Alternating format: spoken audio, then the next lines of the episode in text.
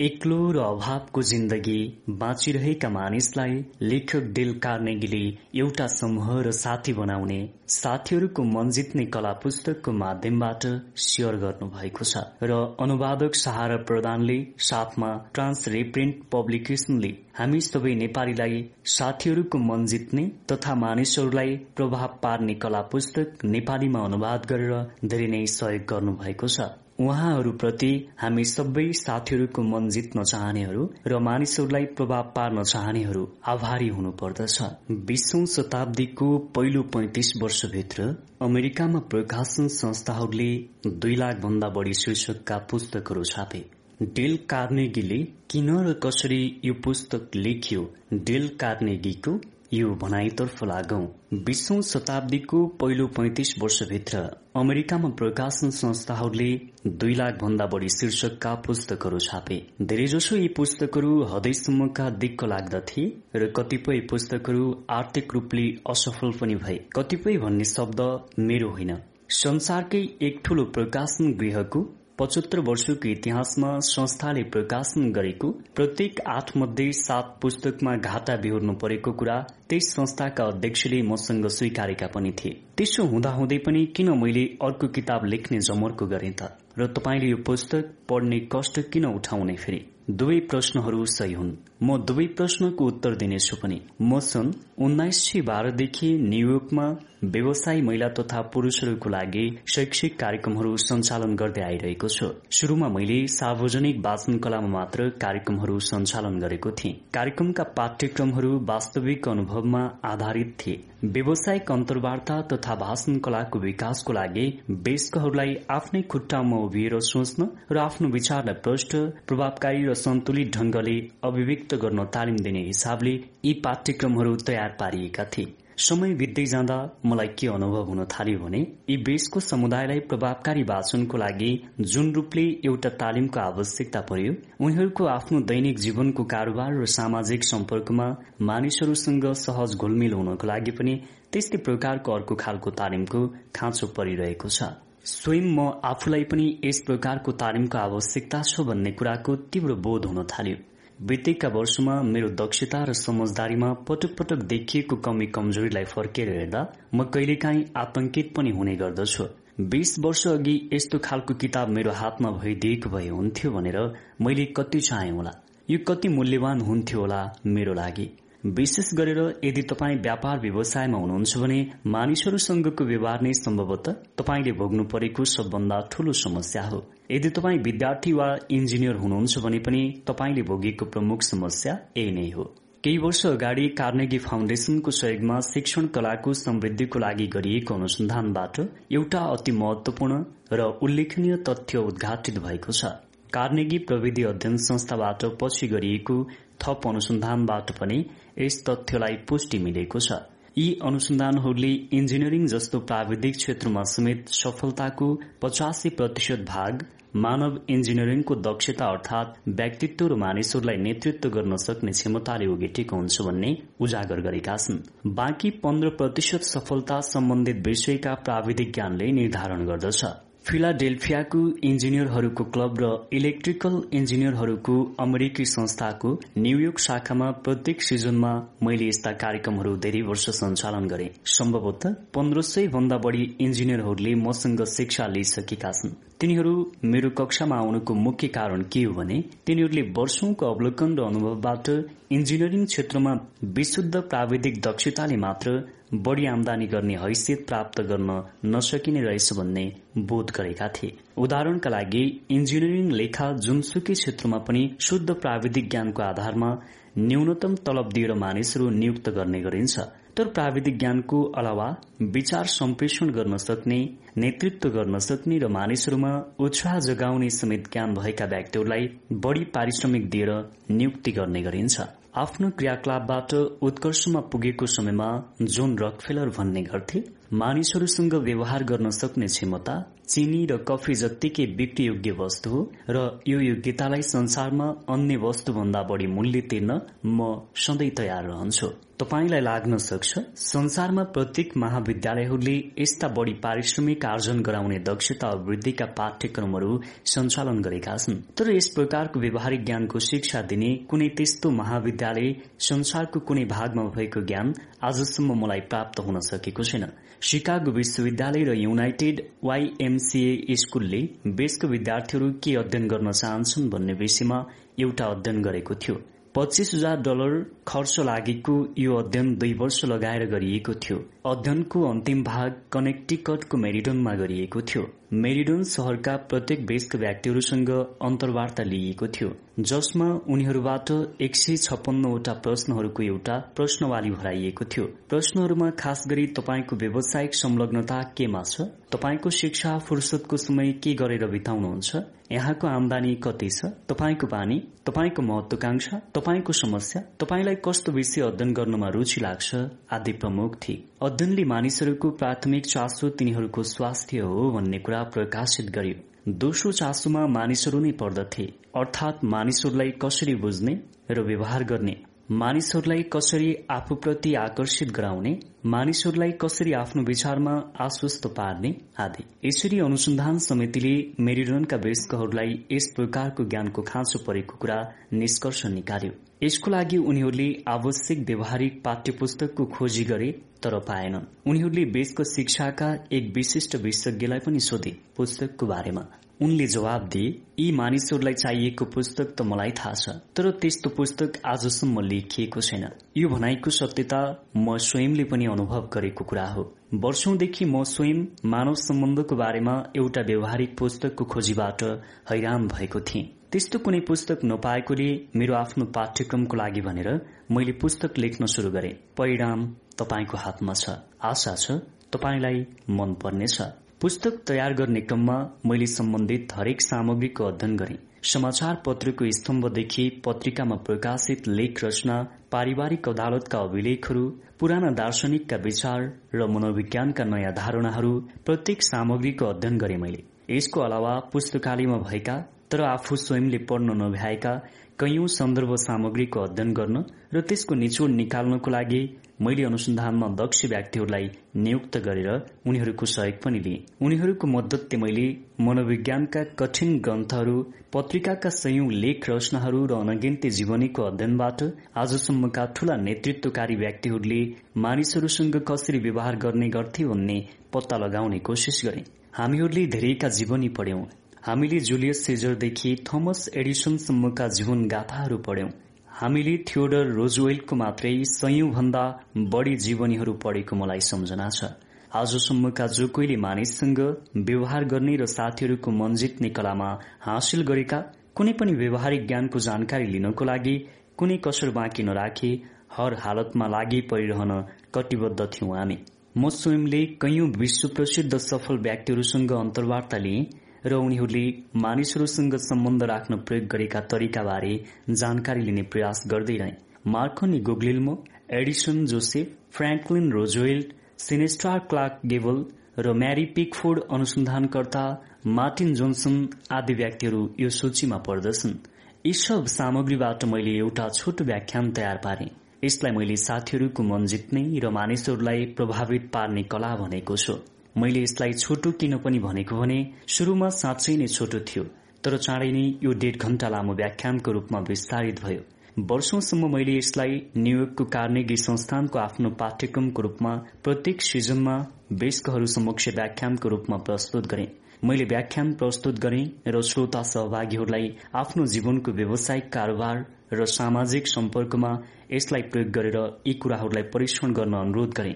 परीक्षणबाट प्राप्त परिणाम र आफ्नो अनुभवलाई हामी बीच बाँड्न पनि मैले प्रोत्साहित गरे। उनीहरूलाई यो वास्तवमा एउटा उत्साहजनक जिम्मेवारी थियो। आफूले सिकेका ज्ञानको प्रयोग परीक्षण गर्ने यो नै एकमात्र प्रयोगशाला थियो। आत्मविश्वासको लागि त्रिषित यी महानुभावहरू यस प्रकारको नयाँ प्रयोगशालामा काम गर्ने विचार मात्रैले पनि अत्याधिक आकर्षित भए। यो पुस्तक वास्तवमा लेखाइको सामान्य अर्थमा लेखिएको थिएन। यो बच्चाको विकास चाहिँ विकसित भएको हो। हजारौं मानिसहरूको अनुभवको प्रयोगशालामा वृद्धि विकास हुँदै आएको रूप हो यो पुस्तक। वर्षौं अघि यो पोस्टकार्डमा नियमहरू लेख्ने प्रक्रियाबाट शुरू भएको थियो। अर्को पटकको लागि हामीले ठूलो कार्ड प्रयोग गर्यौं त्यसपछि पर्चा र क्रमशः साना पुस्तिका र केही ठूला पुस्तिका हुँदै यसको विकास हुँदै आयो। पन्ध्र वर्षको प्रयोग र अनुसन्धानबाट यो पुस्तक तयार भएको हो। यहाँ निष्कर्षको रूपमा निकालिएका नियमहरू सिद्धान्त र अनुमान मात्रै होइनन्। यिनीहरू जादु जस्तै काम गर्दछन्। सुन्दा सामान्य लाग्ने यी जीवन सूत्रहरूको प्रयोगले धेरै मानिसको जीवनमा क्रान्ति नै ल्याइदिएको मैले पाएको छु। उदाहरण नै लिनुहोस्। तीन सय चौध जना कर्मचारीको हाकिम हाम्रो एउटा व्याख्यानमा सहभागी भए। वर्षौंदेखि उनले आफ्नो कर्मचारीहरूलाई हेर्दै आलोचना र तिरस्कार गर्ने गरेका थिए। दया प्रशंसाका दुई शब्द र प्रोत्साहन उनका ओठका लागि नयाँ थिए। यस पुस्तकमा छलफल गरिएका सिद्धान्तहरूको अध्ययनले यी रोजगारदाताको जीवन दर्शनमा नै मौलिक परिवर्तन ल्याइदियो। उनको संस्था अब इमान्दारिता कर्तव्यपरायणता उत्साह र सामूहिकताको नयाँ भावनाले ओतप्रोत भएको छ। तीन सय चौध जना सत्रहरू एकाएक मित्रको रूपमा रूपान्तरण भएका छन्। उनले व्याख्यान सत्रको कक्षामा सगर्व घोषणा गरे। म मेरो संस्थाको कार्यकक्षमा घुम्दा कसैले पनि नमस्कार गर्दैनथ्यो मलाई टाढेबाट आएको देख्यो भने मेरा कामदारहरू अन्यत्री टाउको फर्काउँथे। तर अब ती सबै मेरा मित्र भइसकेका छन्। यहाँसम्म कि सरसफाई गर्ने कामदारले समेत मलाई मेरो नामले नै सम्बोधन गर्दछ। यी रोजगारदाताले धेरै लाभ धेरै फुर्सद र यसभन्दा पनि बढ़ी उनले आफ्नो व्यवसाय र घरमा धेरै खुशी पाए। यिनै सिद्धान्तको अनुकरण गरेर असंख्य व्यापार व्यवसायीले आफ्नो बिक्री बढ़ाउन सफल भएका छन्। धेरैले नयाँ ग्राहकहरू पाएका छन्। यिनै ग्राहकका लागि विगतमा उनीहरूले व्यर्थैको मेहनत गर्नु परिरहेको थियो। फिलाडेल्फियाका एक कम्पनीका कामदारलाई उसको झगड़ालु प्रवृत्ति र मानिसहरूलाई दक्षतापूर्वक नेतृत्व दिन असक्षम भएको आरोप लगाई पदमा घटुवा र पारिश्रमिकमा पनि कटौती खप्नु परेको थियो। यो शिक्षाले उनलाई घटुवाबाट मात्र जोगाएन कि पारिश्रमिकमा वृद्धिसहितको पदोन्नति समेत हात लगायो। व्याख्यान कार्यक्रमको समाप्तिमा आयोजना गरिने समापन कार्यक्रममा कैयौं सहभागी श्रोताका श्रीमान अथवा श्रीमतीले आफ्नो पारिवारिक जीवनमा खुशियालीको वृद्धि भएको बताएका छन् र उनीहरूले यसको श्रेय यस व्याख्यानबाट प्राप्त शिक्षालाई दिएका छन्। मानिसहरूलाई यदाकदा आफूले प्राप्त गरेको परिणाममा अचम्म पनि लाग्ने गरेको पाइएको छ। यो जादु जस्तो नै लाग्दछ। अझ कहिलेकाहीँ त उनीहरू आफूले प्राप्त गरेको सफलताको परिणाम सुनाउन अडचालिस घण्टापछि सञ्चालित हुने नियमित कक्षासम्मको धैर्य राख्न नसकेर आइतबार नै मलाई टेलिफोन समेत गर्दछन्। एकजना व्यक्ति नै यी सिद्धान्तको चर्चाले यति उत्तेजित हुन पुग्यो कि ऊ अन्य सहभागीसँग छलफलको लागि राति अबेरसम्म नै बस्यो। बिहान तीन बजे अरू सबै आफ्नो घर गए तर आफ्ना गल्तीहरूले उसलाई यति झकझक्याइदिएको थियो कि उसको अगाडिको सुन्दर संसारको कल्पनाले यति फुरुङ्ग थियो कि ऊ निदाउन नै सकेन त्यस त्यसपछिको दिन र रातमा पनि ऊ सुत्न सकेन भावुक उत्तेजनाको कारणले गर्दा। ऊ को थियो। कुनै नयाँ कुराको पछि लागिहाल्ने खालको सोझो सरल र अशिक्षित थियो होइन? एकदम फरक। ऊ माथिल्लो स्तरको व्यक्ति थियो। अनुभवले खारिएको कलाको कारोबार गर्ने बिल्कुल शहरी व्यक्ति थियो। साथै युरोपका दुई दुईवटा विश्वविद्यालयबाट स्नातक गरेको त्यो व्यक्ति तीनवटा भाषामा धारा प्रभाव बोल्न सक्ने पोख्त थियो।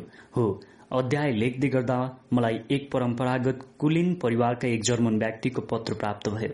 तिनको वंशमा धेरै पुर्खाले होएनजोलिनको शासनकालमा सिद्धहस्त सैनिक अफिसरको रूपमा काम गरेका थिए। आन्ध्र महासागरको पल्लो छेउबाट लेखिएको यो चिठीमा यी सिद्धान्तहरूको प्रयोगको बारेमा लेख्दा तिनले धार्मिक हदको एउटा दृढ विश्वास नै झल्काएका थिए। एकजना अर्का न्यूयोर्क निवासी व्यक्ति थिए। उनी हावर्ड विश्वविद्यालयका स्नातक र एक ठूलो गलैसा कारखानाका मालिक धनी व्यक्ति थिए। उनले आफूले मानिसहरूलाई प्रभाव पार्ने कलाको बारेमा चार वर्ष विश्वविद्यालय शिक्षाबाट भन्दा चौध हप्ताको यस प्रकारको शिक्षाबाट धेरै ज्ञान हासिल गरेको बताएका छन्। वाइहात हास्यास्पद अचम्म इच्छा लागेको विश्रण प्रयोग गरेर यो भनाइलाई व्यवस्था गर्न सक्नुहुन्छ।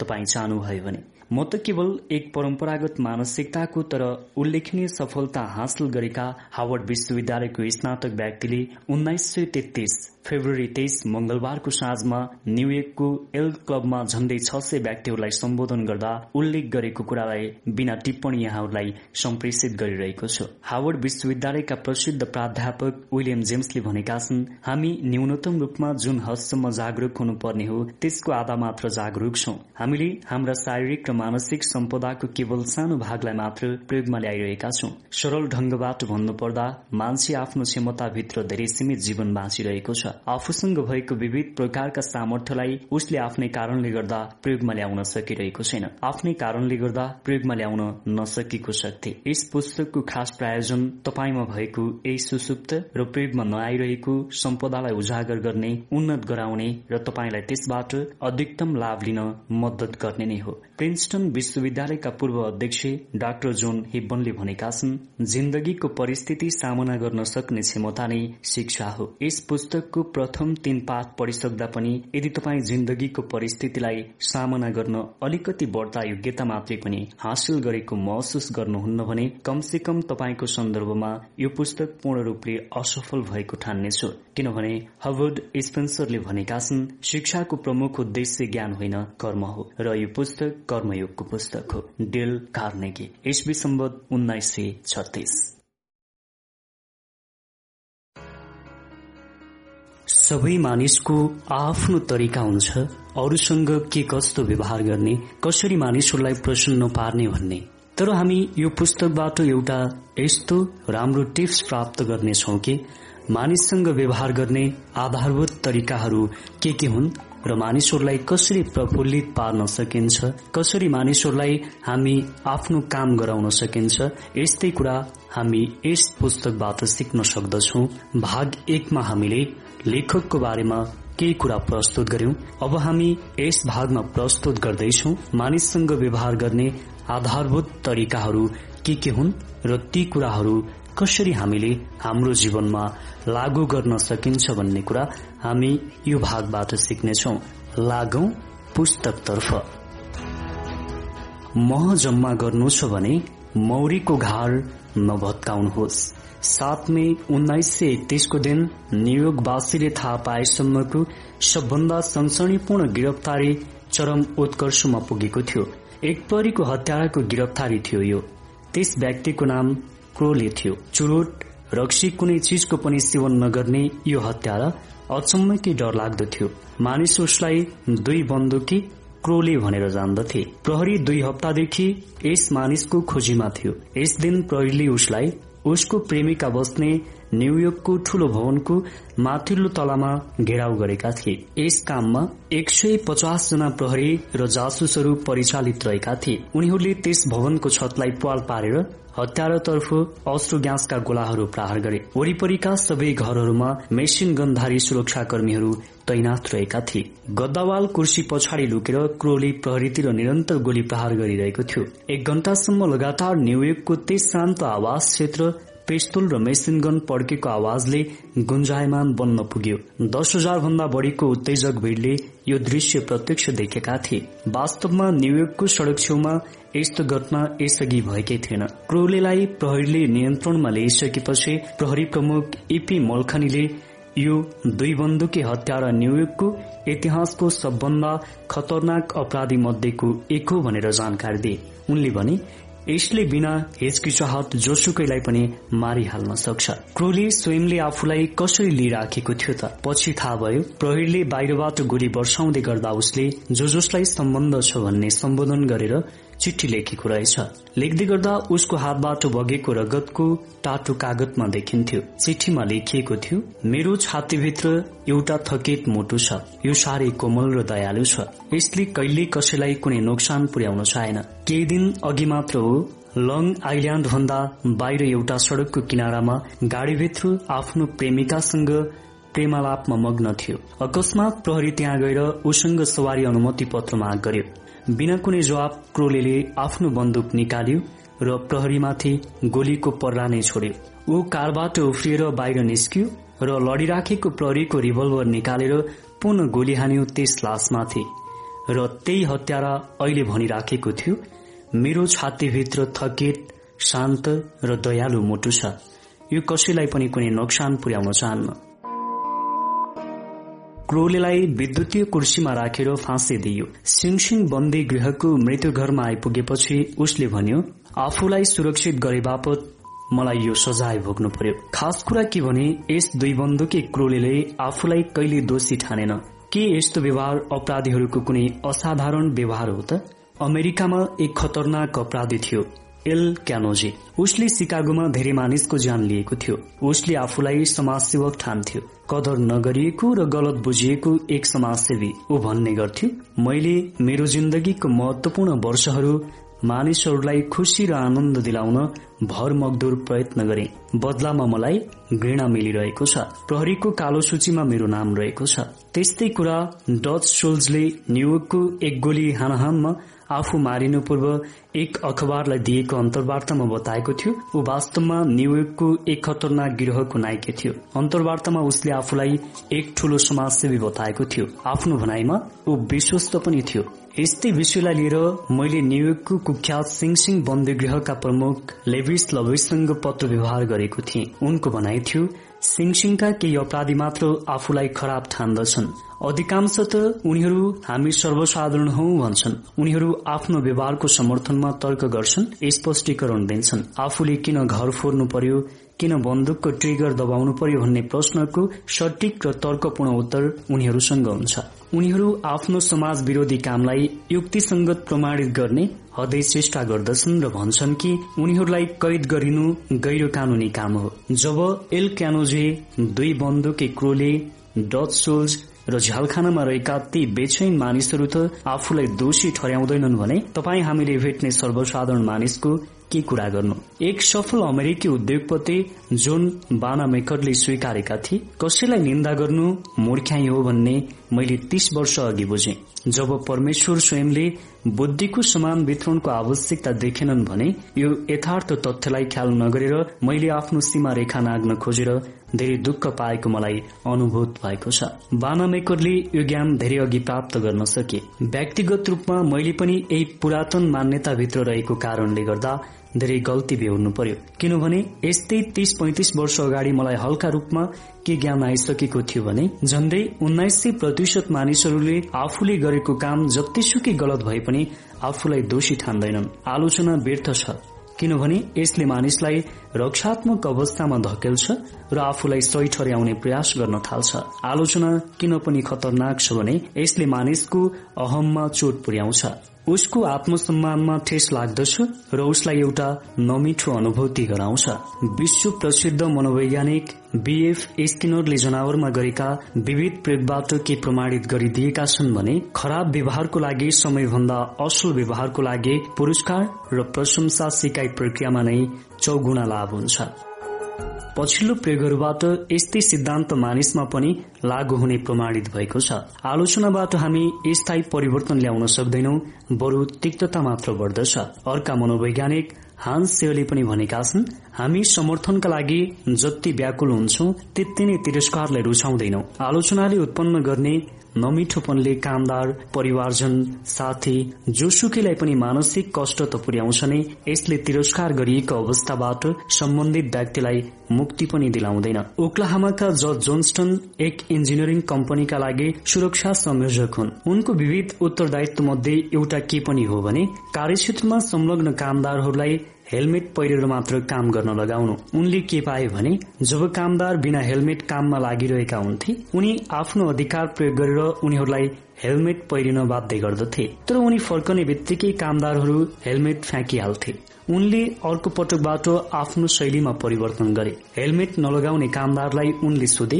उनीहरूलाई हेलमेट लगाउँदा केही अप्ठ्यारो भयो कि टाउकोमा मिलेन कि? कामदारलाई आश्वस्त गराउँदै उनले हेलमेटको उत्पादन नै उनीहरूको टाउको सुरक्षाका लागि गरिएको हो। त्यसैले लगाउनु उत्तम हुन्छ भन्ने सुझाव पनि दिए। परिणामस्वरूप हेलमेट लगाउने क्रम बढ्न थाल्यो। इतिहासका पानाहरूमा आलोचनाको व्यर्थताको विषयमा असंख्य उदाहरणहरू पाउन सकिन्छ। उदाहरणका लागि थियोडर रोजवेल्ट र राष्ट्रपति टाफका प्रसिद्ध झगडालाई नै लिन सकिन्छ। यस्तै झगडाको फलस्वरूप प्रथम विश्वयुद्ध कालमा रिपब्लिकन पार्टीमा विभाजन भयो। बुड्रो विल्सनलाई राष्ट्रपति बनायो र वास्तवमा इतिहासको धार नै परिवर्तन गराइदियो। घटनालाई सरसर्ती हेरौं त उन्नाइस सय आठमा जब रोजवेल्ट व्हाइट हाउसबाट बाहिरिए उनले टाफ्टलाई समर्थन गरेर राष्ट्रपति बनाए। त्यसपछि रोजवेल्ट शिकार खेल्न अफ्रिका गए। अफ्रिकाबाट फर्किएपछि रोजवेल्टले टाफ्टको अनुदारवादी क्रियाकलापको घोर विरोध गरे टाफ्टलाई अस्वीकार गरेर एउटा नयाँ दल खड़ा गरेर स्वयं तेस्रो पटकको लागि राष्ट्रपति पदको प्रत्याशी बने। परिणामस्वरूप टाफ्टको रिपब्लिकन पार्टीलाई दुई राज्यमा मात्र बहुमत मिल्यो। रिपब्लिकन पार्टीले आफ्नो जीवनकालमा भोग्नु परेको सबभन्दा ठूलो पराजय थियो थियो रोजवेल्टले टाफ्टलाई दोषी ठहराए कि टाफ्टले आफूलाई दोषी ठाने त ठानेनन्? अश्रुपूर्ण स्वरमा उनले भने यथावस्थामा कुनै वैकल्पिक तरिकाबाट जान सकिने बाटो मैले देख्दै देखिन। दोषीको रोजवेल्ट वा टाफ वास्तवमा मलाई थाहा छैन। यो अहिलेको प्रासंगिक पनि छैन। यहाँ मैले भन्न खोजेको कुरा के भने रोजवेल्टको आलोचनाले टाफ्टलाई गल्ती गरेको बोध गराउन सकेन। उल्टो टाफले आफूलाई सही देखाउन बल गरे र आफूले कुनै विकल्प नदेखेको दोहोऱ्याई दोहोऱ्याई भन्न प्रेरित गर्यो। टिप्पो डोम तेल काण्डलाई नै ल्याउ। उन्नाइस सय बीसको दशकको शुरूमा केही वर्ष यस काण्डले पत्र पत्रिकालाई बेच्दै राख्यो। राष्ट्रलाई नै हल्लाएको थियो यसले। त्यस समयमा मानिसका लागि यस्तो ठूलो कुरा त अमेरिकी सार्वजनिक जीवनमा भएकै थिएन। वास्तवमा कुरा यस प्रकारको थियो। अल्बर्ट वेफल राष्ट्रपति हार्डिङका आन्तरिक मामिला सम्बन्धी मन्त्री थिए। फल महोदयलाई भविष्यमा जलसेनाको लागि प्रयोग गर्ने भनी छुट्याइएका दुई सरकारी तेल खानीहरू एलखेल र टिपोट जोन पट्टामा दिने जिम्मेवारी राष्ट्रपतिले सुम्पेका थिए। फलले बिना बोलपत्र ठाडी आफ्ना मित्र एडभर्ड डोहेनीलाई सो टेक्का मिलाइदिए। डोहेनीले फललाई एक लाख डलर ऋण स्वरूप दिएका थिए। मन्त्री फलले अरू प्रतिद्वन्दीहरूलाई एल खेल भण्डारबाट रसाएको तेल सञ्चय रहेको नजिकका अन्य तेल भण्डार प्रयोग गरेको भने सैन्य बल लगाएर जबरजस्ती त्यहाँबाट निकाल्न लगाए। घाइते प्रतिद्वन्दीहरू अन्तत अदालतको शरणमा पुगे। टिप्पो डोम काण्ड विस्फोट हुन पुग्यो त्यसपछि। फलस्वरूप हार्डिङ प्रशासन तहस नहस भयो। रिपब्लिकन पार्टीकै अस्तित्व संकटमा पुग्यो। अल्बर्ट फललाई जेल हालियो। फल सार्वजनिक रूपमा अत्याधिक निन्दित भए। फललाई पछुताउ भयो त। अह भएन।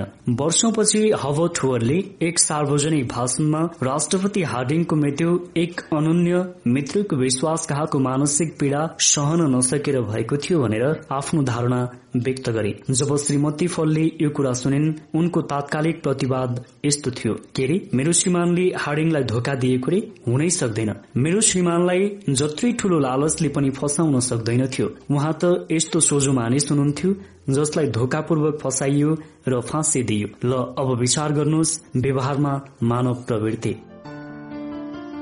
जो गल्ती गर्दछ ऊ आफू बाहेक अरू सबैलाई दोषी ठान्दछ। हामी सबै त्यस्तै छौ। हामी मध्ये कसैलाई कसैको आलोचना गर्न भनियो भने सम्झौ एल क्यानोजे दुई बन्दुकी क्रोली र अल्बर्ट ख्याल राखौ आलोचना घर फर्कने जातको परिवार जस्तै हो जो अन्तत आफ्नो घर फर्केर छोड्नेछ। हामीले ठिक तुल्याउन खोजेको र निन्दा गरेको व्यक्ति अन्तत आफूलाई सही ठहराउँदै हामीलाई नै निन्दा गर्न पुग्छ।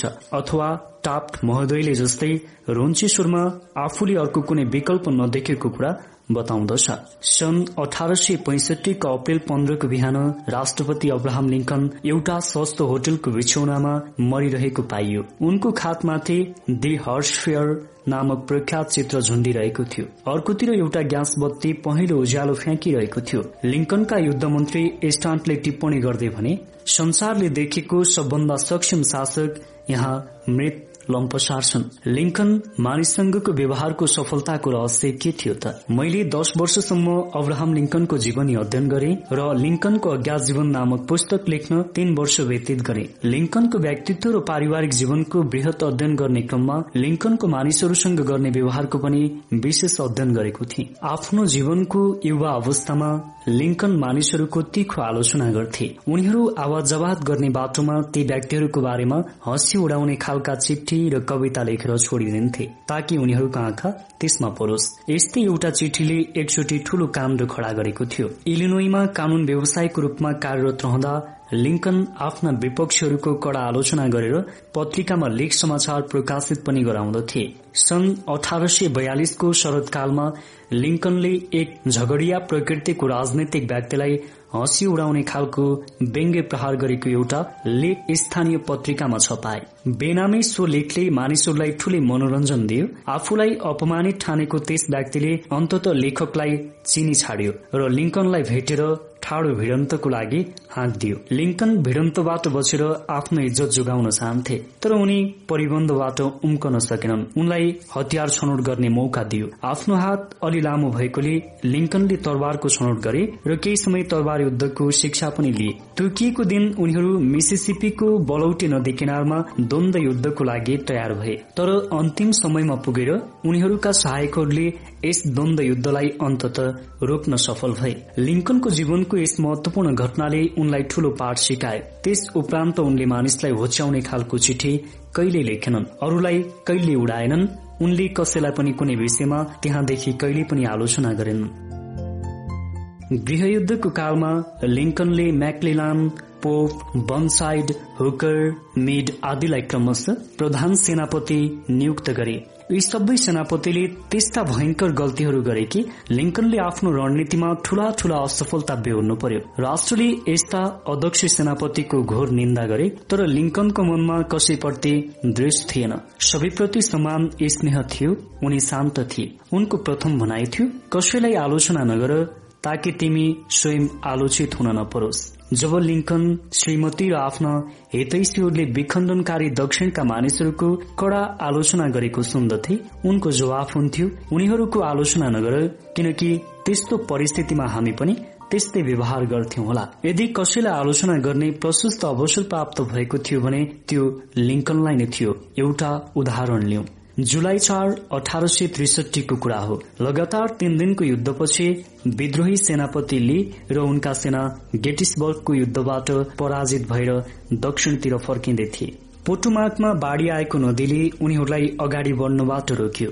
विजित संघीय सेना उनीहरूको पछि पछि थियो। ली चंगुलमा फसिसकेका थिए। उम्कन सक्ने परिस्थिति थिएन। लीलाई पक्रेर तुरन्तै युद्ध समाप्त गर्न सकिने सुनौलो अवसरलाई देखेर लिङ्कनले आफ्ना सेनापतिलाई तत्काल लिए र उनका सेनापति आक्रमण गरिहाल्न निर्देशन दिए युद्ध परिषदको बैठक डाक्दा विलम्ब हुन सक्ने भएकोले लिङ्कनले तत्काल कार्यान्वयनको आदेश जारी गरेका थिए। तर सेनापति मिडले लिङ्कनको आदेश विपरीत युद्ध परिषदको बैठक बोलाए र तत्काल आक्रमण गर्न नसक्ने बहाना बनाउँदै लिङ्कनसँग माफी मागे। बाढ़ी घट्यो। ली र उनका सेना चंगुलबाट फुत्किन सफल भए। यसरी सेनापतिको सामान्य हेलचेक्राईले ठूलो विजयबाट लिङ्कनलाई विमुख हुनु पर्यो सामान्य प्रयासबाटै विद्रोहीहरू कब्जामा आउन सक्ने सम्भावना गुम्यो। चरम उत्तेजनामा परेका लिङ्कनले एउटा चिठी तत्कालै लेखे। स्मरणीय छ लिङ्कन त्यस बखत एकदमै अनुदारवादी र शब्द चयनमा समयमै थिए। सन् अठार सय त्रिसठीमा लेखिएको यो चिठी एउटा कडा भत्सना समान थियो चिठीको बेहोरा यस्तो थियो। प्रिय सेनापति ली उम्कन सकेको घटनाले हामीमाथि आइपरेको विपत्तिको हदलाई तपाईँले अन्दाजा लगाउन सक्नुहुन्छ भन्ने म ठान्दिन। ऊ हाम्रो पहुँचमै थियो र पछिल्ला सफलताहरूको श्रृंखलामा यो सफलता युद्ध समाप्त गराउने कड़ीको रूपमा स्थापित हुन्थ्यो। जब तपाईँले गत सोमबार त्यति सजिलोसँग लीलाई पक्रिन सक्नु भएन भने नदी तरेर दक्षिणमा गएर पक्रन कसरी सक्नुहुन्छ? जबकि अस्तिको भन्दा दुई तिहाई सेना मात्र तपाईँको साथमा रहनेछ। यो अपेक्षा गर्नु नै व्यर्थ छ। यो अपेक्षा गर्नु नै व्यर्थ छ अब। र तपाईँ अब कुनै काममा आउन सक्नुहुन्छ भन्ने म अपेक्षा गर्न सक्दिन। तपाईँको सुनौलो अवसर व्यतीत भइसक्यो र यसै कारणले मलाई घोर ग्लानी भइरहेको छ। मिडले जब यो चिठी पाए उनको कस्तो प्रतिक्रिया भयो होला भन्ने ठान्नुहुन्छ तपाईँ? मिडले यो पत्र देख्नै पाएनन् किनकि लिङ्कनले यो पत्र पठाउँदै पठाएनन्। उनको मृत्युपछि पत्रहरूको चाङमा फेला परेको थियो यो पत्र। मेरो अनुमान मात्र अनुमान के छ भने चिठी लेखिसकेपछि लिङ्कनले त्यसलाई एकपटक पढे होलान् र व्हाइट हाउसको झ्यालबाट बाहिर हेर्दै आफैसँग भने होलान् एकैछिन मैले यति हतार गर्नु उपयुक्त हुँदैन होला। यहाँ व्हाइट हाउसमा बसेर मिडलाई आक्रमणको लागि आदेश दिनु मेरा लागि धेरै सजिलो छ। यदि म आफू नै गेटिसबर्गमा भएको भए यदि मैले पनि मिडले जत्तिकै यो एक भित्र बगेको रगतको खोला देखिएको भए र यदि घाइते र मृतकहरूको रोदन र क्रन्दनको चितकारले मेरा मन तट्याइसकेका भए हुन सक्छ म पनि आक्रमणको लागि त्यति हताश हुने थिएन होला। यदि मसँग पनि मिडको जस्तै काँतर स्वभाव भइदिएको भए म पनि त्यही गर्ने थिएँ होला। जो मिडले त्यहाँ गरे। जे होस् अब बेला बितिसक्यो। मैले यो पत्र पठाएँ भने मलाई शान्ति मिल्ला। तर मिड आफूलाई सही साबित गर्न पछि हट्ने छैनन्। ऊ मलाई नै गलत साबित गर्न तत्पर हुनेछन्। यसले उनको आत्मसम्मानमा आँच पुर्याउनेछ र सेनापतिको रूपमा उनको भावी प्रायोजनलाई ठूलो हानि पुर्याउनेछ। उनलाई सेनाबाट राजीनामा दिन पनि प्रेरित गर्न सक्छ। लिङ्कनले पत्र त्यत्तिकै छाडे होलान् किनभने कठोर आलोचना र भत्सनाको परिणाम सधैँ नै दुःखदायी हुन्छ भन्ने तितो अनुभव उनले समयमै पाइसकेका थिए। थियोडर रोजवेटले भनेका थिए राष्ट्रपतिको रूपमा जब उनी कुनै कठोर समस्याको सामना गर्दथे उनी व्हाइट हाउसमा आफ्नो कार्यकक्षमा झण्ड्याइएको लिङ्कनको तस्विरसँग मनमनै सोध्थे यदि मेरो स्थितिमा लिङ्कन भएको भए के गर्थे होलान्? यो समस्यालाई उनले कसरी समाधान गर्थे होलान्? मार्क ट्वेन कहिलेकाहीँ आफ्नो सन्तुलन गुमाउँथे र यस्तै पत्र लेख्न पछि हट्दैनथे। एकपटक एकजना मानिसलाई उनले लेखे तिमीलाई तिम्रो चिहान पुर्याउनु छ। अब एक कदम अब एक कदम मात्र अगाडि बढ्यो भने यस्तै हुन्छ। बुझ्यौ? अर्को पटक एक सम्पादकलाई आफ्नो रचनामा गरिएको सम्पादन प्रति असन्तुष्टि गर्दै उनले लेखे मैले लेखे अनुसार नै छाप्नुहोला। प्रुफ रिडरको थोत्रा सुझाव उसकै कुहिएको दिमागमा थन्क्याइदिनुहोला। यस्ता चिठीले ट्वेनलाई धेरै शान्ति दिन्थ्यो। उनको रिस सामने पार्थ्यो तर यी पत्रले कुनै हानि पुर्याएनन्। किनभने श्रीमती ट्वेन यस्ता पत्रलाई गोप्य रूपमा राख्थिन्। र यिनीहरू आफ्नो गन्तव्यमा पुग्न पाउँदैनथे। तपाईँ कोही व्यक्ति आफूलाई सुधारोस् आफूलाई बदलोस् सही दिशामा लगाओस् भन्ने चाहनुहुन्छ धेरै राम्रो। म तपाईँको पक्षमै छु। यो किन तपाईँबाटै शुरू नगर्ने? निजी स्वार्थकी पक्षबाट सही। अरूलाई सुधार्नु भन्दा यो धेरै लाभदायक हुन्छ र कम खतरनाक पनि। कन्फ्युसियसले भनेका छन् छिमेकीको छानाको फोहोरको बारेमा टिप्पणी नगर जबकि तिम्रो घरको मूलद्वार नै सफा छैन भने। म युवा छँदाको कुरा हो। म अन्य व्यक्तिलाई प्रभावित गर्ने प्रयत्न गरिरहन्थे। एकपटक मैले अमेरिकाको साहित्य आकाशको नक्षत्र रिचार्ड हार्डिङ डेभिसलाई मूर्खतापूर्ण पत्र लेखे। म एउटा पत्रिकाको लागि लेखकहरूको बारेमा लेख तयार गर्दै थिएँ। मैले डेभिसलाई उनको लेखन प्रक्रियाको बारेमा सोधेको थिएँ। केही समय पहिले मैले एउटा पत्र प्राप्त गरेको थिएँ। पत्रको अन्त्यमा लेखिएको थियो अरू कसैबाट लेखाइएको आफूले चाहिँ पढेको छैन। यो भनाइले मलाई प्रभावित गरेको थियो। मलाई के लाग्यो भने लेखकहरू धेरै ठूला र व्यस्त हुनुपर्दछ। म व्यस्त व्यक्ति त होइन तर हार्डिङलाई प्रभावित पार्ने मनाशयले मैले पनि आफ्नो पत्रको अन्त्यमा लेखेको थिएँ। अरू कसैबाट लेखाइएको आफैले चाहिँ पढेको छैन। उनले जवाब दिन गाह्रो मानेनन्। त्यही पत्रको मेरो भनाइको तल पुछारमा उनले लेखेर पठाएका थिए।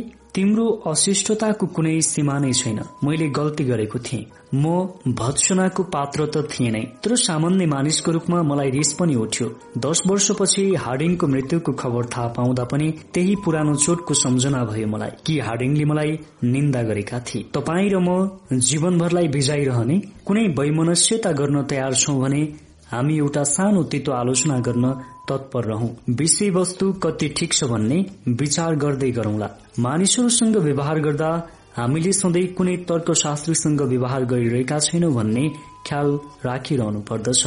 हामीहरू भावुकता र आग्रहले सञ्चालित तथा गर्व र अहंकारले प्रेरित गर्ने कुनै प्राणीसँग व्यवहार गरिरहेका हुन्छौ।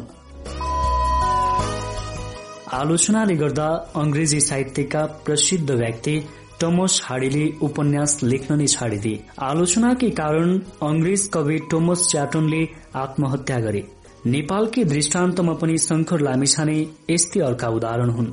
अनुदित निबन्ध भन्ने आरोप लगाउने एक छदम व्यक्तिको आलोचनाकै कारणले उनले लेखन क्षेत्रबाट सन्यास लिने घोषणा गरेका थिए। युवाकालमा एकदमै सोझा बेन्जामिन फ्रान्कलिन यति सफल कूटनीतिज्ञ भए कि उनी फ्रान्सका लागि अमेरिकी राजदूत पनि भए। उनको सफलताको रहस्य उनकै शब्दमा म कसैलाई नराम्रो भन्दैन राम्रा कुरा मात्र गर्छु। कुनै पनि मूर्ख आलोचना गर्न सक्दछ दोष देखाउन सक्दछ गुनासो गर्न सक्दछ र धेरै जसो मूर्ख यसै गर्छन्। तर कसैलाई बुझ्न र क्षमा दिनको लागि दर चरित्र र आत्मसंयमको आवश्यकता पर्छ।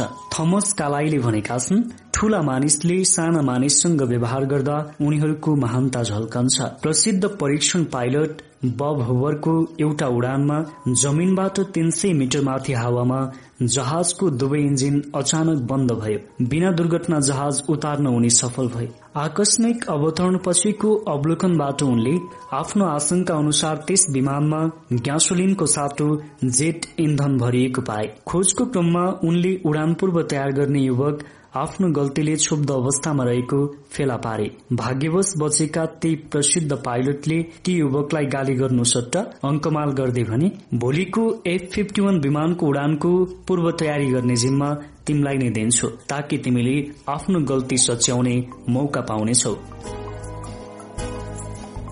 मानिसलाई तिरस्कार गर्नुको बदला उनीहरूलाई बुझ्ने प्रयत्न गरौं।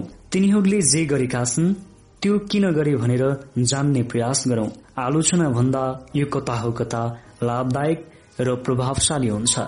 यसले सहानुभूति सहिष्णुता र दयालुपनको विकास गर्दछ। सबैलाई जान्नुको अर्थ हुन्छ सबैलाई क्षमा दिन सक्नु। डाक्टर जोन्सनले भने जस्तै महाशय परमेश्वर स्वयंले त मानिसलाई उसको अन्तिम दिन अगाडि उसको कर्मको फल बताउँदैनन्। तपाई हामी चाहिँ किन आतुर?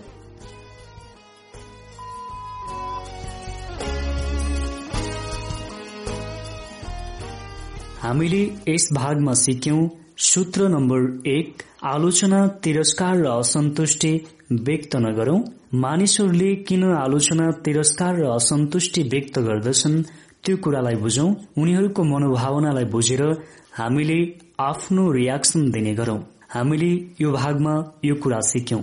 हामीले यो कुरा हाम्रो जीवनमा लागू गर्यौं भने हामी कसैको नजरमा पनि नराम्रो बन्नु पर्दैन। हामीले तपाईँको निम्ति साथीहरूको मन जित्ने तथा मानिसहरूलाई प्रभाव पार्ने कला डेल कार्नेगीको पुस्तक प्रस्तुत गरिरहेका छौं।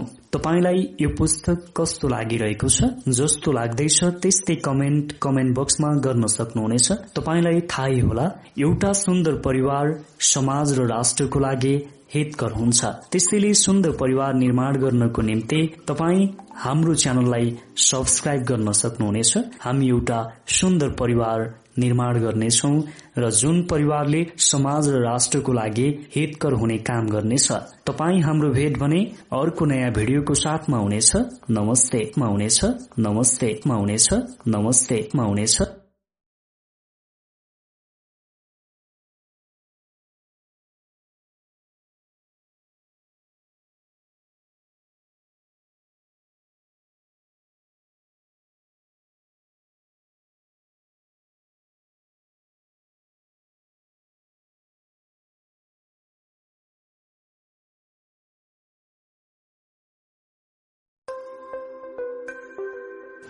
कतिपय यस्ता मानिसहरू पनि हुन्छन् जसलाई मुखमै लगेर कुचाइदिए पनि उनीहरू ग्रहण गर्न चाहन्नन्।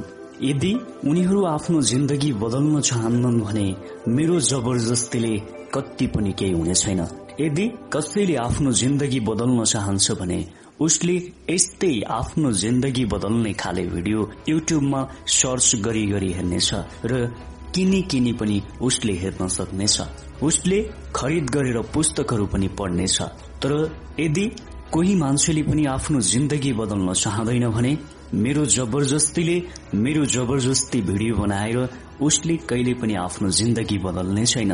उसलाई मुखमै लगेर कुच्याइदिए पनि उसले त्यो खानको लागि उपयुक्त आफ्नो वातावरण र आफ्नो शरीर बनाउने छैन। मैले यस कारणले यो भिडियोहरू बनाएको छु। तपाईँलाई जबरजस्ती ग्रहण गराउनको निम्ति होइन। भोलि आउँदो पुस्ताले यो भिडियोबाट आफ्नो जिन्दगी बदल्न सकोस्। मलाई थाहा छ अहिलेको पुस्ताले विदेशमा गएर उसले परिश्रम श्रम र पस्तिना बगाउनेछ।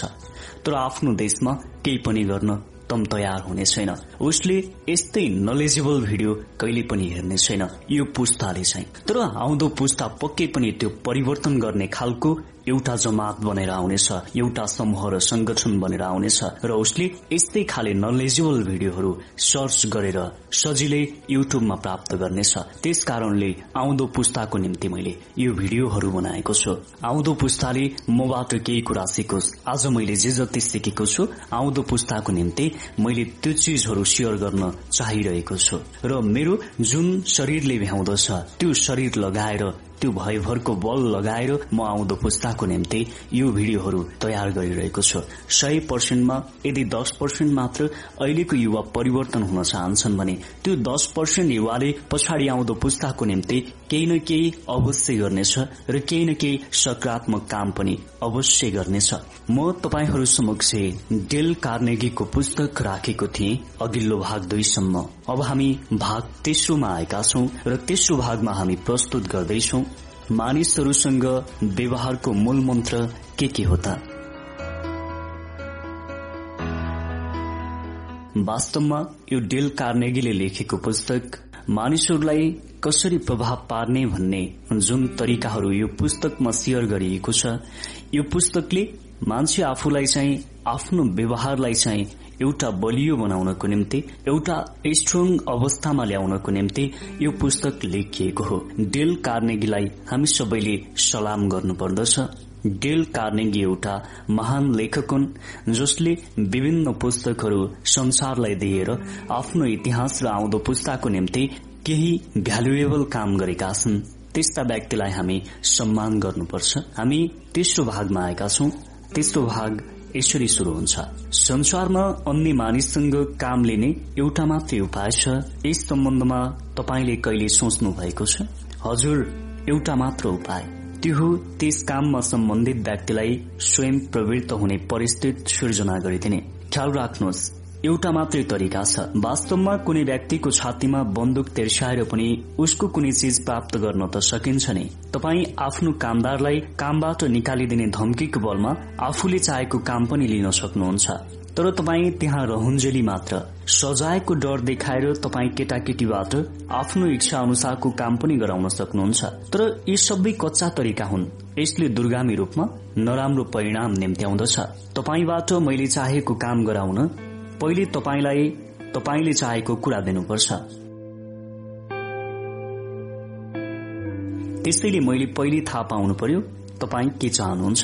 प्रसिद्ध मनोवैज्ञानिक सिगमन्ड फ्राइडको भनाइ अनुसार यौन आवेग र महान बन्ने आकांक्षा यी दुवै प्रेरणाहरूले हामीलाई निर्देशित गरिराखेको हुन्छ। प्रसिद्ध अमेरिकी दार्शनिक जोन डिबेले यसलाई अलि बेग्लै ढंगबाट व्यक्त गरेका छन्। डाक्टर डिबेको भनाइ अनुसार महत्वपूर्ण बन्ने आकांक्षा मानव प्रकृतिको मूल प्रेरणा हो। ख्याल राख्नुहोस् महत्वपूर्ण बन्ने आकांक्षा यो कुरा खास रूपमा अर्थपूर्ण पनि छ। यस विषयमा तपाईँ यस पुस्तकका अगाडि पानाहरूमा अझ बढ़ी पढ्न पाउनुहुनेछ। हाम्रो चाहना के हो? खासै धेरै चाहना त हुँदैनन् नै। हामीले निरन्तर चाहिरहने र अस्वीकार पनि गर्न नसक्ने केही कुरा छन्। अधिकांश मानिसको चाहनामा मुख्य रूपमा निम्न कुराहरू पर्दछन्। स्वास्थ्य र जीवन रक्षा खाना निद्रा पैसा र पैसाले किन्न सकिने कुराहरू स्वर्गवास यौन सन्तुष्टि आफ्ना सन्तानको उन्नति स्वाभिमान। यी चाहनाहरूमध्ये एउटा बाहेक अरू प्राय सबै सामान्यतया प्राप्ति हुन्छन्। भोजन र निद्रा जत्तिकै गम्भीर र अत्यावश्यक त्यो एउटा तीव्र चाहना चाहिँ विरलै पूर्ति हुने हुन्छ। त्यो चाहना हो स्वाभिमानको चाहना। यसैलाई फ्राइडले महान बन्ने आकांक्षा र डिबेले महत्वपूर्ण बन्ने आकांक्षा भनेका हुन्। लिङ्कनले एउटा पत्रको शुरूआत नै यसरी गरेका थिए प्रत्येक व्यक्ति प्रशंसा रुचाउँछ। विलियम जेम्सले भनेका छन् मानव प्रकृतिको गहिरो सूत्रको कदर लिप्सा हो। मानव प्रकृतिको गहिरो सूत्र कदरको लिप्सा हो। ख्याल गर्नुहोस् उनले कदरको चाहना अथवा आकांक्षा अथवा लालसा मात्र भनेनन्। उनले भने कदरको लिप्सा। यो भोकले हामीलाई सधैँ सताइरहन्छ। तर आफू भने कहिल्यै थाक्दैन। यो भोकलाई पूरा गर्न सक्ने केही सीमित व्यक्तिहरू अन्य मानिसलाई आफ्नो हत्केलामा खेलाउन सक्छन्। स्वयं एमराज पनि यस्ता व्यक्तिको निधनमा शोक व्यक्त गर्दछन्। महत्वानुभूतिको कामना गर्ने गुण नै महत्वानुभूतिको महत्वानुभूतिको कामना गर्ने गुण नै मानिसलाई पशुबाट अलग्याउने आधार हो। म आफैले भोगेको एउटा उदाहरण नै लिन्छु। जब म आफ्ना पितासँग मिसौरीको एउटा इलाकामा खेतमा काम गर्दथे त्यस बेला मेरा पिताले उन्नत जातका सुँगुर र गाई गोरुहरू पाल्नु भएको थियो। हामी यी पशुहरूलाई स्थानीय हाट र पशु प्रदर्शनीमा हामी यी पशुहरूलाई स्थानीय हाट र पशु प्रदर्शनीमा देशका विभिन्न क्षेत्रमा लैजान्थ्यौं। एकपटक हामीहरूले यस्तो प्रदर्शनीमा प्रथम पुरस्कार पनि प्राप्त गर्यौं। पिताजीले पुरस्कारमा प्राप्त नीलो रिबनलाई मलमलको सेतो च्यादरमा खेपले अड्काएर राख्नु भएको थियो। जब उहाँको साथी र अरू सम्बन्धीहरू भेट्न आउँथे उहाँ त्यस च्यादरलाई झिक्नुहुन्थ्यो म र मेरा पिता त्यस च्यादरलाई एक एक पट्टी समातेर त्यो नीलो रिबन उनीहरूलाई देखाउँदथ्यौं सुँगुर र गाई वस्तुलाई आफूले जितेको रिबनको बारेमा कुनै ज्ञान थिएन तर मेरा पिताजीलाई थियो। यी पुरस्कारले उहाँलाई गौरव अनुभूति गराउँदथ्यो। हाम्रा पुर्खाहरूमा यस्तो गौरवानुभूतिको तीव्र आकांक्षा नहुँदो हो त सभ्यताले यहाँसम्मको फड्को मार्न सक्दैनथ्यो। हामी अन्य पशु समान नै जीवनयापन गरिरहेका हुने थियौं। यही महत्वानुभूतिको चाहनाले खाद्यान्न पसलमा काम गर्ने एक गंवार दरिद्र युवकलाई कानूनका केही किताब पढ्ने प्रेरणा जाग्यो। यही महत्वानुभूतिको चाहनाले खाद्यान्न पसलमा काम गर्ने एक गंवार दरिद्र युवकलाई कानूनका केही किताब पढ्ने प्रेरणा जाग्यो। सस्तो मूल्यमा किनेको चोरीको सामान रहेको सन्दुकको पेनमा त्यस युवकले ती किताब फेला पारेको थियो। तपाईँले त्यस युवकको नाम सुन्नु भएको छ। त्यो अब्राहम लिङ्कन चार्ल्स डिकेनलाई यही महत्वानुभूतिको चाहनाले प्रेरित गरेर उनीबाट त्यत्तिका अजम्बरी उपन्यासहरू लेखियो। यसै अभिप्रेरणाले उद्योगपति रकफेलरले करोड़ौं रूपियाँ संकलन गरे। यस्तै आकांक्षाको बलले धनी महाजनहरूले विभिन्न शहरमा ठूला ठूला भव्य महलहरू बनाए जुन उनीहरूको आवश्यकता भन्दा बढ्ता थियो। यसै चाहनाले तपाईँलाई नयाँ नयाँ फेसन पहिरिन नयाँ नयाँ गाड़ी प्रयोग गर्न र आफ्ना असल सन्तानबारे चर्चा गर्न अनुप्रेरित गरिरहन्छ।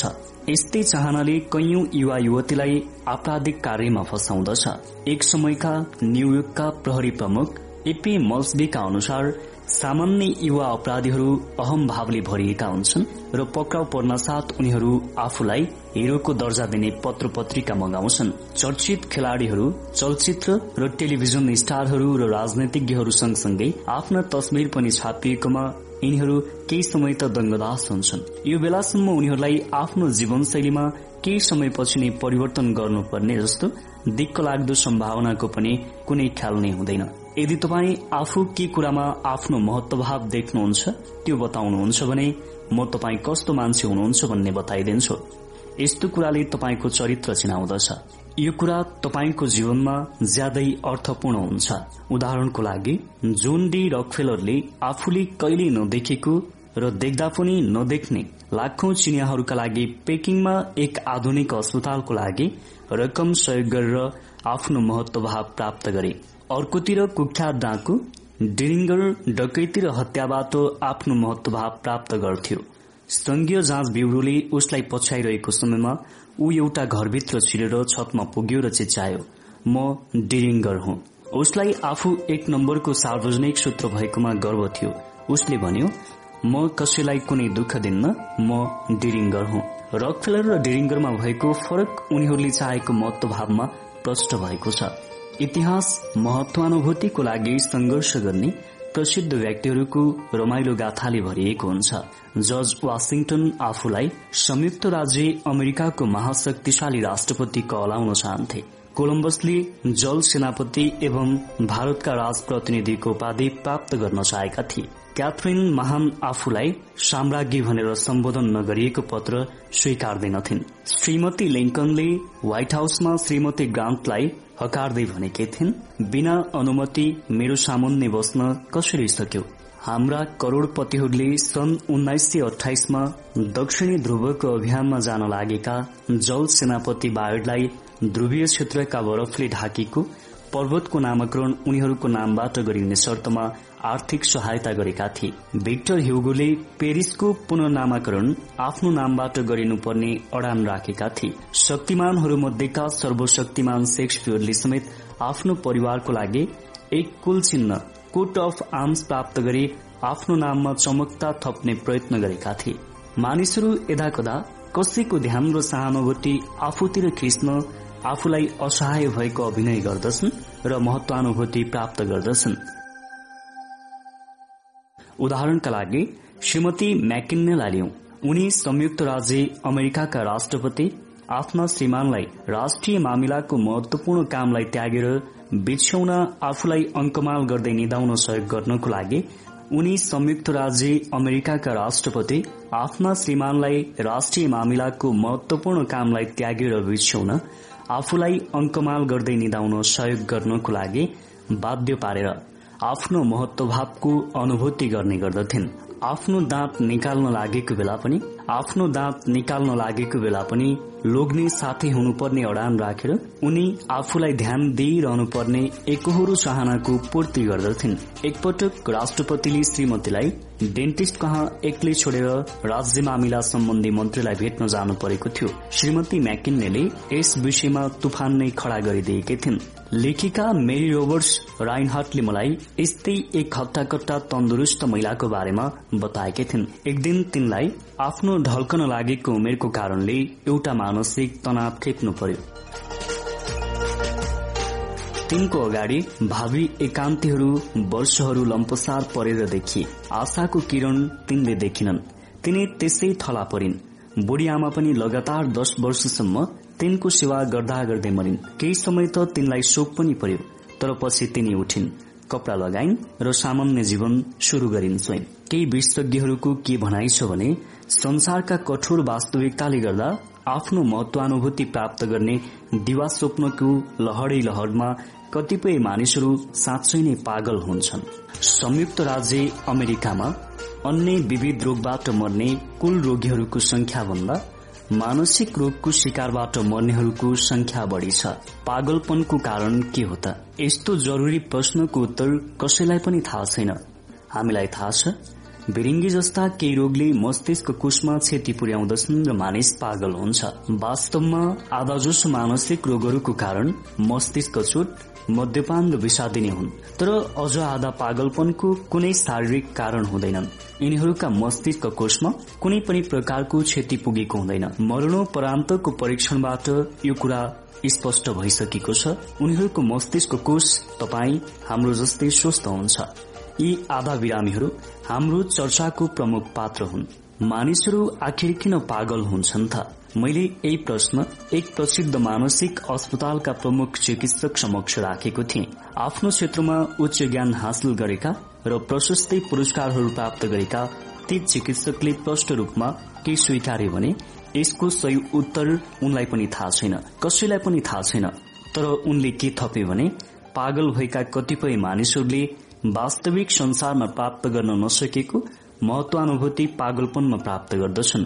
उनले यो कथा सुनाए त्यसपछि मेरो एक बिरामीको विवाह सफल हुन सकेको रहेनछ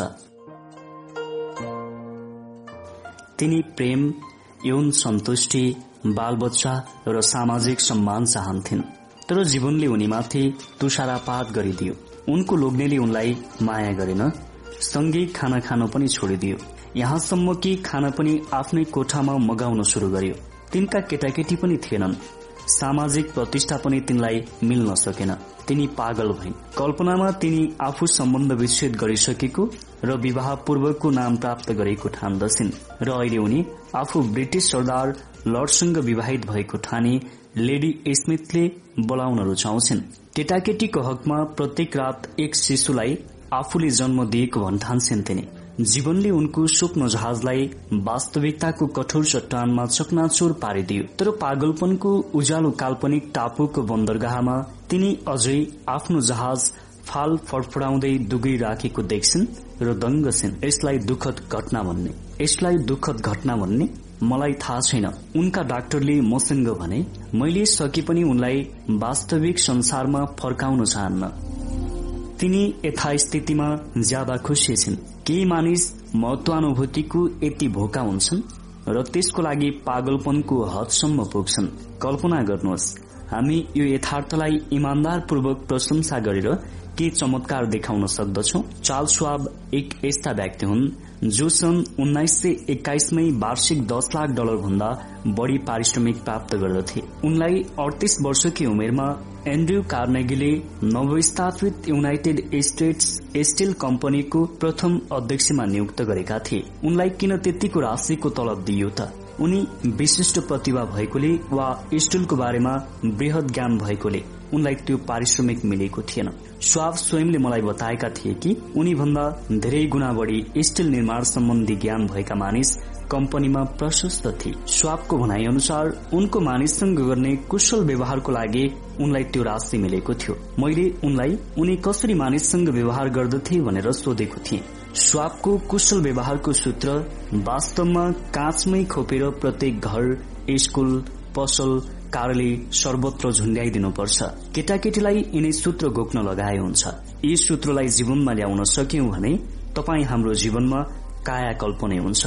स्वापकै शब्दमा म मेरा सहयोगीहरूमा उत्साह संचार गराउन सक्ने क्षमतालाई मेरो सबभन्दा ठूलो सम्पत्ति ठान्दछु। मानिसमा भएको उत्कृष्टतालाई प्रशंसा र प्रोत्साहनबाट उजागर गर्न सकिन्छ। मानिसमा भएको महत्वकांक्षालाई ठूला बडाहरूले गर्ने आलोचनाले जति अरू केहीले पनि नोक्सान पुर्याउँदैन। म कहिल्यै कसैको आलोचना गर्दिन। व्यक्तिलाई काममा प्रोत्साहनको खाँचोलाई म विश्वास गर्दछु। त्यसैले म प्रशंसा गर्न सधैँ व्याकुल रहन्छु र त्रुटि केलाउनुबाट सधैँ जोकिन्छु यदि म के रुचाउँछु भने त्यो हो म हार्दिक अनुमोदन गर्दछु र प्रशंसा गर्नमा म उदार छु र स्वाबले यही गरे। तर आज मानिस के गर्दछन्? ठिक विपरीत यदि उनीहरूलाई केही कुरा मन परेन भने आफूभन्दा तलकालाई हप्काइहाल्ने मन पर्यो भने चाहिँ माथि उचारिहाल्ने भनाइ छ नि। एकपटकको गल्ती म सुनिरहन्छु जहिले दुई पटकको सही सुन्दिन म कहिल्यै मेरो जीवनको व्यापक जनसम्पर्क र महामानवहरूसँगको भेटघाटमा मैले आजसम्म एकजना पनि भेट्न सकेको छैन जसले प्रशंसा र अनुमोदनको मद्दतले भन्दा आलोचना र गालीको मद्दतले असल काम गर्न सकेको छ। स्वाब भन्दथे। उनले स्पष्ट शब्दमा बताए एन्ड्रयू कार्नेगीको वस्तुगत सफलताको गुड रहस्य यही नै हो। कार्नेगी आफ्ना सहयोगीहरूलाई सार्वजनिक र व्यक्तिगत दुवै रूपले प्रशंसा गर्दथे। कार्नेगी आफ्ना सहयोगीहरूलाई चिहानमा समेत प्रशंसा गर्न चुक्दैनथे। उनले आफ्नै चिहानको पत्थरको लागि लेखेका थिए। यहाँभित्र लम्पसार परिरहेका व्यक्तिलाई आफ्नो वरिपरि आफूभन्दा सक्षम र चलाक व्यक्तिहरूलाई कसरी जम्मा गरी राख्ने भन्ने कला थाहा थियो। जुन रकफेलरको मानिसहरूलाई हात लिने सफलताको एउटा रहस्य थियो। मानिसहरूको निष्कपट प्रशंसा उदाहरणको लागि उनका एक भागीदारले दक्षिण अमेरिकामा गरेको एउटा घाटाको कारोबारमा फर्मलाई दस लाख डलरको नोक्सानी पर्न गयो। यसमा रकफेलर तिनको आलोचना गर्न सक्थे तर उनलाई थाहा थियो ती भागीदारले राम्रा कारोबार पनि गरेका थिए। विवाद नै उठेन। रकफेलरले प्रशंसाको लागि आधार फेला पारी छोडे। उनले ती मित्रलाई बधाई दिए। किनभने लगानीको साठी प्रतिशत बचाउन उनी सफल भएका थिए। त्यो प्रशस्त हो। रक फेलरले भने न हामी न परमेश्वर कसैले पनि त्योभन्दा बढ़ी नै गर्न सक्थ्यो। एउटा रमाइलो कथा छ। यसले सत्यतालाई प्रस्ट्याउन मद्दत गर्नेछ। एउटी कृषक महिलाले दिनभरिको कामबाट फर्केको पुरूष समूहलाई एक दिन खानेकुराको ठाउँमा घाँसको थुप्रो लगाइदिन्। उनीहरूलाई लाग्यो यी आइमाई बौलाइन। उनको जवाब थियो तिमीहरू खानेकुरामा ख्याल गर्छौ भन्ने मलाई कसरी थाहा हुनु त? मैले बीस वर्षदेखि तिमीहरूलाई पकाएर खुवाएको छु तर कहिले पनि तिमीहरू घाँस खाँदैनौ भन्ने मैले सुन्न पाएकी छैन। मतलब कि बीस वर्षसम्म एकै काम गर्दा पनि कुनै प्रतिक्रिया भएको थिएन। लोग्नेसँग सम्बन्ध विच्छेद गर्ने श्रीमतीहरूको बारेमा गरिएको एक अध्ययनमा उनीहरूले लोग्ने त्याग्नु परेको कारण उनीहरूको कदर नभएको भन्ने पत्ता लाग्यो। श्वास नै छोड्ने लोग्नेहरूको अध्ययनबाट पनि सम्भवतः यस्तै निष्कर्ष आउँदछ। हामीहरू आफ्नो लोग्ने वा स्वास्नीको उपस्थितिलाई यत्तिकै लिइरहेका हुन्छौ। उनीहरूको कदर गर्न हामी जान्दैनौ। एक मित्रले आफ्नै श्रीमतीले आफूसँग गरेको अनुरोधको बारेमा बताएका थिए। मित्रकी श्रीमती र उनका साथीहरूले आत्म उन्नति कार्यक्रम चलाएका थिए। श्रीमतीले मित्रसँग एक दिन आफूले असल श्रीमती बन्नको लागि सुधार गर्नुपर्ने छवटा कुराहरूको सूची मागिन्। मित्रले पछि हामीलाई बताए यो ज्यादै अचम्म लाग्दो कुरा थियो। म छ वा त्योभन्दा बढ़ी कुराको सूची बनाउन त सक्थे। म छ वा त्योभन्दा बढ़ी कुराको सूची बनाउन त सक्थे। बदलामा उनले मलाई हजारौं त्यस्तो कुराको सूची दिन सक्थिन् कि? म कसरी असल लोग्ने हुन सक्थे? मैले भोलि बिहान दिनेछु भनेर टारे। भोलिपल्ट बिहानै मैले मालीको हातमा छवटा गुलाबका फूल सहित सानो चिट पठाए। म तिमीले सुधार गर्नुपर्ने छवटा कुरा दिन सक्दिन। तिमी जे जस्तो स्थितिमा छौ त्यही तिमीलाई अति माया गर्दछौ। बेलुका घर फर्कँदा मैले श्रीमतीलाई गेटमै भावुक मुद्रामा फेला पारे।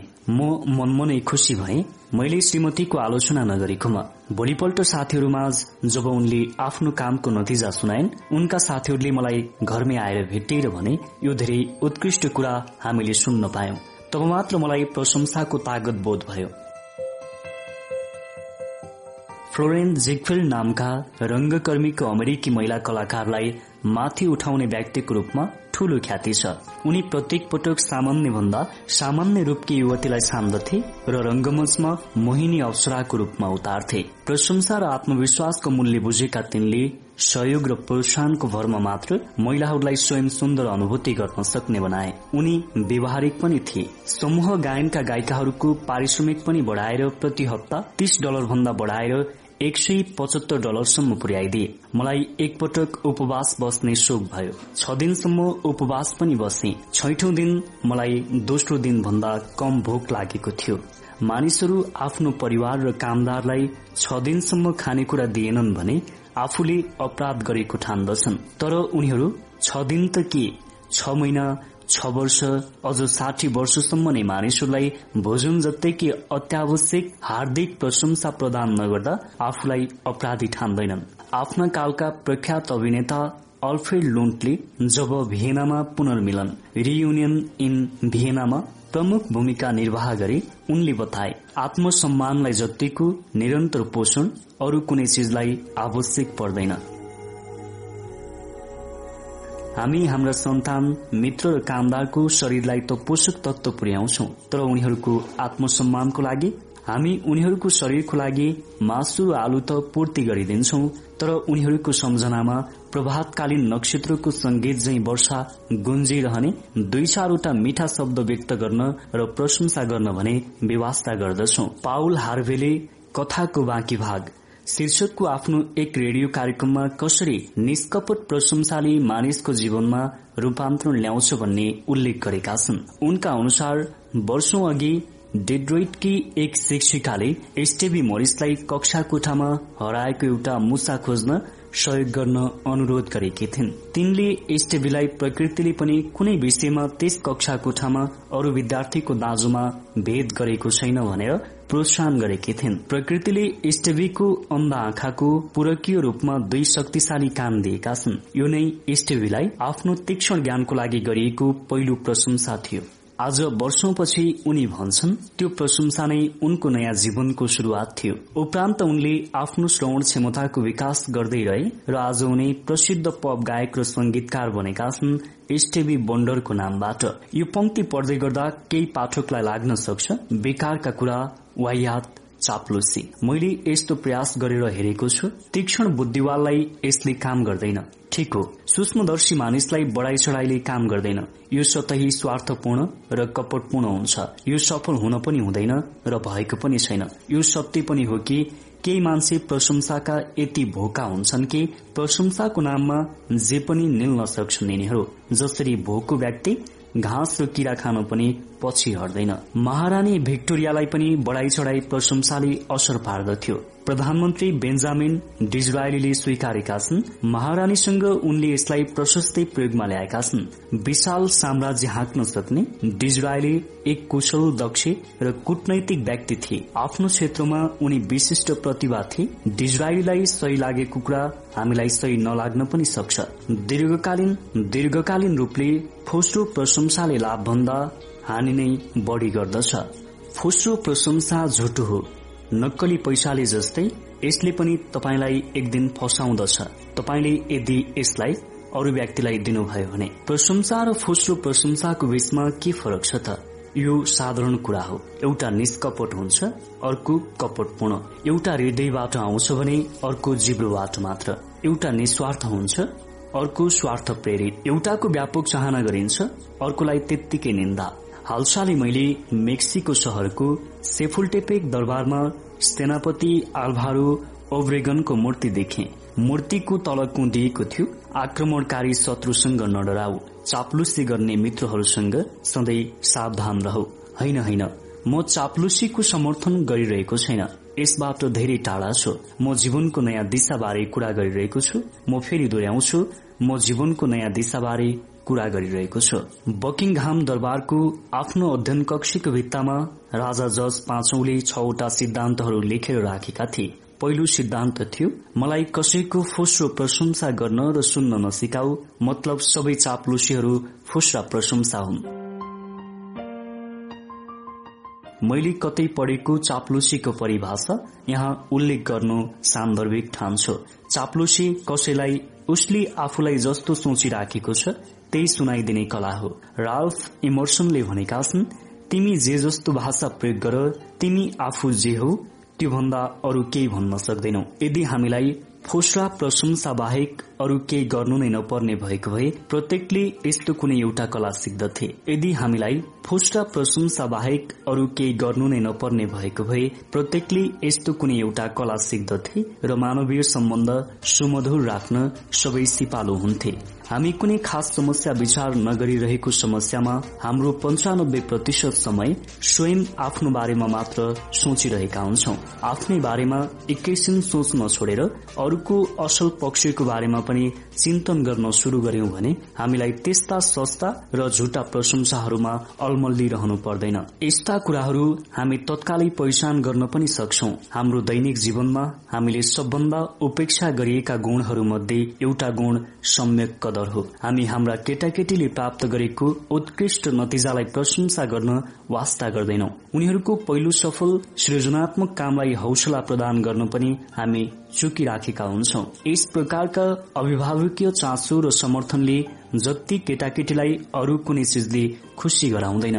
कुनै रेस्टुरेन्ट क्लबमा उत्कृष्ट परिकारको स्वाद पाउनु भयो भने कुकलाई त्यसको लागि धन्यवादको शब्द पठाउन नभुल्नुहोस्। थकित विक्रेताले देखाएको असाधारण शिष्टाचारलाई उल्लेख गर्न नबिर्सनुहोस्। प्रत्येक मन्त्री अध्यापक वक्ता आदिलाई श्रोता समक्ष आफूलाई सम्पूर्ण खन्याउँदा समेत प्रशंसाको सानो भाव पनि प्राप्त नगर्दाको निरुत्साहनको बारेमा थाहा छ।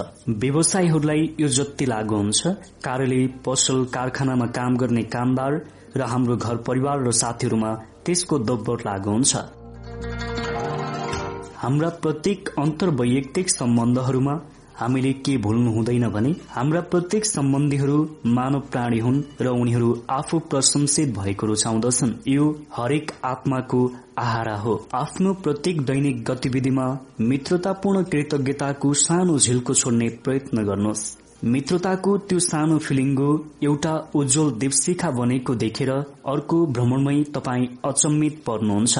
कनेक्टिकटको एउटा पसलकी प्रमुख कारिन्दा पामेला डानहामलाई अरू उत्तरदायित्वको साथसाथै त्यस भवनको कामचोर भण्डारीको सुपरिवेक्षण गर्ने जिम्मा पनि लिनु पर्यो अरू कामदारहरू त्यस व्यक्तिको गैर जिम्मेवारीपनको गिल्ला गर्थे। यसले गर्दा पसलको उत्पादकत्वमा नै असर परिराखेको थियो। उसलाई काममा प्रेरणा दिने पामेलाको सबै प्रयास असफल भइरहेको थिए। तिनले यदाकदा उसले राम्रो काम पनि नगरेको चाल पाइन्। यसैलाई उनले अन्य व्यक्तिहरूको सामु उसको प्रशंसा गर्ने आधार बनाइन्। दिन प्रतिदिन उसको काममा सुधार हुँदै गयो र एउटा सक्षम कामदारको रूपमा रूपान्तरित भयो। अहिले ऊ उत्कृष्ट काम गर्नेमा पर्दछ। सबै मानिस उसको कामको कदर गर्दछन्। उसलाई महत्व प्रदान गर्दछन्। इमान्दार र प्रशंसाले आलोचना र खिल्ली उडाउँदा हुन नसकेको काम फत्ती गर्दछ। इमान्दार प्रशंसाले आलोचना र खिल्ली उडाउँदा हुन नसकेको काम फत्ती गर्दछ। मानिसलाई चोट पुर्याएर उसलाई परिवर्तन गर्न नसकिने मात्र होइन। यसलाई फर्काउन पनि सकिँदैन। भनाइ पनि छ आफूले नियमित अनुहार हेर्नुपर्ने ऐना फुटाएर त्यसलाई जोड्न खोज्नुको कुनै माने छैन मलाई यो बाटो एकचोटि मात्र हिँड्नुपर्छ। त्यसैले कसैलाई मैले गर्न सक्ने कुनै असल काम देखाउन सक्ने दयाभाव मलाई अहिले नै गर्न दिनुहोस्। त्यसबाट पन्छिन र व्यवस्था गर्नबाट मलाई जोगाउनुहोस् किनभने म यो बाटो फेरि कहिल्यै आउन पाउँदिन। इमर्सनले भनेका छन् मैले भेट्ने प्रत्येक मान्छे म भन्दा ठूला छन्। त्यसैले म प्रत्येकबाट केही न केही सिक्न सक्छु। इमोर्सन जस्ता महान व्यक्तिको लागि त यस्तो छ भने तपाईँ हामी जस्ताको लागि यो कुरा हजार गुणा सत्य साबित हुन्छ। आफ्ना प्राप्ति र चाहनाहरूमा मात्र अल्मल्लिने बानीबाट मुक्त हौ र अरू मानिसका असल गुण खोज्नतिर लागौ। फुस्रा प्रशंसा गर्ने र सुन्ने बानी त्याग्नुहोस्। इमान्दार र निष्कपट कदर गर्न शुरू गर्नुहोस्। समर्थन गर्नुमा उदार हुनुहोस् र प्रशंसा गर्न कन्जुस्याई नगर्नुहोस्। मानिसहरूले तपाईँको भनाइलाई माया गर्नेछन् जगेर्ना गर्नेछन् र जीवन पर्यन्त दोहोऱ्याइरहनेछन्। तपाईँले उनीहरूलाई बिर्सिसक्नु भएको हुन सक्छ तर उनीहरू तपाईँलाई वर्षौं वर्षौंसम्म सम्झिरहनेछन्। इमान्दार र निष्कपट प्रशंसा गर्नुहोस्। यदि कसैबाट तपाईँ काम लिन चाहनुहुन्छ भने यदि कसैको मन जित्न चाहनुहुन्छ भने इमान्दार र निष्कपट तरिकाले प्रशंसा गर्नुहोस्। त्यो पनि राम्रो कामको मात्र उसलाई राम्रो लाग्ने चिज र जे सत्य हो त्यसको मात्र प्रशंसा गर्नुहोस्। हामीले तेस्रो भागमा तपाईँको निम्ति डेल कार्नेगीको पुस्तक साथीहरूको मन जित्ने तथा मानिसहरूलाई प्रभाव पार्ने कला प्रस्तुत गर्यौं तपाईँलाई यो पुस्तक कस्तो लाग्यो? यदि केही भन्नु छ भने कमेन्ट बक्समा कमेन्ट गर्न सक्नुहुनेछ। तपाईँलाई थाहा होला नि एउटा सुन्दर परिवार समाज र राष्ट्रको लागि हितकर हुन्छ। त्यसैले पनि हामी एउटा सुन्दर परिवार निर्माण गर्न चाहन्छौ। त्यसैले यदि सुन्दर सदस्य बन्न चाहनुहुन्छ भने च्यानललाई सब्सक्राइब गर्नुहोला। तपाईँ हाम्रो भेट यस्तै अर्को नयाँ भिडियोको साथमा हुनेछ। नमस्ते।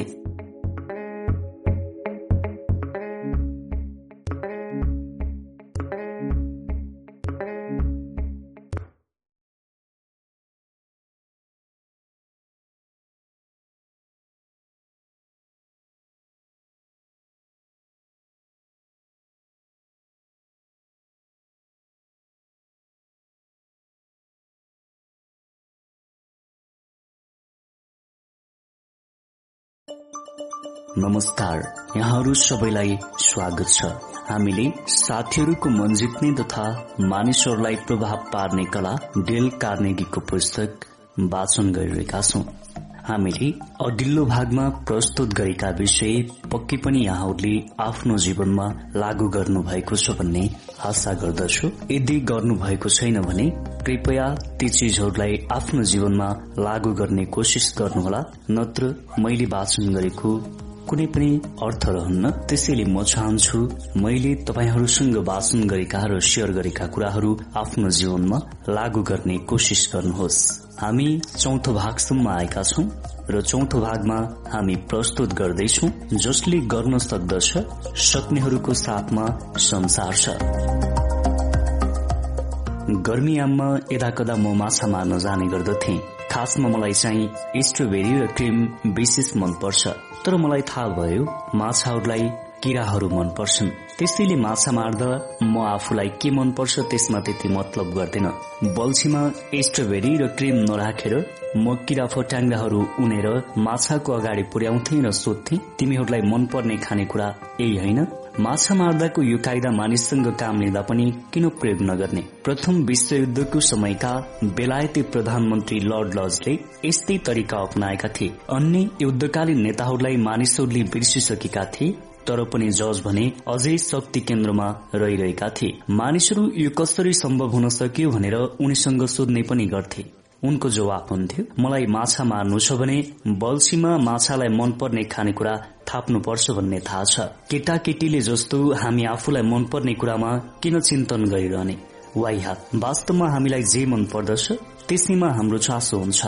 अरूलाई हुँदैन। तपाईँ हामी सबै त्यस्तै छौ। त्यसैले संसारमा अर्को व्यक्तिलाई प्रभाव पार्ने तरिका के के हो भने उसलाई मन परेको विषयमा कुरा गर्ने र त्यसको प्राप्तिको तरिका बारे चर्चा गर्ने। आउने दिनमा कसैबाट कुनै काम लिनु छ भने यो कुरा सम्झिराख्नुहोस्। उदाहरणको लागि तपाईँ आफ्ना केटाकेटी धुम्रोपान लागु पदार्थको लतमा नलागुन् भन्ने चाहनुहुन्छ भने उनीहरूलाई यसका दुर्गुणहरूबारे भाषण नसुनाउनुहोस्। आफ्नो चाहना उनीहरूमाथि नलाद्नुहोस् सट्टामा उनीहरूको भविष्यको आदर्श जस्तै खेलाड़ी बन्ने आदिमा लागू पदार्थले प्रत्यक्ष रोकावट ल्याउने कुराहरू उनीहरू समक्ष बनाउनुहोस्। केटाकेटी वा बाछा बाछी वा चिम्पान्जी जोसुकैसँगको व्यवहारमा पनि ख्याल राख्नुपर्ने महत्वपूर्ण कुरा हो एकचोटि प्रख्यात साहित्यकार इमर्सन र उनका छोरा मिलेर एउटा बाछोलाई गोठतिर लान खोज्दै थिए। तर बाछो चर्न छोडेर गोठतिर जान मानिराखेको थिएन। यहीँनिर उनीहरूले एउटा सामान्य गल्ती गरेका थिए। एकजना अगाडिबाट घिच्याइरहेका थिए। अर्कोले पछाडिबाट घचेटिरहेका थिए। तिनीहरूको यो कष्ट एक गृहिणीले देखिरहेकी थिइन्। तिनी कुनै विद्वान त थिएनन् तर उनलाई जनावरहरूको अनुभूति पढ्न सक्ने ज्ञान इमर्सन र उनको छोरामा भन्दा बढ़ी थियो। उनी आइन् र आफ्नो वात्सल्यपूर्ण औंलाहरू बाछाको मुखमा घुसारिन्। उनी जसै अगाडि बढ्दै गइन् बाछो लुरु लुरु उनको पछि पछि गयो। तपाई जन्मेदेखि आज पर्यन्त आफूले रुचाएका कामहरू नै गर्दै आउनु भएको छ। तपाईँले आजसम्म सामाजिक संघ संस्थाहरूलाई कति पटक दान दिनुभयो त। यसमा कुनै नियम कानून हुँदैन। तपाई समाज सेवामा आफ्नो योगदान गर्न चाहनुहुन्छ त्यसैले त्यस्ता संस्थालाई दान दिनुहुन्छ। तपाई निस्वार्थ कुनै काम गर्न चाहनुहुन्छ ईशान सिंहको भनाइ छ तिमीले मेरा प्रिय दुखी मनुष्यहरूको लागि जति सेवा गर्दछौ ती सबै मेरा लागि नै गरिएका हुन्। नेपालका महाकवि देवकोटाले पनि लेखेका छन् मलम लगाऊ आर्तहरूको चराइरहेको घाउ मानिसहरू भई ईश्वरको त्यो दिव्य मुहार हँसाउ। तपाईँले नचाहनु भएको भए त्यो दादप्य हुने थिएन पक्कै नै हुन सक्छ। कसैको अनुरोधलाई टार्न नसकेर वा लज्जाबोधबाट जोगिन तपाईँले त्यो दान गर्नु भएको हो। तर जे होस् आफूले गरौं भन्ने चाहना भएकैले तपाईँबाट त्यो देन हुन सक्यो। यारी ओभर स्ट्रिटले आफ्नो पुस्तक मानव व्यवहारलाई प्रभाव पार्ने तरिका इन्फ्लुएन्सिङ ह्युमन बिहेभियरमा लेखेका छन्। हाम्रा अधिकांश कर्महरू आफ्नै आधारभूत चाहनाहरूबाटै निश्चित हुन्छन्। व्यापार घर स्कूल राजनीति जुनसुकै क्षेत्रबाट होस् प्रेरणा दिने व्यक्तिहरूलाई एउटा सल्लाह दिन सकिन्छ। प्रथमत अर्को व्यक्तिको मनमा कामप्रति उत्कट चाहना उत्पन्न गर्नुहोस्। जो यति गर्न सक्दछ उसको लागि सारा संसार उसको साथ हुन्छ। जो यति गर्न सक्दैन ऊ सबैबाट एक्लिन्छ एन्ड्रयू कार्नेगी एक गरिब परिवारमा जन्मेका थिए। उनले घण्टाको दुई सेन्टको दरले पारिश्रमिक लिएर काम शुरू गरेका थिए। उनैले पछि गएर छत्तीस करोड़ डलर बराबरको रकम दान दिए। चार वर्ष मात्र विद्यालय जान पाएका ती व्यक्तिले मानिसहरूबाट कसरी काम लिने भन्ने कुरा समयमै सिकेका थिए। एउटा उदाहरण लिनुहोस् कार्नेगी भाउजू एल भन्ने ठाउँमा बसिरहेका आफ्ना दुई छोराहरूको बारेमा साह्रै चिन्तित थिइन्। आमाको चिठीका प्रत्युत्तर पठाउन ध्यान नै थिएन उनीहरूलाई। कार्नेगीले बाजी थापे कि भोलिको आउँदो डाकमा उनीहरूको पत्र पाउन सक्ने सूत्र उनीसँग छ उनले पत्र लेखेर पुनश्चमा आफूले प्रत्येकलाई पाँच पाँच डलर उपहार पनि पत्र साथै पठाएको बेहोरा थपे। तर पैसा चाहिँ चिठीसँग बन्द गरेनन्। नभन्दै भोलिपल्टै प्रत्युत्तर आए पनि। प्रत्युत्तरको बेहोरा तपाईँ स्वयं अन्दाज गर्न सक्नुहुन्छ। अर्को उदाहरण लिनुहोस्। हाम्रो शिक्षण कार्यक्रममा सहभागी एक मित्र स्थान नभागले बेहोरेको। उनको कान्छो छोरा टिमलाई स्कूल भर्ना गर्नुपर्ने थियो पहिलो पटक। तर ऊ स्कूल नजानको लागि हत्ते गरिरहेको थियो झगडा गरिरहेको थियो घरमा। स्थानलाई पहिले त लाग्यो छोरालाई उनको कोठामा थुनिदिउ र आफ्नो बारेमा सोच्न बाध्य पारौं। तर यसले पनि काम गर्नेवाला थिएन। स्थान सोच्न थाले म टिम भएको भए के गर्थे होला? स्कूलमा मलाई आकर्षित गर्ने कुरा के के हुन सक्ला? स्टान र उनकी श्रीमती मिलेर टिमले स्कूलमा पाउन सक्ने रमाइला कुरा कुराको सूची बनाए चित्र बनाउने रंगाउने गीत गाउने आदि। उनले हामीलाई पछि बताए त्यसपछि म मेरी श्रीमती र जेठो छोरा बब सबै जम्मा भएर रमाउँदै चित्र बनाउँदै रंग लगाउँदै गर्न थाल्यौं। टिम यो सब हेरिरह्यो र आफू पनि सहभागी हुन इच्छा व्यक्त गर्यो हामीले भन्यौं बाबु यो त पहिला स्कूलमा गएर सिक्नुपर्छ नत्र जानिँदैन। मैले उसमा उत्साह जगाउन पुरै बल गरे। भोलिपल्ट बिहान जब म उसको कोठामा छिरे ऊ त कुर्सीमै निधाइराखेको थियो। उठाएपछि उसले भन्यो आज त चाँडै नै स्कूल जानुपर्छ भनेर म त यही सुते। सबै परिवार मिलेर उसमा उत्साह जगाउन हामी सफल भयौं। यही कुरा उसलाई फकाएर धम्क्याएर सकेकै थिएनौ। भोलि तपाईँलाई कसैसँग कुनै काम गराउनु पर्ने हुन सक्छ अनुरोध गर्नु अगाडि एकछिन सोच्नुहोस्। म उसलाई यो काम गर्न कसरी प्रेरित गरौं? यसले तपाईँलाई त्यस व्यक्तिसँग अनावश्यक बहस गर्नबाट जोगाउँछ। एकपटक मैले न्यूयोर्कको एउटा होटलको नाचकोठा प्रत्येक सिजनको बीस दिनको लागि भाडामा लिएको थिएँ।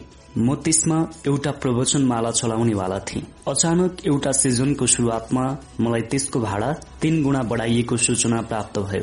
यो सिजनको लागि विज्ञापन प्रचार प्रसार टिकट आदि सबै व्यवस्था भइसकेका थिए। कार्यक्रम शुरू हुन मात्र बाँकी थियो। स्वाभाविक रूपमा म यो रकम तिर्न तयार थिएन तर हाम्रो चाहनासँग होटलको कुनै लेनदेन थिएन। उनीहरूको आफ्नै चाहनाहरू थिए।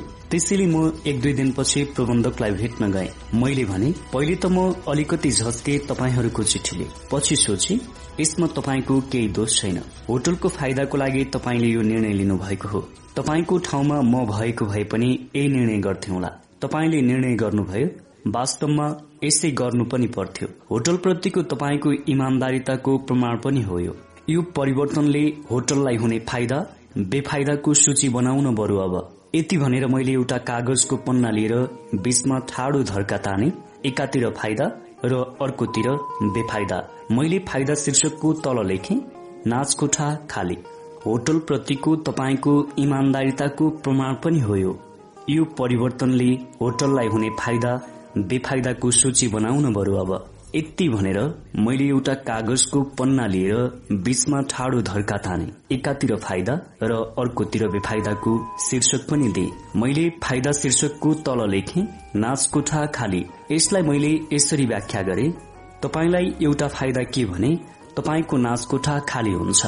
तपाईँले चाहेको बेलामा चाहेको ग्राहकलाई नाच वा अरू कुनै कार्यक्रमलाई दिन सक्नुहुन्छ। बीस दिनसम्म कोठा ओगटिँदा तपाईँहरूलाई पक्कै पनि नोक्सान नै हुन्छ होला।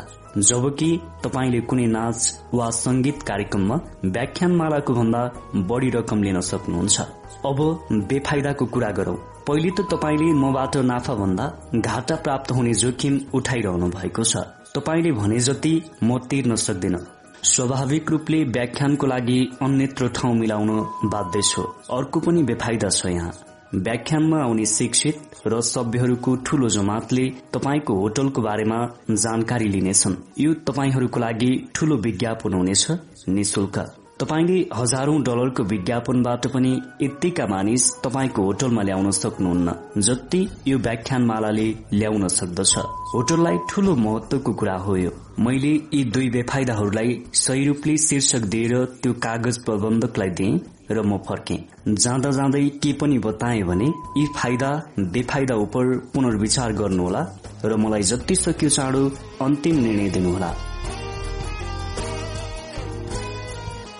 अर्को दिन नै मैले भाडा आधा मात्र बढ़ाइएको पत्र पाएँ। हेर्नुहोस् मैले बिना अनुरोध गरेर मैले चाहेको कुरा प्राप्त गरे।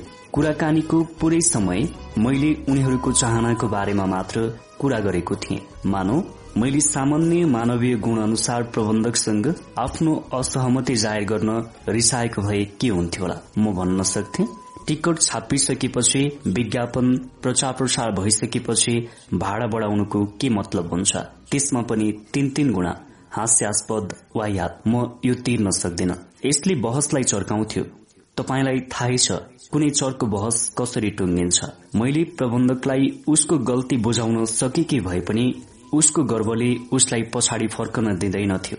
यहाँ तपाईँका लागि म मानवीय सम्बन्ध राख्ने सुन्दर कलाको बारेमा एउटा सल्लाह दिन चाहन्छु। यो सल्लाह आफैमा एउटा उत्कृष्ट सल्लाह हो। हेनरी फोर्डले भनेका छन् सफलताको त्यस्तो कुनै गुड रहस्य कतै छ भने त्यो अरू व्यक्तिको दृष्टिकोणबारे थाहा पाउने र वस्तु स्थितिलाई आफ्नो साथसाथै उनीहरूको पक्षबाट पनि निहाल्न सक्ने क्षमतामा नै छ। यो यति उत्कृष्ट छ कि म यसलाई दोहोऱ्याउन चाहन्छु। सफलताको त्यस्तो कुनै गुड रहस्य कतै छ भने त्यो अरू व्यक्तिको दृष्टिकोणबारे थाहा पाउने र वस्तु स्थितिलाई आफ्नो साथसाथै उनीहरूको पक्षबाट पनि निहाल्न सक्ने क्षमतामा नै छ। यो त्यत्तिकै सरल त्यत्तिकै प्रष्ट छ। प्रत्येकले यसलाई एक झल्कोमै देखिहाल्दछ। तैपनि नब्बे प्रतिशत मानिस यसलाई व्यवस्था गरिरहेका हुन्छन्। उदाहरण एउटा विज्ञापन एजेन्सीको रेडियो विभागका प्रमुखले स्थानीय रेडियो स्टेशनका प्रबन्धकलाई लेखेको तलको पत्रलाई लिनुहोस्। चिठीका अंशहरूप्रति मेरो प्रतिक्रियालाई कोष्ठभित्र राखेको छ। Shri John Blank Blankville Indiana प्रिय ब्ल्याङ्क महोदय हाम्रो कम्पनी रेडियो क्षेत्रमा विज्ञापन एजेन्सीको नेतृत्वमा आफ्नो अग्रस्थानमा कायम गर्न चाहन्छ। तपाईँको कम्पनीको चाहनाबारे कसलाई मतलब? म आफ्नै समस्याले घेरिएको छु। बैंकले घर लिलाममा चढ़ाएको छ। मेरो बाली किराले नाश गरिदियो। धितो बजारको भाव गिरेकोले मलाई कत्रो नोक्सान पर्यो हिजै। आज बिहानै मैले पैसा हराएँ। मेरा एक मित्रले हिजो साँझको भोजमा मलाई डाकेन। मेरो डाक्टरले मलाई रक्तचापको र नशा संक्रमण सम्बन्धी समस्या रहेको बताएको छ। चिन्ताग्रस्त रूपले अफिस पुग्ने बित्तिकै न्यूयोर्कमा आराम गर्दै आफ्ना चाहनाहरू पस्केर पठाएको चिठी पो हात पर्छ। चिठीको कस्तो असर पर्छ भन्ने अलिकति मात्र अन्दाज गर्न सक्छ भने चिठी लेख्नेले विज्ञापन व्यवसाय छोडेर भेडा नुहाउने डुन्डको निर्माण गर्ने व्यवसाय थाले हुन्छ। एजेन्सीको राष्ट्रव्यापी विज्ञापन ग्राहकहरू नै यसको सञ्चालनको आधार हुन्। साथसाथै रेडियो स्टेशनहरूबाट भएको विज्ञापन प्रसारणको आदान प्रदानले यस्तो एजेन्सीहरूबीच हामीलाई उच्च स्थान प्राप्त भएको छ। तपाई ठूलो हुनुहुन्छ धनी हुनुहुन्छ होइन त? तब के? तपाईँको कम्पनी जतिसुकै ठूलो भए पनि मैले गर्नुपर्ने केही छैन। सानो भन्दा सानो चराको जति पनि बुद्धि भइदिएको भए तपाईँ बुझ्न सक्नुहुन्थ्यो। म आफू कति ठूलो छु। त्यसमा मात्र मतलब गर्दछु तपाईँ कति ठूलो हुनुहुन्छ भन्ने होइन। तपाईँका सफलताको कुराले मलाई आफ्नो तुक्षताको संस्मरण गराउँदछ। रेडियो स्टेशनले प्रवाह गराउने सूचनाको प्रत्येक शब्दद्वारा हामी हाम्रा ग्राहकको सेवा गर्न चाहन्छौ। तपाईँको चाहना तपाईँको इच्छा। तपाईँ त पुरापुर गधा जस्तै हुनुहुन्छ। तपाईँ के चाहनुहुन्छ? संयुक्त राज्य अमेरिकाका राष्ट्रपतिले के चाहन्छन् भन्ने त मलाई केही मतलब छैन। मलाई अन्तिम पटक भन्न दिनुहोस्। म आफू के चाहन्छु भन्नेमा मात्र चासो राख्दछु। तपाईँको यो वाह्यात चिठीमा त्यसको बारेमा भने केही लेखिएको छैन। त्यसैले तपाईँको स्टेशनको साप्ताहिक सूचना प्रसारणमा हाम्रो कम्पनीलाई विशिष्ट दर्जाको कम्पनीको रूपमा उल्लेख गरिदिनुहुन्छ वा विशिष्ट दर्जा तपाईँमा साहस त छ। आफ्नो कम्पनीको बढाई चढ़ाई गरेर मलाई तुच्छ बनाउनुहुन्छ अनि मसँग आफूलाई विशिष्ट दर्जाको सूचीमा राख्न भन्नुहुन्छ। यति कुरा भन्दा कृपया समेत भन्न सक्नुहुन्न। यस पत्रको तत्काल स्वीकृति उत्तर हामी दुवैलाई लाभदायक हुनेछ। पत्रमा तपाईँका पछिल्ला गतिविधि लेख्न नभुल्नुहोला। मूर्ख शालको सुकेको पात जस्तो सस्तो र ठाडो चिठी लेख्नु पनि छ। मैसँग अनुरोध पनि गर्नु छ। जबकि म घरको लिलामी बालिनाश रक्तचापको समस्याले ग्रस्त छु। अनि म तपाईँको ठाडो चिठीको स्वीकारोक्ति जवाब तत्काल लेखु। तत्काल मतलब के? तपाईँलाई यति पनि थाहा छैन? म तपाईँ जत्तिकै व्यस्त छु। कमसे कम म सोच्छु कि म व्यस्त छु। जहाँसम्म तपाईँले उठाएको कुरा छ तपाईँले कसरी मलाई आदेश गर्न सक्नुभयो? भन्न त भन्नुभयो दुवैलाई लाभदायक। अन्त्यमा आएर मेरो पक्षबाट बोल्नु त बोल्नुभयो तर तपाईँ मलाई कसरी फाइदा हुन्छ भन्ने कुरामा प्रष्ट हुनुभएको छैन। तपाईँको जोन्डु प्रबन्धक रेडियो विभाग। पुनश्च ब्ल्याङ्कविले जर्नलको एक प्रति यसै साथ संलग्न छ। तपाईँलाई काम लाग्न सक्छ। तपाईँको स्टेशनबाट यसलाई प्रसारण गर्न सक्नुहुन्छ। अन्तमा पुनश्चमा पुगेर मलाई काम लाग्ने केही कुरा लेख्ने प्रयास गर्नुभयो। यही कुराबाट किन शुरू गर्नु भएन? फेरि यसको के काम? तपाईँको जस्तै यस्ता चिठी पठाउने विज्ञापन व्यवसायीहरूको दिमागमा पक्कै पनि कुनै विकार छ भन्ने मलाई लाग्दछ। हाम्रा पछिल्ला गतिविधिको बारे तपाईँले जान्नुपर्ने केही जरूरी छैन। तपाईँलाई तपाईँको थाइराइड ग्रन्थीको उपचार जरूरी छ जस्तो छ। हेर्नुहोस्। विज्ञापन व्यवसायमा आफूलाई संलग्न गर्ने र ग्राहकलाई सामान र सेवा खरिद गर्न प्रेरित गर्ने कलामा पोख्त हुनुपर्ने मानिस त यस्तो चिठी लेख्दछन् भने सामान्य व्यवसायी मासु बेच्ने वा रोटी बनाउने वा मोटर मेकानिकहरूबाट हामीले के अपेक्षा गर्न सक्दछौ? अब अर्को एउटा चिठी हेर्नुहोस्। माल सामान बाहिर सप्लाई गर्ने एक ठूलो कम्पनीका सुपरिवेक्षकले त्यस क्षेत्रमा शिक्षा कर्मीलाई लेखिएको पत्र हो यो। सम्बोधन गरिएको व्यक्तिलाई चिठीले कस्तो प्रभाव पार्दछ होला? पहिला पढ्नुहोस् पछि म बताउनेछु। ध्यान आकर्षण। Shri Edward Vermylen. महाशय हाम्रो कम्पनीको सामान बाहिर पठाउने स्टेशनमा हामीले समस्या झेल्नु परिराखेको छ। किनभने बाहिर पठाउनु पर्ने अधिकांश सामानहरू हामी कहाँ दिउँसो ढिलो गरी मात्र आइपुग्दछन्। यसले गर्दा स्टेशनमा भीड़ बढ़ने हाम्रा कर्मचारीहरूलाई अतिरिक्त समयमा पनि उपस्थिति हुनुपर्ने ट्रकहरूको ढिलाइ हुने र यदाकदा सामान छुटाउने काम नै स्थगन हुने जस्ता समस्या बेहोर्नु परिराखेको छ। गत नोभेम्बर दसमा यहाँको कम्पनीबाट पाँच सय दसवटा कार्टुनहरू बेलुका सभा चार बजे मात्र प्राप्त भयो माल ढिलो प्राप्त हुने समस्याबाट मुक्त हुन हामीलाई सहयोग गर्नुहुन हामी यहाँहरूलाई अनुरोध गर्दछौ। यहाँलाई के निवेदन छ भने हामीलाई पठाइने माल सामान दिनको दोस्रो प्रहरसम्म नै प्राप्त हुने गरी पठाइदिन उहाँ त्यहाँबाट बिहानै पठाइदिएर हामीलाई सहयोग गरिदिनुहोला। यसले यहाँहरूलाई दुईवटा फाइदा हुनेछ। एक त तपाईँका ट्रकहरूलाई यहाँ धेरै समय कुरिरहनु पर्दैन। अर्को तपाईँको जिम्मामा सामान ओइ दिन चलान पनि भइहाल्छन् र समयमै आफ्नो गन्तव्यमा पुग्दछन् तपाईँको सुपरिवेक्षक। पत्र पढिसकेपछि बर्मिलेन महोदयले निम्न अनुसारको टिप्पणी सहित सुपत्र मलाई पठाउनु भएको थियो। पत्रले यस्तो अपेक्षा गरे भन्दा नितान्त विपरीत प्रभाव पैदा गर्यो। चिठी सामान ओसार पोसार गर्दाको समस्याबाट शुरू गरिएको छ। यो वास्तवमा हाम्रो चासोको विषय होइन। हाम्रो सजिलो अप्ठ्यारीको मतलबै नगरी सहयोगको अपेक्षा गरिएको छ। अर्को अन्तिम अनुच्छेदमा गएर हामीले सहयोग गरेको खण्डमा हाम्रा मालवाहक ट्रक समयमै फर्कन पाउने र हाम्रा जिम्मेवारीको सामान त्यही दिन चलान हुनु आश्वासन दिइएको छ। अर्को शब्दमा भन्नुपर्दा हाम्रो चासोको विषयलाई अन्तिममा मात्र उल्लेख गरिएको छ। समग्रमा भन्दा पत्र सहयोग भन्दा असहमतिलाई भड्काउने खालको छ। यो पत्रलाई सुधार गरेर लेख्न सकिन्छ कि विचार गरौं? हेनरी फोर्डले भने जस्तै दुवै पक्षको तर्फबाट विचार गरौं न कि हामी हाम्रा समस्याहरू मात्र उल्लेख गरौं। तल एउटा सुधार गरिएको प्रारूप दिइएको छ। यसलाई विचार गर्नुहोला। यसको सम्भावित असरबारे प्रिय बर्मेलेन महोदय तपाईँको कम्पनीले गत चौध वर्षदेखि हामीसँग सुमधुर कारोबार गर्दै आइरहेको छ। तपाईँको यस सहयोगप्रति हामी अत्यन्त आभारी छौं। यसले हामीलाई अझ चुस्त र उत्कृष्ट सेवा प्रदान गर्नको लागि प्रेरणा दिइरहेको छ। यदा कदा मालवाहक गाड़ीहरू सबै ग्राहकहरूबाट दिनको अबेर गरेर एकैचोटि यहाँ आइपुग्दा सेवा प्रदानमा त्यत्तिकै उत्कृष्ट कायम राख्न नसकेर हामीलाई लज्जाबोध भइरहेको छ। जस्तो कि गत नोभेम्बर दशमा यहाँहरूको मालवाहक गाड़ीले केही समस्या झेल्नु परेकोमा हामीलाई खेद रहेको छ। एकैचोटि सामानहरू आइपुग्दा स्वाभाविक रूपले भीड़ बढ़ने गर्दछ।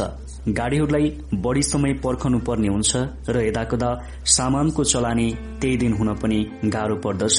यो खेदजनक छ तर सक्दो प्रयास बावजुद सजिलै पन्छाउन पनि सकिँदैन। सम्भव भएमा यहाँ केही चाँडो वा बिहान सामान आइपुग्ने गरी गाड़ी चलान गरिदिनु भयो भने तपाईँका गाड़ीले यहाँ अनावश्यक ढिलाइ बेहोर्नु पर्दैनथ्यो तपाईँका सामान तत्काल चलानी पनि हुन्थे। हाम्रा कामदारहरू चाँडै घरमा पुगेर तपाईँहरूका स्वादिष्ट उत्पादनहरूको मजा लिन पनि पाउँथे। आफ्नो अनुकूलतालाई पनि ध्यान दिनुहोला। त्यसो त जुनसुकै अवस्थामा यहाँहरूको सक्दो उत्कृष्ट सेवा तत्काल पुर्याउन हामी सधैँ तत्पर रहेका छौं। यहाँको व्यस्तताको बावजुद छोटो उत्तर लेख्न समय निकाल्नुहुनेछ भन्ने आशाको साथ तपाईँको सुपरिवेक्षक बर्बरा एन्डरसन न्युयोर्कको एउटा बैंकमा काम गर्थिन्। उनको छोरा एरिजोनामा थिए। छोराको स्वास्थ्य समस्याको कारणले उनको घर पाएक बैंकमा काम गर्नुपर्ने भयो त्यसैले उनले बाह्रवटा बैंकलाई यस प्रकारको चिठी लेखिन्। महोदय द्रुत गतिमा उन्नति गर्दै गरेको यस बैंकलाई मेरो दश वर्षे बैंक अनुभव उपयोगी हुन सक्दछ। बैंक सञ्चालनका विभिन्न तहमा रहेर काम गर्दै हाल म शाखा प्रबन्धकको रूपमा कार्यरत रहेको छु। ग्राहकसँगको सम्बन्ध ऋण प्रशासन आदि सबै क्षेत्रमा रहेर मैले बैंकसँग सम्बन्धित उपयोगी दक्षता हासिल गरिसकेकी छु। आगामी मे महिनादेखि म त्यहाँ बस्दै आउने भएकी छु र मलाई विश्वास छ म तपाईँको बैंकको उन्नति र प्रगतिमा योगदान गर्न सक्षम छु। अप्रेलको पहिलो हप्तामा म एकपटक एरिजोना आउँछु यही समय यहाँहरूलाई अनुकूल पर्दछ भने म स्वयं उपस्थित भएर बैंकको लक्ष्य प्राप्तिमा म कसरी योगदान गर्न सक्दछु भन्ने जानकारी गराउने थिए। भविदय बारबरा एन्डरसन श्रीमती एन्डरसनलाई एघारवटा ब्याङ्कले अन्तर्वार्ताको लागि समय दिए र उनलाई कुन बैंकमा काम गर्ने भन्ने छनौट स्वयंले गर्नुपर्ने स्थितिमा आयो। किन होला? किनभने उनले आफ्नो चाहना केही पनि भनिनन् र मात्र बैंकको चाहना र अपेक्षाको कुरा गर्दै बैंकको उन्नति र प्रगतिमा सहयोग गर्ने प्रस्ताव मात्र राखेकी थिइन् आफ्नो चिठीमा हजारौं सेल्सम्यान कम पारिश्रमिक हतोत्साह र दिगदारीले ग्रस्त छन्। तिनीहरू आफ्नो चाहनाको मात्र ख्याल राख्दछन्। ग्राहकहरूलाई सामान बेच्ने बखत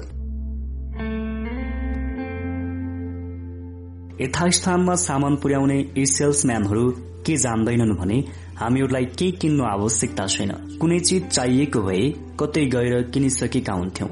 उनीहरूको सेवाबाट हामीलाई प्राप्त हुने फाइदाको बारेमा हामीलाई विश्वस्त गराउन सकी उनीहरूले सामान बेच्नु पर्दैन। हामी स्वयं किन्दछौ किनकि हामीलाई हाम्रो फाइदाको मात्र चासो हुन्छ। ग्राहकहरू स्वयं आफ्नो खुशीमा सामान किन्न रुचाउँछन् न कि सामान भिडाइएको। हजारौं सेल्सम्यानहरू ग्राहकको तर्फबाट सोच्नु पर्ने कुरा नजानिकनै आफ्नो त्यस्तो व्यवसाय व्यतीत गर्दछन्।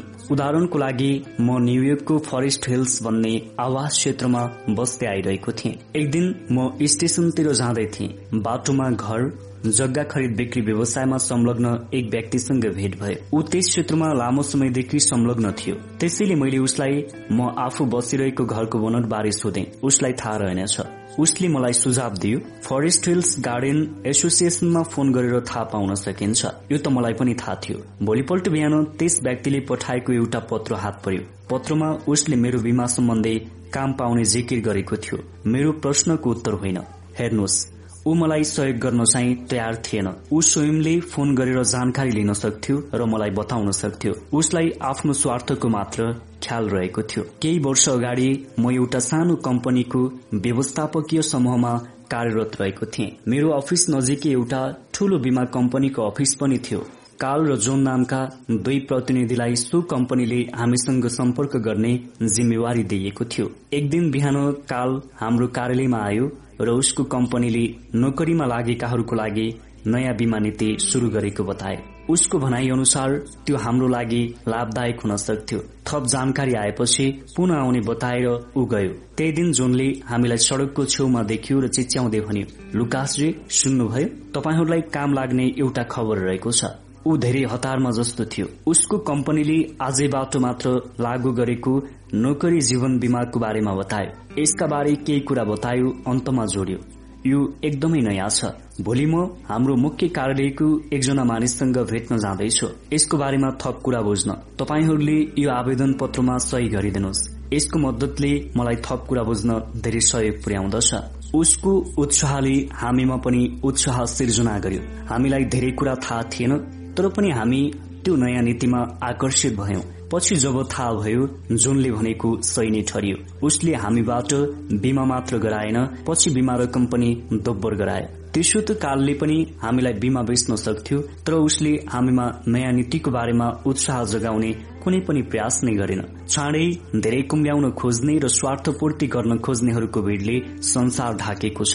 त्यसैले निस्वार्थ रूपले अरूको सेवा गर्न खोज्ने थोरै मानिसहरूको भागमा ठूलो सफलताको सम्भावना रहेको छ। उनीहरूको प्रतिस्पर्धा पनि थोरैसँग मात्र हुन्छ। अमेरिकाका एक व्यापारी तथा कानून व्यवसायी ओभेन योङले भनेका छन् आफूलाई अर्को व्यक्तिको स्थानमा उभ्याएर उसको दृष्टिकोणबाट परिस्थितिलाई हेर्न सक्ने मानिसहरूले आफ्नो भविष्यको बारेमा चिन्ता लिइरहनु पर्दैन। परिस्थितिलाई अरूको दृष्टिकोणबाट विचार गर्ने र उनीहरूको दृष्टिकोणबाट वस्तु र घटनालाई निहाल्न खोज्ने शिक्षा तपाईँले यस पुस्तक पढेर पाउनुभयो भने तपाईँको यो गुण तपाईँको सफल भविष्यको लागि एउटा महत्वपूर्ण आधार बन्नेछ। अर्काको दृष्टिकोणबाट हेर्ने उसलाई कुनै कुरामा उत्साह जागृत गराउने भन्नुको मतलब यो होइन कि तपाईँ उसलाई दुरूपयोग गरेर आफ्नो स्वार्थ सिद्ध गर्नुहोस् र परिणामस्वरूप उसले हानि खप्न परिराखोस्। सहमतिबाट दुवै पक्षलाई उत्तिकै फाइदा हुनुपर्छ। बर्मिलनलाई माथिको सुधारी अनुसारको चिठी पठाउँदै दुवै पक्षलाई फाइदा पुग्छ। त्यस्तै श्रीमती एन्डरसनको चिठीले बैंक र एन्डरसन दुवैलाई लाभ पुग्न गयो। बैंकले योग्य व्यक्ति पायो र श्रीमती एन्डरसनले उचित स्थान। जोन र लुकासको सम्बन्धमा पनि बीमाको कारोबारले दुवै पक्षलाई फाइदा पुर्याएको थियो। यस्तै अर्को उदाहरण अमेरिकाको एउटा तेल कम्पनीका स्थानीय सेल्सम्यान माइकल होडेनको लिन सकिन्छ। माइक आफूलाई उच्च कोटीको सेल्सम्यान बनाउन चाहन्थे। तर एउटा स्टेशनको संचालकले सरसफाईमा ध्यान नदिएकोले त्यहाँ बिक्री वितरणमा समस्या उत्पन्न भइरहेको थियो। वातावरणमा सुधार ल्याउन गरेको कुनै पनि प्रकारको अनुरोधलाई पनि त्यो संचालकले वास्ता गरेको थिएन। आजित भएर माइकले एक दिन त्यो व्यक्तिलाई नजिकैको अर्को स्टेशनको भ्रमणमा लगे। त्यहाँको सुविधा र व्यवस्थापनले चाहिँ उसलाई साँच्चै प्रभावित गर्यो। माइक अर्को पटक त्यहाँ जाँदा पूरा वातावरणमै परिवर्तन भएको पायो। फलस्वरूप तेल बिक्रीमा वृद्धि भयो। अर्को स्टेशनको वातावरणले उत्पन्न गरेको उत्साहले त्यो स्टेशनको संचालक र माइक दुवैलाई फाइदा पुग्न गयो। धेरैजसो व्यक्ति कलेजमा साहित्य र दर्शनका सिद्धान्त र गणितका सूत्रहरूको ज्ञान हासिल त गर्दछन् तर उनीहरूलाई आफ्नै मनले कसरी काम गरिराखेको हुन्छ भन्ने चाहिँ पटक्कै ज्ञान हुँदैन। उदाहरणको लागि म एकपटक एउटा विश्वविद्यालयमा स्नातकहरूलाई प्रभावकारी अभिव्यक्ति र बोल्ने कलाको बारेमा व्याख्यान दिन गएको थिएँ। सहभागी मध्ये एउटालाई बास्केटबल खेल्ने इच्छा लाग्यो। उसले साथीहरूसँग अनुरोध पनि गर्यो फुर्सदको समयमा खेल्नको लागि। उसको अनुरोधको बेहोरा यस्तो थियो मेरो इच्छा छ आज साँझ बाहिर जाउँ र बास्केटबल खेलौं। मलाई बास्केटबलमा औधी रुचि छ। हिजो अस्ति खेल्न गएको खोइ खेल्ने मान्छे कोही थिएनन्। हामी दुई तीनजनाले एकछिन बल उफार्यौं हिजो बेलुका। मेरो आँखामा चोट लाग्यो। आज बेलुका हामी सबै खेल्न जाउँ भन्ने मेरो चाहना रहेको छ। उसले अरूको इच्छाको बारेमा कुरा गर्यो। तपाईँ जानुहुन्छ? कोही पनि जाँदैन। फेरि कसैलाई आफ्नो आँखामा चोट लगाउनु पनि छैन। उसले अरू नै तरिकाबाट साथीहरूमा उत्साह जगाउन सक्थ्यो तर त्यस्तो प्रयास नै गरेन। प्रोफेसर ओभर स्ट्रिटको भनाइलाई फेरि दोहोऱ्याउँदछु यहाँ। प्रथमत अर्को व्यक्तिको मनमा कामप्रति उत्कृष्ट चाहना उत्पन्न गर्नुहोस् जो यति गर्न सक्दछ। उसको लागि सारा संसार उसको साथ हुन्छ। जो यति गर्न सक्दैन ऊ सबैबाट एक्लिन पुग्छ। एउटा ट्रेनिङ कोर्समा सहभागी एक व्यक्ति आफ्नो छोराले खाना नखाएर उसको तौल घटेकोमा साह्रै चिन्तित थिए। उसका आमा बुबाले गाली गरे हप्काए फकाए उसलाई। आमाको लागि यति खाइदेऊ छोरा बुबाको लागि यति खाउ छोरा। तर केटोले कुनै कुरालाई पनि मतलब गरेन। खानलाई अस्वीकार गरिरहे। तीस वर्षको बाबुको दृष्टिकोणलाई तीन वर्षको छोराले नबुझ्नु कुनै अचम्मको कुरा होइन। तर बाबु चाहिँ तीन वर्षको छोराको दृष्टिकोणबाट पनि हेर्न सकिरहेको थिएन। बल्ल बाबु चाहिँको आँखा खुल्यो र आफैलाई सोध्न थाल्यो आखिर कुरा के हो? ऊ के चाहन्छ र उसले पत्तो पनि लगायो समस्याको जड। केटुसँग एउटा साइकल थियो। घर अगाडिको सानो सड़कमा साइकल चलाउन केटु औधी मन पराउँथ्यो। तर जब ऊ साइकल लिएर बाहिर आउँथ्यो नजिकै बस्ने अर्को ठूलो बलियो केटोले साइकल खोसिदिन्थ्यो प्रत्येक पटक आमा चाहिँले साइकल मागेर ल्याइदिनु पर्थ्यो र यस्तो घटना हरेक दिन जसो घट्ने गर्दथ्यो। यस्तो कुराको जड पत्ता लगाउन कुनै सर्लक होम्स जस्तो भयंकर जासुस चाहिँदैन। उसको गर्व अहंकार र स्वाभिमान त्यस ठूलो केटासँग बदला लिनको लागि प्रेरित गरिरहन्थ्यो। बाबु चाहिँले उसलाई के बतायो भने यदि उसले उसकी आमाले दिएको खानेकुरा पुरै खाइदियो भने ठूलो भएपछि ऊ सजिलैसँग त्यस केटालाई पिट्न सक्षम हुन्छ। उसको साइकल पनि त्यस केटोले खोज्न सक्दैन। यो आश्वासनसँगै खानाको समस्या तत्काल हल भइहाल्यो। चाँडो चाँडो ठूलो र बलियो हुनको लागि ऊ हरेक खानेकुरा खान थाल्थ्यो। त्यो सानो केटाको अर्को समस्या थियो। राति ओछ्यानमा पिसाब गर्थ्यो। ऊ सधैँ उसको हजुरआमासँग सुत्ने गर्थ्यो। बिहान उठ्ने बित्तिकै हजुरआमाले ओछ्यान छाम्थिन् त चिसो हुन्थ्यो। अनि भन्थिन् अरे राति के गरेको बाबु? ऊ प्रतिवाद गर्थ्यो। के? मैले होइन। आफैले होला अनि? गाली पिटाई हप्काई कुनै उपचार लागेन। उसलाई सम्झाउन पनि खोजे कि उसले ओछ्यानमा पिसाब गरेको? उसको आमा बुबालाई मन पर्दैन तर उपचार लागेन। अब उनीहरू स्वयंलाई सोध्न लागे यो केटालाई कसरी यसमा प्रेरित गर्ने? उनीहरूले यसको चाहना पत्ता लगाए पहिलो ऊ बाबुसाईले जस्तै पाइजामा लगाउन चाहन्थ्यो। आमाको जस्तो गाउन होइन। दोस्रो ऊ आफ्नो छुट्टै बिछ्याउन चाहन्थ्यो। उसको दुवै माग पूरा गरिने भयो। उसकी आमाले उसलाई डिपार्टमेन्ट स्टोर लगिन् र सेल्स गर्ललाई आँखाले संकेत गर्दै भनिन् यहाँ एकजना सानो भद्र व्यक्ति केही कुरा किन्न चाहनु हुँदैछ सेल्स गर्लले पनि केटाको स्वाभिमानलाई महत्व दिँदै भनिन् महोदय यहाँलाई के चाहिएको होला? ऊ पनि आफूलाई अलिकति तन्काएर अग्लो हुँदै फुर्ती साथ बोल्यो म आफ्नो लागि बिछ्यौना किन्न चाहन्छु। उसलाई उसकी आमाले किन्दिन चाहेको बिछ्यौना देखाइन्। सेल्स गर्लले राम्रो छ भने उसलाई आश्वासन पनि पारिन्। भोलिपल्ट बिछ्यौना आइपुग्यो। बेलुका केटोले बाबु चाहिँ आउने बित्तिकै सुनायो। बाबा बाबा माथि आउनुहोस् न। मैले आज मेरो बिछ्यौना किनेर ल्याएको छु। बिछ्यौना हेर्दा बाबु चाहिँले चाल स्वापको सुझावलाई सम्झ्यो। समर्थन हृदयबाटै गर। प्रशंसा गर्न कन्जुस्याइ नगर। त्यसैले भन्यो बा धेरै राम्रो। यसमा त पिसाब नगर्ने होला नि? अह यसमा त पिसाब गर्दै गर्दैन। उसको बाछा नै थियो। किनभने उसको स्वाभिमान पूरा भएको थियो यहाँ। उसको आफ्नो बिछुना आफैले किनेको र ऊ लगाएर सुत्ने भएको थियो। ऊ आफूलाई बेस्करको जस्तो रूपमा ठान्न चाहन्थ्यो। अर्का एकजना थिए इन्जिनियर। उनको समस्या थियो छोरीले बिहानको नास्ता नखाइदिने। गाली पिटाई फकाई फुलाई सब व्यर्थ भइसकेको थियो। उनीहरू सोच्न थाले कसरी यस केटीलाई खाने इच्छा जगाउने भनेर। यो सानी केटी आफूलाई आमा चाहिँ जस्तै ठूलो भएको अनुभूति गर्न चाहन्थे। आमाको नक्कल गरेर। एक दिन उनीहरूले केटीलाई कुर्सीमा बसाइदिए र आफ्नो नास्ता आफै बनाउने मौका दिए। बाबु चाहिँलाई देखेपछि उसले भने बाबा बाबा आज त म आफैले बनाएको नास्ता खाने। उसले त्यस दिन झन्डै दोब्बर जति नास्ता किनभने उसलाई यसमा विशेष इच्छा लागेको थियो। उसलाई आफ्नो महत्वको अनुभव भएको थियो। यो उसको आत्म अभिव्यक्ति थियो। विलियम विन्टरले भनेका छन् आत्म अभिव्यक्ति मानव प्रकृतिको प्रमुख आवश्यकता हो। यो मनोविज्ञानलाई जीवनका अन्य व्यवहारमा पनि लागू किन नगर्ने?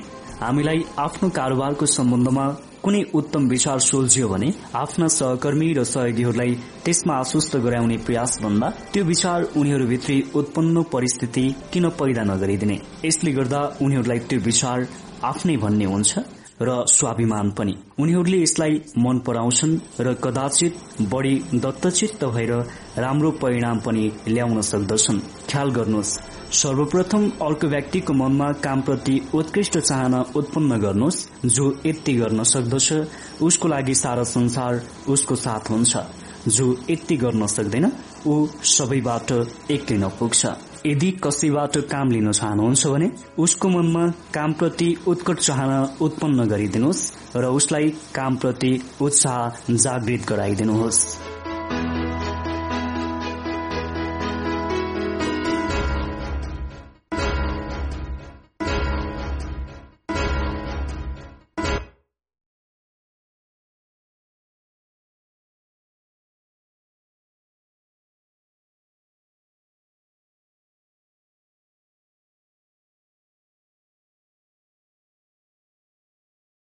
हामीले अघिल्लो भागमा प्रस्तुत गरेका थियौं। सक्नेहरूको साथमा संसार छ। यदि तपाईँले कसैबाट काम लिन चाहनुहुन्छ भने उनीहरूको मनमा उत्सुकता उत्पन्न गरिदिनुहोस् भन्ने हामीले अघिल्लो भागमा सिकेका थियौं। अघिल्लो भागमा सिकेका कुराहरू हामीले सारांशमा प्रस्तुत गर्दैछौ। सूत्र नम्बर एक आलोचना तिरस्कार र असन्तुष्टि व्यक्त नगर्नुहोस्। भाग तीनमा सिक्यौं हामीले सूत्र नम्बर दुई। इमान्दार र निष्कपट प्रशंसा गर्नुहोस्। त्यस्तै भाग चारमा हामीले सिक्यौं सूत्र नम्बर तीनबाट मनमा कामप्रति उत्कट चाहना उत्पन्न गरिदिनुहोस्। अब हामीले प्रस्तुत गर्दैछौ मानिसहरूको प्रिय बन्ने छ तरिकाहरू के के हुन् त? यस्ता कामहरू गर्नुहोस् जसको कारणले तपाईँ जताततै स्वागत पाउनुहुन्छ। साथीहरूको मन कसरी जित्ने भन्ने जान्न यो किताब किन पढ्ने? संसारमा साथीहरूको मन जित्नमा सर्वश्रेष्ठ विजेताले अप्नाउने तरिका नै किन नपढ्ने? ऊ को हो? तपाईँ उसलाई घर अगाडि बाटो वा जताततै भेट्न सक्नुहुन्छ। तपाईँ उसको दश हात पर छँदै देखिए ऊ पुच्छर हल्लाउन थालिहाल्छ। अझ तपाईँ एकछिन अडिएर उसलाई प्याट्ट हिर्काउनु भयो भने ऊ तपाईँलाई कति मन पराउँछ भन्ने देखाउन खुसीले उफ्रिएर छुट्टी गर्छ। तर उसको यो प्रेम प्रदर्शनमा कुनै पनि स्वार्थ लुकेकै हुँदैन। यो तपाईँ हामी सबैलाई थाहा नै छ। उसले तपाईँलाई कुनै जग्गा बेच्नु पनि छैन न उसलाई तपाईँसँग बिहाबारीको सम्बन्ध जोड्नु नै छ। कुकुर मात्र एउटा यस्तो जनावर हो जसले आफ्नो जीवन निर्वाहको लागि कुनै त्यस्तो केही काम गर्दैन भन्ने कुरा तपाईँले कहिले सोच्नु भएको छ कुखुरीले फूल पार्दछ गाईले दुध दिन्छ र सुगाले गीत गाउनु पर्दछ। तर कुकुर तपाईँलाई माया गरेकै भरमा मात्र आफ्नो जीवन निर्वाह गर्दछ। म पाँच वर्षको हुँदा मेरो पिताले पहेँलो रङको भुत्ला भएको एउटा कुकुरको छाउरो किनेर ल्याउनु भएको थियो। त्यो छाउरो मेरो बाल्यकालको आनन्दको स्रोत नै थियो। हरेक दिन ठिक साढे चार बजे ऊ घर अगाडि आँगनको छेउमा बसेर आफ्ना सुन्दर आँखाहरू अगाडिको बाटोमा ओछ्याइरहन्थ्यो र जब ऊ मलाई देख्थ्यो अथवा मेरो बोली सुन्थ्यो गोली छुटे जसरी सासै फिर्न बिर्सेर दौडिँदै खुसीले उफ्रिँदै मेरो स्वागतको लागि कुइ कुइ गर्दै मेरो खुट्टामा लुटपुटिन आइपुगिहाल्थ्यो। हामीले उसको नाम टिप्पी राखेका थियौं। टिप्पी पाँच वर्षसम्म अभिन्न मित्र रह्यो र एक दिन एउटा दुःखद क्षण आयो। यो क्षण मैले आजसम्म भुल्न सकेको छैन। मेरै आँखा अगाडि दस हात जति पर चट्याङ परेर उसको तत्काल मृत्यु भयो। टिप्पीको मृत्यु मेरो बाल्यकालको ठूलो वियोग थियो। टिप्पी तिमीले मनोविज्ञानको किताब कहिल्यै पढेनौ तिमीलाई जरुरी पनि थिएन। तिमीलाई एउटा दिव्य ज्ञान थियो यसै ज्ञानको आधारमा तिमी दुई महिनामै मानिसको अभिन्न मित्र भयो।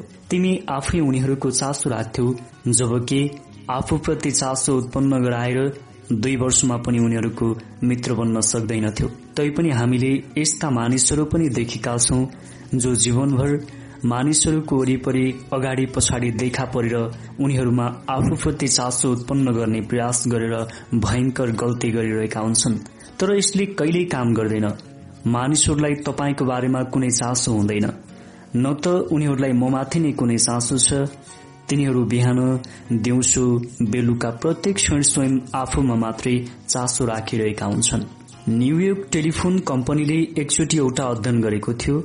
अध्ययनको उद्देश्य टेलिफोन कुराकानीमा सबभन्दा बढ़ी पटक प्रयोग हुने शब्द पत्ता लगाउनु थियो। तपाईँले सही अनुमान गर्नुभयो होला। यो व्यक्तिवाचक सर्वनाम म थियो। पाँच सयवटा टेलिफोन वार्तामा म शब्द तीन हजार नौ सय पटक प्रयोग भएको थियो। तपाई आफू समेत भएको समूह फोटोमा सबभन्दा पहिले कसको फोटो हेर्नुहुन्छ? यदि हामी मानिसहरूलाई प्रभाव पार्ने र आफूप्रति चासो उत्पन्न गर्ने प्रयास मात्र गर्दछौ भने हाम्रो कोही पनि वास्तविक मित्र हुँदैनन्। वास्तविक र सही साथी यो तरिकाबाट बनाइँदैन। नेपोलियनले यस्तो प्रयास गरेका थिए जोसिफाइनसँगको अन्तिम भेटमा उनले भनेका थिए जोसेफाइन पृथ्वीमा म कोही पनि मानिसभन्दा कम्ती भाग्यमानी भएन।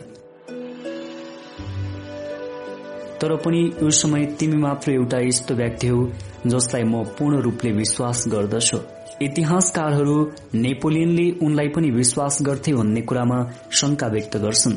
भियनाका प्रसिद्ध मनोवैज्ञानिक Alfred एडलरले what life should mean to you भन्ने पुस्तक लेखेका थिए। पुस्तकमा उनले भनेका छन् साथीहरूमा चाख नराख्ने मानिसहरू नै आफ्नो जीवनमा समस्याहरू निम्त्याउँछन् र अरूलाई पनि कष्टमा पाउँदछन्।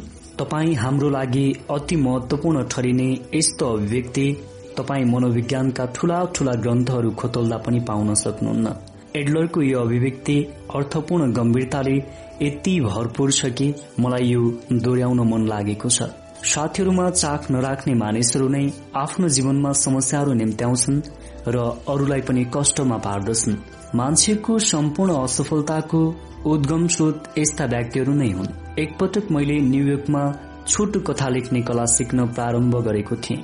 त्यहाँ एक प्रसिद्ध पत्रिकाका सम्पादकलाई प्रवचनका लागि निम्त्याइएको थियो।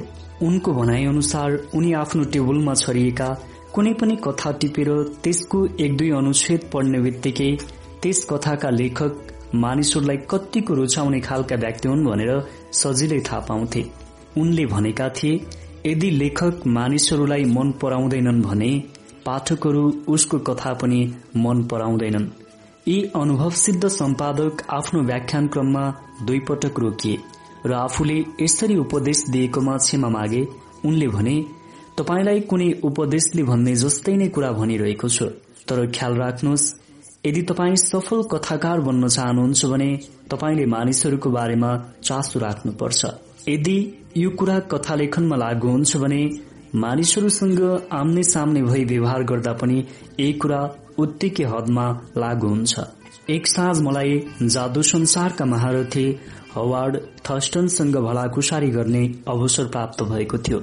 विगत चालिस वर्षमा उनले पटक पटक विश्व भ्रमण गरेका थिए। यसै क्रममा संसारका कुना कुनाका दर्शकलाई आफ्नो इन्द्रजाल र जादु मार्फत आश्चर्यचकित पार्दै प्रशस्त मनोरञ्जन दिए।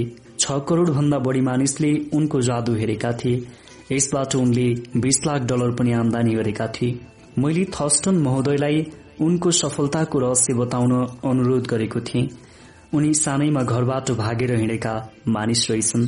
विद्यालय शिक्षाको कुनै योगदान थिएन उनको सफलतामा।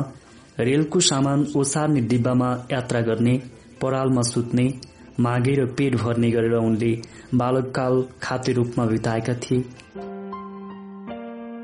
रेलका डिब्बाहरूमा लेखेका अक्षरहरू देखेर पढ्न सिकेका थिए उनले। उनलाई जादुको सर्वोत्कृष्ट ज्ञान थियो त थिएन। उनको भनाइ अनुसार जादुको हस्तकौशलबारे संयौं पुस्तकहरू लेखिएका छन्। धेरै मानिसहरूलाई उनले गरे जत्तिकै ज्ञान पनि छ र अझ बढी पनि छ कैयौंसँग त। तर उनीसँग थप दुई कुरा छन् जुन अरू मानिसहरूसँग छैन। पहिलो मञ्चको उज्यालोमा उभिएर आफ्नो व्यक्तित्व पस्किन सक्ने क्षमता उनमा थियो। उनी एउटा दक्ष चटके थिए। उनलाई मानव प्रकृतिको राम्रो ज्ञान थियो। उनले गरेका प्रत्येक हावभाव बोलीको उतार चढाव आँखी भाउको चाल आदि सबै पूर्वाभ्यासबाट दुरूस्त पारिसकेका हुन्थे। यसका अलावा थस्टनमा मानिसहरूप्रति गहिरो लगाव थियो।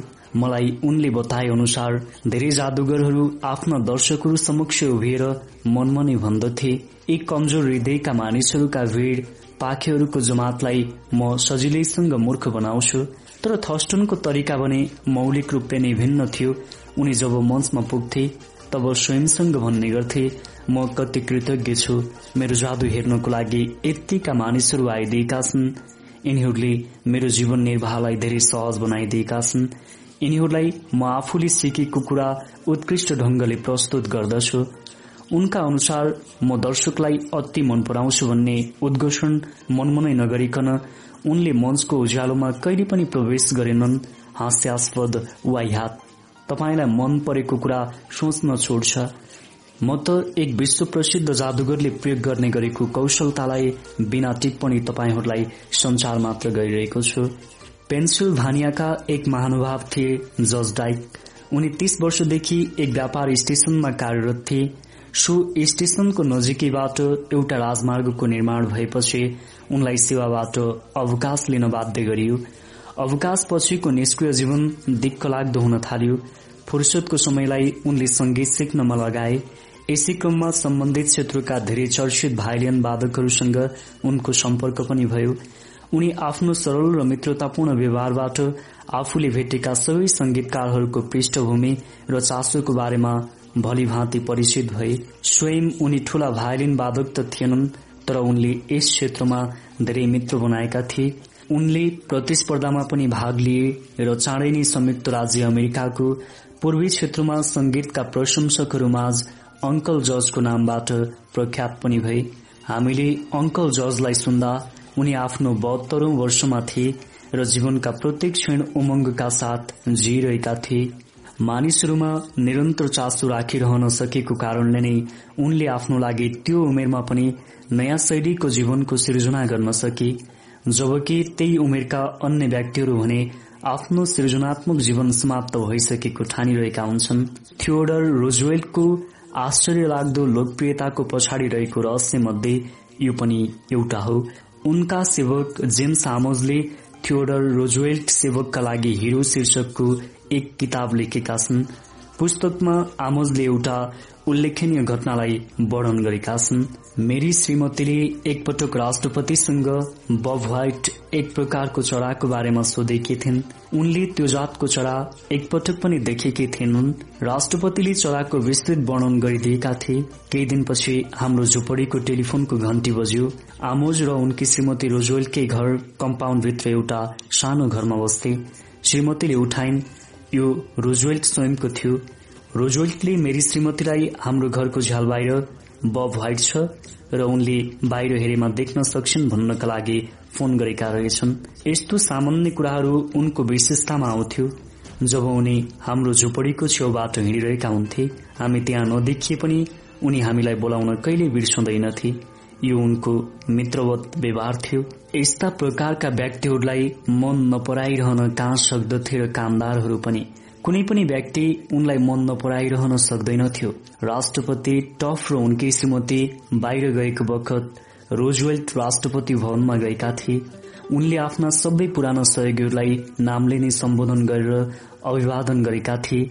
यहाँसम्म कि भाँडा माझ्ने एक महिलालाई समेत छुटाएनन्। यसबाट रोजवेल्टको सामान्य मानिसहरूप्रतिको स्नेह भाव झल्कन्थ्यो।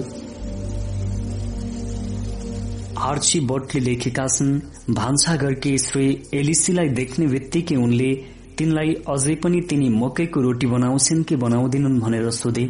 एलिसीले कामदारको लागि मात्र कहिलेकाहीँ पकाउने गरेको कुरा बताइन् किनभने तिनको अनुसार माथिल्लो तलामा बस्ने कोही पनि त्यस्तो रोटी खाँदैनथे।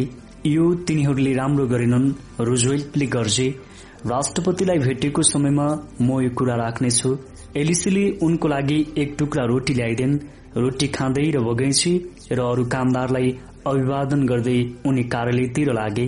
प्रत्येकलाई पहिले जसरी सम्बोधन गर्दथे त्यसै गरी सम्बोधन गरेका थिए। त्यस बखत पनि चालिस वर्षसम्म व्हाइट हाउसमा मर्यादा पालक रहेका एके हुकरले आँखाभरि आँसु पार्दै भने झण्डै दुई वर्षभित्रको यो मात्रै खुसीको दिन थियो। कोही पनि यो क्षणलाई सय डलरको मोलमा पनि त्याग्न तयार थिएनन्। न्यू जर्सी सेटहोमका एडवार्ड साइक एक कम्पनीमा बिक्री प्रतिनिधिको रूपमा कार्यरत रहेका थिए। कम्पनीका एक ग्राहकलाई नियमित ग्राहक बनाइराख्ने काममा उनलाई एक सामान्य व्यक्तिले सहयोग गरेका थिए। उनले बताए धेरै वर्ष अगाडि म मासाच्युसेट्स क्षेत्रमा ग्राहकहरूसँग भेट गर्न गएको थिएँ। त्यस्तै एक ग्राहक थिए औषधि पसलका मालिक। म सधैँ नै पसलका कारिन्दाहरूसँग एकछिन भलाकुसारी गरेर पसलका मालिकसँग अर्डरको लागि भेट्न जान्थे। एक दिन जब म त्यहाँ पुगे त्यसका मालिकले मलाई त्यति वास्ता गरेनन्। उनलाई लागेको रहेछ हाम्रो कम्पनीले तयारी खाद्य वस्तु र ठूला व्यापारीलाई महत्व दिएर उनीहरू जस्ता साना पसललाई व्यवस्था गर्न थालेको छ। म टाङमुनि पुच्छर लुकाएर लुरु लुरु फर्के। केही घण्टा यताउता रन्थनिएर फेरि पुगे त्यहाँ एकपटक फेरि प्रयास गर्न। सधैँ जसो कारिन्दाहरूलाई अभिवादन गर्दै म भित्र पुगे। अचम्म। यसपटक पसलका मालिक मलाई हेर्दै मुसुक हाँसे र मेरो स्वागत गरे। सामान्य भन्दा दोब्बर अर्डर पनि दिए उनले। मैले उनको अनुहारमा आश्चर्य हुँदै हेरे र सोधे आखिर यो केही घण्टाभित्र के भएछ? भनेर। भएको के रहेछ भने जब म बाहिर निस्के बाहिर पसलमा काम गर्ने एउटा युवा कारिन्दा भित्र पसेछ र भनेछ कि त्यहाँ त्यसरी कम्पनीको प्रतिनिधि बनेर आउने व्यक्तिहरू मध्ये म नै त्यस्तो एकजना रहेछु जसले ऊ र ऊ जस्ता कर्मचारीहरूलाई अभिवादन गर्ने गर्दथ्यो। उसले आफ्नो रोजगारदाताहरूलाई यदि कुनै सेल्सम्यानले उनीहरूको व्यापारलाई सम्मान गर्छ भने त्यो मनै हो भन्ने कुरा पनि बताएछ। पसलका मालिकलाई त्यस कुराले राम्रो प्रभाव गर्यो र ती एक विश्वस्त ग्राहकको रूपमा रहिरहे। हाम्रो कम्पनीको लागि पनि पसलका मालिकलाई त्यस कुराले राम्रो प्रभाव गर्यो र ती एक विश्वस्त ग्राहकको रूपमा रहिरहे। हाम्रो कम्पनीको लागि सेल्सम्यानको लागि नभई नहुने एउटा महत्वपूर्ण गुण जो कुनै व्यक्तिमा विशेष चाख राखिराख्न सक्नु नै हो भन्ने कुरालाई मैले कहिले पनि बिर्सन्न। सेल्सम्यानको लागि नभई नहुने एउटा महत्वपूर्ण गुण जो कुनै व्यक्तिमा विशेष चाख राखिराख्न सक्नु नै हो भन्ने कुरालाई मैले कहिले पनि बिर्सन्न।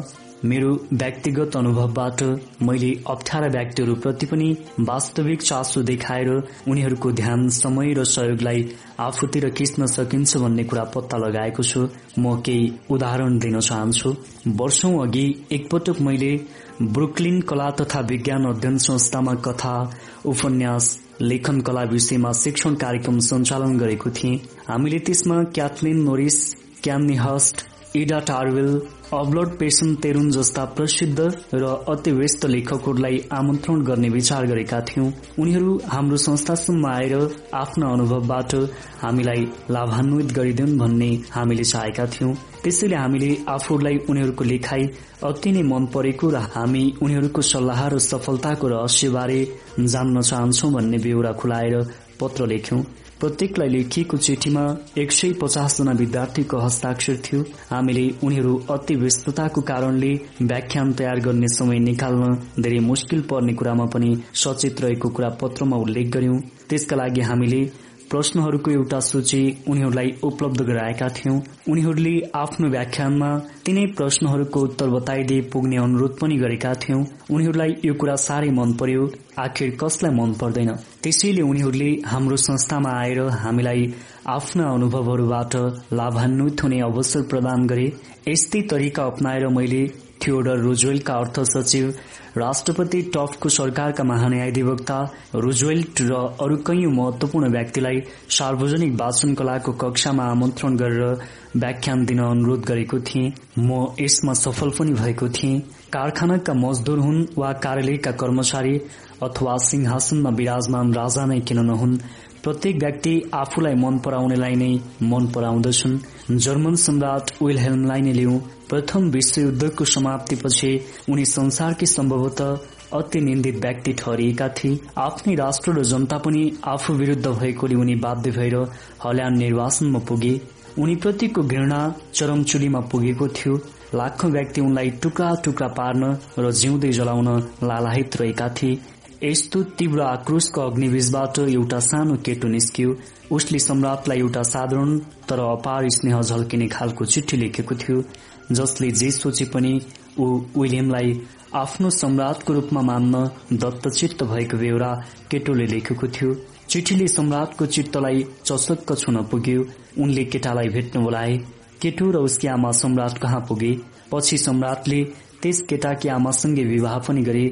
त्यस सानो केटाले साथीहरूको मन जित्ने र मानिसहरूलाई प्रभाव पार्ने कलाको कुनै पुस्तक पढेको थिएन। यो उसको स्वाभाविक प्रवृत्ति थियो। यदि हामी मित्रता बढाउन चाहन्छौ भने आफूलाई अर्काको लागि केही गर्न तयार राखौं। यसको लागि हामीलाई समय शक्ति निस्वार्थपन र सद्विचारको आवश्यकता पर्दछ। ड्युक अफ विन्सर वेल्सका राजकुमार भएको बेला उनको दक्षिण अमेरिकाको भ्रमणमा जाने कार्यक्रम बन्यो। भ्रमणमा जानु पूर्व ड्युकले स्पेनिस भाषा सिक्न लामो समय खर्च गरेका थिए। उनी दक्षिणी अमेरिकामा मानिसहरूसँग उनीहरूकै भाषामा कुरा गर्न चाहन्थे। यसले गर्दा उनलाई दक्षिण अमेरिकामा धेरै लोकप्रियता मिल्यो। वर्षौंसम्म मैले मेरा साथीहरूको जन्म मिति जानकारी लिने अभियान नै चलाएको थिएँ। मलाई ज्योतिष शास्त्रमा पटक्कै विश्वास नभए पनि म उनीहरूलाई जन्म मिति र व्यक्तिको चरित्र र आचरणको सम्बन्धमा कतिको विश्वास लाग्छ भनेर सोध्थे। त्यसपछि म उनीहरूसँग जन्म महिना र दिन सोध्थे। उसले बताएको समय म मनमा नै दोहोऱ्याएर सम्झनामा राखिराख्थे। मित्रको ध्यान अन्यत्री मोडिएको बेला म त्यो मिति हत्तपत्त टिपिहाल्थे र पछि जन्मदिन टिप्ने नोटबुकमा सार्थे। प्रत्येक वर्षको सुरुवातसँगै म ती जन्म मितिहरू मेरा क्यालेण्डर प्याडमा मिलाएर टिपिराख्थे। यसले गर्दा मलाई साथीहरूको जन्ममिति यथाक्रममा याद भइहाल्थ्यो। जन्मदिन आउँदै गर्दा चिठी वा टेलिग्राफ तयार भइसकेको हुन्थ्यो। तीर सोझै निशानामा नै लाग्थ्यो। प्राय जसो उनीहरूलाई सम्झेर शुभकामना पठाउने व्यक्ति त म मात्रै पो हुन्थे। यदि हामी कसैलाई मित्र बनाउन चाहन्छौ भने उनीहरूलाई उल्लास र उत्साह साथ अभिवादन गरौं। कसैले टेलिफोनमा सम्पर्क राखेको छ भने पनि यही मनोविज्ञानलाई प्रयोग गरौं। फोन गर्ने व्यक्तिलाई प्रसन्न बनाउने भाकामा हेलो भन्ने गर्नुहोस्। धेरै कम्पनीहरूले आफ्ना टेलिफोन अपरेटरलाई टेलिफोन सम्पर्कमा आउने व्यक्तिहरूलाई चासो र उत्साह मिश्रित स्वरमा अभिवादन गर्न तालिम दिएका हुन्छन्। फोनकर्ता महानुभावलाई कम्पनी आफूप्रति सौहार्द भएको अनुभूति हुन्छ। यस कुरालाई हामी अहिलेबाट मनन गर्न शुरू गरौं। अरूप्रति वास्तविक चासो देखाउने बानीले तपाईँले मित्रहरूको मन मात्र जित्नुहुन्न। तपाईँ कार्यरत कम्पनीको पक्षमा पनि ग्राहकलाई राम्रो आकर्षण गर्न सफल हुनुहुन्छ। यस कम्पनीप्रति मानिसको विश्वस्ततामा पनि अभिवृद्धि हुन्छ। न्यूयोर्कको नेशनल ब्याङ्क नर्थ अमेरिकाको प्रकाशनको एउटा अङ्कमा ब्याङ्कमा एक ग्राहकको नामबाट निम्न बेहोराको पत्र प्रकाशित गरिएको थियो। म तपाईँका कर्मचारीको कति प्रशंसा गर्दछु भन्ने तपाईँहरूले पनि थाहा पाउनुहोस् भन्ने चाहन्छु।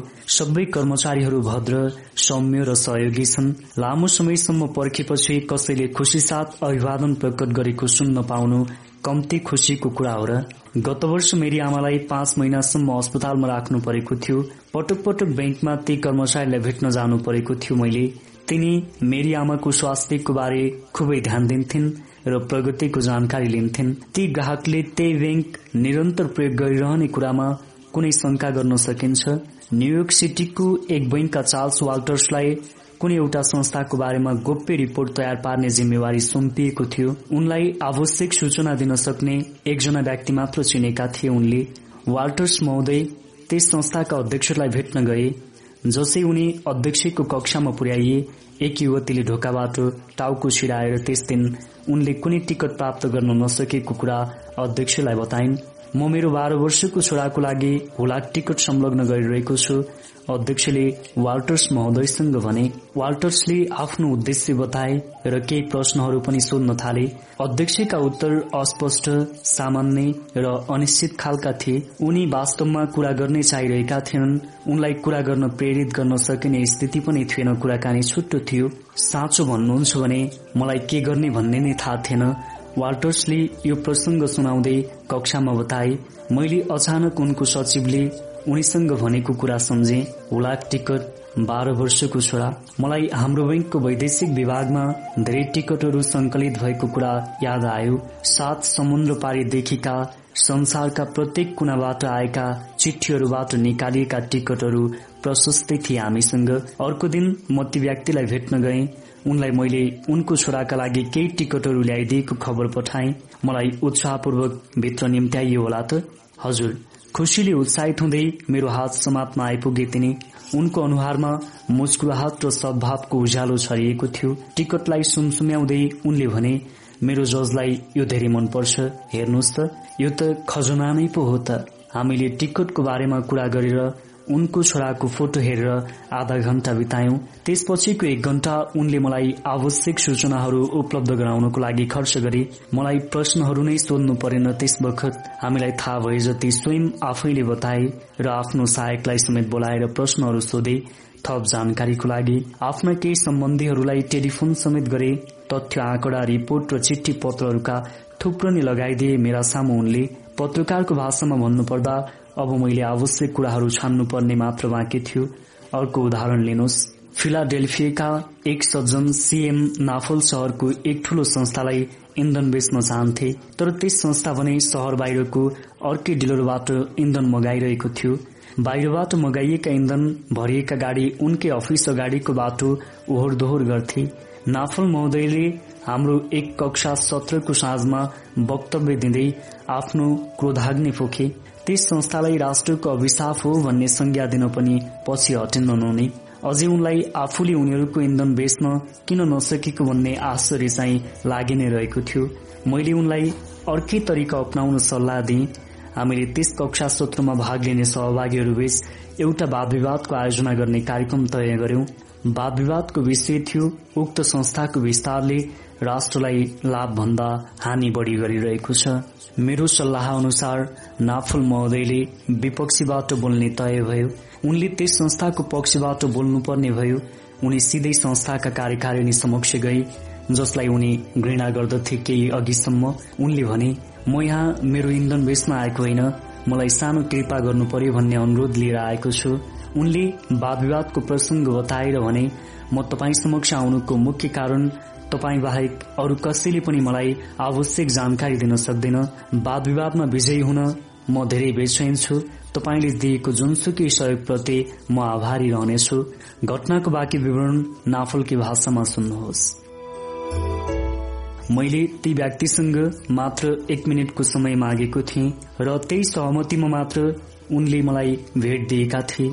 मैले मेरो समस्या बताएपछि उनले मलाई नजिकै सोफामा बस्नु भने र ठिक एक घण्टा सडचालिस मिनट समय दिए। संस्थाको बारेमा पुस्तक लेख्ने अर्का अधिकारीलाई पनि उनले त्यही बोलाए। उनले संस्थाको राष्ट्रिय संगठनलाई पत्र लेखे र विवादको लागि आवश्यक तथ्य समेटिएको प्रति मेरा लागि मगाइदिए। उनी आफ्नो संस्था मानवताको सच्चा सेवक हो भन्ने ठान्थे। आफ्नो कर्मप्रति उनलाई गर्व पनि थियो। कुराकानीको क्रममा मैले उनको आँखामा एक प्रकारको चमक पनि देखे। मैले कल्पना नै नगरेको विषयमा उनले मेरो आँखा खोलिदिए। उनले मेरो मानसिक धारणालाई नै रूपान्तरण गरिदिए। म बाहिर निस्कन लाग्दा ढोकासम्म मलाई छोड्न आए। र मेरो काँधमा हात राख्दै प्रतियोगिताको लागि मलाई शुभकामना पनि दिए। जाँदा जाँदै उनले मलाई अर्को पटक भेटेर मेरो प्रस्तुति कस्तो रह्यो भन्ने जानकारी गराउन पनि अनुरोध गरे। उनले भनेका अन्तिम शब्दहरू यी थिए। यो हिउँदको अन्त्यतिर मलाई एकचोटि फेरि भेट्नुहोस्। म तपाईँसँग इन्धनको आपूर्ति सम्बन्धी एउटा अर्डर गर्न चाहन्छु। मेरो लागि त्यो चमत्कार नै थियो। मेरो कुनै अनुरोध बिना नै मसँग इन्धन किन्ने भनिरहेको थिए। उनको समस्या र ऊ स्वयंमा वास्तविक चासो लिएर मैले दुई घण्टामा ठूलो प्रगति हासिल गर्न सकेको थिएँ। यति प्रगति मैले उनीहरूलाई म र मेरो उत्पादनमा चासो पैदा गराएर दश वर्षमा पनि गर्न सकिरहेको थिएन। नाफल महोदयले कुनै नयाँ सत्य उद्घाटित गरेका थिएनन्। क्राइस्टको जन्मभन्दा सय वर्ष अगाडि नै पब्लिसिस साइरस नामक रोमन कविले लेखेका थिए हामी अरू मानिसमा तब मात्र चासो राख्दछौ जब उनीहरू हामी प्रति चासो राख्दछन्। मानवीय सम्बन्धको अन्य सिद्धान्त जस्तै चासोका उद्घाटन पनि निष्कपट हुनुपर्दछ। यसको फाइदा चासो देखाउनेलाई मात्र हुनुहुँदैन। जसप्रति चासो राखिएको छ उसलाई पनि त्यत्तिकै मात्रामा हुनुपर्छ। यो दोहोरो हुनुपर्छ दुवै पक्षलाई लाभ पुग्नुपर्छ।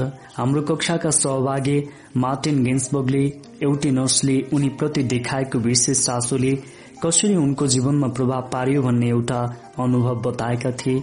त्यो दिन धन्यवाद ज्ञापनको दिन थियो। म दस वर्षको थिएँ।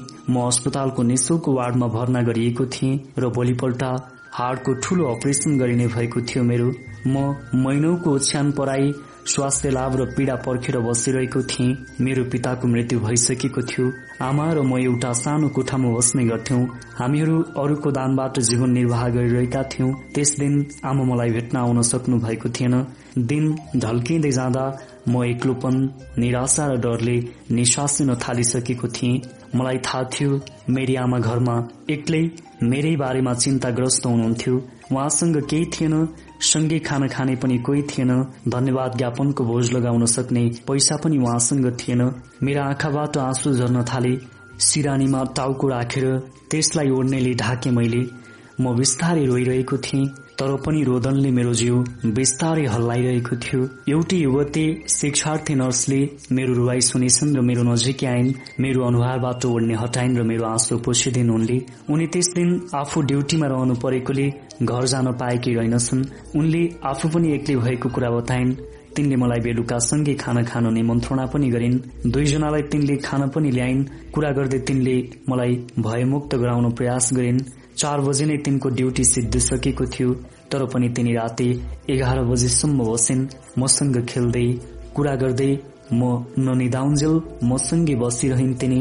धेरै धन्यवाद ज्ञापनका दिनहरू आउँदै जाँदै गरिसके प्रत्येक वर्ष तर त्यो दिन मेरो विरक्तिको त्यो क्षण डर र एक्लोपन अनि एक अपरिचितको न्यानो स्नेह म कहिल्यै बिर्सन सक्दिन। यदि तपाईँ अरू मानिसले आफूलाई मन पराउन् भन्ने चाहनुहुन्छ भने यदि तपाईँ वास्तविक मित्रता स्थापित गर्न चाहनुहुन्छ भने र यदि तपाईँ आफू स्वयंलाई सहयोग गर्दा गर्दै अरूलाई पनि त्यत्तिकै मद्दत पुर्याउन चाहनुहुन्छ भने उल्लेख गरिएको जीवन सूत्रलाई सधैँ ख्याल राख्नुहोस्। अरू मानिसप्रति सच्चा चासो राख्नुहोस्। अरूलाई माया गर्नुहोस्। अरूलाई जस्तो व्यवहार गर्नुहुन्छ। अरूलाई जति चासो दिनुहुन्छ। अरूले पनि तपाईँप्रति त्यति नै चासो र माया देखाउनेछन्।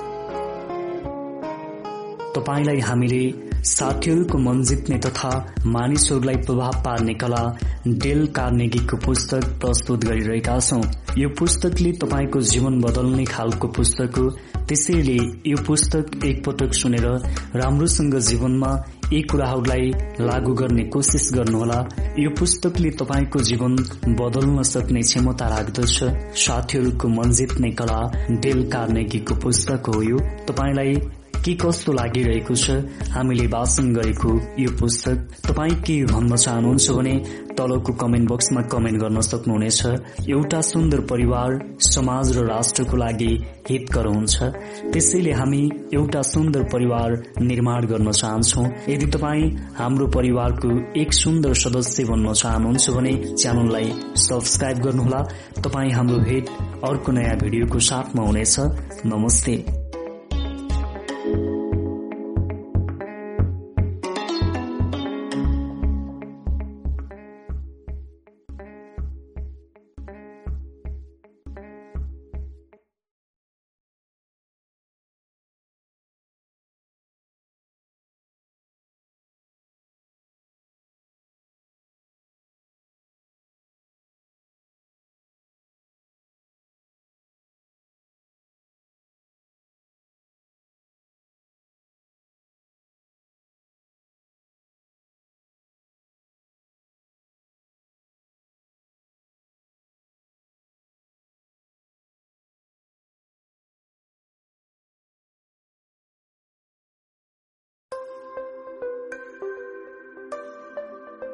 तपाईँले सुन्दै आउनुभएको पुस्तकको नाम हो साथीहरूको मन जित्ने तथा मानिसहरूलाई प्रभाव पार्ने कला डेल कार्नेगीको पुस्तक। हामीले अघिल्लो भागसम्म पाँचौं भागमा प्रस्तुत गरेका थियौं।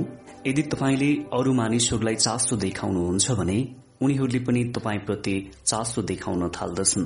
त्यसैले अरूप्रति चासो देखाउनुहोस् त्यो पनि सच्चा चासो देखाउनुहोस्। त्यस पश्चात मात्र तपाईँहरूले आफूले पनि अरूबाट चासो देखाएको त्यो भिजन प्राप्त गर्न सक्नुहुन्छ त्यो दृश्य प्राप्त गर्न सक्नुहुन्छ। अबको भागमा हामी प्रस्तुत गर्दैछौ पहिलो भेटमा उत्कृष्ट प्रभाव पार्ने सरल तरिकाहरू के के हुन् त? न्यूयोर्कमा एक साँझ भोजको कार्यक्रम थियो। त्यहाँ एक महिला आएकी थिइन्। उनलाई विरासतमा ठूलो धनराशि मिलेको थियो। उनलाई अरूहरूमा आफ्नो ठूलो धाग जमाउने प्रबल इच्छा थियो। वस्त्र आभूषणमा तिनले प्रशस्त पैसा खन्याएकी देखिन्थिन् तर तिनको अनुहारमा भने त्यस्तो कुनै भाव देखिँदैनथ्यो। सुसुक्ता र स्वार्थ झल्किन्थ्यो तिनको अनुहारमा। अनुहारमा झल्किने भाव ज्यानमा पहिरिने वस्त्राभूषण भन्दा कता हो कता महत्वपूर्ण हुन्छ भन्ने साधारण ज्ञान पनि तिनलाई थिएन। चाल स्वाबले एकपटक बताएका थिए उनको मुस्कान लाखौं डलर मूल्य बराबरको हुन्छ। उनलाई वास्तविकताको यथार्थ ज्ञान थियो।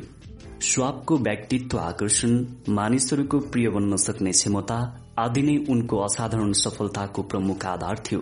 उनको मनमोहक मुस्कान उनको व्यक्तित्वको एउटा उत्कृष्ट अंग थियो। कथनी भन्दा करणीले धेरै कुरा प्रस्ट्याउँछ मुस्कानले व्यक्त गरिरहेको हुन्छ म तिमीलाई मन पराउँछ। तिमीले मलाई खुशी बनाउँछौ। तिमीलाई भेटेर मलाई ठूलो आनन्द आएको छ। यसै कारणले गर्दा कुकुर हामीलाई प्रिय लाग्दछ। हामीहरूलाई देख्ने बित्तिकै कुकुरहरू यति खुशी हुन्छन् कि मानौ यिनीहरू खुशीलाई नियन्त्रण गर्न नै सकिरहेका छैनन्। त्यसैले स्वाभाविक रूपले हामी यिनीहरूप्रति आकर्षित हुन्छौं। सानो नानीको मुस्कानले पनि त्यस्तै असर पैदा गर्दछ। डाक्टरलाई पर्खेर बसिरहेका मानिसहरूको भीड़मा उनीहरूको बेचैन मुद्राको उदास अनुहारलाई तपाईँले गौर गरेर हेर्नु भएको छ कहिले? पशु विशेषज्ञ स्टिफन एसपाउलले यस्तै एक दिनको घटना बताएका थिए। घरपालुवा जनावरलाई खोपाउन ल्याउने मानिसहरूको भीड़ थियो उनको क्लिनिकमा। कोही कसैसँग बोलिरहेको थिएन। त्यहाँ बसिरहेर समय बर्बाद गरिरहनुभन्दा उनीहरू सबै नै सायद विभिन्न कुराहरूमा आफ्ना मन डुलाइरहेका थिए। हाम्रो एक कक्षामा उनले बताए छ सातजना मानिसहरू पर्खेर बसिरहेका थिए। त्यहाँ एउटी युवती नौ महिनाको बच्चा बोकेर आफ्नो बिरालोलाई लिएर त्यहाँ आइन्। सौभाग्यवश तिनी एक सज्जन व्यक्तिको छेउमा बस्न पुगिन्। ती सज्जन व्यक्ति लामो पर्खाईबाट त्यति बढ्ता थकित थिएनन्। उनले त्यो नानीतिर आँखा लगाए। त्यो बच्चा उनैतिर हेरेर सुन्दर ढंगले मुस्कुराए। सामान्य रूपमा हामी सबै जस्तै ती सज्जन पनि बच्चातिर हेरेर मायालु पाराले मुस्कुराए। केही समयमा नै उनी र ती स्त्री बीचमा त्यो नानी र उनको नातिको बारेमा कुरा शुरू भइहाल्यो। साथै कोठामा बसेका सबै कुराकानीमा सहभागी हुन थाले। उदासी र तनावको क्षण एकैछिनमा रमाइलो र मनोरञ्जनपूर्ण अनुभवमा बदलियो। कपटपूर्ण जबरजस्ती मुस्कान होइन होइन यस्तो मुस्कानले कसैलाई पनि मूर्ख बनाउन सक्दैन। यसको यान्त्रिकता हामीलाई थाहा छ। हामीलाई यसको मतलब पनि छैन। म त वास्तविक र न्यानो मुस्कानको कुरा गरिरहेको छु। सबैले मन पराउने र भित्रबाट आएको स्वच्छ मुस्कानको कुरा गरिरहेको छु म। मिसिगन विश्वविद्यालयका मनोविज्ञानका प्राध्यापक जेम्स म्याकोनलले मुस्कानको बारेमा एउटा अभिव्यक्त व्यक्त गरेका छन्। उनका अनुसार मुस्कुराउन सक्ने व्यक्तिले शिक्षण व्यवस्थापन बिक्री व्यवसाय आदि सबै काम प्रभावकारी ढंगले गर्न सक्छ। उसले हुर्काएका केटाकेटी पनि उज्याला र स्वस्थ हुन्छन्। रिसाएको अनुहार भन्दा मुस्कानमा धेरै आफ्नोपन हुन्छ। त्यसैले पनि शिक्षण प्रक्रियामा सजायले भन्दा प्रोत्साहनले धेरै ठूलो सकारात्मक प्रभाव पार्दछ। न्यूयोर्कको एउटा ठूलो डिपार्टमेन्ट स्टोरका प्रबन्धकले मसँग के बताए भने उनी गम्भीर अनुहारको उच्च शिक्षा हासिल गरेको व्यक्ति भन्दा सामान्य लेखापढ़ी गरेको व्यक्तिलाई प्राथमिकता दिएर आफ्नो कार्यालयमा भर्ना गर्दछन्। यदि त्यो व्यक्तिसँग मनोहर मुस्कान छ भने नदेखिएको मुस्कानमा पनि धेरै शक्ति हुन्छ। युनाइटेड स्टेट्सका टेलिफोन कम्पनीहरू आफ्ना कर्मचारीलाई एउटा टेलिफोन शक्ति भन्ने कार्यक्रममा संलग्न गराउँदछन्। यो कार्यक्रम विशेष गरेर कम्पनीको सेवा र उत्पादन फोन मार्फत बेच्न बस्ने कर्मचारीलाई ध्यानमा राखेर बनाइएको हुन्छ। कार्यक्रममा उनीहरूलाई टेलिफोनमा कुरा गर्दा निरन्तर हँसिलो रहिरहन सल्लाह दिइन्छ। किनभने तपाईँको मुस्कान तपाईँको बोलीबाट नै प्रकाशित हुन्छ। ओहायोका एक कम्पनीका कम्प्युटर विभागका प्रबन्धकलाई एउटा पदमा नयाँ व्यक्ति भर्ना गर्नु थियो। सही व्यक्ति पाउन उनलाई धेरै मुस्किल परिरहेको थियो। कसरी आवेदकहरू मध्येबाट सही व्यक्तिको छनौट गरियो भन्ने विषयमा उनको अनुभव यस प्रकारको थियो। म मेरो कम्प्युटर विभागको लागि एक पीएचडी गरेको व्यक्ति भर्ना गर्न विग्रताको साथ इच्छुक थिएँ। अन्तमा मैले एक प्रसिद्ध विश्वविद्यालयबाट डिग्री लिन लागेको एक युवकलाई फेला पारे। उसमा आवश्यक योग्यता पर्याप्त थियो। टेलिफोनमा धेरै पटक कुराकानी पश्चात मलाई के पनि ज्ञान भयो भने ती व्यक्तिलाई मेरो भन्दा ठूला र राम्रा कम्पनीहरूले पनि सम्पर्क गरिराखेका रहेछन्। जब उनले मेरो प्रस्तावलाई स्वीकारे मलाई बडो खुसी पनि लाग्यो। काम शुरू गरिसकेपछि मैले उनलाई किन यही कम्पनी नै रोजेको त? भन्ने प्रश्न पनि गरे। ऊ एकछिन टक्क रोकियो र जवाब दियो खासमा कारण के हो भने अरू कम्पनीका प्रबन्धकहरू टेलिफोनमा शुष्क र व्यावसायिक हैसियतमा कुरा गर्दथे। यसले मलाई उनीहरू कुनै व्यावसायिक कारोबारमा संलग्न छन् भन्ने जस्तो अनुभव भयो। तपाईँको बोलीबाट तपाईँ मलाई सुनेर खुशी हुनुभएको जस्तो लाग्थ्यो। तपाईँ मलाई आफ्नो संस्थाको अंगको रूपमा स्वीकार्न चाहिरहनु भएको थियो। वास्तवमा म अझै पनि टेलिफोनमा कुरा गर्दा सधैँ नै मुस्कुराइरहेको हुन्छु। संयुक्त राज्य अमेरिकाको एक विशाल रबर कम्पनीका संचालक समितिका अध्यक्षले मसँग बताएका थिए आजसम्मको उनको अनुभव अनुसार आफूले गरिरहेको काममा आनन्दित हुन नसक्ने व्यक्ति त्यो काममा सायदै सफल हुन्छ। उद्योग व्यवसायका यी अनुभवी व्यक्तिलाई कड़ा परिश्रम मात्रै सफलताको एकमात्र कुञ्जी हो भन्ने पुरानो कहावतमा त्यति विश्वास छैन। उनी भन्छन् आफ्नो व्यवसायमा दत्तचित्त भएर लागि पर्ने मानिसहरू नै सफल भएको देखेको छु। जब व्यवसाय रुचिकर हुन छाड्छ जब उनीहरूलाई काममा कुनै आनन्द आउँदैन तिनीहरू असफल भएर जान्छन्। यदि तपाईँ अरूहरूले तपाईँलाई सौहार्दपूर्वक भेट गरून् भन्ने चाहनुहुन्छ भने तपाईँ पनि उनीहरूसँग सौहार्द ढंगले प्रस्तुत हुन सिक्नुहोस् मैले हजारौं व्यवसायीहरूलाई एक हप्तासम्म प्रत्येक घण्टा केही न केही व्यक्ति सम्मुख सूक्ष्म रूपले मुस्काउने अभ्यास गर्न र यसको प्रतिफल बारे पछि कुनै कक्षामा आएर बताउन पनि अनुरोध गरेको छु। न्यूयोर्कका शेयर व्यवसायी विलियम स्टेनहार्टको यस्तै एउटा पत्र प्राप्त भएको छ। उनी एक अपवाद होइनन् बरु सयौं यस्ता उदाहरणको नमूना मात्र हुन्। स्टेनहार्ट लेख्छन् मेरो विवाह भएको अठार वर्ष भयो। यो अवधिभर प्रत्येक दिन बिहान उठेर काममा ननिस्कुञ्जेलसम्म मैले पत्नीसँग मुस्किलले दुई दर्जन शब्द बोले हुला। बिरलै मुस्कुराए हुला। शहरमै म जस्तो रूख व्यक्ति पाउन गाह्रो थियो भन्ने मलाई लाग्छ। जब तपाईँले मलाई मुस्कानको प्रतिफलबारे आफ्नो अनुभव बताउने अनुरोध गर्नुभयो मैले एक हप्ता यसको अभ्यास गर्ने विचार गरे। हिजो बिहान कपाल कोरिरहँदा मैले ऐनामा आफ्नो गम्भीर थुतुनलाई हेरे र मनमनै भने बिल आज यो उदास मुकुण्ड फुकाल र मुस्कुराउने प्रयास गर। अहिलेबाटै शुरू गरिहाल। नास्ताको लागि बस्ने मैले पत्नीलाई शुभ प्रभात प्रिय भनेर सम्बोधन गरे। यसो भनिरहँदा म मन्द मन्द मुस्कुराइरहेको थिएँ। तपाईँले मलाई सचेत गराउनु भएको थियो। यस्तो क्रियाकलापले उनलाई आश्चर्यमा पार्छ भनेर। तपाईँले उनको व्यवहारलाई कम आँक्नुभयो तिनी छटपटाइन् तिनी झस्किन्। मैले उनलाई प्रत्येक दिन उनले यस्तो व्यवहार देख्न पाउने आश्वासन दिए र यसलाई जारी नै राखे। मैले आफ्नो स्वभावमा गरेको परिवर्तनले विगतको वर्षमा आउन नसकेको सुख शान्ति दुई महिनाभित्र नै प्राप्त गर्न सकियो।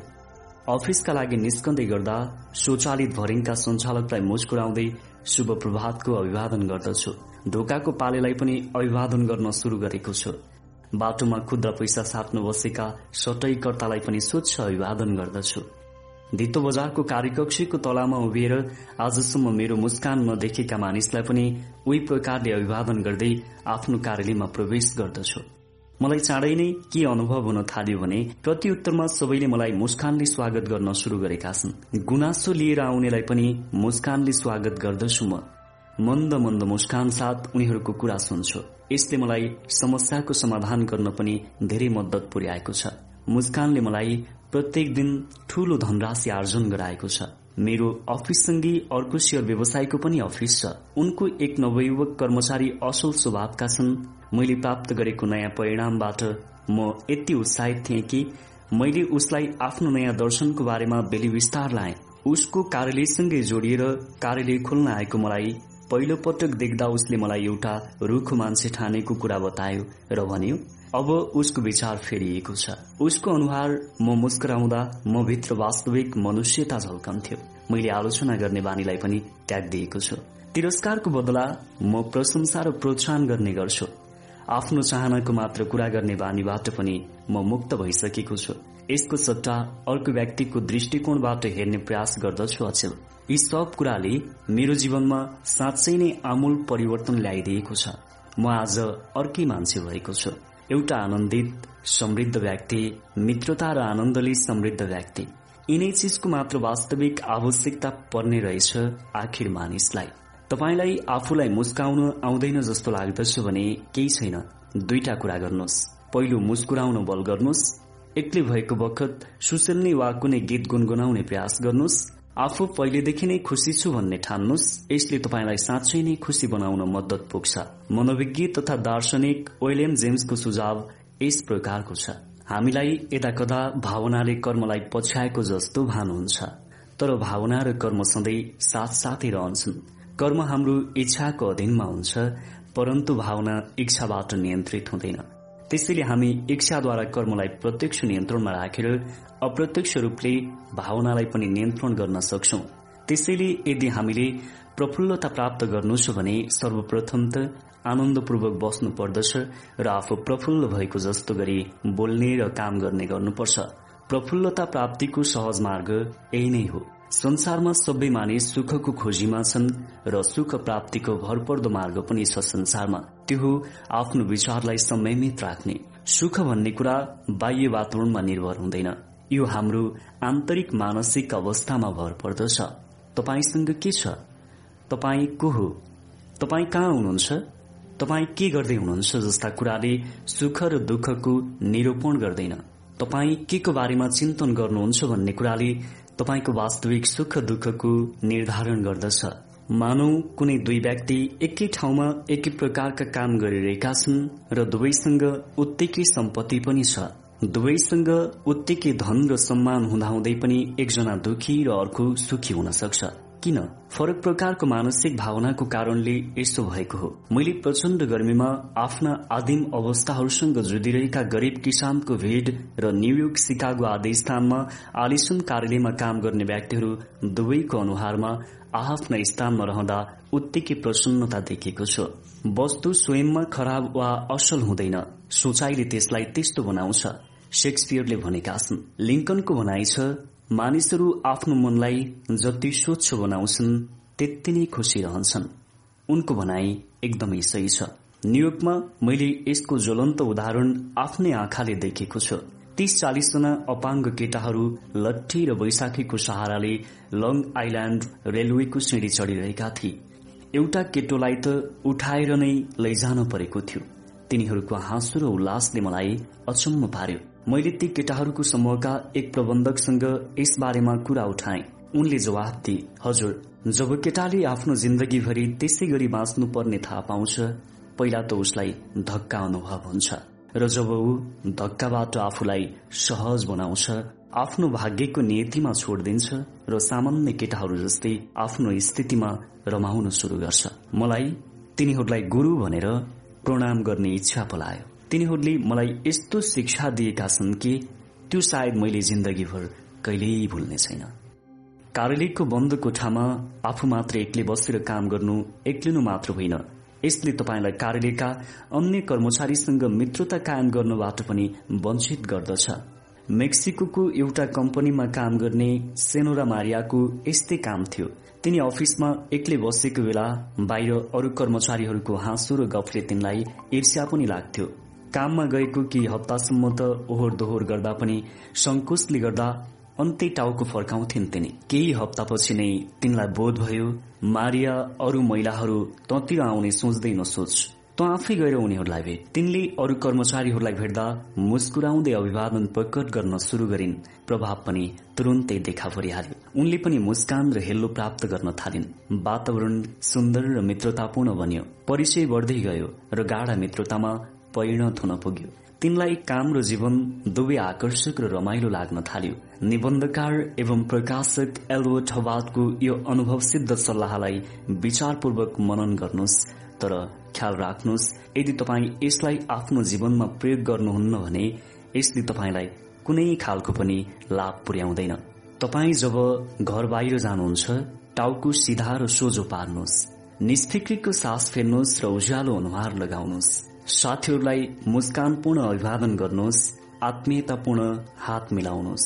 गलत रूपले बुझिने हो कि भनेर नडराउनुहोस्। आफ्ना शत्रुहरूको बारेमा सोचेर एक क्षण पनि खेर नफाल्नुहोस्। आफूले गर्न लागेको कुरामा मनलाई स्थिर गर्नुहोस्। त्यसो भएमा तपाईँ बाटो नबिराई आफ्नो गन्तव्यमा पुग्नुहुन्छ। आफूले गर्न चाहेको महान कार्यमा मन लगाइरहनुहोस् हेर्दै जानुहोस्। यसले गर्दा एवं रूपले दिनहरू बित्दै जाने क्रममा तपाईँको आकांक्षाले साकार रूप लिन पुगिसकेको हुन्छ। आवश्यक र महत्वपूर्ण अवसरहरूमा तपाईँको हात परिसकेको तपाईँलाई पत्तो नै हुँदैन।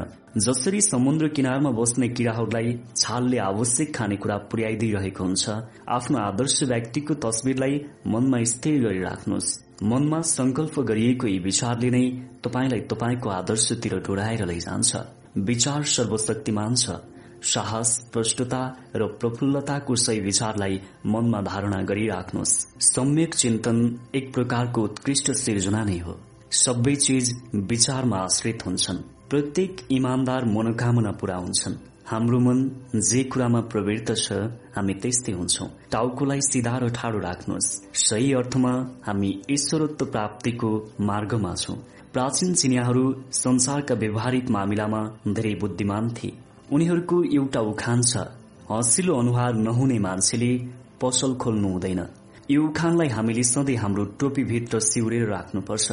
तपाईँको मुस्कान तपाईँको सदीक्षाको सन्देश वाहक हो। तपाईँलाई भेट्ने सबैलाई यसले उज्यालो प्रदान गर्दछ। उदास क्लेशयुक्त रिसाएको र मुर्झाएको अनुहार धारणा गरेका दर्जनौं व्यक्तिलाई तपाईँको मुस्कान बादलको बीचबाट चिहाएको सूर्य जत्तिकै प्रभावकारी बन्न सक्छ। विशेष गरेर आफ्ना हाकिम ग्राहक शिक्षक अभिभावक अथवा केटाकेटीबाट हैरान भएका व्यक्तिहरूलाई यस्ता मुस्कानले निराशाबाट मुक्त हुने ठूलो मद्दत पुर्याउँछ। संसारमा अझै उज्यालो र उल्लास प्रशस्त बाँकी छ भन्ने बोध गराउँदछ। केही वर्ष अगाडि न्यूयोर्कको एउटा डिपार्टमेन्ट स्टोरले क्रिसमसको समयमा यस प्रकारको व्यवहारिक ज्ञान युक्त विज्ञापन आफ्ना पाठकहरू माझ प्रस्तुत गरेको थियो। क्रिसमसमा मुस्कानको मूल्य। यसको लागि कुनै खर्च गर्नु पर्दैन परन्तु यसले सृजना धेरै गर्दछ। यसले दातालाई कुनै बेफाइदा नपुर्याइकन प्रापकलाई समृद्ध बनाउँदछ।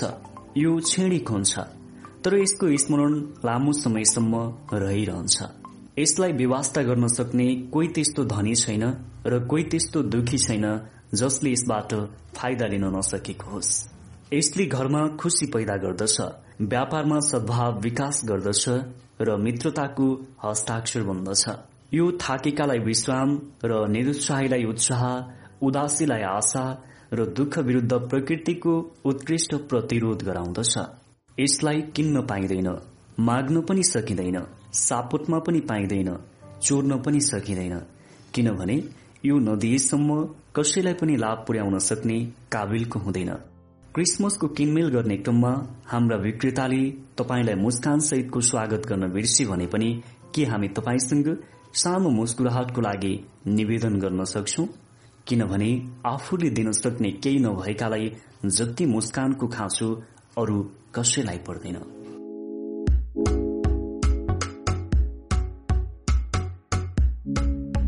डिल कार्नेगीको पुस्तक पहिलो भेटमा उत्कृष्ट प्रभाव पार्ने सरल तरिका मध्येको त्यो तरिका हो यदि जो कसैलाई देख्नुहुन्छ भेट्नुहुन्छ भने उनीहरूसँग मुस्कुराउनुहोस्। मुस्कुराउनको निम्ति कति पनि पैसा लाग्दैन। जब तपाईँले मुस्कान दिनुहुन्छ अर्को मानिसबाट पनि तपाईँले मुस्कान प्राप्त गर्नुहुन्छ। हामीले डेल कार्नेगीको साथीहरूको मन जित्ने तथा मानिसहरूलाई प्रभाव पार्ने कला पुस्तकको यो भाग प्रस्तुत गर्यौं तपाईँलाई यो पुस्तक कस्तो लागिरहेको छ यदि केही भन्न चाहनुहुन्छ भने तलको कमेन्ट बक्समा कमेन्ट गर्न सक्नुहुनेछ। तपाईँलाई थाहा छ नि एउटा सुन्दर परिवार समाज र राष्ट्रको लागि हितकर हुन्छ। त्यसैले हाम्रो परिवारको एक सुन्दर सदस्य बन्न च्यानललाई सब्सक्राइब गर्नुहोला। तपाईँ प्रत्येक दिन यो साथीहरूको मन जित्ने तथा मानिसहरूलाई प्रभाव पार्ने कला पुस्तकको भागहरू प्राप्त गर्नुहुनेछ। त्यसैले तपाईँ हामीसँग जोडिनको निम्ति एउटा सानो प्रयास र हाम्रो परिवारको सदस्य बन्न सक्नुहुनेछ। तपाईँ हाम्रो भेट अर्को नयाँ भिडियोको साथमा हुनेछ। नमस्ते।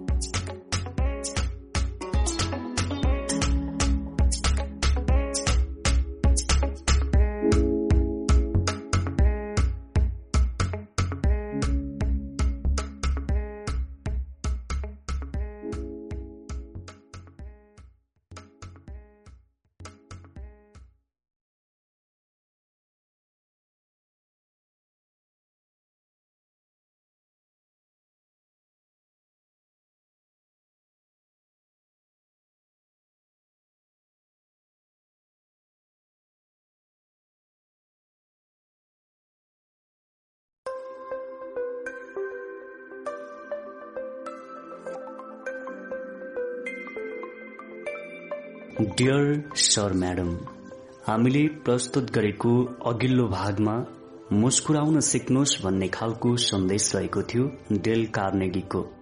डेल कार्नेगीको सन्देश अन्तर्गत मुस्कुराउनुहोस् शीर्षकमा रहेको पाठबाट तपाईँले पक्कै पनि मुस्कुराउन सिक्नुभयो होला नि अघि। यदि मुस्कुराउन सिक्नु भएको छैन भने सबभन्दा फर्स्टमा मानिसहरूलाई प्रभाव पार्नको निम्ति मुस्कुराउन सिक्नुहोस् त्यस पश्चात मात्र हामी अघिल्लो पाठतिर अगाडि बढ्न सक्छौ। र अबको भागमा रहेको छ के नगरी तपाईँले दुःख बेहोर्नुपर्छ? सन् उन्नाइस सन् अठार सय अन्ठानब्बेको एक दिन न्युयोर्कको रकल्यान्ड क्षेत्रको एउटा टोलका बासिन्दाको लागि एउटा नराम्रो दिन रह्यो।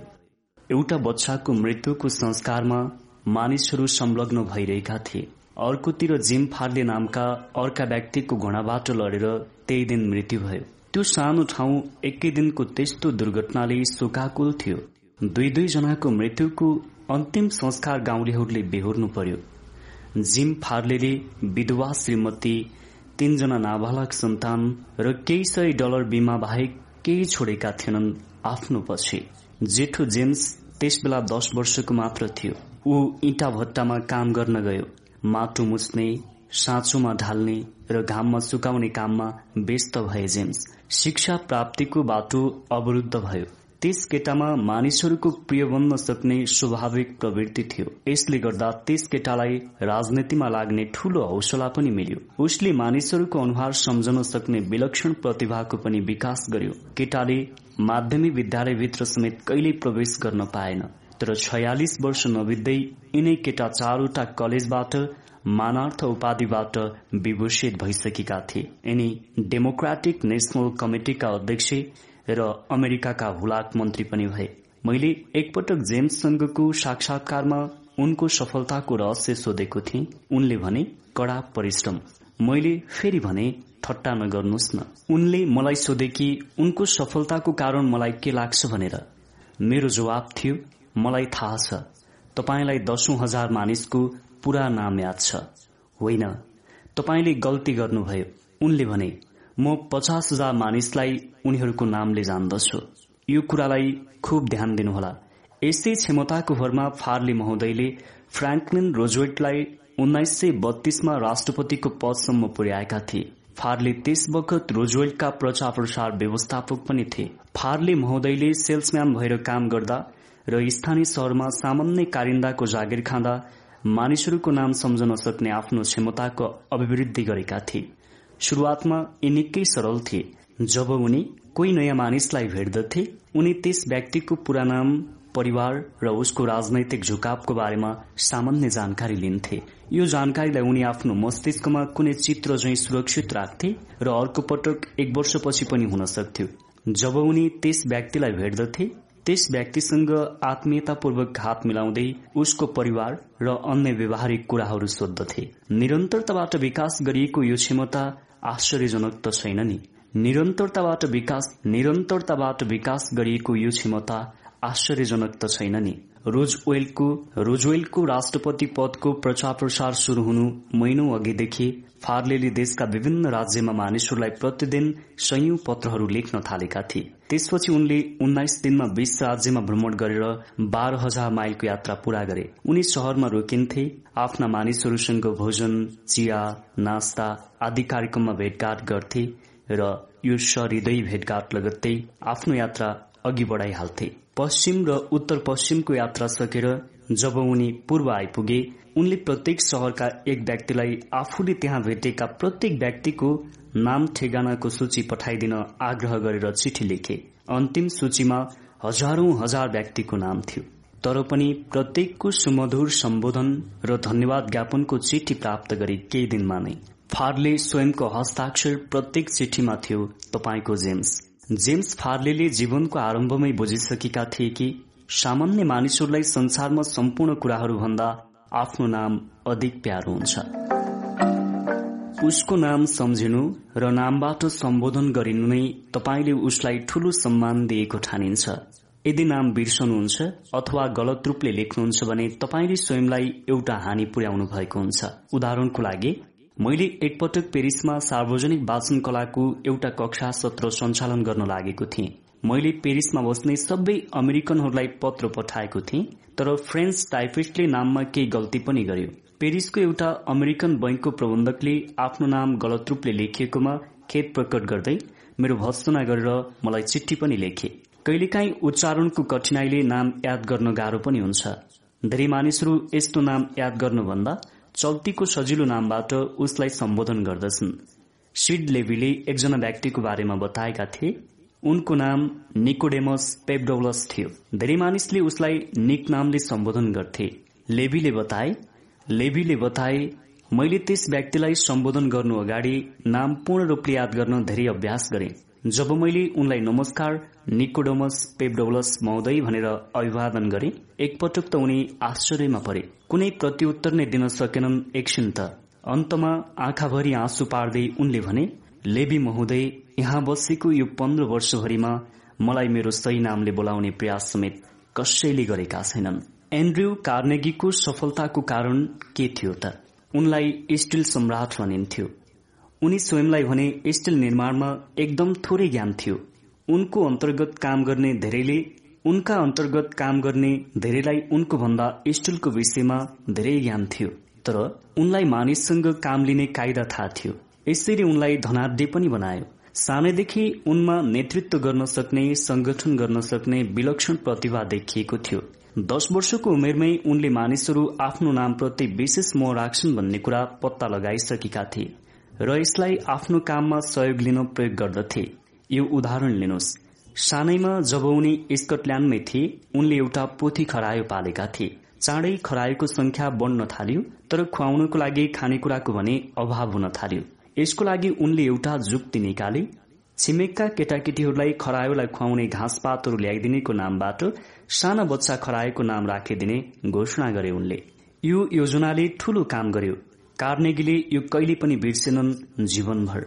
वर्षौपछि यस्तै मनोविज्ञानको सहायताले उनले लाखौं आमदानी गरे। उदाहरणको लागि पेन्सिल्भानिया रेल रोड नामको कम्पनीलाई स्टीलका पाताहरू बेच्न चाहन्थे। एडगर थोम्सन त्यस कम्पनीका अध्यक्ष थिए। कार्नेगीले पिट्सबर्गमा एउटा ठूलो स्टील कारखाना खोले र यसको नाम राखिदिए एडगर थोम्सन स्टील कारखाना। यो एउटा रहस्य नै हो आफै अनुमान गर्नुहोस्। अब पेन्सिल्भानिया रेडरोडले आफूलाई चाहिएको इस्पात कहाँबाट खरिद गर्यो होला? अरू कुनै कारखानाबाट गलत अन्दाज लगाउनुहोस्। कार्नेगी र जर्ज पुलम्यानको रेल रोड स्लिपिङ कारको व्यापारमा जब प्रतिस्पर्धा पर्यो स्टिल सम्राटले खरायो पालनाको ज्ञानलाई प्रयोगमा ल्याए। कार्नेगी र पुलम्यानका कम्पनीहरू कार बेच्ने कुरामा प्रतिस्पर्धी थिए। उनीहरू एकअर्कालाई होच्याउने मूल्य घटाउने फाइदालाई तिलाञ्जली दिने सम्पूर्ण तरिका अख्तियार गर्न पछि परेनन्।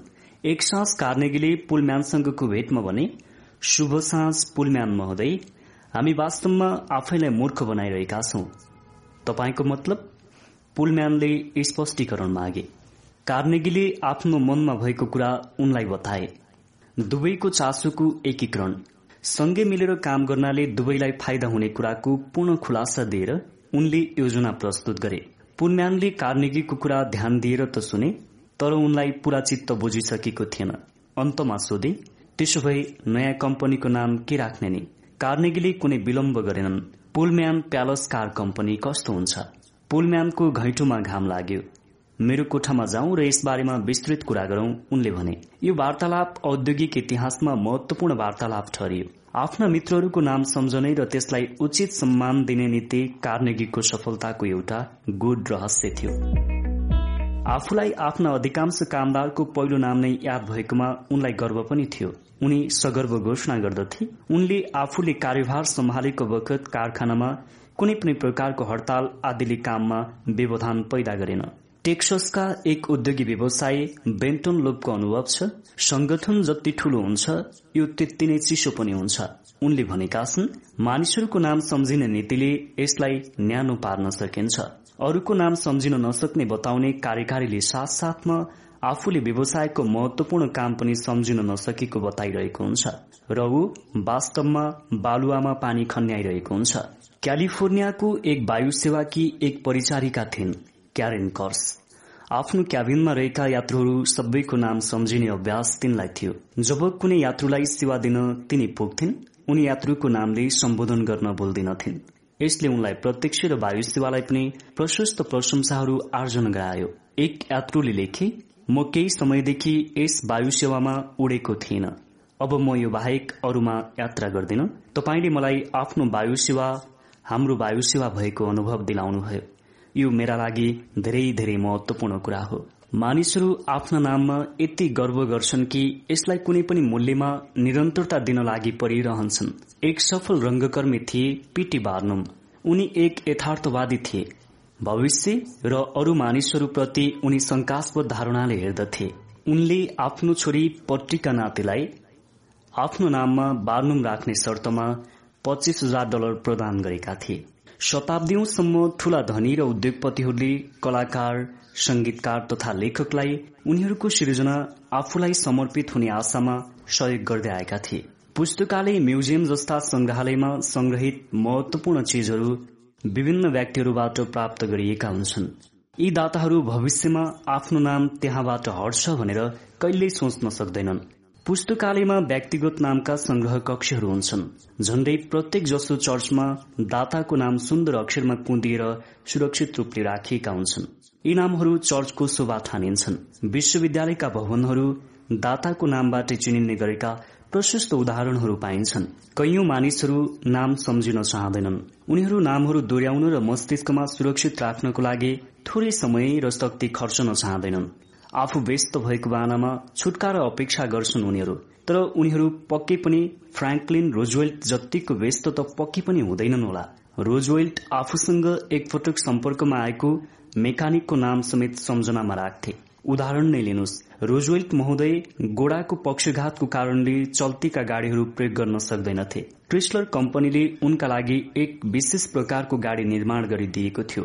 डब्ल्यूएफ चेम्बरलिन र एक मेकानिकले व्हाइट हाउसमा सोका रोजवेटलाई हस्तान्तरण गरेका थिए। चेम्बरलिनले आफ्नो अनुभव खुलाएर लेखेको चिठी मसँग यही मेरो अगाडि नै छ। मैले रोजवेटलाई त्यस असाधारण कारलाई कसरी चलाउने भन्ने कुरा सविस्तार सिकाए तर उनले मलाई मानिसहरूसँग व्यवहार गर्ने कलाको महत्वपूर्ण पाठ सिकाए। चेम्बरलिन महोदय लेख्छन् जब म व्हाइट हाउसमा गएँ राष्ट्रपति अत्यन्त खुशी र प्रफुल्ल देखिए। उनले मलाई मेरो नामले नै सम्बोधन गरे। त्यहाँ म सजिलैसँग भिज्न पनि सके। विशेष रूपमा मलाई के कुराले अति प्रभावित पार्यो भने राष्ट्रपति मैले उनलाई देखाउन र बताउन खोजेको कुराप्रति अति उत्साही र उत्सुक थिए। कार सबै रूपले हातले मात्र नियन्त्रण गर्न सकिने गरी निर्माण गरिएको थियो। कार हेर्नको लागि ठूलो भीड़ जम्मा भएको थियो। उनले टिप्पणी गरे मलाई लाग्छ यो चमत्कार नै हो। एउटा बटनमा छोइ मात्र पुग्छ यो गुड्न थाल्छ। यसलाई चलाउन कुनै मेहनत नै गर्नु पर्दैन। मलाई लाग्छ यो महान छ। म जान्दिन के तत्वले यसलाई सञ्चालन गर्दछ। मलाई यसलाई पुरै खोलेर कसरी काम गर्छ होला भन्ने हेर्ने इच्छा लागेको छ। जब रोजवेलका साथीहरू र सहयोगीहरूले गाडी मन पराए उनले सबैको उपस्थितिमा भने चेम्बरलिन महोदय तपाईँले यो कार बनाउनका लागि गर्नुभएको समय र प्रयासको लगानीको म हार्दिक कदर गर्दछु। यो बडो सुन्दर काम हो। रेडिएटर पछाडि हेर्ने ऐना घडी चालकको सिट उनको नाम कुदिएको विशेष सुटकेस सिट सजा यावत चिजलाई उनले मन पराए र मोरी प्रशंसा गरे। अर्को शब्दमा भन्दा उनले मैले विशेष ध्यान पुर्याएको प्रत्येक कुरा खुब चासो दिएर अवलोकन गरे। यस सम्पूर्ण चिजबीचको बारेमा उनले श्रीमती रोजवेल्ट श्रीमती पर्केन्स श्रम मन्त्री निजी सचिव सबैलाई बताए। व्हाइट हाउसमा एक बुढा पाले थिए जज। उनलाई पनि बोलाएर राष्ट्रपतिले भने जज अब तिमीले यो सुटकेसहरूको विशेष ख्याल गर्नुपर्ने भयो। जब मोटर चलाउने सिकाइ समाप्त भयो राष्ट्रपति मतिर फर्केर भने बस चेम्बरलिन महोदय मैले संघीय वित्तीय समितिलाई आधा घण्टादेखि पर्खाइरहेछु। मैले काममा फर्कनु बेस होला भन्ने मलाई लाग्दछ। मैले मेकानिकलाई राष्ट्रपतिसँग परिचय गराए। ऊ राष्ट्रपतिसँग बोलेन। अलि लजालु खालको युवक थियो। ऊ पछाडि नै बसिरह्यो। राष्ट्रपतिले उसको नाम एकपटक मात्र सुनेका थिए। त्यहाँबाट जानुभन्दा अगाडि राष्ट्रपतिले मिस्त्रीलाई खोजे उसँग हात मिलाए उसलाई नामले नै सम्बोधन गरे र वासिङटनसम्म आएकोमा हार्दिक धन्यवाद दिए। उनको बोलीमा कुनै देखावा थिएन जस्तो भित्र थियो त्यस्तै बाहिर पनि। म त्यो बुझ्दथे न्यूयोर्क आइपुगेको केही दिनमा मलाई राष्ट्रपतिको हस्ताक्षर सहित फोटो प्राप्त भयो। त्यसमा मेरो सहयोगप्रति आभार व्यक्त गरिएको सानो नोट पनि थियो। यति सब गर्नका लागि उनलाई कसरी समय मिल्दछ? मलाई अझै पनि रहस्य नै छ। फ्रेङ्कलिन रोजवेटलाई सद्भाव प्राप्त गर्ने उत्कृष्ट तरिका मानिसहरूको नाम सम्झिने र उनीहरूको स्वाभिमानको कदर गर्ने नै हो भन्ने स्पष्ट थाहा थियो। हामी मध्ये कतिले यस्तो गर्छौं त? नवपरिचितसँग हामी केही क्षण सामान्य कुरा गर्छौं र विदा हुने बेला हुँदा नहुँदै हामी उनीहरूको नाम बिर्सिसकेका हुन्छौं। आधाभन्दा बढ़ी भेटघाट हाम्रो जीवनमा यस्तै खालको हुन्छ। राजनीतिक कर्मीले सिक्ने प्रथम पाठ हो यो। मतदाताको नाम याद गर्नु राजनीतिज्ञता हो। बिर्सनु विस्मृति हो र नाम याद गर्नु राजनीतिमा जत्तिकै व्यापार व्यवसाय र अन्य सामाजिक सम्पर्कमा पनि त्यत्तिकै महत्वपूर्ण छ। नेपोलियन महानका भतिजा नेपोलियन तृतीयको नामबाट फ्रान्सका सम्राट भएपछि गर्वसाथ भन्थे कि उनको यावत राजकीय कर्तव्यलाई थाँती राखेर उनी आफूले भेटेका मानिसको नाम सम्झने प्रयास गर्थे। उनको तरिका सामान्य छ। प्रष्टसँग सुनिएन भने उनी भन्थे माफ गर्नुहोला मैले राम्रोसँग सम्झिन सकिन यहाँको नाम। यदि अप्ठ्यारो खालको नाम पर्यो भने उनी सोध्थे यसलाई कसरी लेखिन्छ? कुराकानीको दौरानमा नाम दोहोऱ्याइरहन्थे पटक पटक। यसरी उनी नाम र व्यक्तिको रूप अभिव्यक्ति र प्रस्तुतिलाई मिलाएर सम्झन्थे।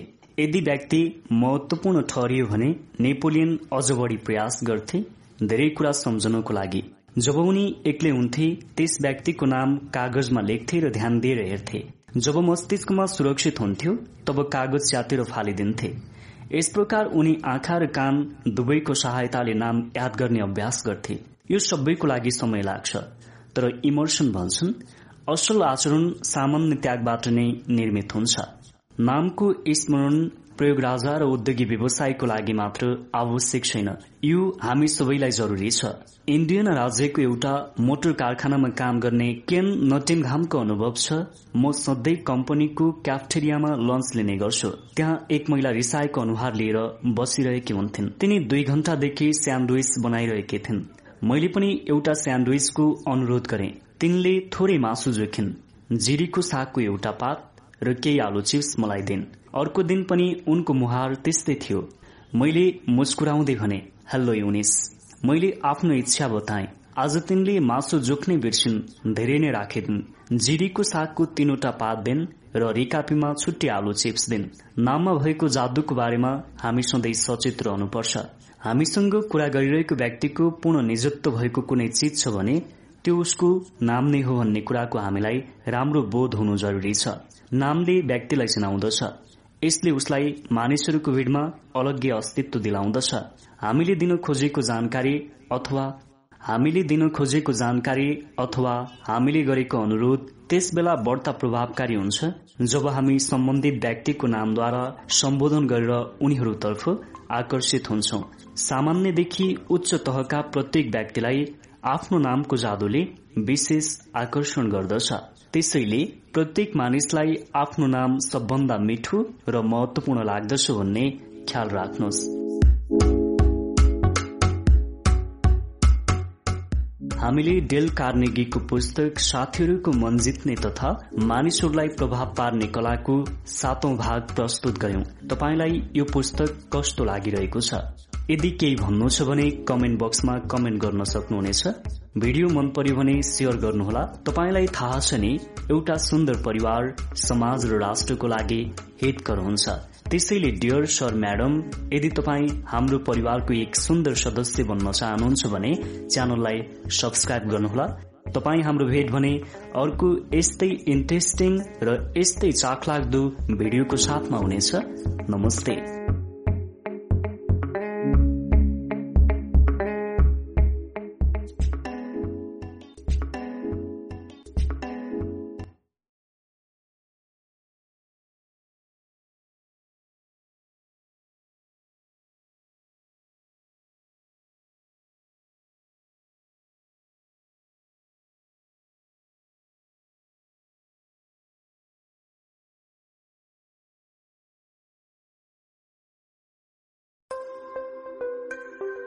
यदि हामी मानिस जस्तो बन्दछौ भने त्यो भनेको ह्याबिटले हो। यदि हामी दानव जस्तो बन्दछौ भने त्यो पनि हाम्रै ह्याबिटले हो। त्यसैले हामीले हाम्रो ह्याबिट कसरी सुधार्न सकिन्छ भनेर यसरी पुस्तकहरू खोज्दै जाँदा साथीहरूको मन जित्ने तथा मानिसहरूलाई प्रभाव पार्ने कला डेल कार्नेगीको पुस्तक प्राप्त गरेका थियौं। र डेल कार्नेगीको पुस्तकको अघिल्लो भागमा सिकेको कुरा तपाईँले आफ्नो जीवनमा लागू गर्ने कोसिस गर्नुहोला। अब हामी अर्को भागतर्फ लाग्दैछौ। असल वार्ताकार बन्ने सजिलो उपाय के हुन सक्छ? केही समय अगाडि मलाई एउटा ब्रिज खेलको कार्यक्रममा बोलाइएको थियो। म ब्रिज खेल्दिनथे त्यहाँ एकजना महिला हुनुहुँदो रहेछ। र उहाँ पनि ब्रिज खेल्नु हुँदो रहेनछ। मैले लोबेल थोमसले रेडियोको काम गर्नु अगाडि उनको प्रबन्धकको रूपमा काम गरेको कुरा तिनलाई थाहा थियो। यसै कामको दौरान म थोमस महोदयसँग युरोपका विभिन्न स्थानको भ्रमणमा पनि गएको थिएँ। उनको यात्रा सम्भाषणको तयारीमा मैले उनलाई सहयोग पनि गरेको थिएँ। त्यसैले तिनले मलाई भनिन् कार्नेगी महाशय म तपाईँले भ्रमण गरेका र देखेका ती यावत आश्चर्यजनक स्थानको वर्णन सुन्न निकै इच्छुक छु। तिनले सोफामा बस्दै आफू र आफ्नो श्रीमान हालसाले अफ्रिकाको भ्रमणबाट फर्केको जानकारी पनि दिन्। अफ्रिका मैले विस्मयपूर्वक भने कति आकर्षपूर्ण छ? म सधैँ अफ्रिका जाने इच्छा गरिरहेको हुन्छु। तर एकपटक अल्जियर्समा चौबिस घण्टा बिताउनु बाहेक आजसम्म म अफ्रिका जान पाएको छैन। तपाईँले ती ठूला शिकार क्षेत्रहरू पनि भ्रमण गर्नुभयो? त्यहाँ जानुभयो? तपाईँ क्या भाग्यमानी हुनुहुन्छ? मलाई तपाईँको ईर्ष्या लाग्छ।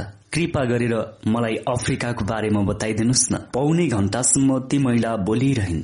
तिनले मैले देखेका र भ्रमण गरेका क्षेत्रहरूको बारेमा दोहोऱ्याएर एकपटक पनि सोधिनन्। तिनी मेरो यात्रा वृत्तान्त सुन्न इच्छुक थिएनन्। तिनलाई एउटा अनुरागी श्रोता चाहिएको थियो ताकि तिनी आफ्नो अहमको विस्तार गर्न पाउँथिन् र आफू गएको ठाउँको बारेमा सुनाउन पाउँथिन्। तिनी विचित्र के हुन् त? होइन।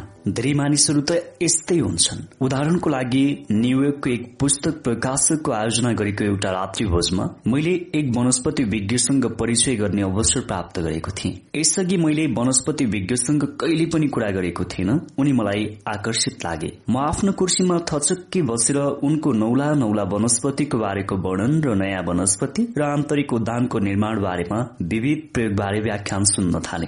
यहाँसम्म कि उनले सामान्य आलुको बारेमा समेत आश्चर्यजनक तथ्यहरू बताए। मेरो घरमा पनि एउटा आन्तरिक उद्यान थियो। उनले कृपापूर्वक मलाई मेरो बाटिकाको समस्या समाधान गर्ने तरिका पनि सोझाइदिए यो रात्रि भोजको कार्यक्रम थियो। त्यहाँ स्वाभाविक रूपले दर्जनौ पाहुनाहरू थिए। तर मैले शिष्टाचारको सामान्य नियमलाई उल्लंघन गरेर अरू सबैलाई व्यवस्था गर्न पुगे। म घण्टौं ती वनस्पति शास्त्रीको कुरामा रमाइरहे। मध्यरात भयो। प्रत्येकसँग विदाई भएर म छुट्टिएँ। ती वनस्पति विज्ञ आयोजकतिर फर्किए र मेरो बारेमा बढाई चढाई सम्मान र प्रशंसाका शब्दहरू व्यक्त गरे। म अधिक क्रियाशील थिएँ म यस्तो थिएँ उस्तो थिएँ। अन्तमा उनले जोडे म एउटा अत्यन्त मनोरञ्जन वार्ताकारक थिएँ। एउटा मनोरञ्जन वार्ताकारक? किन? मैले मुस्किलले केही कुरा बोले हुँला। मैले बोल्नै चाहेको भए पनि विषयान्तर नभए म बोल्न सक्ने थिइनँ किनभने मलाई पेन्गुइन चराको अङ्ग वर्णनको बारेमा जति थाहा थियो वनस्पति शास्त्रमा त्यसभन्दा बढ्दा कति पनि थाहा थिएन। मेरो काम भनेको धैर्यतापूर्वक सुन्नुमा नै थियो। मैले ध्यान दिएर सुने किनभने मलाई यसमा विशेष अभिरुचि थियो। यो उनले चाल पाएका थिए। स्वाभाविक रूपमा उनलाई यसले खुशी तुल्यायो। यस प्रकारको श्रवण नै हामीले कसैलाई दिन सक्ने एउटा ठूलो सम्मान हो। ज्याक बुडफोर्डले अपरिचितहरू बीचको प्रेम स्ट्रेन्जर्स इन लभमा लेखेका छन् दत्तचित्तपूर्वक लगाइएको ध्यानको नदेखिने चाप्लुसीबाट थोरै मानिस मात्र मुक्त हुन्छन्। म दत्तचित्त ध्यानभन्दा पनि अगाडि बढेको थिएँ। म हार्दिक समर्थन र उदार प्रशंसाको पक्षमा समेत थिएँ। मैले उनलाई आफू अत्याधिक आनन्दित भएको र त्यसबाट धेरै कुरा सिकेको पनि बताए। मैले उनको ज्ञान आफूसँग होस् भन्ने चाहेको बताए। मैले उनीसँग भ्रमणमा जाने इच्छा पनि अभिव्यक्त गरे। यी सब मेरा अन्तर्भावनाहरू नै थिए यथार्थमा। यसरी उनले मलाई असल वार्ताकारको रूपमा पाएका थिए जबकि यथार्थमा म एउटा असल श्रोता मात्र थिएँ। मैले उनलाई कुरा गर्न प्रोत्साहित गरेको थिएँ। एउटा सफल व्यावसायिक साक्षात्कारको रहस्य के हो त? हावर्ड विश्वविद्यालयका पूर्व अध्यक्ष चार्ल्स एलियटका अनुसार सफल व्यावसायिक अन्तर्क्रियाको कुनै त्यस्तो रहस्य छैन। आफूसँग कुरा गरिरहेको व्यक्तिमा लगाइएको एकाग्र ध्यानको अत्याधिक महत्व हुन्छ। यो जति चाकडी अरू कुनै हुँदैन। एलियट स्वयं श्रवण कलाका कुशल ज्ञाता थिए। अमेरिकाका प्रथम उत्कृष्ट उपन्यासकार हेनरी जेम्सको संस्मरणमा डाक्टर एलियटको श्रवण निष्क्रिय श्रवण थियो। यो क्रियाशील श्रवण हुन्थ्यो। सिद्धासनमा बसेर काखमाथि खप्ट्याएर राखेका दुई हातका बुढी औंलाहरू एकअर्का बीचमा रगन्नु बाहेक शारीरिक रूपमा पूर्ण स्थिर र एकाग्र रहन्थे उनी। वक्तालाई सोझै हेरेर उनी आँखा र कान दुवैबाट सुनिरहेको भानुहुन्थ्यो उनी अन्तरात्माबाटै श्रवण गरिरहेका हुन्थे। वक्ताले कुन बेला के भन्नुपर्ने हो पूर्ण एकाग्रतापूर्वक ध्यान दिइरहेका हुन्थे। साक्षात्कारको अन्तमा उनीसँग बोल्ने वक्तालाई आफूले भन्नुपर्ने कुरा भनेको वास्तविक बोध हुन्थ्यो। स्वयंसिद्ध होइन त? यो कुरा चाल पाउन तपाईँलाई हावर्डमा चार चार वर्ष पढ्नै पर्दैन। तैपनि तपाईँ हामीले के देखिरहेका छौं भन्ने डिपार्टमेन्ट स्टोरले महँगो स्थान भाडामा लिन्छ। न्यूनतम मूल्यमा सामानहरू झिकाउँछ झ्यालहरूलाई आकर्षक ढंगले सिंगार्दछ विज्ञापनमा हजारौं डलर खर्च गर्दछ अनि यस्ता कारिन्दालाई काममा खटाउँछ जसमा असल श्रोतामा हुनुपर्ने अलिकति पनि गुण हुँदैन। यस्ता कामदारहरू ग्राहकलाई झर्को लाग्ने खालका उनीहरूसँग मतभेद बढाउने बोल्न दिने र अन्तमा ग्राहकलाई त्यहाँबाट बाहिर धपाउने खालका हुन्छन्। सिकागोको एउटा डिपार्टमेन्ट स्टोरमा यस्तै घटना घट्यो एकपटक। स्टोरको एक नियमित ग्राहक थिए। वर्षमा हजारौं डलरको किनमेल हुन्थ्यो। तिनको त्यो स्टोरमा सेल्स पर्सनको स्वर्ण अधैर्यताले गर्दा झण्डै स्टोरले ग्राहक नै गुमाउन आँटिसकेको थियो। श्रीमती हेनरिताले सिकागोमा सञ्चालित हाम्रो एक कार्यक्रममा यो कुरा बताएकी थिइन्। तिनले त्यस स्टोरबाट एउटा कोट विशेष मूल्यमा किनेर लगेकी थिइन्। घरमा पुगेर उनले कोटको एक छेउ च्यातिएको पाइन्। अर्को दिन उनी त्यहाँ गएर कोट साट्नको लागि अनुरोध गरिन्। क्लर्कले उनको कुरा सुन्न रुचाएनन् तपाईँले यो विशेष मोलमा किन्नु भएको हो? क्लर्कको भनाइ थियो। भित्तामा ताँसिएको सूचनातर्फ इंगित गर्दै तिनी चिच्याइन् विशेष मूल्यमा बिक्री भएको वस्तु फिर्ता हुँदैन। एकैचोटि किनिसकेपछि तपाईँ स्वयंले राख्नुपर्छ। च्यातिएको ठाउँमा आफै सिलाउनुहोस्। तर यो बिग्रिएको सामान पर्यो नि त श्रीमती हेनरिताले भनिन्। केही फरक पर्दैन यसले। क्लर्कले बिचैमा जवाब दिन्। जे भयो सो भयो। श्रीमती हेनरिता अब त्यहाँ कहिल्यै नफर्कने भनेर जान नै आँटेको बेला स्टोरका प्रबन्धकले उनलाई अभिवादन गरे। प्रबन्धकले उनलाई वर्षौंदेखि चिन्दथे। उनले पनि जे भएको कुरा प्रबन्धकलाई बताइन्। प्रबन्धकले ध्यानपूर्वक सबै कुरा सुने। कोटलाई राम्रोसँग हेरे र अन्तमा भने विशेष मूल्यका बिक्रीहरू अन्तिम हुन्छन् किनभने हामीले यी वस्तुहरू सिजनको अन्तसम्ममा हटाइसक्नु पर्दछ। तर यो फिर्ता हुने छैन भन्ने नै त्यही बिग्रिएको सामानमा लागू हुने छैन। हामी यसलाई निश्चय नै मर्मत गरिदिनेछौ अथवा साटिदिनेछौ। तपाईँ चाहनुहुन्छ भने पैसा फिर्ता लान पनि सक्नुहुन्छ। व्यवहारमा कति फरक छ? समयमै प्रबन्धक आइपुगेर उनको कुरा ध्यानपूर्वक नसुनिदिएको भए त्यस स्टोरले एउटा पुरानो ग्राहक सधैँका लागि गुमाउनु पर्थ्यो। सम्यक श्रवण व्यावसायिक जीवनमा जत्तिकै हाम्रो पारिवारिक जीवनमा पनि उत्तिकै लागू हुन्छ। न्यूयोर्ककी एक महिला मिली एस्पोसिटीले आफ्नो कुनै पनि केटाकेटीले भन्न चाहेको कुरा विस्तारपूर्वक ध्यान दिएर सुन्ने बानी बसालिरहेकी थिइन्। एक साँझ तिनी आफ्नो छोरा रोबोटसँग भान्सामा बसिरहेकी थिइन्। आफ्नो मनमा लागेको कुरा भनिसकेपछि रोबोटले भन्यो मम मलाई थाहा छ। तपाईँ मलाई धेरै माया गर्नुहुन्छ। श्रीमती एस्पोसिटोलाई चिसो पस्यो। उनले भनिन् साँच्चै नै म तिमीलाई धेरै माया गर्छु। तिमीलाई शंका छ र बाबु रोबोटले जवाब दियो। छैन मलाई तपाईँले माया गर्नुहुन्छ भन्ने साँच्चै नै विश्वास छ। किनभने मैले तपाईँसँग कुरा गर्न चाहेको जुनसुकै बेला पनि आफ्नो जेसुकै काम भए पनि रोकेर मेरो पुरा कुरा सुन्नुहुन्छ तपाईँ। जस्तो सुकै आक्रमक आलोचक पनि शान्त र सहनशील श्रोताको अगाडि आफूलाई नरम पार्न र रिसलाई दबाउन बाध्य हुन्छ। यस्ता श्रोताहरू रिसाहा व्यक्तिले कोब्राले विष बमन पसे रिस शान्त पारे जस्तै आफ्नो भनाई व्यक्त गरुन्जेल चुपचाप सुनिरहन्छन्। एउटा उदाहरण लिनुहोस्। केही वर्ष अगाडि न्यूयोर्क टेलिफोन कम्पनीले एकजना जबरजस्त ग्राहकको सामना गर्नु परेको थियो। उसले ग्राहक सेवाका प्रतिनिधिहरूलाई तथानाम गाली गरेको थियो। उसले भन्नु नभन्नु भनेको थियो। केही शुल्क झुटो भनेर उसले तिर्न अस्वीकार पनि गरेको थियो। पत्रिकामा चिठीहरू लेख्यो उसले। सार्वजनिक सेवा समितिमा उसले धेरै गुनासाहरू पठायो। टेलिफोन कम्पनीका विरूद्धमा कानूनी प्रक्रिया नै शुरू गरेको थियो त्यस व्यक्तिले। अन्तमा कम्पनीले एक दक्ष समस्या समाधानकर्तालाई यो अप्ठ्यारो व्यक्तिसँग कुरा गर्नको लागि खटायो। यस समस्या समाधानकर्ताले त्यस झगडिया व्यक्तिलाई आफ्नो सम्पूर्ण असन्तुष्टिहरू व्यक्त गर्ने अवसर दिए। उसको कुरा सविस्तार सुने तिनले। उसको कुरामा बीच बीचमा हजुर हजुर भन्दै उसको गुनासोहरूप्रति सहानुभूति पनि प्रकट गरे ती प्रतिनिधिले। ऊ जङ्गिनु जङ्गियो। मैले तीन घण्टा भाषण सुने। ती समस्या समाधानकर्ताले यस लेखकले सञ्चालन गरेको एउटा कक्षामा आफ्नो अनुभव सुनाउँदै भने पटक पटक गरेर चार पटकसम्म मैले उसलाई भेटे। चौथो पटकको भेट अगावै म उसको एउटा संगठनको सदस्य पनि भइसकेको थिएँ। उसले संगठनको नाम टेलिफोन ग्राहक संरक्षण संगठन राखेको थियो। म अझै पनि त्यस संगठनको सदस्य छु जहाँसम्म मलाई याद छ। अहिले ती व्यक्ति बाहेक म मात्र अर्को व्यक्ति हो जो त्यस संस्थाको सदस्य छ।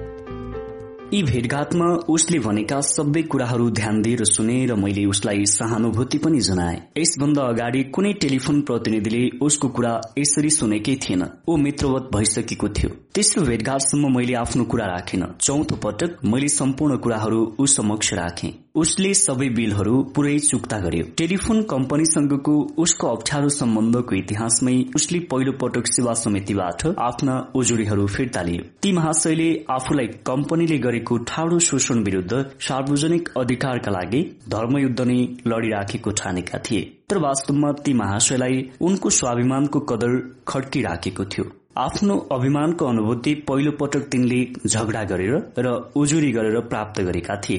तर जब कम्पनीका प्रतिनिधिबाट उनलाई आफ्नो महत्वको स्वीकारोक्तिको आभास मिल्यो उनको काल्पनिक गुनासाहरू सोत हावामा बिलाए यस्तै एक दिन एउटा ग्राहक रिसले तात्लिँदै जुलियन डेटमरको कार्यालयमा प्रवेश गरे। डेटमर उन कम्पनीका संस्थापक थिए। यो कम्पनी पछि नामुद कम्पनीमा गनिएको थियो आफ्नो व्यापारमा। डेटमर महोदयले मलाई बताए यी व्यक्तिले अलिकति पैसा तिर्नु थियो तर उसले यो कुरा स्वीकार गरेन। हामीलाई ऊ गलत छ भन्ने पक्का थियो। त्यसैले हाम्रो उधारो बिक्री विभागले बक्यौता तिर्नलाई उसलाई ताकिता गरिराखेको थियो। कम्पनीबाट तारन्तारको चिठी गइराखेको उसले सिकागोसम्मको यात्रा गर्नु परेको थियो। ऊ हान्निँदै मेरो कार्यालयमा पस्यो। उसले त्यो पैसा नतिर्ने मात्र होइन। अब आइन्दा कम्पनीको कुनै पनि उत्पादन किन्दै नकिन्ने कुरा समेत सुनायो उसले भने जति सबै कुरा मैले धैर्यपूर्वक सुने। बीचमा मलाई धेरै कुरा भन्न मन लागेको थियो तर यो गलत नीति हो भन्ने मलाई बोध भयो। त्यसैले मैले उसलाई मात्र बोल्न दिए। जब ऊ आवेगबाट सेलायो र केही सुन्ने मनस्थितिमा देखियो मैले बिस्तारै भने यति कुरा बताउन सिकागो आउनु भएकोमा म यहाँ प्रति आभार व्यक्त गर्न चाहन्छु। यहाँले मलाई ठूलो गुण लाउनु भएको छ किनभने हाम्रो उधारो विभागले तपाईँलाई दुःख दिएको छ अरू असल ग्राहकलाई पनि यत्तिकै दुःख दिन सक्छ। यो धेरै गलत कुरा हो। विश्वास गर्नुहोस् तपाईँको यति कुरा बताउने व्यग्रता भन्दा पनि म यही कुरा सुन्न धेरै उत्साहित थिएँ। उसले मबाट भनाउन चाहेको कुरा यति नै थियो मलाई लाग्छ। यति जाबो कुरा बताउनकै लागि सिकागोसम्म आउनु परेकोमा उसलाई अलिकति बेचैनी पनि लागेको थियो। तर मैले उसलाई धन्यवाद दिएको थिएँ। मैले उसलाई हामी हाम्रो खाताबाट त्यो उधारो कटाइदिन्छौ र त्यसलाई पुरै बिर्सन्छौ भन्ने कुरामा आश्वस्त गराए। किनभने ऊ एउटा मात्र खाता हेर्नुपर्ने मानिस हुनाले बढ़ी होसियार हुन सक्छ। तर हाम्रा क्लर्कहरू हजारौं खातामा व्यस्त रहनु पर्ने हुनाले त्रुटि हुन सक्ने सम्भावना छ भनेर मैले उसलाई बताएँ। मैले उसले अनुभव गरेको कुरा यथार्थमै बुझेको कुरा बताए र यदि आफू उसको स्थानमा भएको भए निश्चय नै उसले गरेको जस्तै गर्ने कुरा पनि स्पष्ट पारे। ऊ अब हामीसँग कुनै पनि सामान नकिन्ने भएकोले मैले उसलाई अरू उन पसलको नाम सिफारिस पनि गरिदिए। विगतमा ऊ सिकागो आउँदा हामी साथै दिवा भोजमा संलग्न हुन्थ्यौं। त्यसैले मैले त्यस दिनको भोजनको लागि उसलाई निमन्त्रणा गरे।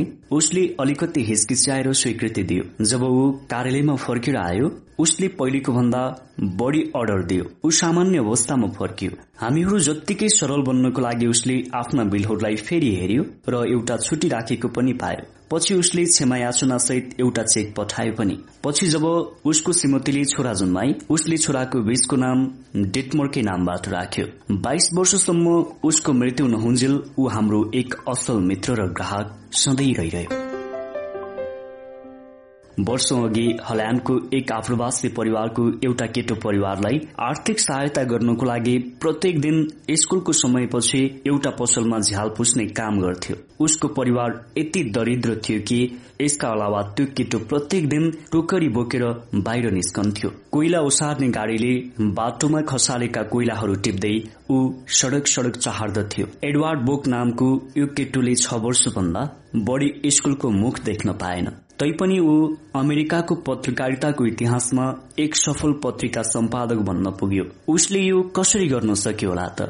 यसको कथा लामो छ तर उसले यसतर्फ कसरी पाइला चाल्यो भन्ने कुरा छोटकरीमा बताउन सकिन्छ। उसको शुरूआत हामीले यहाँ यस पाठमा भन्न खोजेको सिद्धान्तलाई अनुसरण गरेर भएको थियो। उसले तेह्र वर्षको उमेरमा विद्यालय त्याग्यो र वेस्टर्न युनियन नामको कम्पनीमा पिउनको काम गर्यो। तर उसले शिक्षाको विचारलाई कहिले त्यागेन। बरु स्वयं शिक्षणलाई उसले बढ़ावा दियो। उसले गाडी भाडा बचायो र अमेरिकी व्यक्तिहरूको जीवनीको विश्वकोश किन्न पैसा जम्मा नहुन्जेल दिउँसो खाजा पनि खाएन। त्यसपछि उसले एउटा नौलो काम शुरू गर्यो। प्रसिद्ध व्यक्तिहरूको जीवनी पढ्ने र ती पढेका व्यक्तिहरूलाई आफ्नो बालककालको बारेमा थप जानकारी दिन अनुरोध गरेर पत्र व्यवहार गर्न थाल्यो। ऊ एउटा असल श्रोता पनि थियो। उसले मानिसहरूलाई आफ्नो बारेमा बढ़ी भन्दा बढ़ी बताउन अनुरोध गर्यो। उसले राष्ट्रपतिका उम्मेद्वार जेम्स गार्फिडलाई पत्र लेख्यो र उनी सानो छँदा एउटा नहरमा डुङ्गा तान्ने काम गर्थे भन्ने कुरा साँचो हो कि होइन भनेर सोध्यो। गार्फिल्डबाट उसले जवाब पनि पायो। सेनाप्रति ग्रान्टलाई कुनै लडाईको बारेमा बताउन अनुरोध गरेर पत्र लेख्यो।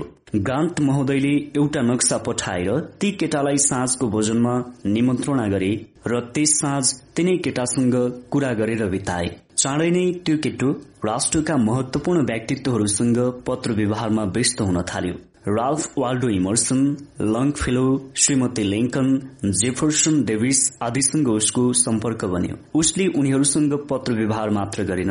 विदाको समयमा उनीहरूको पाहुना बन्ने अवसर पनि प्राप्त गर्यो। यस्ता अनुभवले उसमा अनमोल आत्मविश्वासको विकास गराइदियो। ती महान व्यक्तिहरूले उसमा एउटा दृष्टिकोण र महत्वाकांक्षाको आगो सल्काइदिए जसले गर्दा उसको जीवनले एउटा स्वरूप नै प्राप्त गर्न सक्यो। म फेरि पनि दोहोऱ्याउन चाहन्छु यी सबै कुरा हामीले यहाँ छलफल गरिराखेको सिद्धान्तको प्रयोगबाट नै सम्भव भएको थियो। संयौं महान व्यक्तिहरूसँग साक्षात्कार गरेका एक पत्रकार आइजाक मार्कोसनको अनुभव थियो। कैयौं मानिसहरू ध्यानपूर्वक अरूको कुरा सुन्दै नसुनेको कारणले गर्दा अविस्मरणीय प्रभाव पैदा गर्न सफल हुँदैनन्। तिनीहरू अब आफूले के भन्ने हो भन्ने कुरामा यति निर्लिप्त हुन्छन् कि आफ्नो मनलाई तिनीहरू पटक्कै खुल्ला राख्दैनन्। महत्वपूर्ण व्यक्तिहरूलाई आफूले असल वक्ता भन्दा असल श्रोता बढ़ी मन पराउने कुरा बताउँदछन्। तर धैर्यतापूर्वक सुन्न सक्ने क्षमता अन्य असल गुणहरूको दाजुमा निकै कम्ती व्यक्तिहरूमा मात्र पाइन्छ। महत्वपूर्ण स्थानमा पुगेका व्यक्तिहरू मात्र होइन सामान्य जनलाई पनि असल श्रोता बढ़ी मन पर्दछ।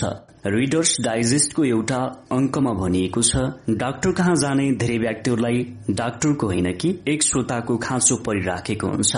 अमेरिकी गृह युद्धकालीन कठोर दिनहरूमा एक दिन लिङ्कनले इलिनोइका आफ्ना एक पुराना मित्रहरूलाई वासिङटन आउन पत्र लेखे। लिङ्कनले लेखेका थिए केही महत्वपूर्ण विषयमा उनीसँग सल्लाह गर्नुपर्ने थियो। ती पुराना मित्र व्हाइट हाउसमा आइपुगे। लिङ्कनले ती मित्रसँग दास मोचनको घोषणा गर्ने बारेमा पनि प्राप्त सुझावको बारेमा घण्टौं कुरा गरे। त्यस आन्दोलनको बारेमा समर्थन तथा विरोधमा व्यक्त गरिएका तर्कहरूलाई लिङ्कनले व्यक्त गरे। त्यसपछि समाचार पत्रमा प्रकाशित चिठी र लेखहरू पनि पढेर सुनाए। केहीमा दास मोचन नगरेकोमा उनको विरोध गरेर लेखिएको थियो। घण्टौं कुरा गरिसकेपछि लिङ्कनले ती व्यक्तिसँग हात मिलाए र विदाई अभिवादन सहित इलिनोई फर्किन आग्रह गरे। यसबीच लिङ्कनले ती व्यक्तिको कुनै राय पनि मागेनन्। पूरै अवधि उनी मात्र बोलिरहेका थिए। उनी आफ्नो विचारलाई प्रष्ट गर्न चाहन्थे। ती पुराना मित्रले भने कुराकानीपछि उनले धेरै हल्का महसुस गरे जस्तो लाग्थ्यो। लिङ्कनलाई सल्लाह चाहिएको थिएन।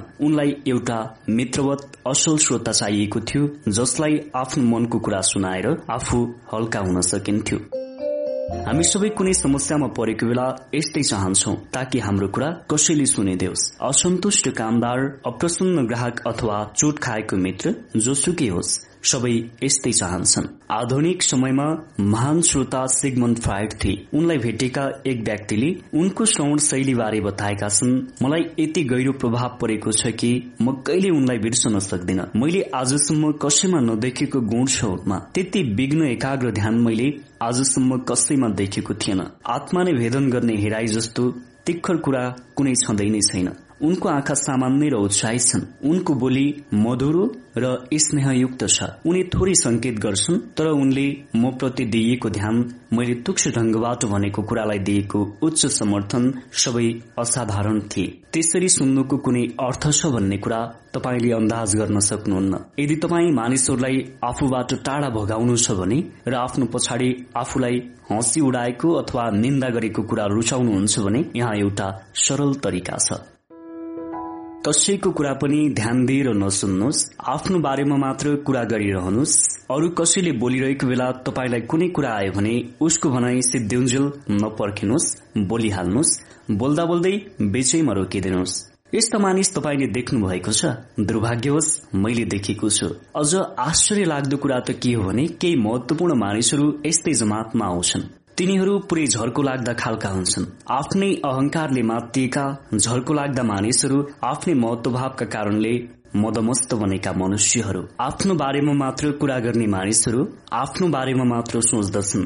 कोलम्बिया विश्वविद्यालयमा लामो समयसम्म अध्यक्ष रहेका डाक्टर निकोलास बट भन्दछन्। आफ्नो बारेमा मात्र सोच्ने व्यक्तिहरू कल्पनै गर्न नसक्ने रूपमै अशिक्षित हुन्।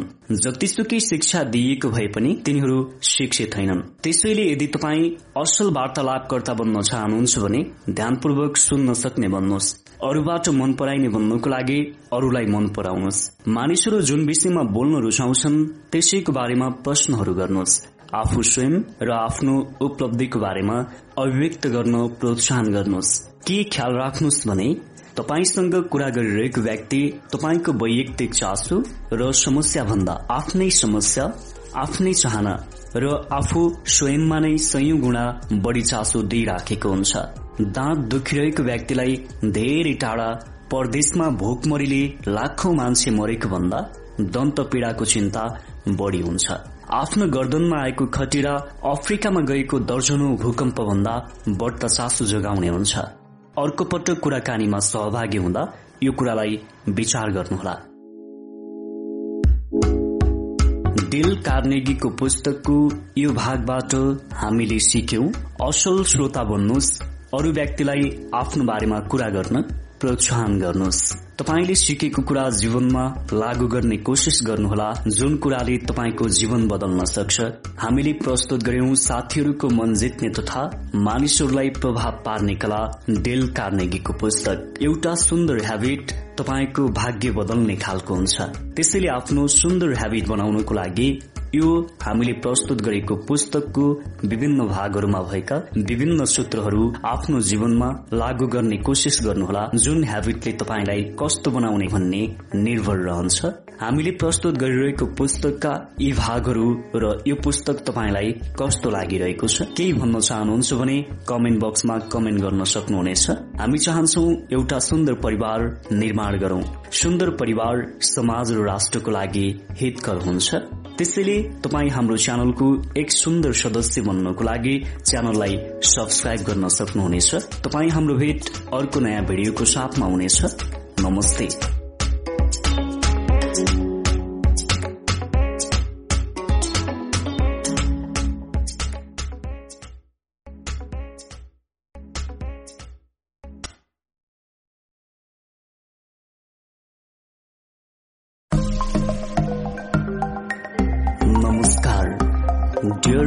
सर एन्ड म्याडम तपाईँले पक्कै पनि डेल कार्नेगीको पुस्तकबाट केही नयाँ कुरा अवश्य सिकिरहनु भएको छ। सिक्नु मात्रै ठूलो कुरा होइन। सिकेको कुरालाई आफ्नो जीवनमा लागू गर्नु पनि एउटा महत्वपूर्ण कुरा हो। त्यसैले सिकेको ज्ञान आफ्नो जीवनमा इम्प्लिमेन्ट गर्ने अवश्य पनि कोसिस गर्नुहोला। हामी अबको भागमा प्रस्तुत गर्दैछौ अरू व्यक्तिलाई कसरी आफूतिर आकर्षित गर्ने त।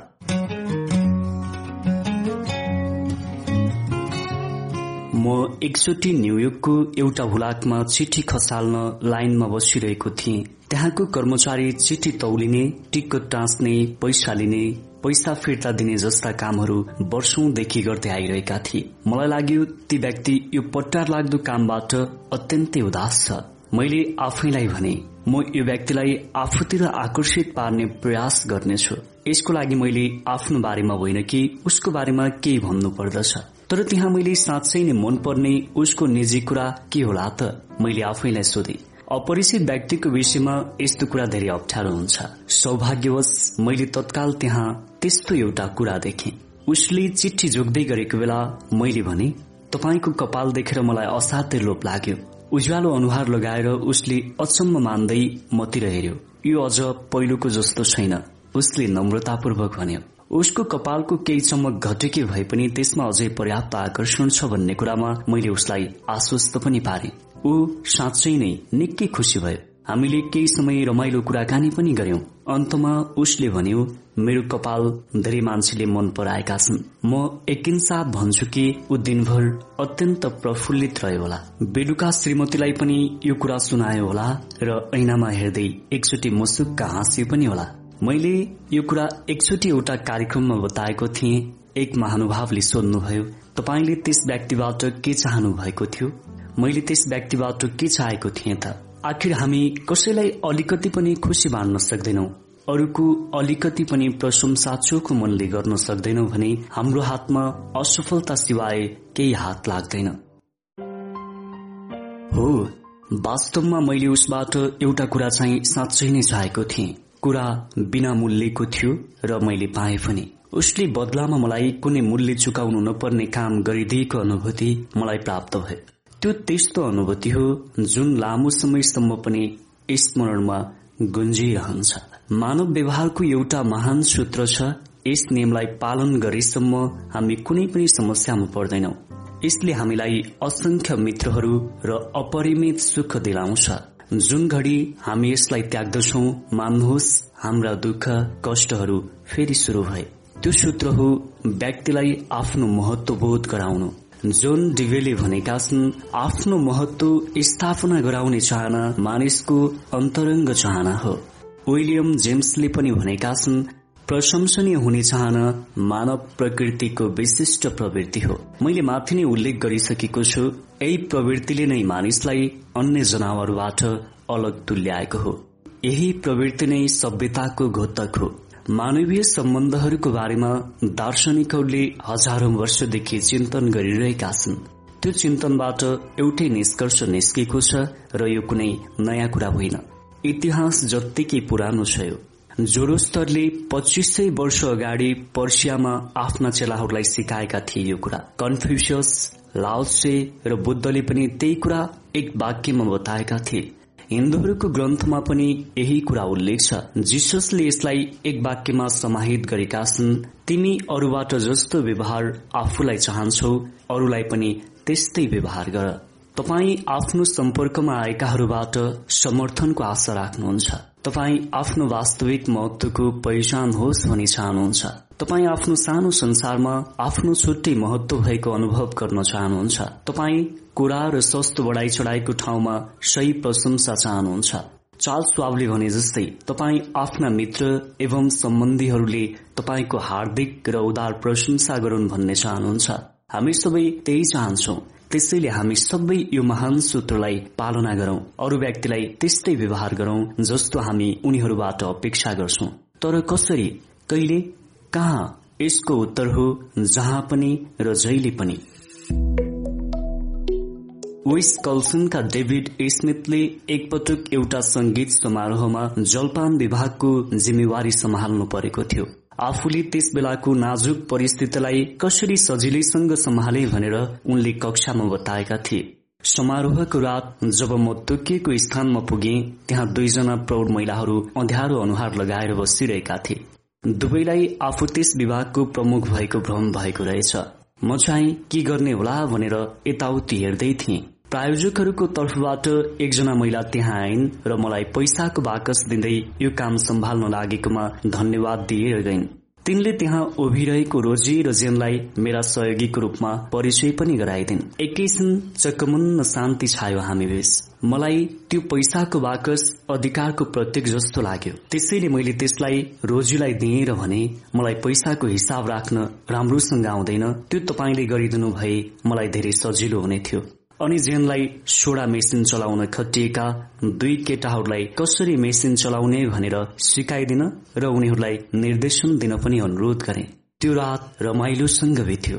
रोजी खुसी हुँदै पैसा गनिरहेकी थिइन् भने जेन केटाहरूलाई निर्देशन दिँदै थिइन्। म चाहिँ संगीतको आनन्द लिइरहेको थिएँ। कदरको दर्शनलाई व्यवहारमा प्रयोग गर्न तपाईँलाई फ्रान्सका राजदूत हुनु पर्दैन। तपाईँ हरेक दिन यसको प्रयोगले जादु गर्न सक्नुहुन्छ। उदाहरणको लागि तपाईँले फ्रेन्च फ्राड अर्डर गर्नु भएको थियो तर बेराले अर्कै ल्याइदियो। त्यो बेला तपाईँ तपाईँलाई दुःख दिन लागेकोमा क्षमा प्रार्थी छु। मलाई फ्रेन्च फ्राई मन पर्थ्यो भन्नुहोस्। बेडाले यसमा दुःखको केही कुरा नै छैन भन्दै खुसी साथ फ्रेन्च फ्राई ल्याइदिन्छ। यसो किन भयो भने तपाईँले उसप्रति सम्मान देखाउनुभयो। तपाईँलाई दुःख दिन लागेकोमा क्षमा प्रार्थी छु। कृपा गरेर यति गरिदिनुहुन्थ्यो कि दुःख नमान्नुहोस् है।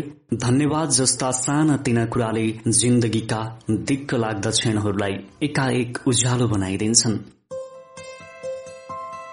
यिनीहरूले तपाईँ कतिको सुसंस्कृत हुनुहुन्छ भन्ने परिचय पनि दिन्छ।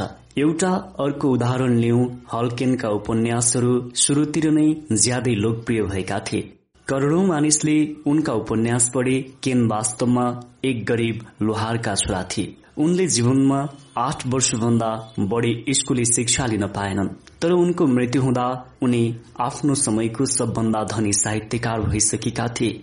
भएको यस्तो थियो हल्केनलाई सनेट र ब्यालड असाध्यै मन पर्थ्यो। उनले दाँते ग्याब्रियल रोसेत्तीका कविता सिनित्तै पढे। रोसेत्तीका कलात्मक गुणवत्ताको बारेमा एउटा प्रबन्ध पनि लेखेर उनलाई पठाइदिए। रोसेत्तीलाई लाग्यो मेरो बारेमा यस्तो उच्च विचार राख्ने व्यक्ति पक्कै पनि ठूलो विद्वान हुनुपर्छ रोसेत्तीले ती लोहारका छोरालाई लन्डनमा बोलाएर आफ्नो निजी सचिव बनाए। यसले हल्केनको जीवनलाई नयाँ दिशा दियो। रोसेत्तीको सचिवको रूपमा उनले त्यस समयका महान साहित्यकारहरूलाई भेट्ने अवसर पाए। उनीहरूको सल्लाह र प्रोत्साहनले केनलाई लेखन पेसामा प्रेरणा मिल्यो र उनी साहित्यकारहरूको दुनियाँमा एउटा अमर नक्षत्र बन्न पुगे। आइल अफ म्यान उनको घर ग्रीवा क्यासल अहिले संसारका कुना कुनाबाट आउने पर्यटकको लागि तीर्थस्थल नै बनेको छ। मर्ने बेलामा उनले करोड़ौं सम्पत्ति छोडेर विदा भए। त्यस बेलाका प्रसिद्ध व्यक्तिको बारेमा प्रशंसा गरेर त्यो लेख नलेखेका भए उनी गरिबीमै मर्ने थिए कि? के भन्न सकिन्छ? शुद्ध स्फूर्त प्रशंसाको यस्तो शक्ति हुन्छ। रोसेत्ती आफूलाई महत्वपूर्ण ठान्थे त्यो कुनै अचम्मको कुरा होइन। प्रत्येक व्यक्ति आफूलाई महत्व दिन्छ अधिक महत्व कसैले सानो मात्र प्रशंसा गर्दिने हो भने मात्रै पनि संसारका धेरै मानिसको जीवनमा महत्वपूर्ण परिवर्तन आउँछ। रोनाल्ड रोलान्ड क्यालिफोर्नियामा सञ्चालन गरिएको हाम्रो एउटा कक्षाका प्रशिक्षक थिए। उनी कलाका शिक्षक पनि थिए। उनले क्रिस नाम गरेको एउटा विद्यार्थीको बारेमा लेखेका छन्। क्रिस शान्त लजालु र आत्मसम्मान नभएको केटो थियो। त्यसैले आफूले पाउनुपर्ने जति ध्यान नपाउने विद्यार्थीको वर्गमा ऊ पढ्थ्यो। म विशेष कक्षामा पनि पढाउँछु। यो कक्षाको खास प्रतिष्ठा थियो। प्रतिभावान विद्यार्थी मात्र त्यो कक्षामा प्रवेश पाउँथ्यो।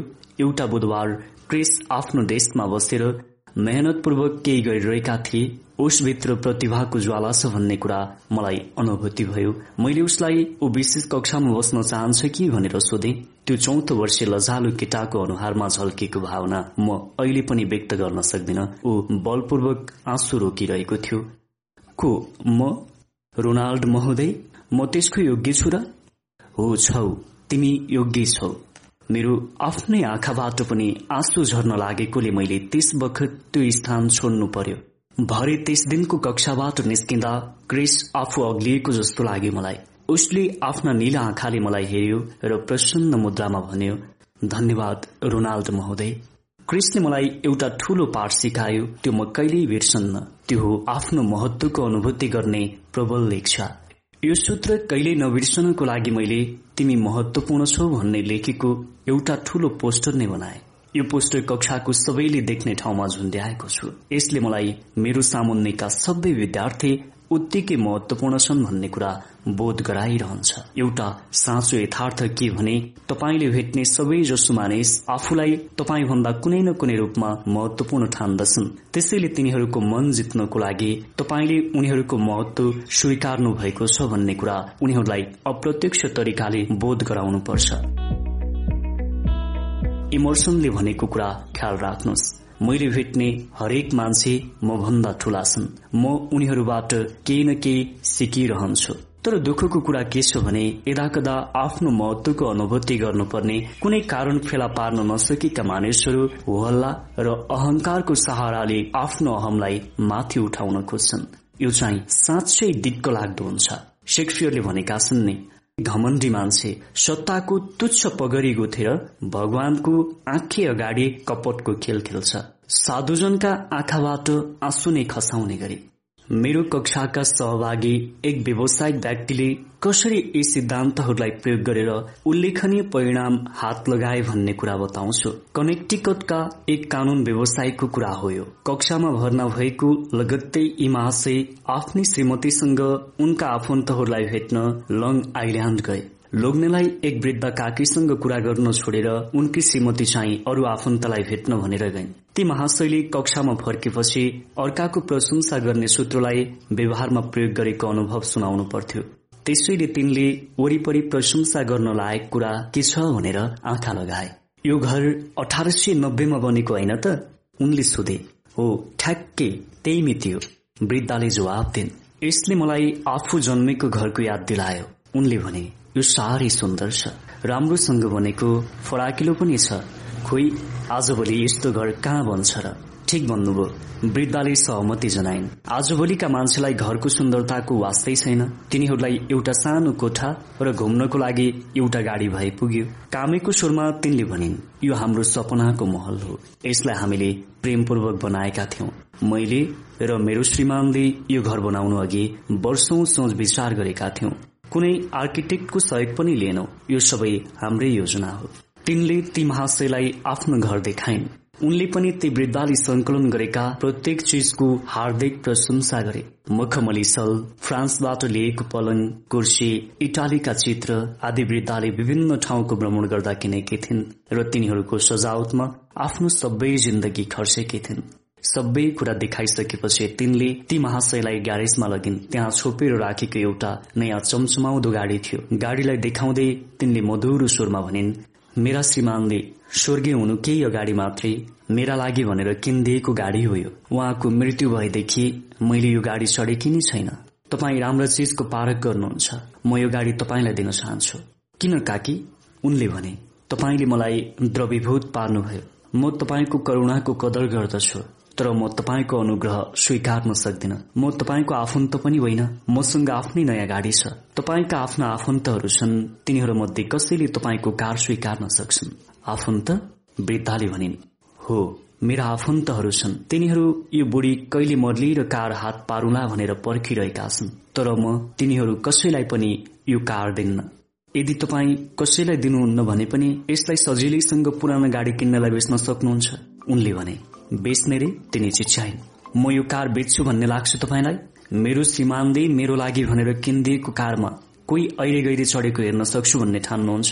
म त सपनामा पनि यस्तो सोच्न सक्दिन। म यो तपाईँलाई दिन्छु। तपाईँ राम्रो चिजको कदर गर्न सक्नुहुन्छ। उनले कार लिने कुरालाई तर्काउन खोजे तर यसले वृद्धाको मनमा चोट पुग्ने थियो। मखमली सल फ्रान्सका पुराना सामान स्मृतिहरूका बीच यो विशाल घरमा एक्लै एउटा सानो प्रशंसा र कदरका लागि तडपिरहेकी वृद्धा थिइन् तिनी। कुनै समय तिनी जवान र सुन्दर पनि थिइन्। तिनले प्रेमपूर्वक यो घर बनाएकी थिइन्। युरोपबाट राम्रा चिज ल्याएर घर सिंगारेकी थिइन् र अहिले तिनी बुढेसकालमा एक्लो जीवन गुजारिरहेकी थिइन्। तिनी सानो मानवीय स्नेह र साँचो कदरको कामना गरिरहेकी थिइन् जुन उनलाई कसैले दिएको थिएन। जब उनले यो कुरा पाइन् यो उनलाई मरूभूमिमा पाएको शीतलता जस्तै भयो। जवाफमा उनले आफूलाई सबभन्दा मन परेको वस्तु नै उपहार दिन चाहिन्। अर्को फेरि एउटा उदाहरण लिउँ। न्यूयोर्कको प्राकृतिक दृश्यको नक्सा बनाउने आर्किटेक्टको संस्था लेभिस एण्ड भ्यालेन्टाइनका सुपरिवेक्षक डोनाल्ड म्याकमोहनले बताएको कुरा हो कसरी साथीहरूको मन जित्ने र मानिसहरूलाई प्रभाव पार्ने विषयक व्याख्यान सुनेको केही समय पछिको कुरा हो एक प्रसिद्ध कानून व्यवसायको लागि जग्गाको नक्सा बनाइरहेको थिए। जग्गाको मालिक गुराँस र अरू वनस्पतिहरू कुन ठाउँमा लगाउन चाहन्छन् भन्ने निर्देशन दिन बाहिर आएका थिए। मैले भने तपाईँको शौक साह्रै असल रहेछ। तपाईँका कुकुरहरू मलाई साह्रै मन पर्यो। मलाई लाग्छ मेडिसन स्क्वायर गार्डनमा हुने प्रदर्शनीमा तपाईँले धेरै पुरस्कार जित्नु भएको होला। यो सानो प्रशंसाको प्रभाव उनमा साह्रै राम्रो पर्यो। उनले भने हो मलाई आफ्ना कुकुर धेरै मनपर्छ तपाईँ मेरो कुकुर राख्ने घर हेर्नुहुन्छ? उनले आफ्ना कुकुर र तिनीहरूले जितेका पुरस्कारहरू एक घण्टा लगाएर देखाए। तिनले कुकुरको वंश र जातिको व्याख्या गर्दै तिनीहरू किन र कसरी यति राम्रा र चलाक भएका हुन् भन्ने कुरा स्पष्ट पारे। अन्तमा मतिर फर्केर तिनले सोधे तपाईँका केटाकेटी छन्? मैले भने मेरो एउटा सानो छोरा छ। उसलाई कुकुरको बच्चा मनपर्छ उनले सोधे साह्रै मनपर्छ मैले भने धेरै राम्रो। म उसलाई एउटा उपहार दिन्छु। उनले निर्णय सुनाए। कुकुरको छाउरोलाई कसरी खुवाउने भन्ने विषयमा बताउन थाले उनी। फेरि एकैछिन रोकिएर मैले मुखले भने तपाईँले बिर्सन सक्नुहुन्छ म लेखेर दिन्छु। अनि उनी घरभित्र गए र छाउराको जाति वंशावली र खानपान व्यवहारको तरिका सबै टाइप गरेर मलाई दिए। मैले उनका शौक र उपलब्धिको साँचो प्रशंसा गरेकोले उनले सयौं डलर पर्ने कुकुरको छाउरो मात्र होइन आफ्नो सवा घण्टा बराबरको बहुमूल्य समय पनि मलाई दिए। ख्याति प्राप्त कोडाकका जज एस्नानले पारदर्शी फिल्मको आविष्कार गरेका थिए। यसले गर्दा चलचित्रको विकास मात्रै भएन। करोड़ौंको सम्पत्ति उनको पोल्टामा थुपारिन पुग्यो। साथै उनलाई संसारमा एक अति सफल व्यवसाय पनि बनाइयो। यतिका उपलब्धि बावजुद तिनी पनि तपाई र म जस्तै सानो प्रशंसाको इच्छुक थिए। उदाहरणको लागि इस्टम्यान रोकेस्टरमा इस्टम्यान संगीत विद्यालय र किलवन हल निर्माण गराइरहेका थिए। न्युयोर्कका सुपेरियर सिटिङ कम्पनीका अध्यक्ष अड्यामसन इस्टम्यानको भवनहरूको लागि कुर्सी उपलब्ध गराउन चाहन्थे। आर्किटेक्ट मार्फत उनले इस्टम्यानसँग रोकेस्टरमा भेट्ने समयले अब अड्यामसन आइपुगे। आर्किटेक्टले उनलाई सचेत गराए। मलाई थाहा छ तपाईँ यो अर्डर प्राप्त गर्न चाहनुहुन्छ। उहाँ एकदम अनुशासन प्रिय हुनुहुन्छ। उहाँ त्यत्तिकै व्यस्त पनि हुनुहुन्छ। तपाईँले उहाँको पाँच मिनट भन्दा बढ्ता समय लिनुभयो भने मान्नुहोस्। तपाईँले यो अर्डर पाउनु भएन त्यसैले आफ्नो कुरा सकेसम्म चाँडै नै भन्नुहोस् निस्किहाल्नुहोस्। अड्यामसन त्यसका लागि तयार भए। उनी कोठाभित्र प्रवेश गर्दा इस्टम्यान महोदय आफ्नो टेबलमा कागज पत्रको चाङमा घोरिरहेका थिए। उनले टाउको उठाए आफ्नो चस्मा फुकाले र नमस्कार म यहाँहरूको के सहयोग गर्न सक्छु? भन्दै आर्किटेक्ट र अड्यामसनतिर आए। आर्किटेक्टले आफ्नो परिचय दियो। त्यसपछि अड्यामसन महोदयले भने तपाईँलाई यहाँ पर्खिन्जेल मैले तपाईँको अफिसलाई राम्रोसँग हेर्ने अवसर पाएँ। मलाई तपाईँको अफिस मन पर्यो यस्तै अफिसमा बसेर काम गर्ने मेरो पनि इच्छा छ। म घरभित्रका फर्निचरको व्यवसायमा संलग्न छु। तर मैले मेरो जीवनमा यति राम्रो मिलेको अफिस त देखेकै थिएन। जर्ज इस्टम्यानले जवाब दिए तपाईँले मलाई मैले बिर्सने आँटेको एउटा कुरा सम्झाइदिनु भयो यो अफिस साह्रै राम्रो छ होइन त? पहिलो पटक यो बनेको बेला मलाई साह्रै आनन्द लागेको थियो। हिजो आज म यो अफिसमा प्रत्येक दिन आउँछु र जान्छु। कार्य व्यस्तताले कहिले त हप्तौंसम्म पनि यो कोठालाई राम्रोसँग हेर्नै भ्याउँदैन। अड्यामसन ढोकातिर बढे र खापामा हात दले यो बेलायती कटुस होइन। इटालियन कटुस भन्दा अलि बेग्लै छ। हो इस्टम्यानले जवाब दिए। आयात गरिएको बेलायती कटुस। काठहरूको विषयको मेरा एक विशेषज्ञ मित्रले मेरा लागि छानिदिएको थियो यो। इस्टम्यानले आफ्नो कोठा विस्तारपूर्वक देखाए। कोठाको आकार प्रकार रंग काष्ठकला र आफूले यसका लागि गरेको यावत योजनाको बखान गरेर सुनाए उनले कोठाभित्र टहल्दै काष्ठकलाको अभिरुचिपूर्वक अवलोकन गर्दै झ्याल अगाडि पुगेपछि उनीहरू रोकिए। इस्टम्यानले आफ्नो सुमधुर बोलीमा आफूले मानवताको सेवाका लागि छानेका केही संस्थाको नाम पनि बताए। रोकेस्टर विश्वविद्यालय general hospital homeopathic hospital friendly home बाल अस्पताल मान्छेका दुःख निवारणका लागि आफ्नो सम्पत्ति लगाउन चाहने इस्टम्यानको तेस्रो आदर्श विचारको अर्सम्यानले उच्च कदर गरे। त्यत्तिकैमा इस्टम्यानले सिसाको दराज खोले र आफूले पाएको पहिलो क्यामेरा अड्यामसनलाई देखाए। उनले एक अंग्रेजसँग त्यो क्यामेरा किनेका रहेछन्। अड्यामसनले इस्टम्यानले व्यवसायको शुरूआतमा गरेको संघर्षको बारेमा जान्न चाहे। इस्टम्यानले आफ्नो बाल्यकालका गरिबीको वास्तविक अनुभव सुनाए। कसरी उनकी विधवा आमाले एउटा पाहुना घर चलाएकी थिइन् र आफू एउटा बीमा अफिसमा क्लबको काम गरेर कसरी जीवन निर्वाह गर्नु परेको थियो भन्ने कुरा पनि उनले बताए। गरिबीको आतंकले उनलाई रात दिन सताउँथ्यो। त्यसै बेला उनले प्रशस्त पैसा कमाएर आमालाई सुख दिने लक्ष्य राखे। अड्यामसुन महोदय प्रश्न सोध्दै जान्थे र ध्यान दिएर उत्तर पनि सुन्थे। इस्टम्यानले सुक्खा फोटोग्राफिक प्लेटको परीक्षणको बारेमा पनि बताए। उनी त्यस्ताका दिनभरि अफिसमा काम गर्थे र कहिलेकाहीँ त रातभर पनि उनी प्रयोगमै व्यस्त हुन्थे। प्रयोगको बीचबीचमा रासायनिक प्रतिक्रिया हुन्जेलसम्म पर्खनु पर्थ्यो। त्यही समयमा उनी आफ्नो निद्रा पुर्याउँथे। अझ कहिलेकाहीँ लगातार बहत्तर घण्टासम्म कपडा नै नफेरी अफिसमै बिताउँथे। अड्यामसम्म सवा दस बजे त्यस अफिसमा प्रवेश गरेका थिए। उनलाई पाँच मिनट भन्दा बढी समय नलिन सचेत गराइएको थियो। तर एक घण्टा बित्यो अर्को घण्टा बित्यो। उनीहरू अझै कुरा गरिरहेका थिए। अन्तमा इस्टम्यान अड्यामसमतिर फर्किएर भने म पछिल्लो पटक जापान गएको बेला मैले केही कुर्सीहरू किनेर ल्याएको थिएँ। मैले ती कुर्सीलाई घाम नलाग्ने दलानमा राखेको थिएँ।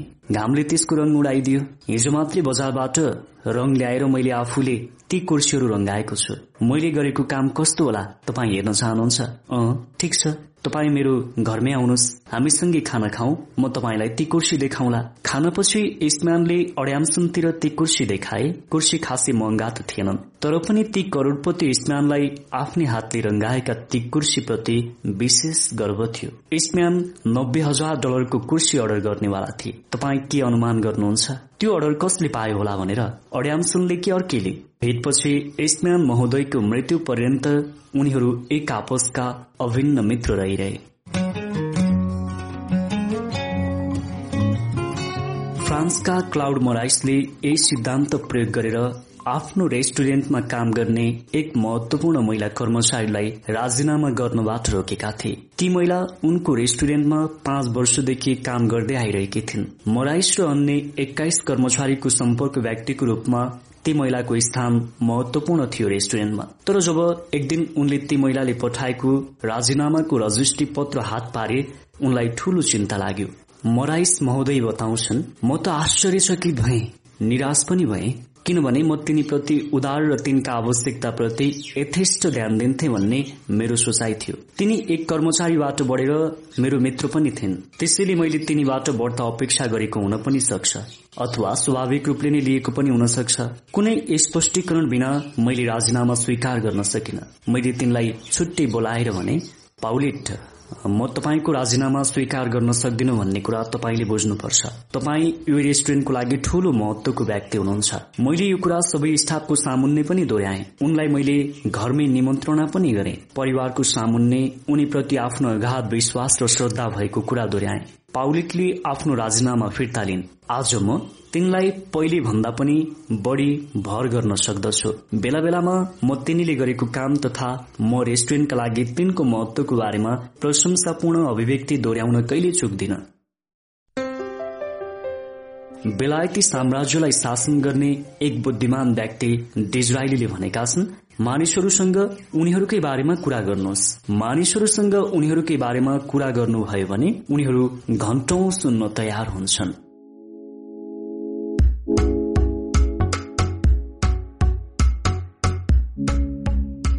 अरू व्यक्तिलाई आफूतिर आकर्षित गर्नको लागि उनीहरूको आफ्नो महत्वको अनुभूति इमान्दारितापूर्वक गराउनुहोस्। हामीले यो भागमा डिल कार्नेगीको एउटा सन्देश सिक्यौं। तपाईँले यो भागमा सिकेको कुरा पक्कै पनि आफ्नो जीवनमा लागू गर्ने प्रयास अवश्य गर्नुहुन्छ हामी आशा गर्दछौ।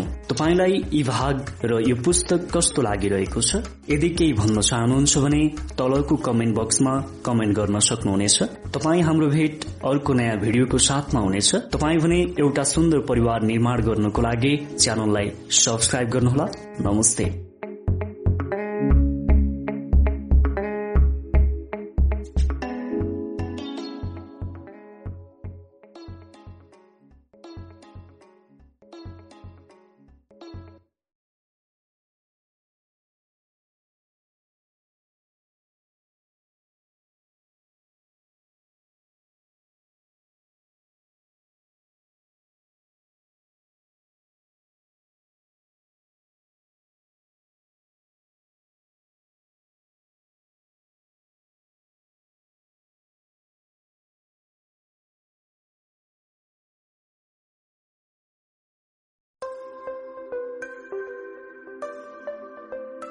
मानिसहरूको प्रिय बन्ने छ तरिकाहरू हामीले अघिल्लो भागमा सिक्यौं। नम्बर एक थियो मानिसहरूप्रति सच्चा चासो राख्नुहोस् नम्बर दुई थियो मुस्कुराउनुहोस्। नम्बर तीन थियो प्रत्येक मानिसलाई आफ्नो नाम सबभन्दा मिठो र महत्वपूर्ण लाग्छ भन्ने ख्याल राख्नुहोस्। नम्बर फोर थियो असल श्रोता बन्नुहोस् अरू व्यक्तिलाई आफ्नो बारेमा कुरा गर्न प्रोत्साहन गर्नुहोस्। नम्बर फाइभ थियो अर्को व्यक्तिको दृष्टिबाट हेरेर कुरा गर्ने गर्नुहोस्। नम्बर सिक्स थियो मानिसहरूलाई उनीहरूको आफ्नो महत्वको अनुभूति इमान्दारितापूर्वक गराउनुहोस्। तपाईँले अघिल्लो भागमा डेल कार्नेगीका यो मानिसहरूको प्रिय बन्ने छ तरिकाहरू सिक्नु भएको थियो। यी सूत्रहरू हामीले सारांशमा तपाईँलाई एकैचोटि प्रस्तुत गर्यौं अब हामी अर्को भागतिर लाग्दैछौ। आफ्नो कुरा कसरी मनाउने भाग तीनमा। बहस बेकार छ। प्रथम विश्वयुद्धको लगत्तै लन्डनमा एक साँझ मैले एउटा अमूल्य पाठ सिकेँ। म त्यस्ताका सर रोज स्मिथको लागि प्रबन्धक थिए। युद्धताका रोज महोदय प्यालेस्टाइनमा अस्ट्रेलियन प्रतिनिधिको रूपमा थिए। शान्तिको घोषणा भए लगत्तै पृथ्वीको आधा भाग तीन दिनमा हवाई चक्कर लगाएर रुसले संसारलाई अचम्मित पारेका थिए। यस्तो दुस्साहस यसपूर्व कसैले गरेको थिएन। यसले एउटा सनसनी नै पैदा गर्यो। अस्ट्रेलियन सरकारले पचास हजार डलरको पुरस्कार दियो। बेलायती सरकारले नाइटको पदवीले विभूषित गर्यो। केही समयको लागि बेलायती साम्राज्यभित्र चर्चाको विषय नै बन्न पुगेरोस्। एक साँझ म सर सम्मानमा दिइएको भोजमा सामेल भएको थिएँ। भोजको समयमा मसँगै बसेका एक महानुभावले एउटा ठट्यौली सुनाए। ठट्यौली भाग्यका निर्माता विधाता हुन्। हामीले टाउकै फोरे पनि केही लाग्दैन भन्ने उद्धरणसँग सम्बन्धित थियो। वक्ताले सो उद्धरण बाइबलको हो भनेर भने ऊ झुटो थियो। मलाई यो राम्रोसँग थाहा थियो। त्यसमा कुनै शंका नै थिएन। आफ्नो महत्व र विशिष्टता देखाउनका लागि म बिना अनुरोध ती महानुभावलाई सिकाउन दरिएर खडा भए। उसले पनि आफ्नो अडान छोडेन। के रे? सेक्सपियरको असम्भव। वाइ हात। त्यो उद्धरण बाइबलको हो। उसलाई यकिन थियो ती वक्ता महानुभाव मेरो देब्रेपट्टि थिए। मेरा एक पुराना मित्र फ्रेङ्क ग्यामोन्ड दाइनेतिर थिए। ग्यामोन्ड महोदय सेक्सपियरका ज्ञाता थिए। ती वक्ता र मैले यो प्रश्न ग्यामोन समक्ष राख्ने सहमति गर्यौं। ग्यामोनले ध्यान दिएर सबै कुरा सुने। त्यसपछि उनले मलाई लोपुवा खुवाउँदै भने डेल तिमी गलत छौ। यी भलादमी सही छन्। त्यो उदाहरण बाइबल के हो? बाटोमा सँगै घर फर्कँदा मैले ग्यामोनलाई सोधे फ्रेङ्क तिमीलाई थाहा थियो त्यो उदाहरण सेक्सपियरको हो भन्ने। उनले जवाब दिए हो वास्तवमै ह्यामलेट अङ्क पाँच दोस्रो दृश्य। तर हामी त्यहाँ आमन्त्रित पाउन मात्रै थियौं डेल। किन कसैलाई गलत साबित गर्ने हामीले? उसलाई तिमी जस्तै बनाउनको लागि। किन उसलाई आफ्नो अनुहार बचाउने मौका नदिने? फेरि उसले तिम्रो विचार मागेको पनि थिएन। उसले यो चाहेको पनि थिएन। उससँग किन तर्क गर्ने? ठाडो बहसबाट सधैँ बच मलाई यो पाठ पढाउने मित्रलाई म कहिल्यै बिर्सन सक्दिन। मैले ती वक्तालाई बेचैन मात्र पारेको थिएन। मेरा मित्रलाई पनि अप्ठ्यारो स्थितिमा फसाएको थिएँ। ऊ तर्क प्रेमी नभएको भए कति जाति हुने थियो। यो मलाई अति जरुरी पाठ थियो किनभने म एक नम्बरको कुतर्की भइसकेको थिएँ। सानो छँदा म आफ्ना दाजुसँग संसारमा भएका हरेक चिजको विषयमा तर्क गर्थे। कलेजमा मैले तर्कशास्त्र नै पढेँ र वाद विवाद प्रतियोगितामा भाग लिएँ। मिसौरीका व्यक्तिको यो बानी हो। म त अझ त्यही जन्मेको थिएँ। मैले देखाउनु थियो। पछि मैले न्युयोर्कमा वाद विवाद कला र तर्कशास्त्रको अध्यापन पनि गरेँ। लज्जाजनक कुरा के भने मैले एकपटक यस विषयमा पुस्तक नै लेख्ने विचार पनि गरेको थिएँ। तब उपरान्त मैले हजारौं यस्ता बहसमा सहभागी भएको छु सुनेको छु र त्यसको परिणाम पनि देखेको छु। यो सबैको निष्कर्ष स्वरूप म एउटा नतिजामा पुगेको छु। त्यो के हो भने ईश्वरको रचनामा बहसबाट उत्कृष्ट लाभ लिने एउटै बाटो छ। त्यो हो बहसबाट मुक्ति। कुनै विस्तारी सर्फ अथवा भुइँचालोबाट बस्न खोजे झै बहसबाट पनि बस्ने प्रयास गर्नुहोस्। दश मध्ये नौ बहसले यसको सहभागिताहरूलाई आफ्नो धारणाप्रति अझ दृढ विश्वस्त बनाउँदछ। तपाई बहस कहिले जित्न सक्नुहुन्न? तपाईँले कहिले जित्नुहुन्न? किनभने यदि तपाईँ हार्नुभयो भने हारिहाल्नुभयो। यदि जित्नुभयो भने पनि हार्नु नै हुन्छ। किन? ल मानौ तपाईँले कसैलाई जित्नुभयो रे? उसको कुरामा के तुक छैन भनेर प्रमाणित नै गरिदिनु भयो रे। ल तब के? तपाईँ निश्चितै रूपले प्रफुल्ल हुनुहोला। तर ऊ तपाईँले उसलाई हीन अनुभव गराउनुभयो। तपाईँले उसको गर्वमा चोट पुर्याउनु भयो तपाईँको विषयलाई उसले राम्रो मान्दैन किनभने इच्छा विरूद्ध आश्वस्त पारिएको व्यक्ति आफ्नै विचारमा अडिग रहन्छ केही वर्ष अघि प्याट्रिक वायर मेरो कक्षामा सहभागी भए। उसको शिक्षा धेरै थिएन तर बहस गर्नुमा भने खप्पिस। कुनै समय ऊ मोटर चालक थियो र अहिले ट्रक व्यवसाय गर्थ्यो ट्रकहरू बिक्री गर्न नसकेपछि ऊ म कहाँ आएको थियो। एकछिनको कुराकानीबाट के थाहा भयो भने ऊ बहस प्रेमी रहेछ। आफ्नो बहसले गर्दा आफूले कारोबार गर्न लागेको व्यक्तिलाई नै शत्रु बनाउन पुग्दो रहेछ। क्रेताले उसको ट्रकको बारेमा के नराम्रो कुरा गर्ने बित्तिकै ऊ रिसले आँखै देख्दो रहेनछ प्याट्रिकले त्यस्ता कैयौं बहस जितेको पनि रहेछ। उसले पछि मसँग बतायो म कैयौं पटक यसलाई मजाले चखाइयो भन्दै बाहिर निस्कन्थे। साँच्चै नै भनौ भने मैले भन्न त केही भनेको थिएँ तर कारोबार गर्न चाहिँ केही पनि सकिन। मेरो पहिलो समस्या प्याट्रिकलाई कुरा गर्न सिकाउनु थिएन। मेरो तत्कालको काम के भयो भने उसलाई वाक्युद्ध गर्ने बानीबाट छुटकारा दिलाउने। तिनै वायर पछि न्यूयोर्कको व्हाइट मोटर कम्पनीका एक प्रसिद्ध सेल्सम्यान हुन पुगे। त्यो कसरी हुन सक्यो त? वायरकै शब्दमा। यदि म खरिदकर्ताको अफिसमा पुग्दा त्यस सम्भावित खरिदकर्ताले के रे व्हाइट मोटर यो त राम्रो छैन। तपाईँले सित्तैमा दिए पनि लिन्न। म त होजिट किन्न लागिरहेको छु। भन्यो भने म भन्छु होजिट साँच्चै नै राम्रो ट्रक हो। तपाईँले त्यो ट्रक किनेर गल्ती गर्नु भएको छैन। यसका निर्माता र विक्रेता दुवै असल छन्। उसको बोली बन्द हुन्छ एकाएक।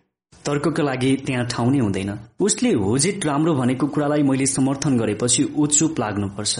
उसले फेरि यो राम्रो छ भनेर भन्न पाएन। होजिटको विषयमा कुरा टुङ्गेपछि म व्हाइट ट्रकको गुणको बारेमा बताउन शुरू गर्छु। कुनै समय यस्तो थियो जुन बेला यस खालको जवाफले म एकाएक रातो पिरो भइहाल्थे। म होजिटको विरोधमा एकाएक बोल्न शुरू गरिहाल्थे। जति म त्यसको विरोधमा बोल्थे मेरा प्रत्याशी त्यस वस्तुको पक्षमा त्यति नै बलियो साथ होइन्थ्यो उसको तर्क अब मेरो व्यापारी प्रतिद्वन्दीको पक्षमा जान्थ्यो। आफ्नो विगतलाई फर्केर हेर्दा मैले मेरा चिज कसरी बेचु होला भनेर अचम्म लाग्छ। मैले मेरा महत्वपूर्ण वर्षहरू तर्क वितर्क गरेर बिताए। अहिले मेरो मुख बन्द छ यसले फाइदा पनि दिलाएको छ। बेन फ्राङ्कलिन भन्ने गर्थे यदि तपाईँ बहस गर्नुहुन्छ र विरोध खडा गर्नुहुन्छ भने पटक पटक जित्न पनि सक्नुहुन्छ तर यो खोक्रो विजय हुनेछ। किनभने तपाईँ त्यस मानिसको सद्भाव कहिल्यै जित्न सक्नुहुन्न।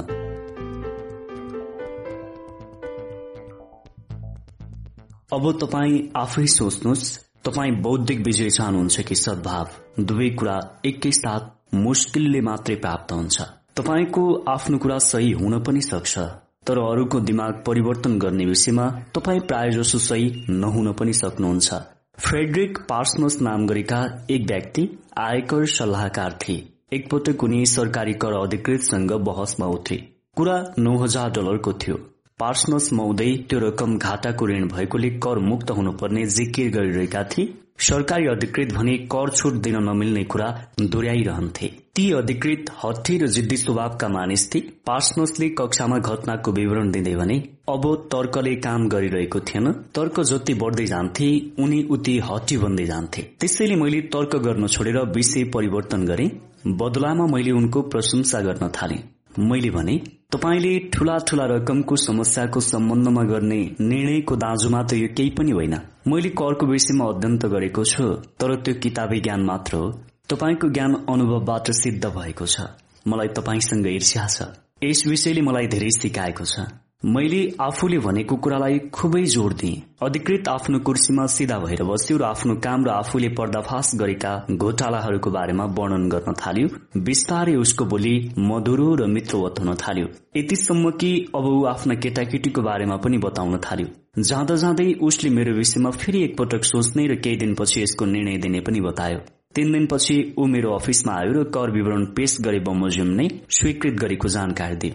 यो कर अधिकृत एउटा सामान्य मानवीय कमजोरीको प्रदर्शन गरिरहेको थियो। उसलाई आफ्नो महत्वको अनुभूति चाहिएको थियो। पार्सनसले उसँग तर्क गरेका थिए। आफ्नो अधिकार प्रदर्शन गरेर उसलाई महत्वानुभूति भइराखेको थियो। जब पार्सनसले उसको महत्वलाई स्वीकारेर तर्क गर्न छोडिदिए उसलाई आफ्नो अहमको विस्तार गर्ने मौका मिल्यो अनि ऊ विस्तारै भावुक र दयालु मान्छेको रूपमा प्रकट भयो। बुद्धले भनेका छन् घृणालाई घृणाले होइन प्रेमले जित्न सकिन्छ। त्यस्तै असमझदारीलाई तर्कले होइन समझदारी सद्भाव कूटनीति र अर्को व्यक्तिको पक्षबाट हेर्न चाहने सहानुभूतिपूर्ण भावनाले जित्न सकिन्छ। लिङ्कन एकपटक आफ्ना सहयोगीसँग झगडा गरिरहेको एक युवा सैनिक अफिसरलाई सम्झाइरहेका थिए। आफूमा भएको दक्षतालाई उजागर गर्न लागि परेको मान्छेलाई तर्क वितर्कमा लाग्ने फुर्सद हुँदैन। रिस आवेग र अनियन्त्रणले निम्त्याउने परिणामलाई बेहोर्ने समय पनि उसँग हुँदैन। अरूको भन्दा बढ्ता अधिकार नभएको जुनसुकै कुरालाई पनि त्यागिदिनुहोस्। सानातिना कुरा आफ्नै भए पनि त्यसको मोह कहिले नराख्नुहोस्। आफ्नो श्रेष्ठता साबित गर्न बाटो नछोडेर कुकुर बाटो टोकाई माग्नुभन्दा कुकुरलाई बाटो छोडिदिनु नै जाते। कुकुरलाई मारे पनि कुकुरले टोकेको घाउ विषेक हुने त होइन। बिड्स एण्ड पिसेस भन्ने पत्रिकामा छापिएको एउटा लेखमा असहमतिलाई बहसको कारण बन्नबाट कसरी रोक्न सकिन्छ भन्ने सुझावहरू दिइएको छ। नम्बर एक असहमतिलाई स्वागत गर। भनाइ छ। सहभागी दुवै सहमति भएको कुरामा दुई मध्ये एकको जरुरी हुँदैन। आफूले ख्याल नगरेको कुरा अर्कोले सम्झाइदियो भने उसलाई धन्यवाद देऊ। ठूलो गल्ती हुनु अगाडि नै आफूलाई सच्याउन पाउने यो ठूलो अवसर हो। नम्बर दुई आफ्नो पहिलो धारणाप्रति पूर्ण भर नपर असहमतिको परिस्थितिमा मान्छे रक्षात्मक हुन्छ। ऊ आफूलाई जोगाउन खोज्छ यसमा सावधान रहौ शान्त रहौ र आफ्नो प्रतिक्रियालाई पुनरावलोकन गर त्यो बेलामा तिमी सही मार्गमा नभएको पनि हुन सक्छौ। नम्बर तीन रिसलाई काबुमा राख। ख्याल राख कुनै मान्छे के विषयमा उत्तेजित हुन्छ त्यसको आधारमा उसलाई चिन्न सकिन्छ।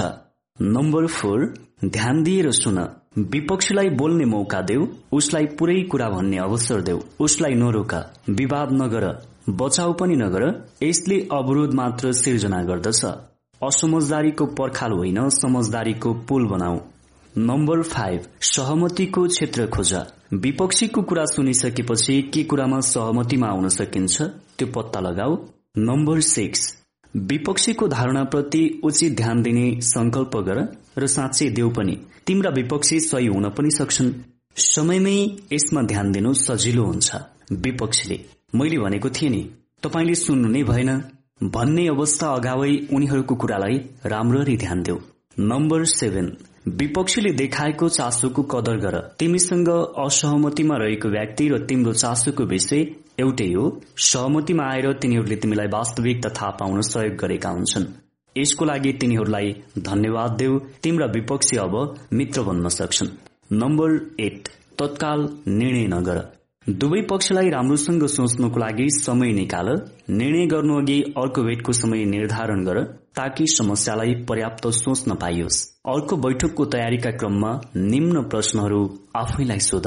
कतै विपक्षी सही त हुन सक्दैन? केही सही छ कि? उसको भनाइमा केही दम छ कि? म समस्यालाई सुल्झाउनतिर लागेको छु कि आफ्नो कुण्ठा पोखिरहेको छु? मेरो प्रतिक्रियाले प्रतिद्वन्दीलाई मेरो नजिक ल्याएको छ कि टाढा पुर्याएको छ? मेरो कुराले मेरो प्रतिष्ठा बढाएको छ कि घटाएको छ? म विजय हुला कि पराजित? विजयका लागि मैले के मूल्य चुकाउनु पर्ला?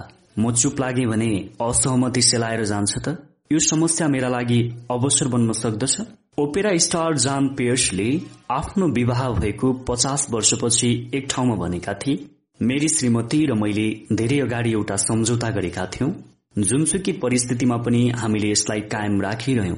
त्यो के भने एकजना रिसाएर कराउँदा अर्कोले चुप लागेर सुन्ने। किनभने दुवैजना चिच्याउँदा कुनै सम्वाद हुन सक्दैन। त्यो त केवल हो हल्ला मात्र हुन सक्छ।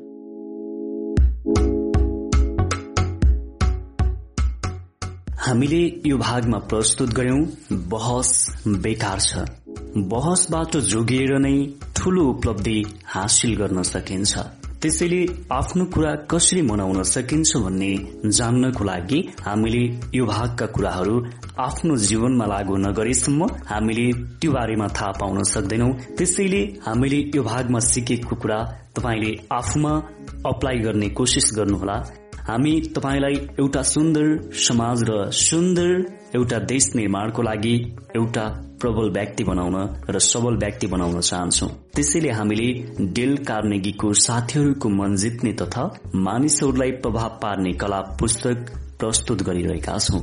र यो पुस्तक तपाईँलाई कस्तो लागिरहेको छ यदि केही भन्न चाहनुहुन्छ भने कमेन्ट बक्समा कमेन्ट गर्न सक्नुहुनेछ। डियर सर एन्ड म्याडम एउटा सुन्दर परिवार समाज र राष्ट्रको लागि हितकर हुन्छ। त्यसैले हामी एउटा सुन्दर परिवार निर्माण गर्न चाहन्छौ। यदि तपाईँ त्यो परिवारको एक सुन्दर सदस्य बन्न चाहनुहुन्छ भने च्यानललाई सब्सक्राइब गर्नुहोला। तपाईँ हाम्रो हिट अर्को नयाँ भिडियोको साथमा हुनेछ। नमस्ते।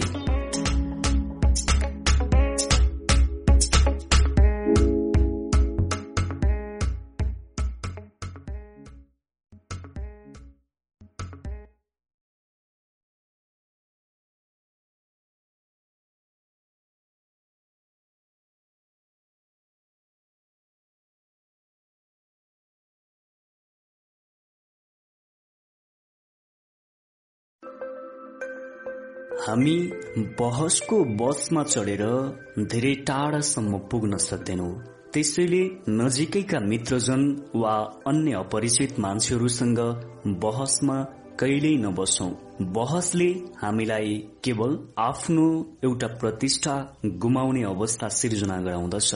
त्यसैले बहसको बारेमा बुझ्नको लागि हामीले अघिल्लो भागमा सम्पूर्ण जानकारी प्रस्तुत गर्यौं बहस भनेको के हो र बहसले कसरी हाम्रो प्रतिष्ठा गुमाउने एउटा बाटो सिर्जना गर्दछ भन्ने कुरा अघिल्लो भागमा सिक्यौं। अबको भागमा हामी सिक्दैछौ शत्रु कमाउने अचुक तरिका र यसबाट कसरी बस्ने त? थियोडर रोजवेल्ट अमेरिकाका राष्ट्रपति थिए। उनी बीसौं शताब्दीका एक महानतम व्यक्तित्व हुन्। उनको आफ्नो मूल्याङ्कन चाखलाग्दो छ। उनले एकपटक के स्वीकारेका थिए भने आफ्नो समयमा पचहत्तर प्रतिशत मात्र सही हुन सकेको भए उनी सोचे अनुसारको सफल व्यक्ति हुन सक्थे। रोजवेल्ट जस्ताको स्थिति त यस्तो छ भने तपाईँ हामी साधारण मान्छेको अवस्था के होला? तपाईँ पचपन्न प्रतिशत मात्रै सही हुन सक्नुहुन्छ भने प्रत्येक दिन लाखौं डलर कमाउन सक्नुहुन्छ। जब आफू पचपन्न प्रतिशत पनि ठिक निर्णय गरिरहनु भएको छैन भने अरूको गल्ती छुट्याउने अधिकार तपाईँलाई कसले दियो? तपाईँ कुराले मात्र होइन हेराई लवज र संकेतले पनि कुनै मानिसलाई ऊ गलत छ भनेर बताउन सक्नुहुन्छ। तपाईँको अभिव्यक्तिले त्यो व्यक्ति परिवर्तन हुन्छ भन्ने ठान्नुहुन्छ? असम्भव। किनभने तपाईँले उसको विवेक क्षमता र आत्मसम्मानमा चोट पुर्याउनु भएको छ। उसले पनि तपाईँलाई त्यस्तै गर्न खोज्छ। प्लेटो इमानुएल कामको तर्कको सहयोग लिएर लाख कोसिस गर्नुहोस् व्यक्ति परिवर्तन हुन मान्दैन। किनभने तपाईँले उसको भावनामा ठेस पुर्याउनु भएको छ। म तपाईँलाई यो कुरा प्रमाणित गरेर देखाएर छोड्छु भनेर आफ्नो कुरा कहिल्यै शुरू नगर्नुहोस्। यसो भन्नु अप्रत्यक्ष रूपमा म तपाईँभन्दा जान्नेछु। मैले एक दुई कुरा बताएपछि तपाईँ आफ्नो मन परिवर्तन गरिहाल्नुहुन्छ भन्नु जस्तै हो। यो एउटा चुनौती हो। यसले मान्छेलाई तपाईँको कुरा सुन्नतिर भन्दा पनि तपाईँसँग मुकाबिला गर्न प्रेरित गर्दछ। सामान्य अवस्थामा त मान्छेको दिमाग परिवर्तन गर्न गाह्रो हुन्छ भने परिस्थितिलाई अझ अप्ठ्यारो किन बनाउने? किन आफैलाई कमजोर बनाउने? केही कुरा बुझाउन खोज्नु भएको छ भने उनीहरूलाई आफ्नो प्रयास पहिले खुलासा नगर्नुहोस्। यसरी अप्रत्यक्ष रूपमा गर्नुहोस् कि कसैले तपाईँको प्रयासको छनक नै नपाओस्। अलेक्जेन्डर पोपले सुन्दर ढंगले यो कुरा बताएका छन्।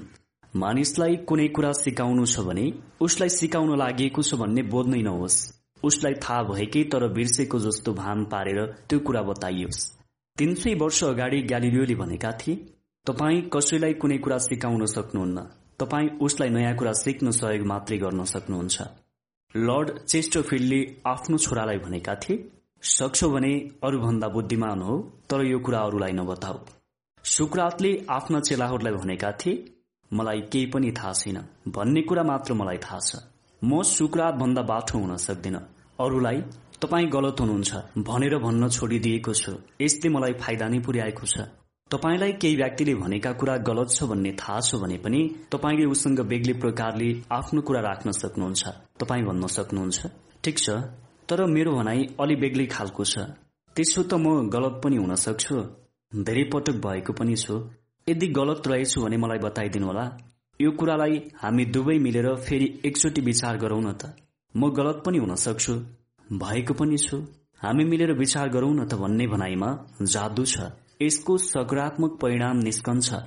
संसारमा कसैले पनि म गलत पनि हुन सक्छु फेरि विचार गरौं भन्ने कुराको प्रतिवाद गर्न सक्दैन। यो कुरालाई व्यवहारमा प्रयोग गर्ने मोन्टानाका ह्यारोल्ड रिङ्के नामका व्यापारी थिए। गाडी व्यापारको तनावग्रस्त परिस्थितिमा रिङ्गे ग्राहकका गुनासोप्रति त्यति ध्यान दिन सकिरहेका थिएनन् त्यसले उनको व्यापारमा असर गर्यो घाटा पर्न थाल्यो। रिङ्गी आफ्नो अनुभव बताउँछन् आफ्नो व्यवहारले धेरै नोक्सान पुर्याएको चाल पाएपछि मैले आफ्नो शैली बदले। ग्राहकहरूले गुनासो गर्न खोज्दा म भन्थे हामीबाट धेरै लज्जाजनक गल्ती भएका हुन सक्छन्। तपाईँसँगको व्यवहारमा पनि गल्ती भएको हुन सक्छ। कृपया त्यसलाई औंलाई दिएर हामीलाई सुधार गर्ने मौका दिनुहोस्। यो तरिका धेरै प्रभावकारी रह्यो। आफ्नो आवेग निख्रिसकेपछि ग्राहक बढी व्यवहारिक हुन्थे र समस्यालाई सजिलोसँग समाधान गर्न खोज्थे। मेरो व्यवहारको धेरैले प्रशंसा पनि गर्न थाले। तीमध्ये दुईजनाले आफ्ना साथीहरूलाई म कहाँबाट गाडी पनि किनाए। आजको यस्तो प्रतिस्पर्धात्मक परिस्थितिमा हामीलाई यस्तै ग्राहक चाहिन्छ। ग्राहकको कुरा सुन्ने र उनीहरूसँग सौहार्द र कूटनीतिक ढंगबाट व्यवहार गरेर हामी यो कठोर प्रतिस्पर्धामा सजिलै टिक्न सक्छौ भन्ने मेरो विश्वास छ। आफू गलत छु भनेर स्वीकार गर्दा तपाईँलाई कुनै हानि हुँदैन।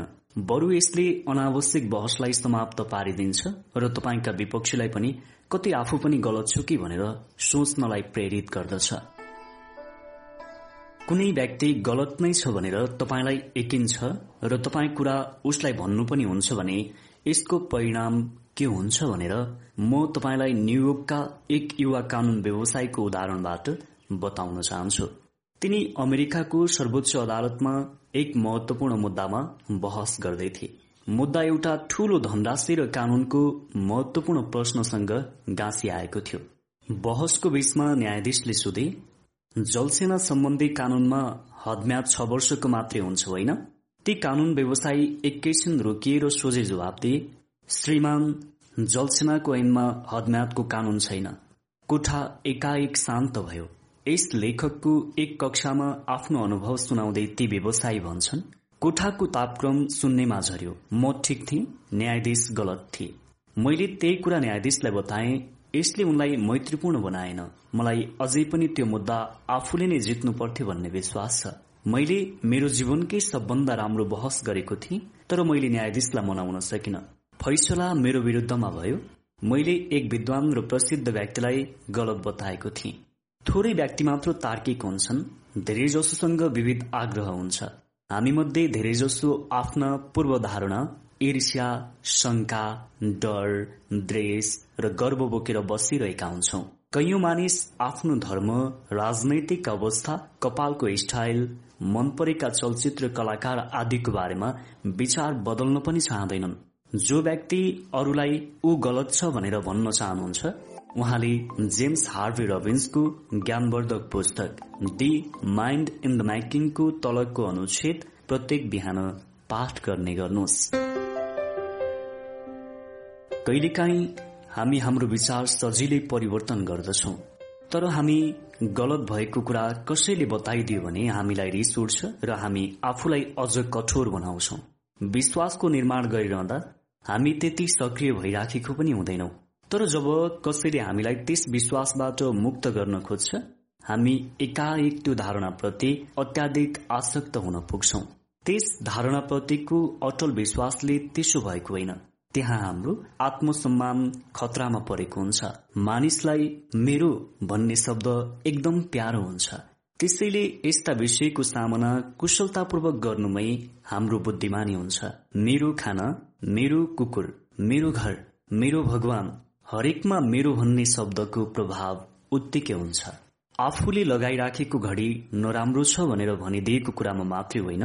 मंगल ग्रहको नहर कुनै शब्दको उच्चारण जस्ता ऐतिहासिक एवं वैज्ञानिक तथ्यहरू बारेको धारणा परिवर्तन गर्न गरिएको आग्रहप्रति पनि हामीलाई रिस उठ्छ। सबै मानिस आफूले साँचो ठहराइराखेको कुरामा अडिग रहिरहन चाहन्छन्। हाम्रो मान्यताप्रति उठाइएको प्रश्नले हामीलाई त्यो धारणाप्रतिको विश्वासलाई झन मजबुत पार्न प्रेरित गर्दछ।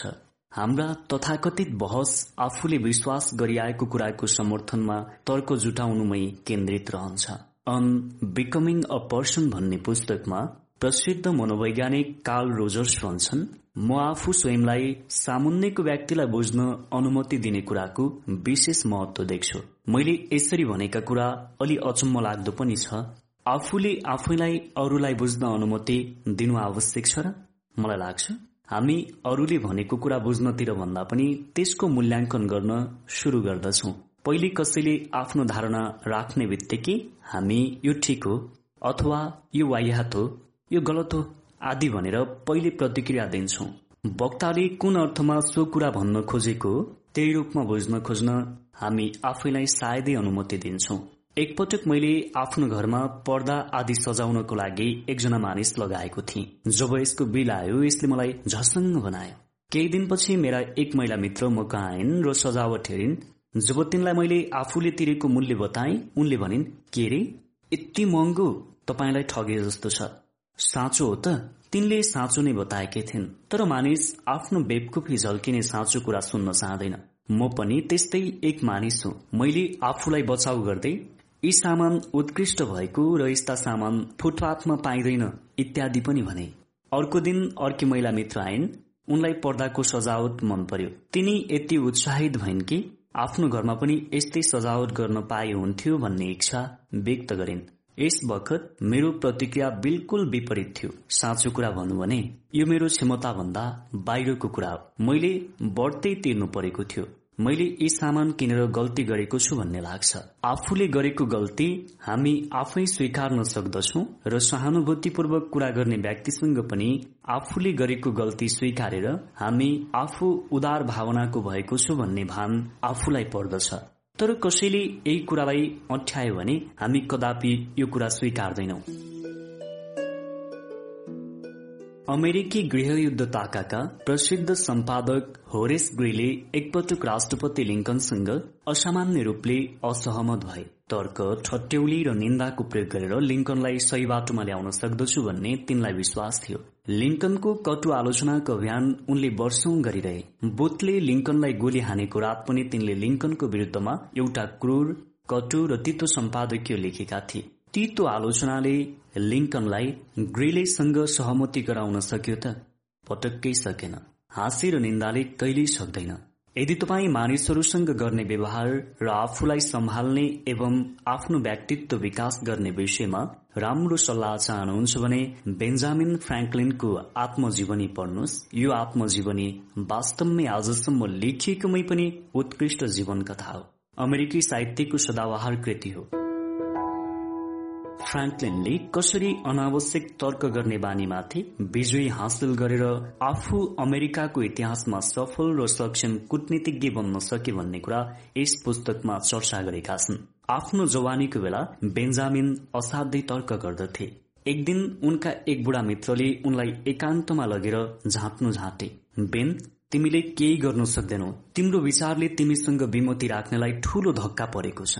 तिम्रो विचार यति आक्रमक हुन्छ कि कसैले पनि तिम्रो वास्ता गर्दैन। तिम्रा मित्रहरूलाई तिमी नहुँदा धेरै आनन्द हुन्छ। तिमी उनीहरू भन्दा ज्ञाता छौ। त्यसरी कोही पनि तिमीलाई केही भन्दैन। फेरि केही भन्न खोज्दा आफैलाई कठिन र अप्ठ्यारो पर्ने हुनाले उनीहरू प्रयास पनि गर्दैनन्। तिमीसँग भएको ज्ञान धेरै पनि होइन। यही चाला हो भने तिमी आफ्नो ज्ञानलाई बढाउन पनि सक्दैनौ। बेनले त्यो आलोचनालाई स्वीकारे। बेनको बारेमा यो नै सबभन्दा राम्रो पक्ष हो भन्ने लाग्दछ। आफू असफलतातिर धकेलिरहेको कुरा सत्य हो भनेर स्वीकार गर्नु बेनको बुद्धिमत्ता र उदारता थियो। उनलाई आफ्नो गल्ती महसुस भइहाल्यो। उपरान्त उनले आफ्नो बहसी मिजाजलाई सुधार गर्न शुरू गरिहाले। मैले अरूको भावनामा ठेस लाग्ने प्रत्येक कुरा बोल्नबाट बस्ने नियम नै बनाए। आफ्नो कुरालाई बढी जोड़ दिएर भन्नबाट पनि बस्ने प्रयास गरे।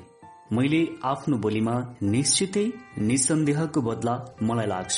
मलाई थाहा भए अनुसार म यसरी सोचिराखेको छु जस्ता अभिव्यक्तिलाई प्रयोग गर्न थाले।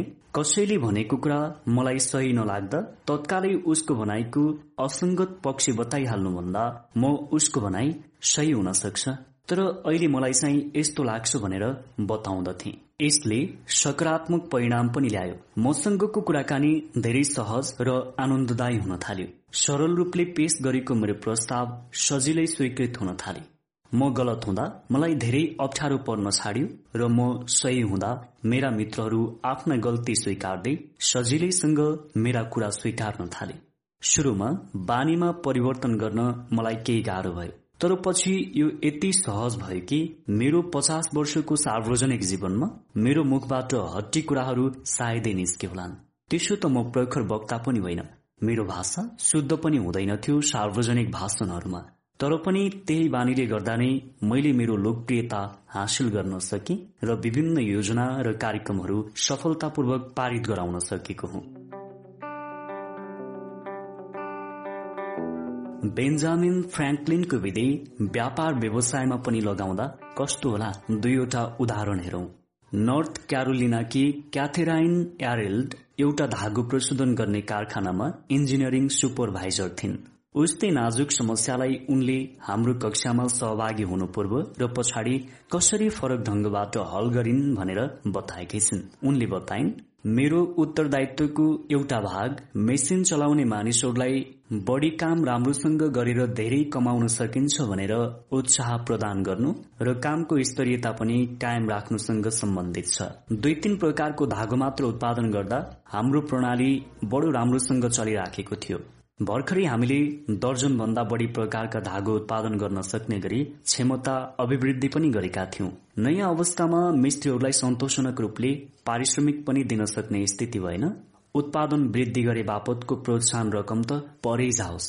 जस्तो खालको धागो उत्पादन मिस्त्रीले गरिराखेको छ त्यही अनुसारको पारिश्रमिक दिने नयाँ योजनाको बारेमा मैले सोचेको थिएँ।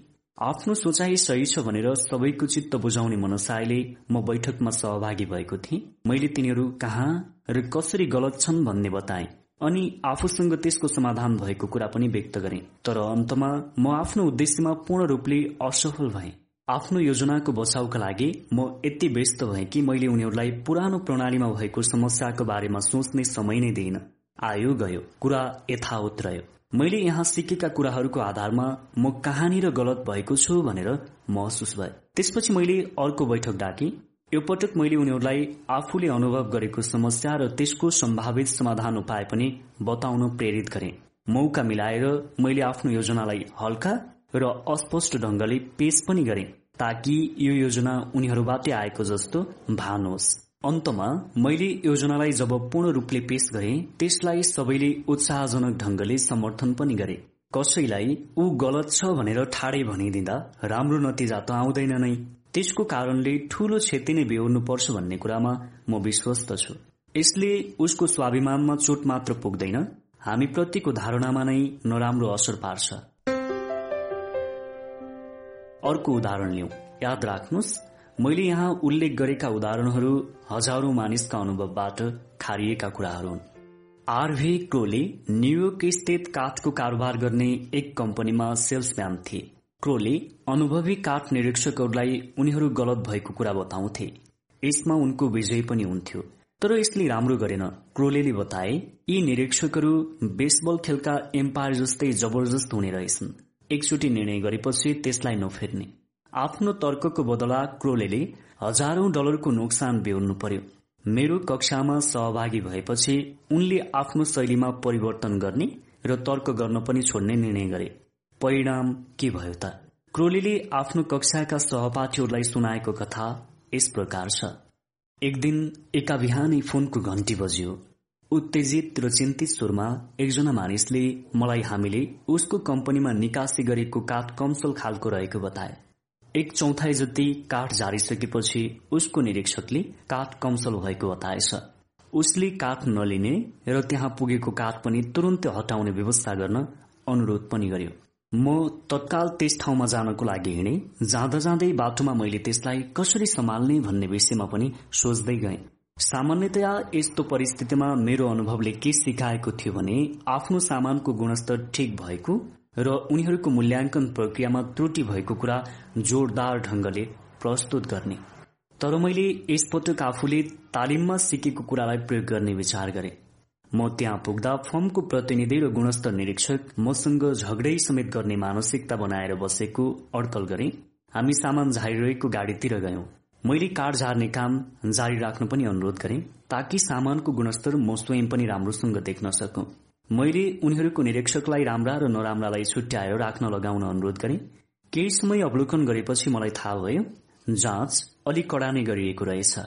परीक्षणको नियमलाई सही रूपले पालना पनि गरिएको रहेनछ। उसले नराम्रो भनेर छुट्याएको एउटा काठ सेतो सल्लो थियो।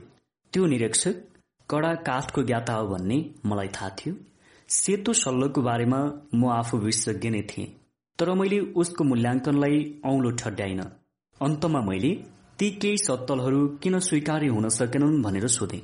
मेरो बोलीमा ती निरीक्षकले त्रुटि गरेको कुरा मैले सोचिरहेको छु भन्ने भान पर्न दिएन।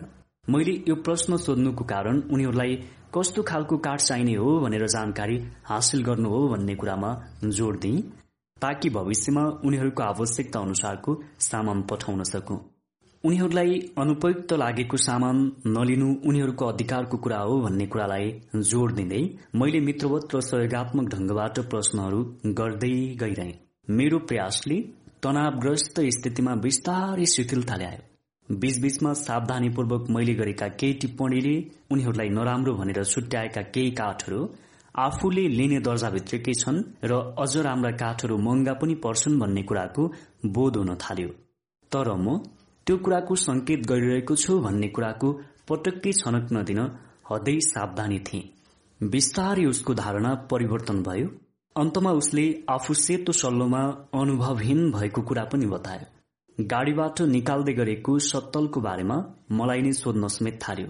मैले पनि यो सत्तल किन र कसरी उनीहरूले माग गरेको गुणस्तर भित्रको छ भनेर राम्रोसँग व्याख्या गरिदिए।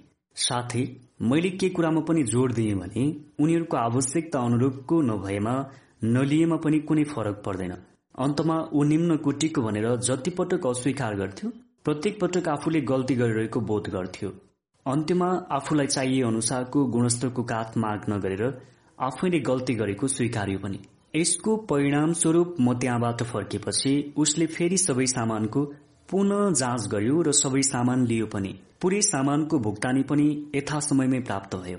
अरूको गल्ती तत्काल नौल्याउने निर्णय गरेकोले त्यस घटनामा मेरो कम्पनी ठूलो नोक्सानीबाट बच्यो जुन सद्भाव हामीबीच कायम रहिरह्यो त्यसको त कुनै मूल्य नै छैन। मार्टिन लुथर किङलाई एकपटक उनी आफू शान्तिका पक्षपाती हुँदाहुँदै पनि किन वायुसेना प्रमुख ड्यानियल जेम्सका प्रशंसक भएका हुन् भनेर सोधिएको थियो। किङको जवाब थियो म मानिसलाई मेरो सिद्धान्तबाट होइन कि उसकै सिद्धान्तको पक्षबाट मूल्याङ्कन गर्दछु। सेनापति रोबर्ट लिली पनि यस्तै शैलीबाट संघीय अध्यक्ष जेफरसन डेभिसका समक्ष आफ्ना अधीनस्थ एक अधिकारीको मुरी मुरी प्रशंसा गरेका थिए। त्यही उपस्थित अर्का अधिकारीले लीलाई सोधे सेनापतिज्यू तपाईँले भर्खरै प्रशंसा गर्नुभएको व्यक्ति तपाईँको कट्टर शत्रु हो। र मौका पाएको बेला तपाईँको विरूद्ध विष बमन गर्न पनि पछि हट्दैन। तपाईँलाई थाहा छैन र? सेनापतिले जवाब दिए थाहा छ। तर अध्यक्षले उसको बारेमा मेरो धारणा जान्न चाहेका थिए न कि मेरो बारेमा उसको धारणा। त्यसो त यो पाठमा मैले कुनै नयाँ कुरा बताएको छैन। जिसुस क्राइस्टले दुई हजार वर्ष अघि नै भनेका थिए विरोधीसँग तत्काल सहमतिमा आइहाल। क्राइस्ट जन्मनुभन्दा बाइसै वर्ष अगाडिका इजिप्टका राजा आक्थोइले आफ्नो छोरालाई दिएको एउटा समझदारीपूर्ण सल्लाह आज पनि त्यत्तिकै सान्दर्भिक छ। राजाले भनेका थिए कूटनीतिज्ञ बन यसले तिमीलाई आफ्नो कुरा सहमत गराउन ठूलो मद्दत गर्दछ। अर्को शब्दमा भन्नुपर्दा ग्राहक विरोधी र जीवनसाथीसँग कहिले बहस नगर। तिनीहरूलाई उनीहरू गलत छन् भनेर कहिले नभन। तिनीहरूलाई कहिले उत्तेजित नपार। अलिकति कूटनीतिको सहारा लिऊ। आफ्नो कुरा मनाउनको लागि अरूको विचारलाई सम्मान गर्नुहोस्। तपाईँ गलत हुनुहुन्छ भनेर कहिले नभन्नुहोस्। यसले गर्दा दुवैजनाको सम्बन्ध प्रगाढ रहन सक्छ। साथीहरूको मन जित्ने तथा मानिसहरूलाई प्रभाव पार्ने कला डेल कार्नेगीको पुस्तक हामीले तपाईँ समक्ष राख्यौं र राखिरहेका छौं। तपाईँलाई यो पुस्तक कस्तो लागिरहेको छ? यदि केही भन्न चाहनुहुन्छ भने कमेन्ट बक्समा कमेन्ट गर्न सक्नुहुनेछ। एउटा सुन्दर परिवारले समाज राष्ट्र र तपाईँको आफूलाई पनि बदल्न सक्ने सामर्थ्य राख्दछ। त्यसैले एउटा सुन्दर परिवार निर्माण गर्नु हामी सबैको दायित्व र जिम्मेवारी हुन्छ। यदि यस अभियानमा तपाईँले साथ दिनुहुन्छ भने तपाईँले हाम्रो यस युट्युब च्यानललाई सब्सक्राइब गर्न सक्नुहुनेछ। तपाईँ हाम्रो भेट भने अर्को नयाँ भिडियोको साथमा हुनेछ। नमस्ते।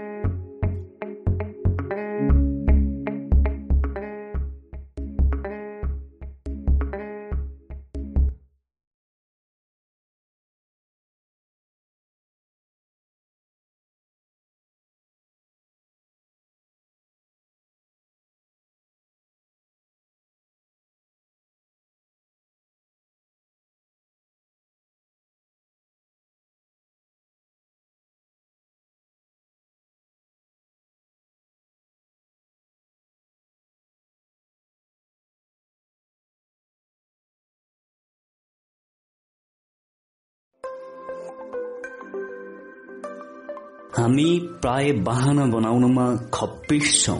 त्यसमाथि त अझ हामी नेपाली नेपालीको बानी त भोलिवाद र बाहनामै बाँचिरहेको छ। हामीले बाहना यति राम्रो बनाउँछौ कि साँच्चै नै हामी त्यो कामबाट उम्कनको निम्ति राम्रो उपाय खोजिरहेका हुन्छौ। र त्यही राम्रो उपाय हामीले बाहनाबाट प्राप्त गर्दछौ।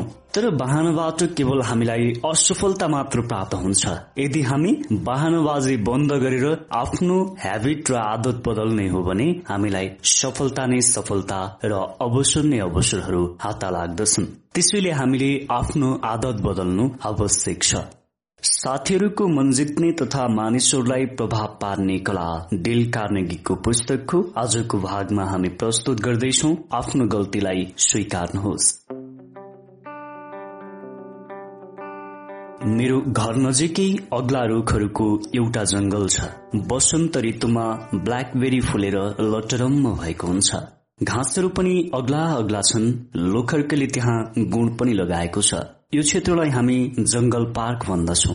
सम्भवतः यो वन कोलम्बस यहाँ आउँदा जस्तो थियो। त्यस्तै रूपको रहेको हुन सक्छ म यो पार्कमा यदा कदा मेरो कुकुर रेकसँग घुम्न निस्कन्छु। कुकुर सानो चिटिक्क परेको र कसैलाई नोक्सान नगर्ने खालको छ। जंगलमा कोही मान्छे भेट्ने सम्भावना नहुने भएकोले म उसलाई साङ्लाले नडोर्याइकन त्यत्तिकै लिएर जान्छु। एक दिन पार्कमा एक पुलिसवाला भेट भयो। उसले आफ्नो अधिकार देखाउन खोज्यो। कुकुरलाई त्यसरी खुल्ला नै पार्कमा ल्याउनुको माने के हो? यो कानून विपरीत कार्य भन्ने थाहा छैन? उसले हल्का गाली नै गर्यो। मैले सरल उत्तर दिएँ थाहा छ तर यसले कसैलाई कुनै हानि गर्छ भन्ने मलाई लाग्दैन। तपाईँलाई लाग्दैन तर कानूनलाई तपाईँलाई के लाग्छ भन्ने कुराको ज्ञान हुँदैन। कुकुरले लोखर्के मार्न पनि सक्छ अथवा कुनै बच्चालाई टोक्न पनि सक्छ। यो पटक त म तपाईँलाई छाडिदिन्छु तर अर्को पटक पनि कुकुरलाई यसै गरी छाड्नु भएको पाएँ भने राम्रो हुने छैन। तपाईँले अदालतमा जवाब दिनुपर्नेछ। मैले अर्को पटक त्यस्तो हुँदैन भनेर भने। केही दिन त मैले त्यसलाई पालना पनि गरेँ तर मलाई रिक्स र दुवैमा यो मन परेको थिएन। हामीले भाग्यमा भर गर्ने निर्णय लियौं। बडो रमाइलो भयो केही समय त। तर एक दिन म र रेक्स हल्का दौडिरहेका थियौं। त्यहाँ त्यो पुलिसवाला घोडामा चढेर आइरहेको थियो। रेक्स त्यतातिर झम्टिहाल्यो। आफू फसेको मलाई थाहा भइहाल्यो। मैले उसलाई बोल्ने मौकै नदेखन भने तपाईँले मलाई सप्रमाण पक्रिनु भयो म दोषी छु। मसँग कुनै बाहना छैन अब। कुनै स्पष्टीकरण पनि दिन चाहदिन म। तपाईँले मलाई अघिल्लो हप्ता यस्तो गल्ती गरे सजाय हुने बताउनु भएको पनि थियो। सानो स्वरमा बोल्यो यसरी आफ्नो सानो कुकुरलाई वरिपरि कोही नभएको मौकामा हल्का दौडाउनु सबैलाई रहर लाग्ने कुरा हो। हजुर हजुर। तर यो कानून विपरीत चाहिँ छ। मैले जवाब दिएँ। पुलिसवालाले जवाब दियो यस्तो सानो कुकुरले कसैलाई नोक्सान त पुर्याइहाल्दैन त्यसो त। मैले भने हो तर यसले लोखर्के मार्न त सक्छ नि। त्यसपछि उसले मलाई भन्यो अब तपाईँ त्यसलाई गम्भीर रूपले लिन थाल्नुभयो। म तपाईँलाई एउटा सल्लाह दिन्छु। तपाईँ आफ्नो कुकुरलाई मैले नदेख्ने ठाउँमा डुलाउनुहोस् अनि हामी यो कुरालाई पनि बिर्सौं मानिस भएको नाताले ऊ महत्वानुभूति चाहन्थ्यो। जब मैले आफैलाई दोषी ठहराए आफ्नो आत्म अभियानलाई प्रदर्शन गर्नुको लागि उसले अब म प्रति दयाभाव देखाउनु पर्ने भयो मानौ मैले पुलिसवालासँग तर्क गरेको भए। तपाईँले कहिले उनीहरूसँग बहस गर्नुभएको छ? उसँग बहसमा उत्रिनु भन्दा पहिले मैले आफू पूरा गलत भएको र ऊ सही भएको सहर्ष स्वीकारे। परिणाम के भयो भने म पुलिसवाला जस्तो बन्न पुगे। ऊ चाहिँ मेरो पक्षबाट मलाई बचाउ गर्न लाग्यो। अघिल्लो हप्ता मात्रै मलाई कानूनको धम्की दिने यो पुलिसवाला। आज न्यायाधीश भन्दा नरम र कोमल रूपमा देखा पर्यो। जब हामीलाई कसैले दोषी देखाएर छाड्छ भने हामी स्वयं त्यो काम पनि आफै नगर्ने। किन अर्कोलाई बोल्ने मौका दिने? पढाइको मुखबाट गाली सुन्नुभन्दा आत्मआलोचना धेरै राम्रो होइन र अर्काले तपाईँलाई होच्याएर भन्न सक्ने सबै शब्दहरू तपाईँ आफै आफूलाई भन्नुहोस् त। उसले भन्दा पहिले नै भन्नुहोस्। यस्तो स्थितिमा त्यस पुलिसवालाले म र मेरो कुकुर प्रति गरेको व्यवहार चाहिँ तपाईँको दोष थोरै देखिने र क्षमा पनि पाउन सक्ने सम्भावना उनान्सय प्रतिशत हुन्छ।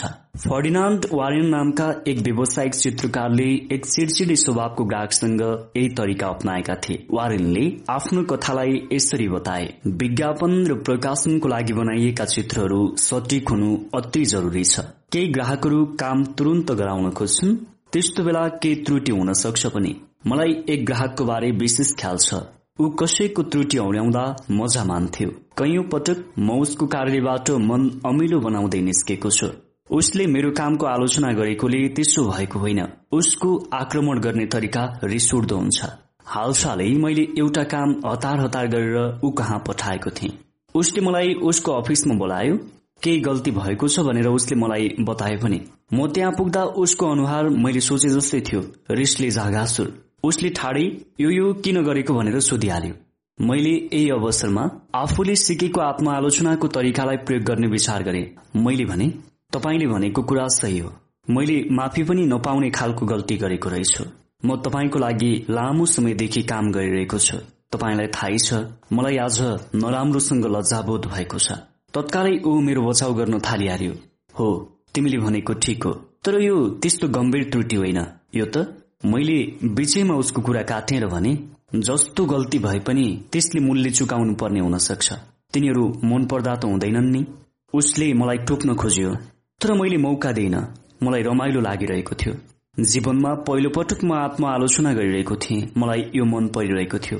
म बोलिरहे। मैले अलि विचार पुर्याउनु पर्थ्यो। तपाईँले मलाई धेरै काम दिनुभएको छ। तपाईँले उत्कृष्ट काम पाउनु पर्ने हो। म अर्को बनाइदिन्छु। पर्दैन पर्दैन।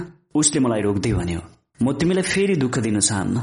उसले मेरो कामको प्रशंसा गरियो र भन्यो उसले सामान्य फरक मात्र खोजेको। यो सानो त्रुटिले उसको फर्मलाई कुनै नोक्सान पनि पर्दैन। यो गल्ती सामान्य गल्ती हो चिन्ता गर्नुपर्ने खालको होइन। मेरो आत्मआलोचनाको उत्साहले उसको रिसलाई शान्त पारिदियो। अन्तमा उसले मलाई खाना पनि खुवायो र फर्कने बेला त्यो कामको पारिश्रमिकको चेक र अर्को काम पनि थमाइदियो। आफै गल्ती स्वीकार्ने साहस गर्नुमा एक प्रकारको आनन्द हुन्छ। यसले मान्छेको अपराध बोध बचाउ गर्न खोज्ने भावनालाई विकास मात्र दिँदैन। गल्तीको कारणले उत्पन्न गरेको समस्यालाई पनि समाधान गर्दछ। न्यू मेक्सिकोका ब्रुस हार्वीले एकपटक बिरामी विधामा बसेको एक कर्मचारीलाई भोलबस पूरा तलब दिन पुगे। आफ्नो गल्ती महसुस भएपछि उनले यो कुरा ती कर्मचारीलाई बताए र अर्को महिनाको तलबबाट त्यो कति गर्ने कुरा बताए। तर त्यस कर्मचारीले यसले उसलाई समस्या खड़ा गर्ने ठानेर किस्तामा कटाउन अनुरोध गर्यो। तर हार्वेले यो निर्णय गर्नु अगाडि हाकिमसँग सहमति लिनु पर्थ्यो हार्वेलाई यकिन थियो हाकिमबाट उनले गाली पाउँछन्। धेरै विचार गरेर उनले यो सबै आफ्नो गल्तीबाट भएको हो भन्ने कुरा हाकिमसँग स्वीकार्ने निधो गरे। म हाकिमको अफिसमा छिरेँ। र आफूबाट गल्ती भएको स्वीकार्दै सबै कुरा बताए। जवाफमा हाकिमले कर्मचारी विभागलाई दोष लगाएर पक्रियो। मैले सबै दोष मेरै हो भनेर बताए। हाकिमले अझ यो दोष लेखा शाखाको भनेर पक्रियो। सबै दोष मेरो मात्रै हो भनेर मैले दोहोऱ्याएँ। उसले अझ अर्को दुई व्यक्तिलाई दोषी ठहरायो। तर मैले दोष मेरो बाहेक कसैको छैन भनेर स्पष्ट पारे। अन्त्यमा मतिर हेर्दै उसले भन्यो ल ठिक छ तपाईँको दोष हो। त्यसो भए यसलाई तत्काल सुधार गरिहाल्नुहोस् गल्ती सुधारियो। कसैलाई पनि कष्ट भएन। परिस्थितिलाई सम्हाल्न र बाहना बनाउनतिर जान नखोज्ने साहस गरेकोमा मलाई पनि आनन्द लागिरहेको थियो। त्यस बेलादेखि हाकिमको म प्रतिको विश्वासमा अझ वृद्धि पनि भयो। कोही पनि मूर्ख आफ्नो गल्तीको बचाउ गर्न खोज्छ। सबै मूर्खहरू गर्छन् पनि।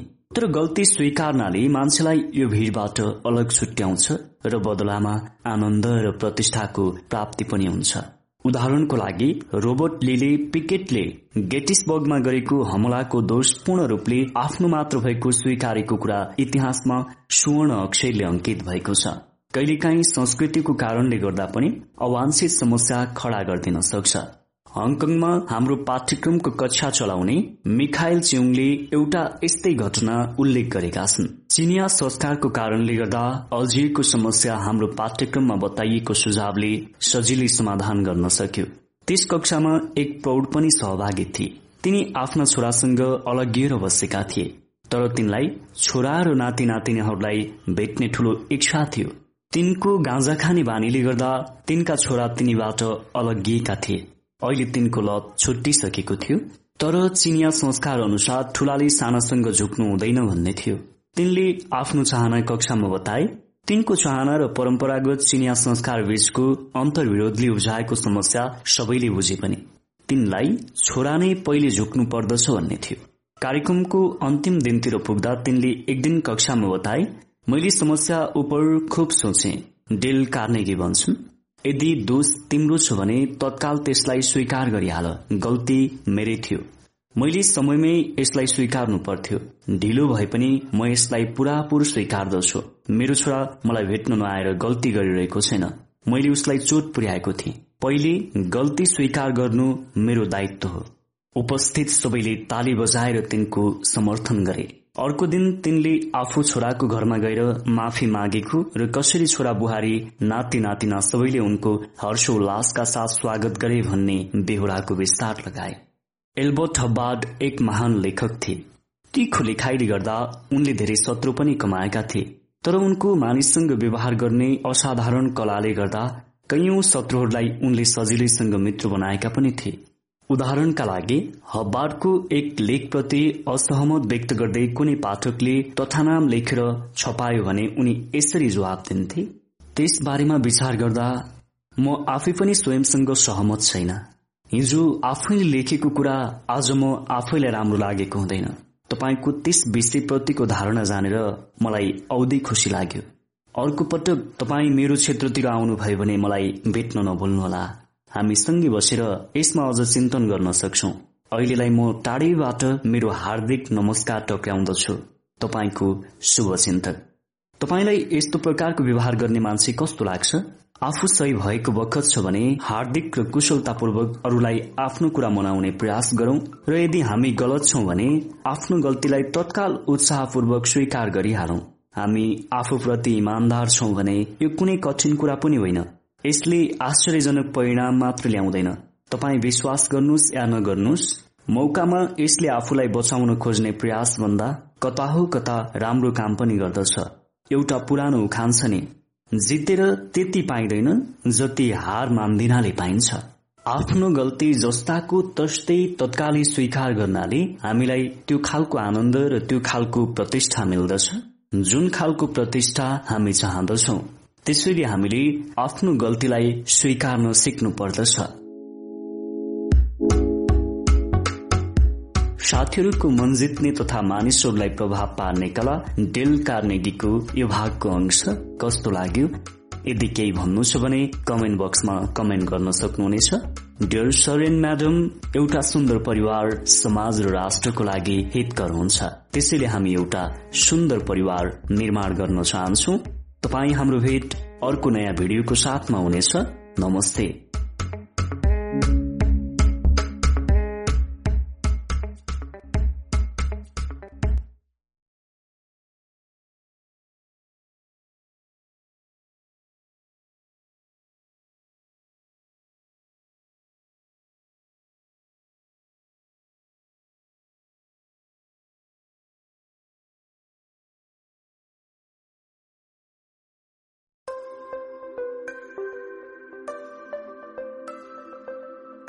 गल्ती स्वीकार्नु भयो त डियर सरेन म्याडम पक्कै पनि आफ्नो गल्ती छ भने स्वीकार्न सिक्ने कला तपाईँले आफ्नो जीवनमा लागू गर्ने प्रयास गर्दै हुनुहुन्छ भन्ने अपेक्षा गर्दछु।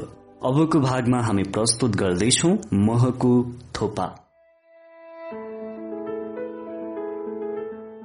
रिस उठेको बेलामा एक दुई कुरा भनेर आफ्नो रिस शान्त पार्न त सकिन्छ। आफ्नो मनको तितो त पोख्न सकिन्छ।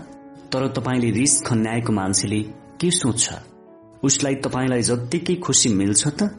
तपाईँको आक्रोश र शत्रुताले भरिपूर्ण लवजले उसलाई तपाईँसँग सहमत हुन सहज बनाउँछ? बुड्रो विल्सनले भनेका थिए यदि तपाईँ पाखुरा सुर्किँदै मतिर आउनुहुन्छ भने एकिन मान्नुहोस् म पनि पाखुरा सुर्केर तपाईँको स्वागत गर्नेछु।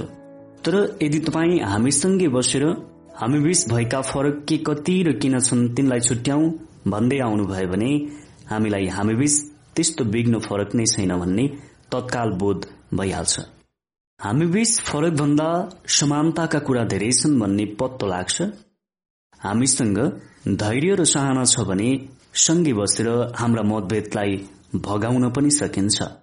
बुड्रो विल्सनको भनाइमा रहेको सत्यतालाई जोन रकफेलरले जति अरूले आत्मसात गरेका थिएनन् होला उन्नाइस सय पन्ध्रतिरसम्म रकफेलर कोलोराडोमा सबभन्दा बढी मन नपराइने व्यक्ति थिए। अमेरिकी उद्योगको इतिहासमा नै सबभन्दा खतरनाक हड़तालले राज्यलाई दुई वर्षदेखि गाँजी राखेको थियो। रकफेलरको नियन्त्रणमा रहेको कोलोराडो इन्धन तथा फलाम कम्पनीका आन्दोलित मजदूरहरू बढ़ी तलब माग गरिरहेका थिए। तोडफोड पनि भएकाले पुलिस बोलाउनु परेको थियो। हड़तालकर्ताहरूमाथि गोली प्रहार भयो रगतको खोलो बग्यो केही मजदूरहरू मारिए पनि। वातावरण यति तनावग्रस्त भएको बेला पनि रकफेलर हड़तालकर्ताहरूलाई आफ्नो कुरा मनाउन चाहन्थे। रकफेलर सफल पनि भए। त्यो यस प्रकार हुन सकेको थियो। मजदूरहरूसँगको मित्रता बढाउन उनले हप्तौं लगाए। त्यसपछि आन्दोलनकारीका प्रतिनिधिहरूलाई रक फेलरले एउटा सम्बोधन गरे। यो सम्बोधन आफैमा अद्वितीय थियो। यसले आश्चर्यजनक परिणाम पनि ल्यायो। स्वयं रक फेलरलाई निल्नै आँटेको घृणाको रहर एकाएक शान्त भयो। यसले उनका प्रशंसकहरू बढाए पनि। भाषणमा यथार्थलाई मित्रतापूर्ण भाषामा प्रस्तुत गरिएको थियो। फलस्वरूप आक्रमक युद्ध समेत गर्न पछि नहटेका आन्दोलनकारीहरू तलब वृद्धिको न्यूनतम मागलाई समेत थाँती राखेर आफ्ना काममा फर्केका थिए। त्यस ऐतिहासिक भाषणको श्री गणेश तल उल्लेख गरिएको छ। यो कति मैत्रीपूर्ण भावनाले ओतप्रोत छ भन्ने ख्याल गर्नुहोला। रकफेलर केही दिन अघिसम्म आफूलाई झुन्ड्याउनुपर्छ भनेर नारा लगाउने मानिसलाई सम्बोधन गरिरहेका थिए। तर पनि उनी यति भावुक र संवेदनशील थिए कि मानौ उनी कुनै स्वास्थ्य शिविर सञ्चालन गर्न जान लागेको टोलीलाई सम्बोधन गरिरहेका थिए। उनको भाषणमा म गर्वले साह्रै खुसी छु। म तपाईँहरूको घरमा पाहुना बनेर गएको छु। तपाईँको घर परिवार र बालबच्चाबाट आफन्तले जस्तो माया पाएको छु। पारस्परिक मित्रता सामूहिक स्वार्थ तपाईँको सदाशयताले गर्दा नै म यहाँ उभिन सकेको छु। जस्ता वाक्यांशहरू प्रशस्त थिए। रकफेलरले आफ्नो भाषण यसरी शुरू गरेका थिए आजको दिन मेरो जीवनको ऐतिहासिक दिन साबित हुनेछ। यस महान कम्पनीका कामदारका प्रतिनिधि तपाईँ अफिसर र निरीक्षकको समूहलाई पहिलो पटक यसरी एकै ठाउँमा भेट्न पाउनु मेरो लागि ठूलो सौभाग्यको कुरा हो। यहाँ उपस्थित हुँदा म गौरवान्वित भएको छु। यो क्षणलाई म बाँचुन्जेल कहिले पनि बिर्सने छैन। मात्र दुई हप्ता अगाडि म यहाँ उभिएको भए म तपाईँहरूलाई चिन्दिन थिएँ। म एउटा पढाइ हुने थिएँ। गएको हप्ता दक्षिणतिरको कोइला क्षेत्रको बस्तीको प्रत्येक जसो घर घुमेर त्यहाँ उपस्थित तपाईँहरू सबैसँग प्रत्यक्ष कुराकानी गरेर तपाईँको श्रीमती र केटाकेटीलाई प्रत्यक्ष भेटिसकेपछि आज म तपाईँको माझ एक अपरिचितको रूपमा नभई तपाईँको एक अभिन्न मित्रको रूपमा उपस्थित भएको छु। यो मित्रतापूर्ण वातावरणमा तपाईँहरूसँग हाम्रो साझा स्वार्थको बारेमा छलफल गर्ने अवसर पाएकोमा म हर्षले गदगद भएको छु। यो बैठक कम्पनीका अधिकारी र कर्मचारीको प्रतिनिधिको कुरा हो। म तपाईँहरू मध्येकी एक हुन नसक्नु मेरो दुर्भाग्य हो। तैपनि तपाईँहरूको सौहार्दताले गर्दा म यहाँ तपाईँहरूमाझ उपस्थित हुन पाएको छु। कम्पनीका अंशार तथा निर्देशक मध्येको एक भएको नाताले म आफूलाई तपाईँ सज्जनहरूसँग अभिन्न रूपले सम्बन्धित छु भन्ने चाहिँ लागिरहेको छ। शत्रुहरूलाई मित्र बनाउने कलाको उत्कृष्ट नमुना होइन त यो? रकफेलरले यसको विपरीत तरिका अप्नाएको भए के हुन्थ्यो होला? उनले मजदुरहरूसँग बहस गरेको भए सम्पूर्ण विनाशको जिम्मेवारी उनी नै हुन् भनेर बोलेको भए लबज र संकेत दुवैबाट उनीहरू पुरै दोषी छन् भनेर भनेको भए सम्पूर्ण तर्कको बल लगाएर उनी गलत छन् भनेर प्रमाणित गरेको भए यसले आन्दोलन अझ चर्काउने थियो घृणालाई अझ भड्काउने थियो। कसैको मन तपाईँ प्रतिको दुर्भावना र विदेशले भरपूर छ भने तपाईँ तर्कशास्त्रको कुनै बल प्रयोग गरेर पनि उसको मन जित्न सक्नुहुन्न। गाली गर्ने बाबुआमा शासन गर्न खोज्ने हाकिम अथवा लोग्ने कचकच गर्ने श्रीमती सबैले कोही पनि मानिसहरू आफ्नो मन त्यत्तिकै परिवर्तन गर्न चाहँदैनन् भन्ने तथ्यलाई स्वीकार्नु पर्दछ। तिनीहरू कसैलाई पनि बल गरेर आफूसँग सहमत गराउन सकिन्न। भद्र र मित्रवत भएर हामी उनीहरूलाई त्यत्तिकै भद्र र मैत्री भावपूर्ण बनाउन चाहिँ सकिहाल्छौ। लिङ्कनले यही कुरा सय वर्ष पहिले भनिसकेका थिए उनको भनाइ थियो एक पाथी पित्तले भन्दा त एक थोपा महले बढी झिङ्गा तान्दछ। यो भनाई धेरै पुरानो र साँचो भनाइ हो। मानिसहरूसँगको व्यवहारमा पनि यस्तै हो। कसैलाई आफ्नो कुरा मनाउनु छ भने पहिले तिमी उसको मित्र हो भनेर विश्वास दिलाऊ। उसको मुटु तान्ने महको थोपा यसैमा छ। यो नै उसको मनमा पुग्ने सुपथ राजमार्ग हो। व्यापार व्यवसायीहरूले हड़तालकर्ताहरूसँगको मित्रताबाट फाइदा हुन्छ भन्ने कुरा बुझेका हुन्छन्। उदाहरणको लागि व्हाइट मोटर कम्पनीका पच्चिस सय कामदारहरूले ज्याला वृद्धि र एउटा युनियन पसलको माग राखेर हड़ताल गरेको बखत कम्पनीका अध्यक्ष रोबर्ट ब्ल्याकले आफ्नो सन्तुलन गुमाएनन्। उनले हड़तालकर्तालाई होच्याउने धम्क्याउने र तह लगाउने प्रकृति अप्नाएनन्। सट्टामा उनीहरूको प्रशंसा नै गरे। स्थानीय पत्रिकामा आन्दोलनकारीहरूको शान्तिपूर्ण भावनाको प्रशंसा गरेर विज्ञापन नै प्रकाशित गराए। हड़ताल कर्मीहरू बेकार बसेको देखेर दर्जनौ बेसबल र पन्जाहरू किनिदिए। बेकार बस्नुभन्दा खेल खेलेर समय बिताउन प्रेरित गरे। जसलाई क्रिकेट मन पर्थ्यो तिनको लागि क्रिकेट मैदान नै भाडामा लिइदिए। ब्ल्याक महोदयको यो मैत्रीभावले मैत्रीभाव नै पैदा गरी छाड्यो हड़ताल कर्मीहरू अब कुचु साबेल आदि लिएर आई कारखाना वरिपरि छरिएका सलाइका बत्ता कागजका टुक्रा चुरुटका थुट्टा आदि टिप्न थाले। सोच्नुहोस् त। मजदुरहरू ज्याला वृद्धि र युनियनको मान्यताको माग राख्दै कारखाना वरिपरिको सरसफाईमा पनि जुटिरहेका थिए। अमेरिकाको औद्योगिक हड़तालको तुफानी इतिहासमा यस प्रकारको घटना भएकै थिएन। त्यो हड़ताल एक हप्ताभित्रै बिना कुनै द्वेष बिना कुनै तिक्तता सहमतिमा टुङ्गिएको थियो। ड्यानियल बेस्टर एक सफल कानून व्यवसाय थिए। उनी भगवान जस्तै थिए र देवदूतले जस्तै बोल्दथे। आफ्ना बहसमा हरेक पल मैत्रीपूर्ण भाव झल्काउँथे। न्यायमूर्तिले यो कुरालाई ध्यान दिनु वाञ्छनीय छ यो कुरा विचरणीय छ। न्यायमूर्तिले नजर अन्दाज गर्न नहुने यहाँ केही तथ्यहरू छन्। न्यायमूर्तिले आफ्ना मानवीय ज्ञानका आँखाले हेर्दा यी कुरा देख्न सक्नुहुन्छ जस्ता वाक्यांशको प्रयोग हुन्थ्यो उनको बहसमा। पाखुरा खैसाई कहीँ पनि थिएन दबाव पनि हुँदैन थियो। आफ्नो विचार लाद्ने प्रयास पनि हुँदैन थियो। वेबस्टर यसरी नरम शान्त र मैत्रीपूर्ण तरिका अप्नाउँथे। यसले नै उनलाई ख्याति दिलायो। तपाईँलाई जीवनमा हड़ताल तोड्ने अथवा अदालतमा बहस गर्ने अवसर नआउन पनि सक्छ। तपाईँलाई घरको बहाल घटाउनु पर्ने स्थिति पो आउँछ कि? यस्तै मैत्री भावले सहयोग गर्छ कि? हेरौं। वेल स्ट्राब नामका एक इन्जिनियर आफू बसेको घरको बहाल कम गराउन चाहन्थे। तर घरको मालिक एकदम कडा थियो। स्ट्राबले कक्षामा बताए अनुसार मैले पट्टा दिएपछि म यो घर छाडिदिन्छु भनेर लेखेको थिएँ। वास्तवमा म यसलाई छोड्न इच्छुक चाहिँ थिएन बहाल अलिकति घटाइदिए म त्यही बस्न चाहन्थे। तर परिस्थिति एकदम निराशाजनक बन्न पुग्यो। भाडामा बस्ने अरूहरूले पनि असफल प्रयास गरेका थिए। सबैको धारणा यो घर मालिकसँग व्यवहार गर्न अप्ठ्यारो छ भन्ने नै थियो। तर म चाहिँ मनमा नै म मानिससँग व्यवहार गर्ने कलाको बारेमा सिकिरहेको छु। यसलाई एकचोटि प्रयोग गरेर हेर्छु। एकपटक केही त होला भनेर सोचिरहेको थिएँ। मेरो चिठी पाउने बित्तिकै ऊ र उसको सचिव मलाई भेट्न आए। मैले उनीहरूलाई ढोकेमा हार्दिक स्वागत गरेँ। म सद्भाव र उत्साहले प्रेरित थिएँ। भाडा महँगो भएको विषयबाट मैले कुरा शुरू गरिन। उसको यो घर आफूलाई साह्रै मन परेको कुरा बताए मैले। विश्वास गर्नुहोस् मैले आफ्नो भित्री मन खोलेर भनेको थिएँ। उसले यो घर सञ्चालन गरेको तरिकाको पनि मैले मुरी मुरी प्रशंसा गरे। अन्तमा मैले आफू अर्को वर्ष पनि यही बस्न चाहेको तर आफ्नो औकातले नभएको कुरा उसलाई बताए। उसले भाडावालाबाट यस प्रकारको सम्मान प्राप्त गरेकै थिएन। यस्तो परिस्थितिमा के गर्नुपर्ने हो उसले सोच्नै सकेन। त्यसपछि उसले आफ्नो कष्टको बारेमा बखान गर्न थाल्यो। एउटा क्रियादारले उसलाई तथानाम गाली गरेर चौधवटा चिठी लेखेको रहेछ। अर्कोले तल्लो तलामा घुर्ने मानिस बस्न दिएकोले बिचैमा छोड्ने धम्की दिएको रहेछ। उसले भन्यो तपाईँ जस्तो सन्तुष्ट क्रियादार पाउनु सौभाग्य हो। मैले नभनिकन उसले पैसा घटाइदियो। तर म अझ कम तिर्न चाहन्थे मैले आफूले दिन चाहेको रकम बताएँ। उसले त्यो सजिलै स्वीकार गर्यो। जाँदा जाँदै मतिर फर्केर उसले सोध्यो तपाईँको कोठा अझै सजाउनु मन थियो कि? अरू भाडावालाले जस्तै तरिका अप्नाएर बहाल घटाउने प्रयास गरेको भए मैले पनि उनीहरूको जस्तै परिणाम बेहोर्नु पर्थ्यो।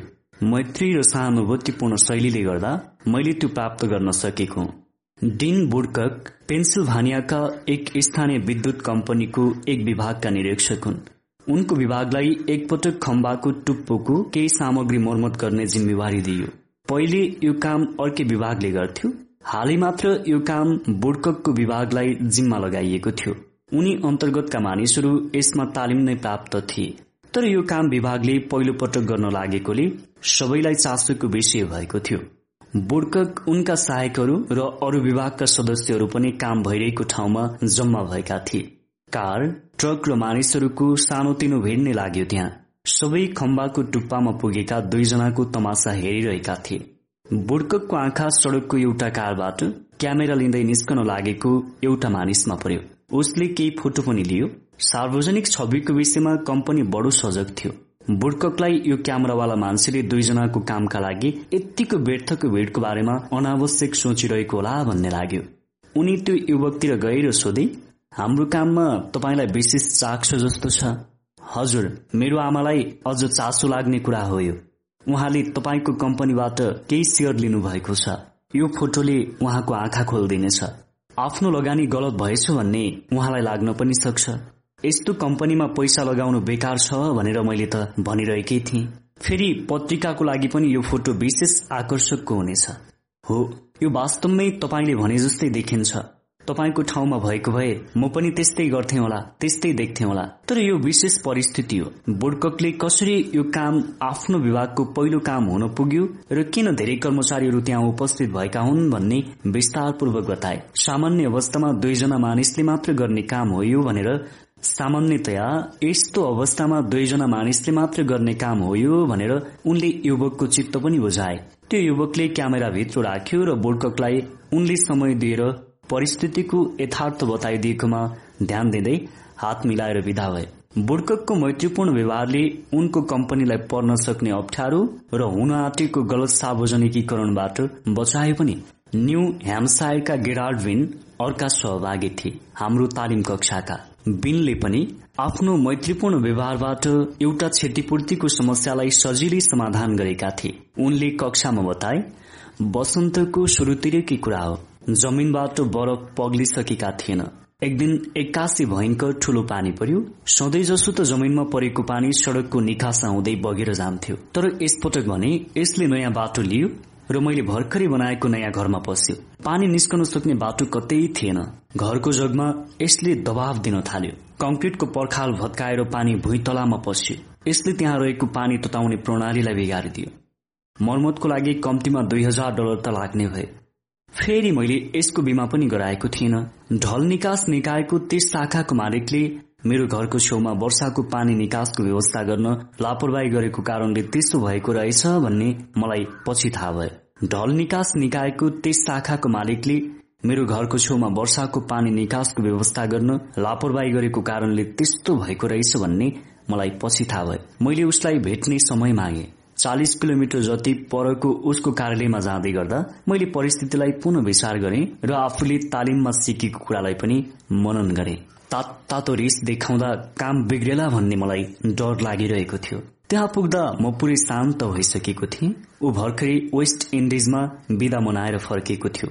मैले यसै विषयबाट शुरू गरेँ। जब वातावरण सामान्य र मैत्रीपूर्ण भन्यो मैले पानीले पुर्याएको सानो समस्या उसलाई सुनाए। ऊ तत्कालै समस्यालाई सजिलै समाधान गर्न राजी भइहाल्यो। केही दिनपछि उसले मलाई भेट्यो र नोक्सानीको क्षतिपूर्ति दिने र भविष्यमा त्यस्तो हुन नदिन आवश्यक व्यवस्था पनि गरिदिने बतायो। यो वास्तवमा त्यस शाखाको मालिकको त्रुटि नै थियो तर मैले मैत्रीपूर्ण भावमा कुरा नथालेको भए उसबाट क्षतिपूर्ति भराउन मलाई धेरै कठिनाई झेल्नु पर्ने हुन्थ्यो।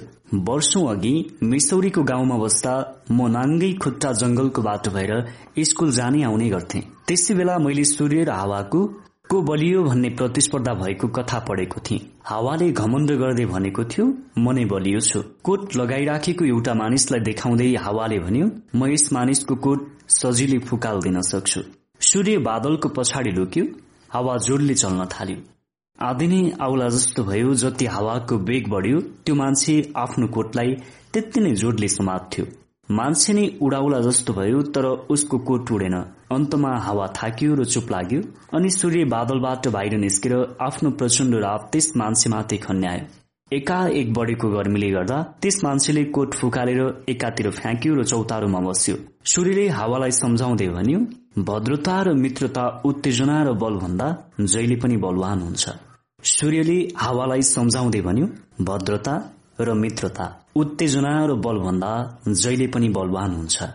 एक पाथी पित्तले भन्दा एक पाथी पित्तले भन्दा एक थोपा महले धेरै झिङ्गालाई आकर्षित गर्न सक्छ भन्ने कुरा जानेको व्यक्तिले हरेक दिन भद्रता र मित्रताको प्रयोगलाई जीवन दर्शन बनाएको हुन्छ। म्यारिल्याण्डका गेल कोनरले चार महिना अघि किनेको कार तेस्रो पटक कार डिलरको सर्भिस विभागमा लैजाँदा यही सिद्धान्तलाई प्रयोग गरेका थिए। हाम्रो एक कक्षामा उनले बताए सर्भिस प्रबन्धकसँग कुरा गरेर ठूलो ठूलो स्वरले तर्क गरेर मेरो समस्याको सन्तोषजनक समाधान हुनेवाला थिएन। म सोरूममा गएँ र एजेन्सी मालिकलाई भेट्ने इच्छा व्यक्त गरेँ। एकछिन पर्खेपछि मलाई उनको अफिसमा जान दिइयो मैले आफ्नो परिचय दिएँ र त्यहाँबाट कार किनेका एक साथीको सिफारिसमा आफूले पनि एउटा कार किनेको कुरा बताए। मित्रले आफूलाई यहाँ उचित मूल्य र उत्कृष्ट सेवा पाइने कुरा बताएका थिए भन्ने कुरा तिनलाई बताए। मेरो कुराले तिनको अनुहारमा सन्तोषको मुस्कान छायो। त्यसपछि मैले सर्भिस विभागमा आफूले झेल्नु परेको समस्या बताए।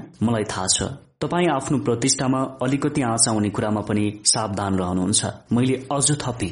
मलाई थाहा छ तपाईँ आफ्नो प्रतिष्ठामा अलिकति आँचा आउने कुरामा पनि सावधान रहनुहुन्छ। मैले अझ थपे। तिनले मलाई यो कुरा जानकारी गराएकोमा धन्यवाद दिए र समस्यालाई विशेष ध्यान दिने आश्वासन पनि दिए। यो मामिलामा उनी आफै चासो लिएर लागि मात्र परेनन्।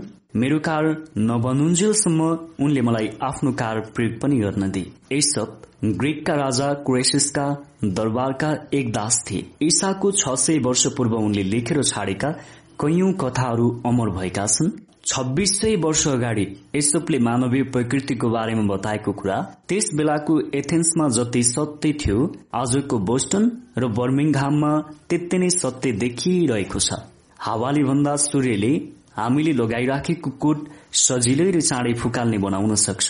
संसारमा रिस आलोचनाले भन्दा दया मैत्रीभाव र सहानुभूतिको सहायताले मानिसको मन सजिलै परिवर्तन गराउन सकिन्छ। याद राख्नुहोस् लिङ्कनले भनेका थिए एक पाथी पित्तले भन्दा एक थोपा महले धेरै झिङ्गालाई आकर्षित गर्न सक्छ। त्यसैले मानिसहरूसँग सौहार्दपूर्ण व्यवहार गरेर उनीहरूबाट काम लिनको लागि सर्वप्रथम उनीहरूलाई मैत्रीपूर्ण बनाउनुहोस्। हामीले डेल कार्नेगीको पुस्तकबाट साथीहरूको मन जित्ने तथा मानिसहरूलाई प्रभाव पार्ने कला पुस्तक प्रस्तुत गरिरहेका छौं। तपाईँलाई यो पुस्तक कस्तो लागिरहेको छ? यदि केही भन्नु छ भने कमेन्ट बक्समा कमेन्ट गर्न सक्नुहुनेछ। डियर सर एन्ड म्याडम एउटा सुन्दर परिवार समाज र राष्ट्रको लागि हितकर हुन्छ हामीले सकेसम्म एउटा समाज निर्माण गरौं भन्ने प्रयास गरिरहेका छौं। एक्लो प्रयासले केही पनि हुन्न। त्यसैले हाम्रो च्यानलको एक सुन्दर सदस्य बनेर तपाईँले हामीलाई साथ दिन सक्नुहुनेछ। जहाँबाट तपाईँले नयाँ नयाँ आफ्नो मस्तिष्क विकास गर्ने ज्ञानहरू प्राप्त गर्न सक्नुहुन्छ। तपाईँ हाम्रो भेट अर्को नयाँ भिडियोको साथमा हुनेछ। नमस्ते।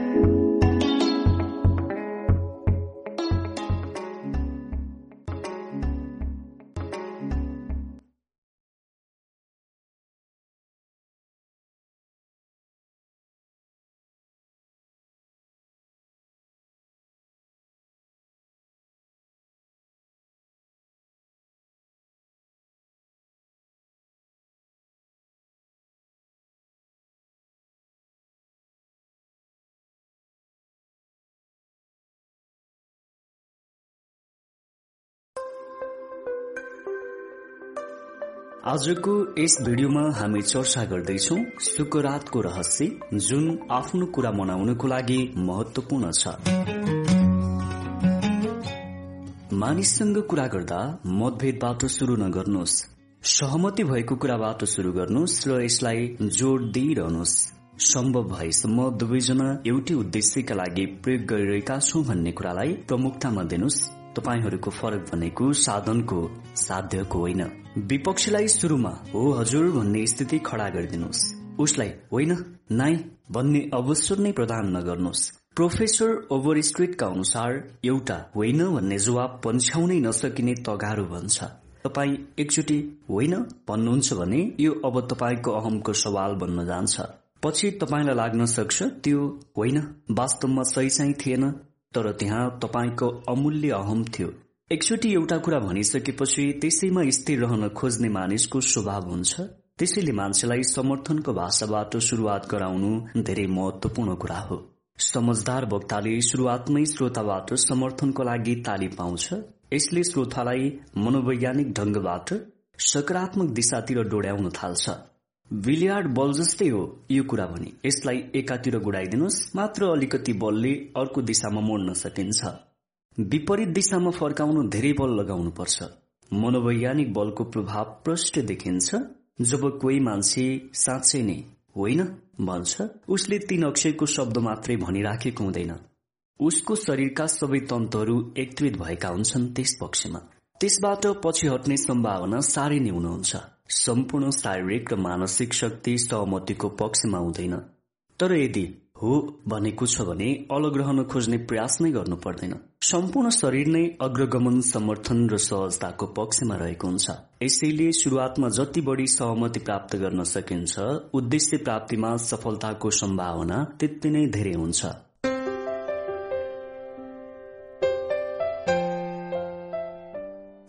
भनाउनु धेरै सजिलो पनि छ तर वास्ता गरिएको भने हुँदैन। यस्तो लाग्छ मान्छेलाई अरूसँग सुरुमै मतभेद पैदा गरेर आफ्नो महत्व अनुभूति गर्ने धेरै रहर हुन्छ।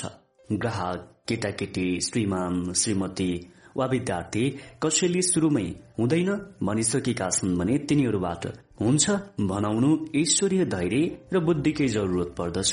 यो हजुर हजुरको तरिका प्रयोग गरेर न्यूयोर्क सिटीको ग्रेनवेस बचत बैंकमा काम गर्ने जेम्स इभर्सनले बिच्किन लागेको एउटा ग्राहकलाई जोगाएका थिए।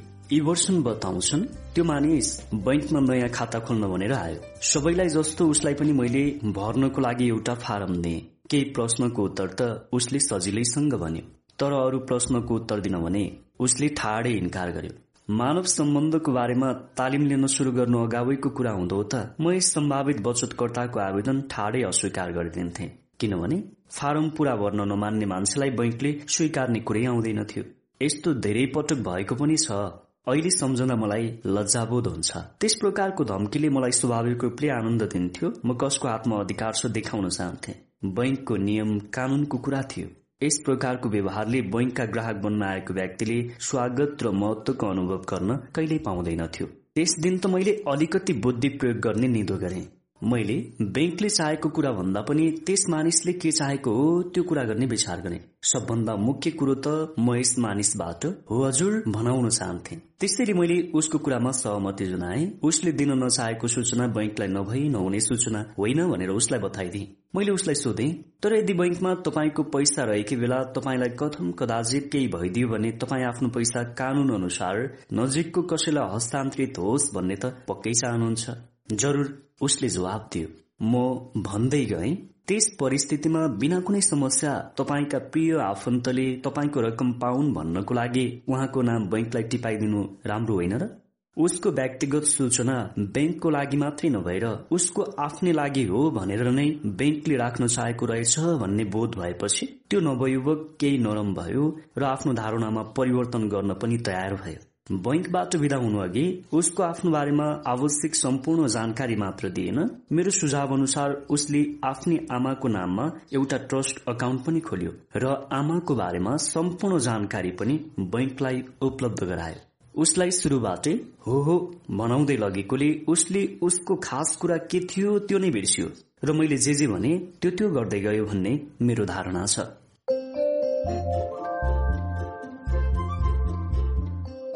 वेस्टिङ हाउस इलेक्ट्रिक कम्पनीका सेल्सम्यान जोसेफ एलिसनले बेहोरेको अनुभवको कथा बेग्लै छ शहरमा आफ्नो कम्पनीको उत्पादनको एक सम्भावित ग्राहक थियो। म भन्दा अगाडिको सेल्सम्यानले दश वर्षसम्म गरेको प्रयास व्यर्थ भएको थियो। मैले पनि तीन वर्ष प्रयास गरिरहेको थिएँ। तेह्र वर्षपछि हामी केही मोटरहरू उसलाई बेच्न सफल भयौं। यदि उसलाई मन पर्यो भने अरूसँग मोटर बेच्न सकिने सम्भावना थियो मैले आशा पनि गरेको थिएँ।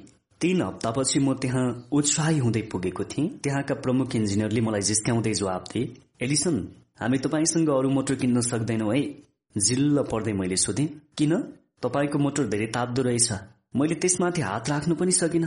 त्यहाँ तर्क गर्नु व्यर्थ छ भन्ने मलाई लाग्यो किनभने मैले वर्षौं तर्क गरिसकेको थिएँ। म उसबाट होको उत्तर भकाउन चाहन्थे। तपाईँलाई लागेको ठिकै होला। मैले भने म तपाईँको भनाइसँग शत प्रतिशत नै सहमत छु। यदि मोटर धेरै तातेको छ भने त्यो नकिन्नु नै राम्रो छ। राष्ट्रिय इलेक्ट्रिकल निर्माण संघले निर्धारण गरेको स्तर भन्दा बढ्ता तातो नहुने मोटर नै तपाईँले किन्नुपर्छ। होइन त? उसले मेरो कुरामा सहमति जनायो मैले पहिलो हजुर भन्ने उत्तर पाएँ। इलेक्ट्रिकल निर्माण संघले निर्धारण गरेको स्तर अनुसार निर्माण गरिएको मोटर कोठाको तापक्रम भन्दा बहत्तर डिग्री फरेनहाइट बढ़ी हुन सक्छ भन्ने छ होइन?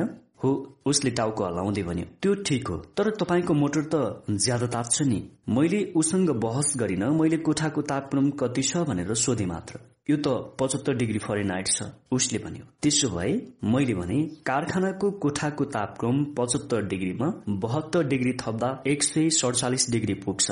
यति तातो पानीमा हात चोबल्दा त पोल्छ नि होइन हो उसले फेरि टाउको हल्लायो। त्यसपछि मैले भने अनि यति तातो मोटरमा हात राख्दा पोल्ने त भइहाल्यो नि। तपाईँले भनेको ठिकै हो। मेरो कुरामा सहमति भयो। हामीले आफै केही बेर कुरा गर्यौं त्यसपछि उसले आफ्नो सचिवलाई बोलायो र करिब पैंतिस हजार डलर बराबरको अर्डर दियो।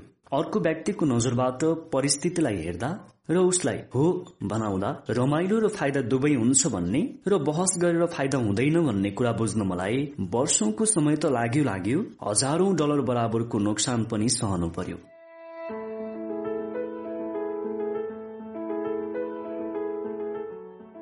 क्यालिफोर्नियामा हाम्रो यो पाठ्यक्रमको सञ्चालन एड्रिड इस्नोले प्रायोजन गरेका थिए। इस्नो कसरी एक पसलले हो भनाएको कारणले उसको ग्राहक बन्न पुगे भन्ने प्रसंग धेरै चाख लाग्दो छ। एडिडलाई धनुष बाणले शिकार गर्ने सोख थियो।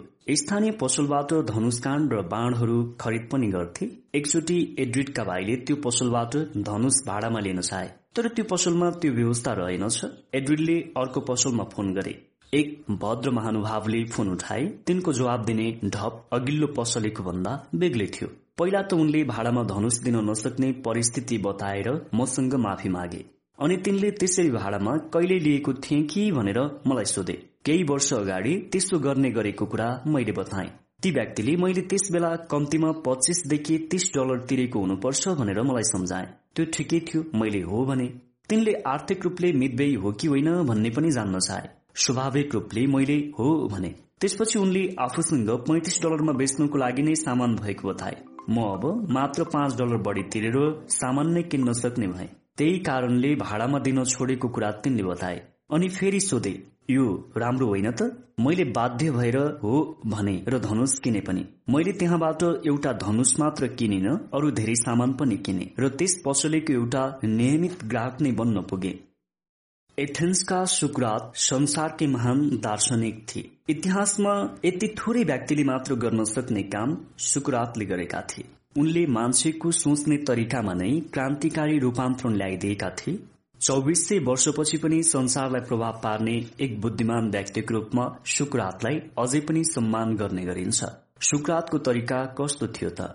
मानिसलाई उनीहरू गलत भएको कुरा उनी बताउँथे। कदापि होइन उनी धेरै बाठा थिए। सुक्रातेली विधि सोक्राटिक मेथड नामबाट प्रख्यात उनको विधि हो। अरूबाट हो हो हजुर हजुर भनाउनु।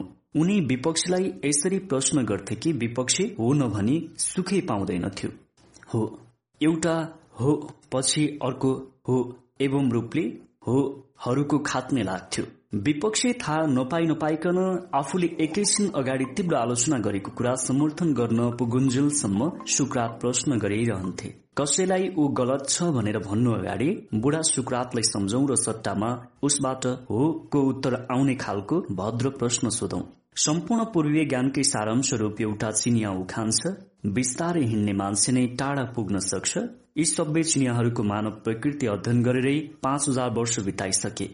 उनीहरूले साह्रै उत्कृष्ट निष्कर्ष निकालेका छन्। बिस्तारै हिँड्ने मान्छे नै टाढा पुग्न सक्छ। त्यसैले अरू मान्छेसँग आलोचना र बहस गर्नुभन्दा आफ्नो कुरा मनाउनको लागि सुरुमै मान्छेलाई हो हो भन्ने बनाउनुहोस्। हामीले डेल कार्नेगीको साथीहरूको मन जित्ने तथा मानिसहरूलाई प्रभाव पार्ने कला पुस्तक वाचन गरिरहेका छौं। तपाईँलाई यो पुस्तक कस्तो लागिरहेको छ यदि केही भन्नु छ भने कमेन्ट बक्समा कमेन्ट गर्न सक्नुहुनेछ।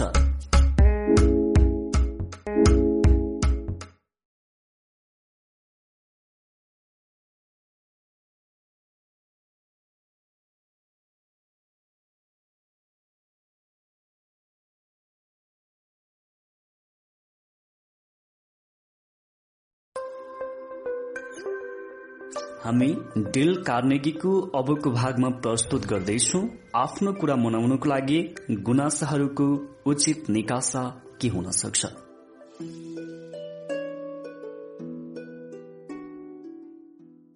अरूलाई आफ्नो कुरा मनाउन खोज्ने धेरै मानिस आफ्नै व्रत कुरा गरिरहेका हुन्छन्।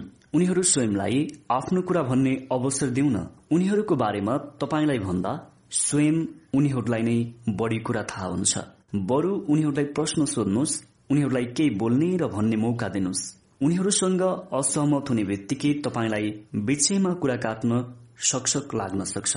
तर चुप लाग्नुहोस् कुरा काट्नु खतरनाक हुन्छ। आफूभित्रै कुराहरू उकुस मुकुस भइरहेको बेला उनीहरूले तपाईँको कुरामा ध्यान नै दिँदैनन्। उदार चित्तले ध्यान दिएर सुन्नुहोस् इमान्दारितापूर्वक सुन्नुहोस् उनीहरूलाई आफ्नो कुरा पूर्ण रूपले अभिव्यक्त गर्न सहयोग गर्नुहोस्। यो तरिका व्यापारमा पनि काम लाग्छ। एउटा सेल्स प्रतिनिधिको कथा उसलाई यो तरिका अप्नाउन बाध्य पारिएको थियो। अमेरिकाको प्रख्यात गाडी निर्माण गर्ने कम्पनीलाई एक वर्षको लागि गाडीको खोलको कपडा चाहिएको थियो। तीनवटा उत्पादकहरूले आफ्नो नमूनाहरू पठाएका थिए। कम्पनीका विज्ञहरूले नमूनाको जाँच पड़ताल गरेर ती तीनै उत्पादनका प्रतिनिधिलाई कुनै निश्चित दिनमा उपस्थित हुन सूचना पठाइसकिएको थियो। त्यस दिन उनीहरूले आफ्नो उत्पादनको गुणको बारेमा बताउनु पर्ने थियो। एउटा उत्पादकको प्रतिनिधि त्यहाँ आइपुग्दा घाँटीको संक्रमणले बिरामी भएको थियो। उसले हामीले सञ्चालन गरेको कक्षामा आफ्नो अनुभव यसरी सुनायो। कम्पनीका कार्यकारिणीलाई भेट्न जाँदा मेरो स्वर बसिसकेको थियो। मेरो बोली साउती गरे भन्दा राम्रो थिएन। कोठामा प्रवेश गर्दा मैले त्यहाँ टेक्सटाइल इन्जिनियर खरिदकर्ताका प्रतिनिधि बिक्री निर्देशक र कम्पनीका अध्यक्षलाई देखेँ। म उभिएँ र बोल्ने प्रयास गरेँ। मेरो मुखबाट एक दुई छा चु बाहेक केही निस्कन सकेन। उनीहरू एउटा टेबलको वरिपरि घेरा लागेर बसेका थिए। त्यसैले मैले कागजको पन्नामा महानुभावहरू मेरो स्वर बसेको छ भनेर लेखेर दिएँ। अध्यक्षले भने उहाँको कुरा म बताइदिन्छु। उनले मैले ल्याएको नमुना सबैलाई देखाएर त्यसको राम्रो कुराको प्रशंसा गरे। मेरा सामानको राम्रो पक्षको बारेमा सक्रिय बहस भयो। छलफल अवधिभर अध्यक्षले मेरै पक्षबाट मात्र बोलिरहे। मेरो भूमिका चाहिँ त्यहाँ बीचबीचमा मुस्कुराउनु टाउको हल्लाउनु र केही संकेत गर्नुमा मात्र सीमित रह्यो। यो अनौठो छलफलको परिणाम स्वरूप करार मेरो पक्षमा आयो। सोह्र लाख डलर मूल्य बराबरको पाँच लाख मिटर खोलको कपडा निर्माण गरिदिने करार थियो यो। मैले लिन सकेको सबभन्दा ठूलो अर्डर थियो त्यो। मेरो बोली नबसेको भए मैले त्यो अर्डर पाउँदैनथे भन्नेमा मलाई यकिन छ। किनभने म आफ्नो कुरा बेग्लै ढंगबाट प्रस्तुत गर्ने थिएँ र यो साबित हुने थिएन। अर्को व्यक्तिलाई बोल्न दिँदा कसरी फाइदा हुन्छ भन्ने कुरा मलाई अकस्मात बोध भयो अरूलाई बोल्ने मौका दिनाले घर व्यवसाय दुवै ठाउँमा फाइदा पुर्याउँछ। बारबरा वेल्सनकी छोरी लाउरीसँग सम्बन्ध बिग्रिराखेको थियो। लाउरी सानोमा शान्त र असल बच्ची थिए तर पछि असहयोगी र झगडिया किशोरीको रूपमा उसको परिवर्तन भएको थियो। श्रीमती विल्सनले छोरीलाई भाषण सुनाइन् गाली गरिन् र सजाय गरिन् तर तिनको केही लागेन। श्रीमती विल्सनले हाम्रो एउटा कक्षामा आफ्नो अनुभव बाँड्दै भनिन् एक दिन म हार थाक खाएँ। लाउरीले केही मानिन। आफ्नो काम त्यत्तिकै छोडेर साथीलाई भेट्न भनेर घरबाट हिँडे। ऊ फर्किँदा म रिसले चुर भएको थिएँ। पहिलेको भन्दा हजार गुणा गाली गर्न मन लागेको थियो तर ममा कुनै ताकत थिएन। मैले उसलाई हेरेँ र मात्र यति भने लाउरी आखिर किन? किन? लाउरीलाई मेरो स्थिति बोध भएछ। शान्त स्वरमा उसले भने तपाईँ साँच्चै नै सुन्न चाहनुहुन्छ त? मैले टाउको हल्लाएँ। लाउरीले आफ्नो कुरा शुरू गरी शुरूमा अलिअलि संकोच माने जस्तो भयो तर पछि धारा प्रवाह बोल्न थाले। मैले आजसम्म उसको कुरा सुनेकै थिइनँ। म उसलाई यसो गर र त्यसो गर मात्रै भन्थे। ऊ बोल्न खोज्दा म उसलाई बोल्नै दिँदैनथे मलाई के बोध भयो भने उसले मलाई एउटा निरङ्कुश आमाको रूपमा नभएर आफ्नो समस्याहरू सुनाउने विश्वसनीय साथीको रूपमा हेर्न चाहेकी रहेछ। मैले आफूले सुन्नुपर्ने बेलामा ज्यादा बोलेको रहेछु। मैले उसलाई सुनेकै थिइनँ। त्यस दिनदेखि मैले उसलाई उसले भन्न चाहेको सबै कुरा भन्ने अवसर दिन थाले। ऊ आफ्नो मनमा आएका सबै कुरा मलाई भन्थे। हाम्रो सम्बन्धमा एकाएक सुधार भयो। ऊ अब एउटा सहयोगी व्यक्ति बनेकी छ। न्युयोर्कको एउटा पत्रिकामा एक असाधारण योग्यता क्षमता भएको व्यक्ति आवश्यक छ भनेर एउटा आकर्षक विज्ञापन छापिएको थियो। चार्ल्स क्युवेलियसले त्यसमा दरखास्त पठाए केही दिनपछि उनलाई अन्तर्वार्ताको लागि आमन्त्रण भए। अन्तर्वार्तामा उपस्थित हुनु अघि उनी त्यो व्यवसायको संस्थापकको बारेमा हरेक कुरा थाहा पाउनको लागि न्युयोर्कका गल्लीहरूमा घण्टौं भौतारिरहेका थिए। अन्तर्वार्ताको बखत उनले भने तपाईँको जस्तो अनुकरणीय विगत भएको व्यक्तिले स्थापना गरेको संस्थामा संलग्न हुन पाउनु मेरो ठूलो सौभाग्य हुनेछ। मैले थाहा पाएसम्म अठाइस वर्ष अगाडि तपाईँले एउटा स्टेनोग्राफ र अफिस कोठाबाट मात्र आफ्नो व्यवसाय शुरू गर्नुभएको रहेछ होइन त? प्रत्येक सफल व्यक्तिलाई आफ्नो शुरूका दिनका संघर्षको बारेमा कुरा गर्न चाख लाग्दछ। यो व्यक्ति पनि अपवाद थिएन। उसले कसरी चार सय पचास डलर नगद र एउटा मौलिक विचारबाट आफ्नो अभियान शुरू गरेको थियो भन्ने कुराको व्याख्या लामो समय लगाएर गर्यो। आलोचना र निराशाका बावजुद आइतबार र छुट्टीको दिन पनि नभनेर दिनको बाह्रदेखि सोह्र घण्टासम्म आफूले काम गरेको कुरा बेली विस्तार लगायो। सम्पूर्ण अप्ठ्याराहरू विरूद्ध ऊ कसरी जुदियो भन्ने पनि बतायो। अहिले त वाल स्ट्रीटका कैयौं व्यवसायीहरू उसँग सल्लाह र जानकारीका लागि आउने पनि गर्दा रहेछन्। आफ्नो विगत प्रति उसलाई ठूलो गर्व छ। यो स्वाभाविक पनि छ। यति कुरा बताउनु उसले पर्याप्त समय पनि खर्च्यो। अन्तमा उसले सम्बन्धित क्षेत्रमा मेरो अनुभव संक्षिप्त रूपमा बताउनु मलाई भने। त्यसपछि उसले एक सहायकलाई बोलाएर भन्यो हामीले खोजिराखेका थियौं नि। त्यो सही मान्छे उहाँ नै हो। क्युबेलियसले आफ्नो सम्भावित रोजगारदाताको सफलताको बारेमा थाहा पाउन ठूलो मेहनत गरे। उनले अर्को व्यक्तिको चासो र समस्यामा चाख लिए। कुराकानीको धेरै समय अर्को व्यक्तिलाई नै बोल्ने परिस्थिति निर्माण गरे। परिणाम स्वरूप त्यस व्यक्तिमा उनको सकारात्मक प्रभाव पर्यो र सुखद नतिजा पनि प्राप्त भयो क्यालिफोर्नियाका रोय ब्राडेलको समस्या ठिक उल्टो थियो। सेल्स पर्सनको पदमा उनको कम्पनीमा जागिरको लागि आएको एउटा उम्मेद्वारको पूरै कुरा उनले ध्यान दिएर सुने। उनी भन्छन् धितो कारोबारमा संलग्न एउटा सानो फर्म भएकोले हामीसँग स्वास्थ्य बिमा पेन्सन आदि सुविधाहरू थिएनन्। प्रत्येक प्रतिनिधि एउटा स्वतन्त्र एजेन्टको रूपमा हुन्थ्यो। हामी उसलाई नेतृत्व पनि दिन सक्दैनथ्यौं। किनभने हाम्रा ठूला प्रतिस्पर्धीहरूले जस्तो हामी हाम्रा प्रतिनिधिको विज्ञापन प्रकाशन गराउन पनि सक्दैनथ्यौं।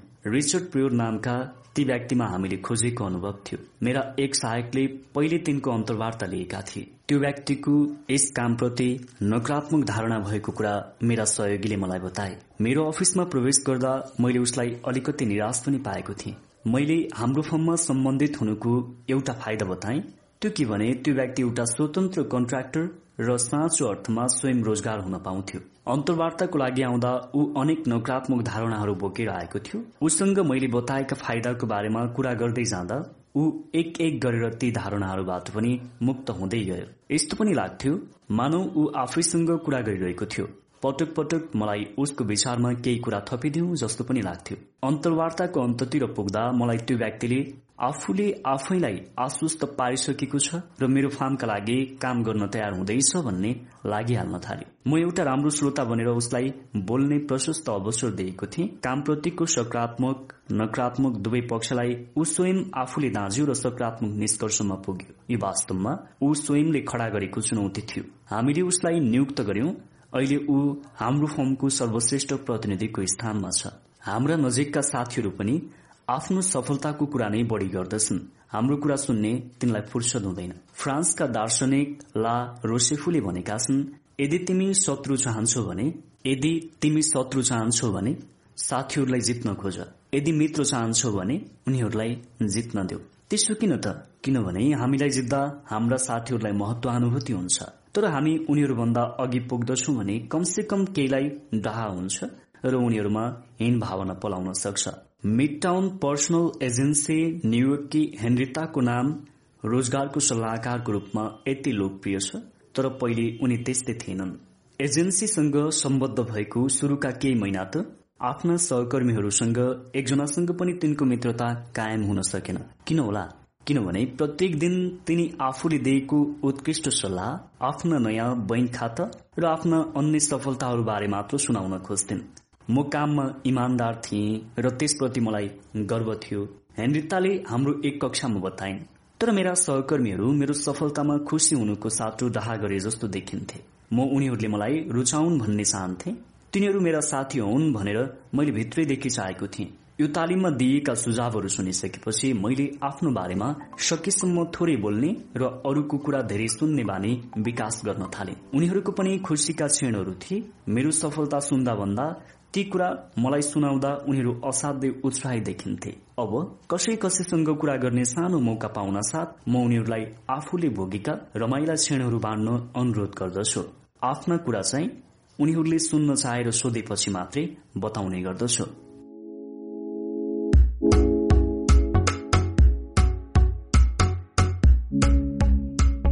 आफ्नो कुरा मनाउनको लागि अरूलाई पर्याप्त बोल्ने अवसर प्रदान गर्नुहोस्। जुन कारणले गर्दा तपाईँको जो मानिससँग कुरा गर्दै हुनुहुन्छ त्यो मानिससँग राम्रो सम्बन्ध बन्न पुग्छ। हामीले डेल कार्नेगीको साथीहरूको मन जित्ने तथा मानिसहरूलाई प्रभाव पार्ने कला पुस्तक प्रस्तुत गरिरहेका छौं।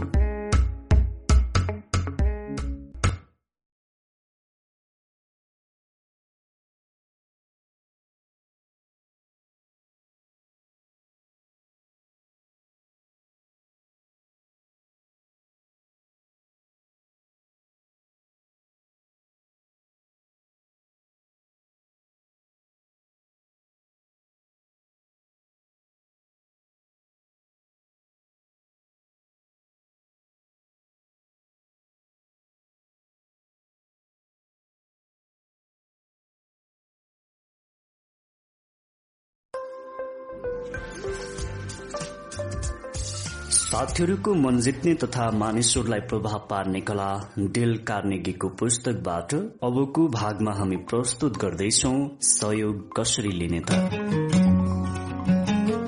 चाँदीको प्लेटमा सजाएर दिइएको अर्काको विचार भन्दा तपाईँलाई पक्कै पनि आफ्नो मौलिक विचारमा ठूलो विश्वास हुन्छ। यदि यो साँचो हो भने किन आफ्नो विचार अरूलाई चाहिँ लाद्न खोज्ने? यसको सट्टा स्वयं त्यो कुरा खोज्न र पत्ता लगाउन सुझाव दिनु बुद्धिमानी होइन र फिलाडेल्फियाका एडोल्फ सेल्स गाडी सोरूमका सेल्स म्यानेजर हुन्।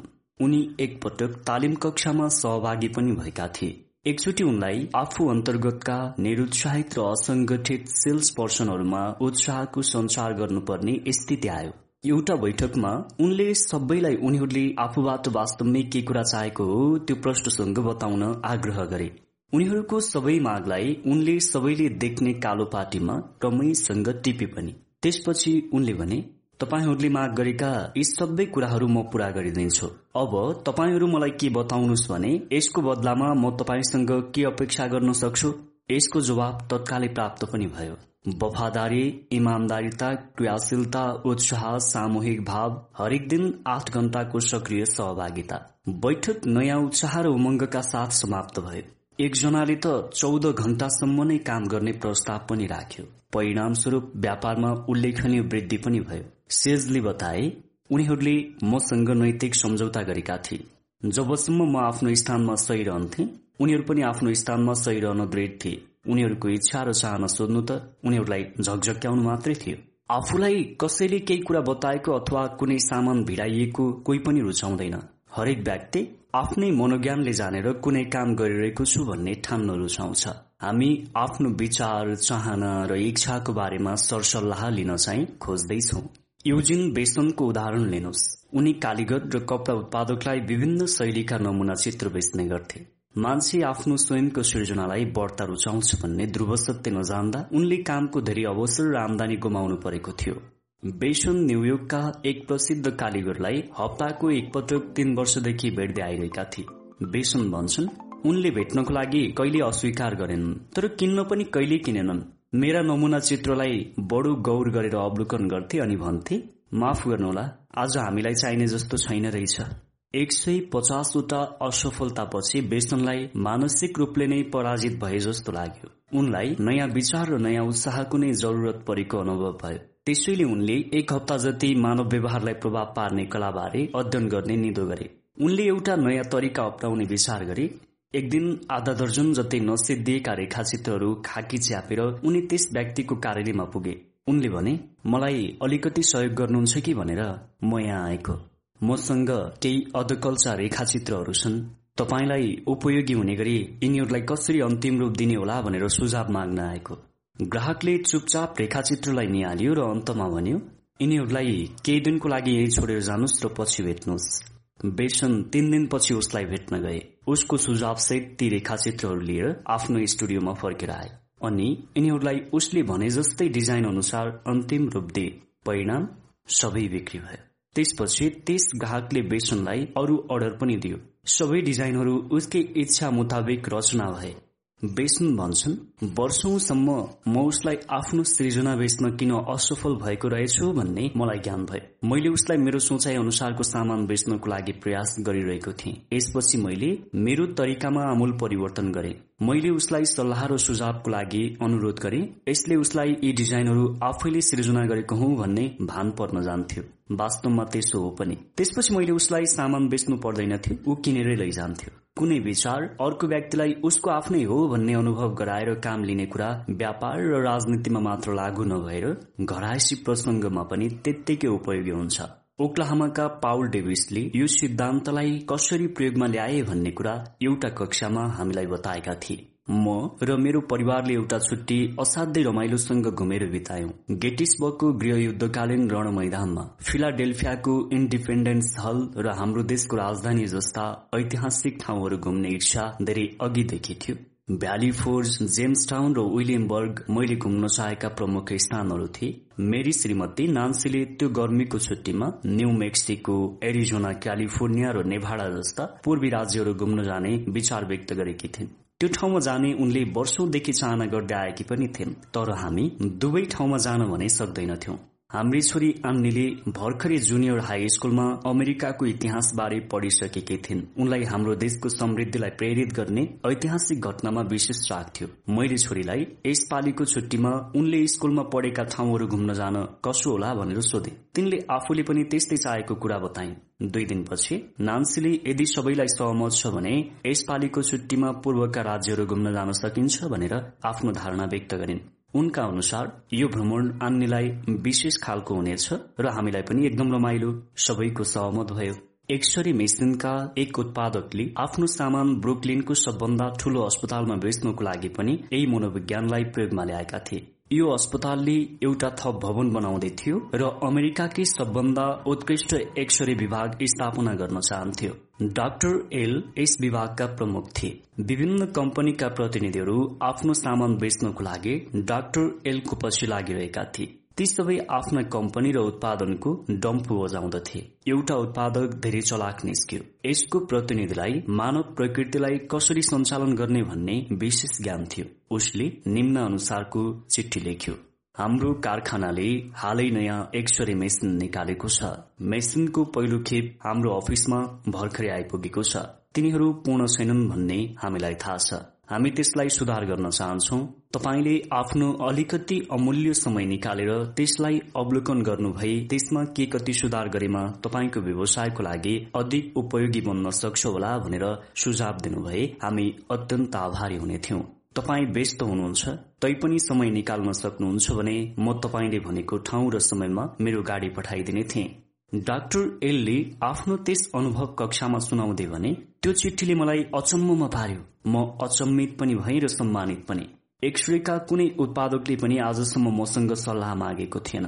यसले मेरो महत्व झल्कायो। म त्यो हप्ताको हरेक रात अति व्यस्त थिएँ तर ती उपकरण हेर्न जानको लागि मैले एउटा डिनर कार्यक्रम रद्द गरिदिएँ। मैले त्यसलाई जति गौर गरेर हेरेँ मलाई त्यो उपकरण त्यति राम्रो लाग्यो। यो उपकरण मलाई बेच्नको लागि कसैले प्रयास गरेको थिएन। अस्पतालको लागि त्यो मेसिन किन्ने निर्णय मेरो निजी विचार हो भन्ने मलाई अनुभूति भयो। मेसिनको उच्च गुणस्तरको लागि मैले त्यसलाई अस्पतालको लागि किनेर जडान गर्न लगाए। राल्फ वाल्डो इमर्सन आत्मनिर्भरता भन्ने निबन्धमा लेख्छन् प्रत्येक महान कार्यमा हामी आफूले अस्वीकार गरेको विचारको गन्ध भेट्दछौ। ती विचार विशिष्ट गरिमा सहित फर्केर आएका हुन्छन्। बुड्रो विल्सन अमेरिकाको राष्ट्रपति भएको बखत कर्नेल एडवार्ड हाउसले राष्ट्रिय तथा अन्तर्राष्ट्रिय मामिलामा आफ्नो विशेष दखलता देखाएका थिए। विल्सन गोप्य सल्लाह र सुझावको लागि आफ्नो मन्त्रीमण्डलका सदस्यहरू कहाँ भन्दा कर्नेल हाउसलाई बढ़ी पत्यार गर्दथे। कर्नेलले राष्ट्रपतिलाई प्रभाव पार्न के तरिका अप्नाएका थिए त? यस विषयमा हाउस स्वयंले आर्थर होडेन स्मिथसँग भित्री कुरा खुलेका थिए र स्मिथले द स्याटरडे इभिनिङ पोस्टको एउटा लेखमा यो कुरा उल्लेख गरेका थिए। हाउसले भनेका थिए जब मैले राष्ट्रपतिलाई राम्रोसँग चिने मलाई के कुरा बोध भयो भने राष्ट्रपतिलाई कुनै कुरा मनाउनु छ भने त्यो कुरा उनको दिमागमा हल्का फुल्का ढंगबाट छिराइहाल्नुपर्छ। ताकि फुर्सदको बेलामा उनले स्वयं आफै यसमा पर्याप्त चिन्तन मनन गरून्। पहिलो पटक त आकस्मिक रूपले नै यो तरिका सफल भयो। राष्ट्रपति भवनमा म उनलाई बरोबर भेटिरहन्थे।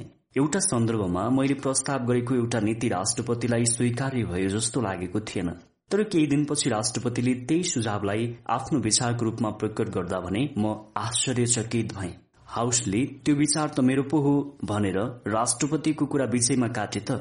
होइन। हाउसले त्यो कहिल्यै गरेनन्। उनी यसमा धेरै चलाक थिए। उनलाई श्रेयको भन्दा परिणामको वास्ता थियो। त्यसैले उनले यो विल्सनकै विचार हो भन्ने कुरालाई निरन्तरता दिए। अझ हाउसले यो भन्दा बढ़ी नै गरे। सार्वजनिक रूपमै उनले सबै विचारका जस विल्सनलाई नै दिए।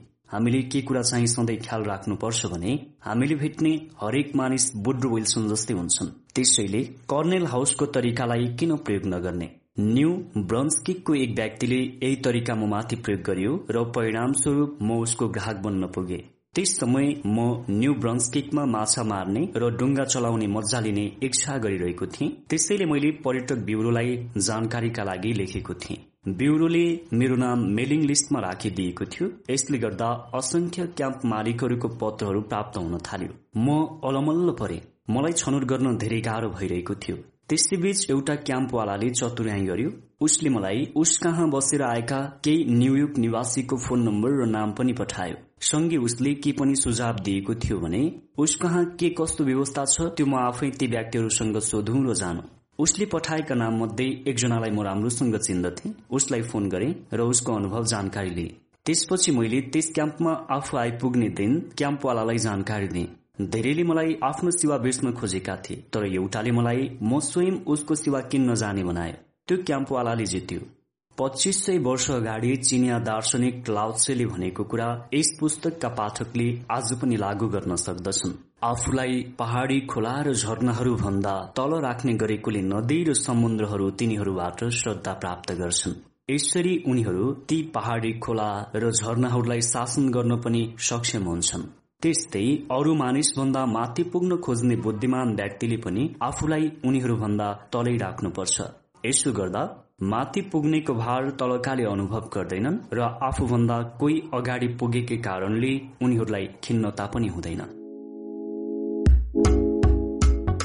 मानिसलाई विचारको श्रेय अनुभूत गर्ने अवसर दिनुहोस्। हामीले साथीहरूको मन जित्ने तथा मानिसहरूलाई प्रभाव पार्ने कला डेल कार्नेगीको पुस्तक प्रस्तुत गरेका छौं। तपाईँलाई यो पुस्तक कस्तो लागिरहेको छ? कमेन्ट बक्समा कमेन्ट गर्न सक्नुहुनेछ।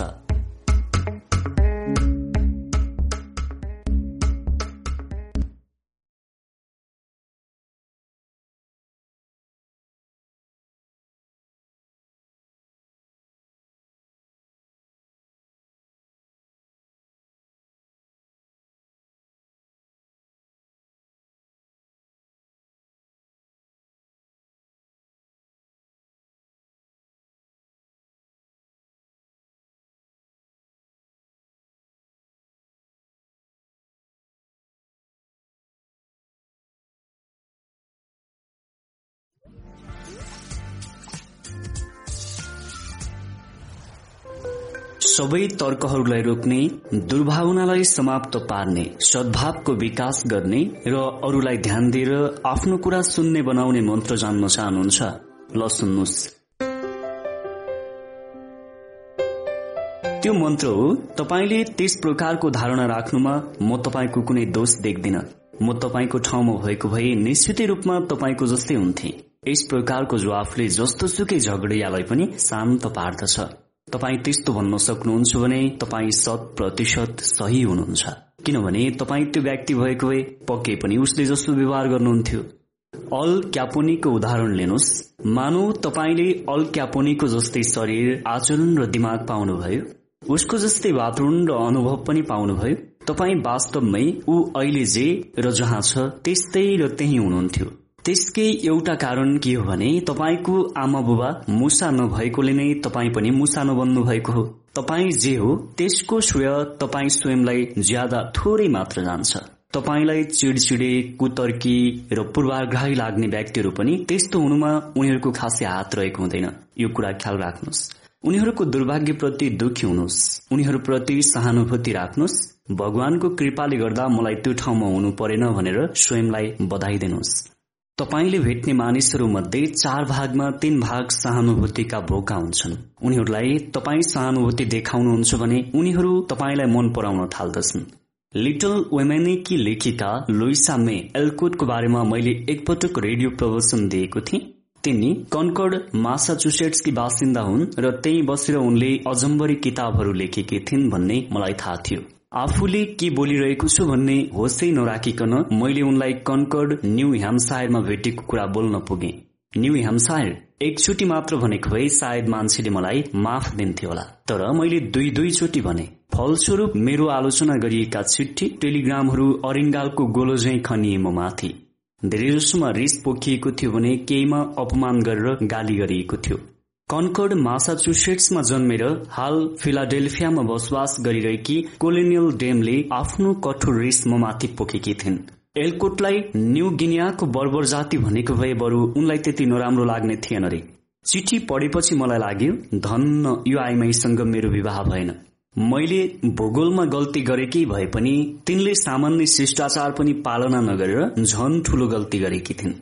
त्यसैले मलाई मनमा आएको कुरा लेखेर पठाउ जस्तो लाग्यो। त्यो वाक्यबाट चिठी शुरू गरेर मनमा आएका सबै कुरा लेखुँ जस्तो लागेर तयार पनि भए म तर मैले लेखिन। मैले आफूलाई नियन्त्रण गरे। मलाई लाग्यो तातो रिस भएको जो कोही मूर्खले त्यस्तो गर्न सक्छ। धेरैजसो मूर्खले त्यति मात्र गर्दछन्। मैले मूर्खताबाट माथि उठ्न चाहे। तिनको शत्रुतालाई मित्रतामा परिणत गर्ने प्रयास गर्ने विचार गरे। आफूले खेल्न सक्ने चुनौतीको खेल थियो यो। मैले स्वयंलाई भने त्यसो त म तिनी भएको भए म पनि सायद तिनले गरेको जस्तै गर्थे। त्यसैले मैले उनको दृष्टिकोणलाई सहानुभूति व्यक्त गर्ने निदो गरे। त्यसपछि फिलाडेल्फियामा गएको बेला मैले उनलाई फोन गरे। कुराकानी यस प्रकारको भएको थियो। मैले भने श्रीमती अमुकज्यू म तपाईँले केही हप्ता अगाडि मलाई लेख्नु भएको पत्रको लागि धन्यवाद दिन चाहन्छु। उताबाट तिनले भनिन् सुसंस्कृत लवजमा? यहाँ को बोल्नु भएको होला? मैले भने म तपाईँको लागि अपरिचित हुँ। मेरो नाम डेल कार्नेगी हो। मैले लुइसामे एल्कोटको बारेमा दिइएको रेडियो प्रवचन तपाईँले सुन्नु भएको थियो। त्यसमा मैले एल्कोट कन्कोड न्यू हेम्सायरको बासिन्दा हुन् भनेर अक्षम्य गल्ती गरेको थिएँ। यो मूर्खतापूर्ण गल्ती थियो। म त्यसका लागि क्षमा प्रार्थी छु। तपाईँले यस बारेमा लेखेर साह्रै राम्रो गर्नुभयो। तिनले भनिन् मैले त्यस्तो लेखेकोमा दुखित छु कार्नेगीज्यू मैले रिस थाम्न सकिन। मैले क्षमा माग्नै पर्छ। मैले भने होइन होइन। क्षमा तपाईँले माग्ने होइन। क्षमा त मैले माग्ने हो। मैले बोलेको भन्दा राम्रो त स्कुले केटाकेटीले पनि जान्दछ। मैले रेडियोबाटै त्यसको भोलिपल्ट माफी मागेको थिएँ। अहिले म तपाईँसँग व्यक्तिगत रूपमा माफी मागिरहेको छु। उताबाट तिनले भनिन् म कन्कर्ड मासाचुसेट्समा जन्मेको थिएँ। मेरो परिवार त्यहाँको खानदानी परिवार हो। मलाई आफ्नो जन्मस्थान प्रति विशेष गर्व छ। तपाईँले सुश्री एल्कोड न्यू हेम्सायरमा बस्छन् भनेको कुरा मैले सहनै सकिन। तर अहिले त्यो चिठी सम्झिँदा लाज लाग्छ। मैले भने म तपाईँलाई के विश्वास दिलाउन चाहन्छु भने तपाईँ म जति पनि बेचैन हुनुभएको थिएन। मेरो गल्तीले मासाचुसेट्सलाई चोट पुगेन म स्वयंलाई पुग्यो। रेडियोमा बोल्नको लागि तपाईँ जस्ता सुसंस्कृत एकदम थोरैले मात्र समय निकालेर लेख्दछन् र मेरो प्रवचनमा भविष्यमा पनि कुनै गल्ती भयो भने त्यसलाई औंलाइदिनुहुन्छ भन्ने आशा राख्दछु। तिनी उताबाट बोलिन् तपाईँले मैले गरेको आलोचना स्वीकार्नु भएकोमा मलाई धेरै खुसी लागेको छ। तपाईँ धेरै असल मान्छे हुनुहुँदो रहेछ। म तपाईँलाई राम्ररी चिन्न चाहन्छु। यसरी मैले तिनको दृष्टिकोणप्रति सहानुभूति लेखेर क्षमा मागेकोले तिनले पनि मेरो दृष्टिकोणलाई सहानुभूति राख्दै क्षमा मागिन्। आफ्नो रेसलाई थामेर निन्दालाई उदारतामा रूपान्तरण गर्न सकेकोमा मलाई अपार सन्तोष भयो। मैले तिनलाई नदीमा डुबेर मरेनी हुन्छ भनेर पाउने आनन्द भन्दा तिनले मलाई मन पराउँदाको आनन्द कता हो कता बढी भयो। व्हाइट हाउसमा आउने हरेक व्यक्तिले प्रत्येक दिन मानव सम्बन्धको बारेमा अप्ठ्यारा समस्याहरू झेल्नुपर्छ। राष्ट्रपति टफ्ट यसमा अपवाद थिएनन्। कटु भावनाको झुसिलो डकारलाई सहानुभूतिले समन गरिदिन्छु भन्ने कुरा उनले अनुभवबाट सिकेका थिए। एथिक्स इन सर्भिस भन्ने आफ्नो किताबमा उनले एक उदास र महत्वाकांक्षी आमाको रमाइलो उदाहरण दिएका छन्। टप लेख्छन् वासिङटनकी एक महिला थिइन् उनको श्रीमानको केही राजनैतिक प्रभाव थियो। यसकै आधारमा तिनी मलाई भेट्न आएकी थिइन्। तिनले आफ्नो छोरालाई कुनै पदमा नियुक्त गराउनु छ हप्तासम्म मलाई भनिरहन्। भन्छनको लागि तिनले धेरै सिनेटर र सांसदलाई आफ्नो प्रभावमा लिएकी थिइन्। उनी तिनको साथमा मलाई भेट्न आउँथिन्। त्यस स्थानको लागि प्राविधिक योग्यता चाहिन्थ्यो। विभागीय प्रमुखको सिफारिशमा मैले अर्कै व्यक्तिलाई नियुक्त गरे। त्यसपछि मैले तिनीबाट एउटा चिठी पाएँ। चिठीमा उनले मलाई उनलाई दुखी बनाउने कृतज्ञ व्यक्ति भनेर मेरो आलोचना गरेकी थिइन्। उनका अनुसार मैले चाहेको भए उनी खुसी हुन सक्थिन्। तिनले संसदमा एउटा बिल पास गराउनको लागि ठूलो मद्दत गरेको हवाला दिँदै बदलामा त्यो फल पाएको गुनासो पनि गरिन्। तपाईँ यस्तो खालको पत्र पाउनुहुन्छ भने पहिलो कुरा तपाईँ यसरी अभद्र असभ्य समेत आचरण देखाउने व्यक्तिप्रति कसरी कठोर हुन सकिन्छ भनेर सोच्नुहुन्छ त्यसपछि उत्तर तयार पार्नुहुन्छ। यदि तपाईँ बुद्धिमान हुनुहुन्छ भने त्यसलाई ड्ररमा राख्नुहुन्छ र यसलाई बन्द गरिदिनुहुन्छ। यस्तो पत्रको जवाबको लागि दुई दिन त दिनै पर्छ। त्यसैले दुई दिनपछि जब तपाईँ त्यो पत्र निकाल्नुहुन्छ तपाईँ यसलाई पठाउनुहुन्न। त्यही तरिका मैले पनि अप्नाएँ। त्यसपछि मैले आफूले सक्ने सभ्य भाषामा पत्र लेखेँ। पत्रमा मैले यस्तो परिस्थितिमा एउटी आमाको निराशा भावलाई आफूले बुझेको तर प्राविधिक योग्यतामा चाहिने त्यस पदको नियुक्तिमा विभागीय प्रमुखको सिफारिशलाई स्वीकार्न आफू बाध्य भएकोले आफ्नो कुनै जोड नचल्ने बेहोरा उल्लेख गरे। उनको छोरा अहिले जहाँ छ। त्यहीबाट उनले अपेक्षा गरेर सफलता हासिल गर्न सकोस् भनेर मैले शुभकामना पनि व्यक्त गरेँ। त्यो चिठीले तिनको रिसलाई शान्त पार्यो र आफूले पहिले लेखेको कुराप्रति माफी मागेर पत्र लेखिन्। मैले गरेको नियुक्ति स्वीकृत भइसकेको थिएन। त्यही बीचमा मैले तिनको श्रीमानको नाममा अर्को चिठी पाएँ। जबकि अक्षर पहिलेकै जस्तो थियो। मानसिक आघातको कारणले आफ्नै श्रीमती बिरामी भएको उल्लेख गरिएको थियो त्यसमा। उनलाई पेटको क्यान्सर पनि भएकोले उनको स्वास्थ्यको खातिर पहिलेको नियुक्ति बदल गरी छोरालाई त्यसमा नियुक्त गर्न अनुरोध गरी लेखिएको थियो। मैले फेरि अर्को चिठी लेख्नु पर्यो। यस पटक ती महिलाको श्रीमानलाई चिठीमा मैले उनको रोगको निदान गलत ठहरियोस् भन्ने कामना गरे र श्रीमतीको बिमारीको कारणले उनले खप्नु परेको दुःखमा सहानुभूति व्यक्त गरे। तर आफूले नियुक्ति बदल गर्न नसक्ने बेहोरा पनि उल्लेख गरे। नियुक्ति गरिएको व्यक्तिको स्वीकृति आएपछि हामीले व्हाइट हाउसमा एउटा संगीत समारोह आयोजना गरेका थियौं। समारोहमा श्रीमती टफ र मलाई स्वागत गर्ने पहिलो दुई व्यक्ति यिनै श्रीमान श्रीमती थिए जबकि भर्खरै मात्रै तिनी क्यान्सरले थला परेको पत्र मलाई प्राप्त भएको थियो।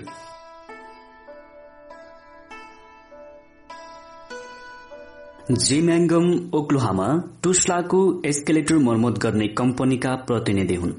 टुस्लाका एउटा प्रमुख होटलमा यो कम्पनीले एस्केलेटर मर्मतको करार गरेको थियो। होटल म्यानेजर एस्केलेटर दुई घण्टा भन्दा बढ़ी बन्द नहोस् भन्ने चाहन्थे किनभने यसले उनका ग्राहकलाई अप्ठ्यारो पार्दथ्यो। मर्मतको लागि आठ घण्टा जति लाग्ने गरी एकपटक एस्केलेटर बिग्रियो। फेरि होटललाई मिल्दो समयमा उपस्थित हुने विशेष रूपले दक्ष प्राविधिक कम्पनीसँग सधैँ भइरहँदैनथ्यो उपयुक्त प्राविधिक व्यवस्था गरेपछि म्याङ्गमले म्यानेजरलाई फोन गरे। फोनमा उनले आफूलाई आवश्यक समय उपलब्ध गराउनु पर्ने जिकिर गरेनन्। बरु यसो भने मलाई थाहा छ तपाईँको होटल अति व्यस्त छ र तपाईँ भर्याङ सकेसम्म थोरै समय मात्र बन्द होस् भन्ने चाहनुहुन्छ। म तपाईँको परिस्थिति बुझ्दछु। त्यसैले तपाईँको सजिलोको लागि हामी सकेको प्रयास पनि गर्ने नै छौं। समस्यालाई हेर्दा यदि यसको राम्रोसँग मर्मत नगर्ने हो भने यो चाँडै नै फेरि बिग्रनेछ र यसले गर्दा अझ लामो समयसम्म बन्द गर्नुपर्ने परिस्थिति आउन सक्छ। तपाईँ पक्कै पनि तपाईँका पाहुनालाई कैयौं दिन कष्ट दिन चाहनुहुन्न। म्यानेजरको लागि कैयौं दिनको पटक पटक बन्द भन्दा आठ घण्टाको बन्द पक्कै पनि उपयुक्त थियो। म्यानेजरको आफ्ना ग्राहकलाई खुशी पार्ने इच्छाप्रति सहानुभूति देखाएर म्याङ्गमले सजिलैसँग तिनको मन जिते।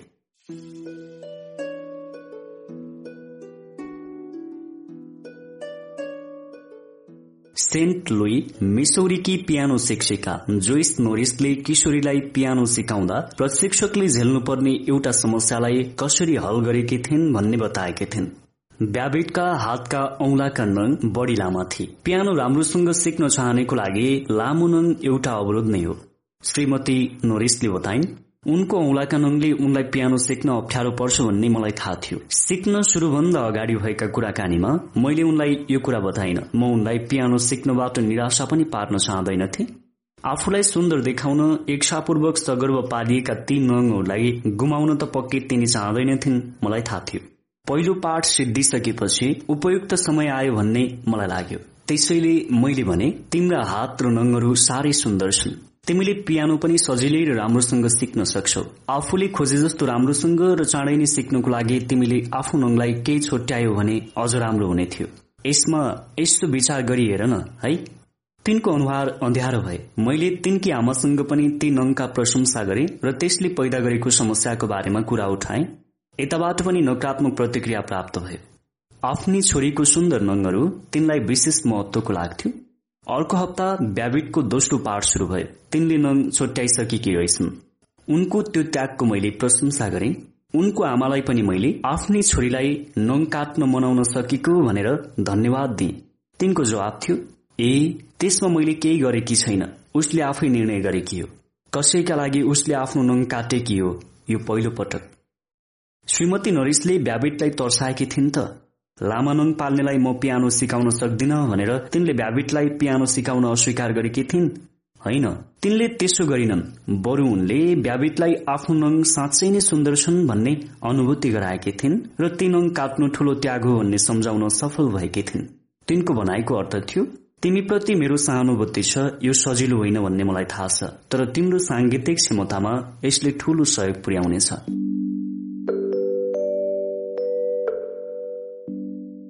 सोल ह्युरुक अमेरिकाका सम्भवतः सबभन्दा विख्यात नृत्य निर्देशक थिए।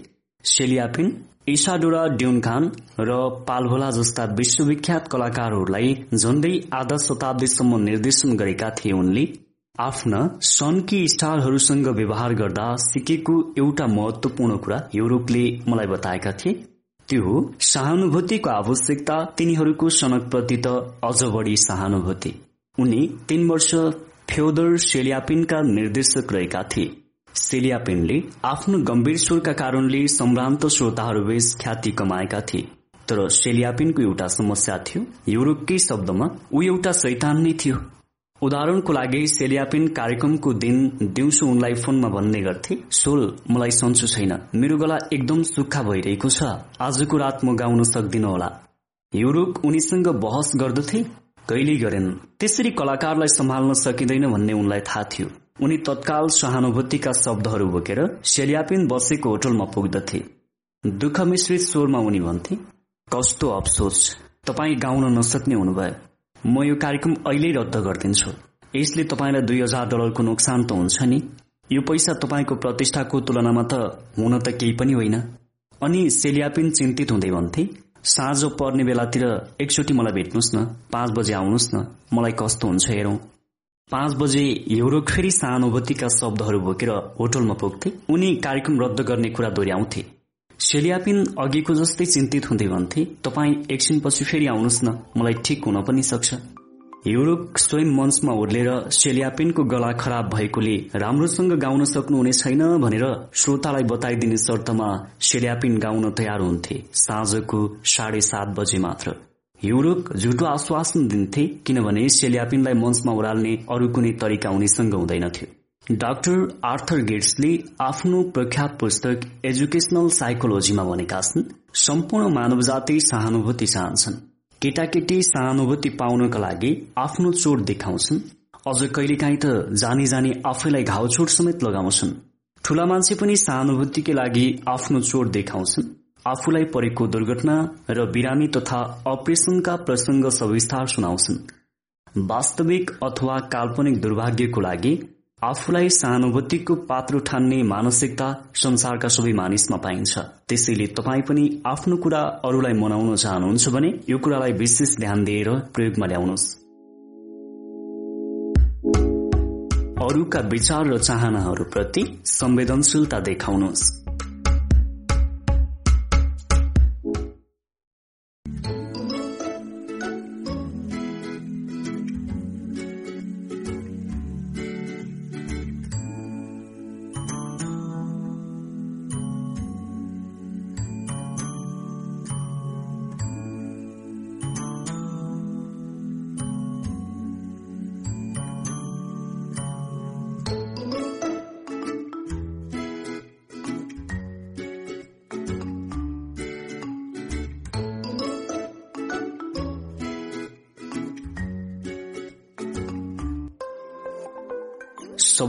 मन पराउने अनुरोध।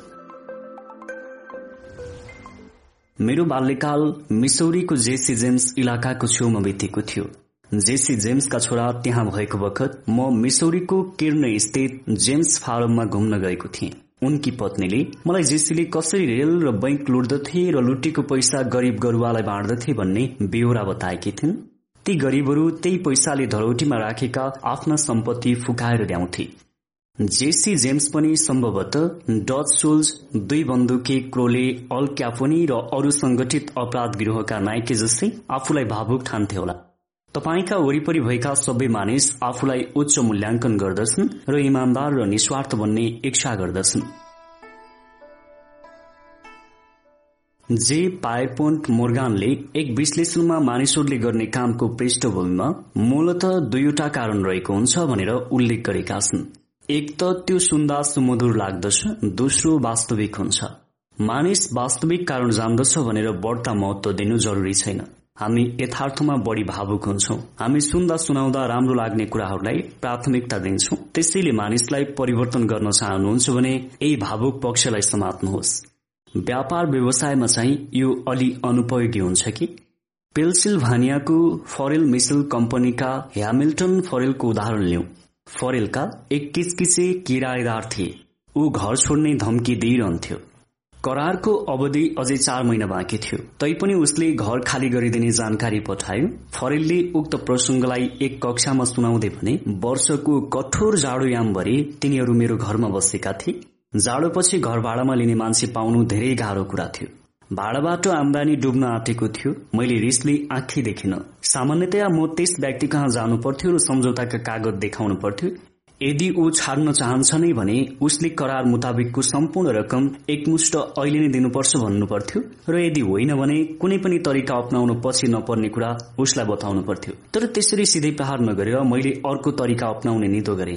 मैले उसलाई भने मैले तपाईँको कुरा सुने तर तपाईँ साँच्चै नै जान चाहनुहुन्छ भन्ने मलाई विश्वास छैन। वर्षौं यस कारोबारमा लागेकोले यसले मलाई मान्छेको प्रकृतिको बारेमा केही सिकाएको छ। मैले तपाईँलाई आफ्नो बोलीको पक्का पाएको छु। वास्तवमा म आफ्नो धारणाप्रति विश्वस्त छु र यसमा बाजी नै थाप्न सक्छु। मेरो एउटा प्रस्ताव छ तपाईँ आफ्नो निर्णय टेबलमा राख्नुहोस् र केही दिन यसबारे विचार गर्नुहोस्। अर्को महिनाको पहिलो दिन म कहाँ भाडा बुझाउन आउँदा तपाईँ साँच्चै नै जान चाहनुहुन्छ भने तपाईँको इच्छा नै मेरो इच्छा हुनेछ। म तपाईँलाई रोक्दिन र मैले तपाईँप्रति राखेको धारणा गलत रहेछ भनेर आफूलाई सुधार्छु। अझै तपाईँलाई बोलीको पक्का ठान्दछु र सम्झौता अनुसार नै बस्नुहुनेछ भन्ने अपेक्षा गर्दछु। किनभने हामी मान्छे हौ कि बाँदर हौ भन्ने निर्णय हामी स्वयंले गर्ने हो। अर्को महिना त्यो व्यक्ति स्वयं म कहाँ आयो र भाडा बुझाए उसले श्रीमतीसँग सल्लाह गरेर बस्ने निर्णय गरेको सुनाए तिनीहरूले आफ्नो सम्मान जोगाउने एउटै तरिका त्यहाँ सम्झौता अनुसार पुरै बस्नुमै देखे।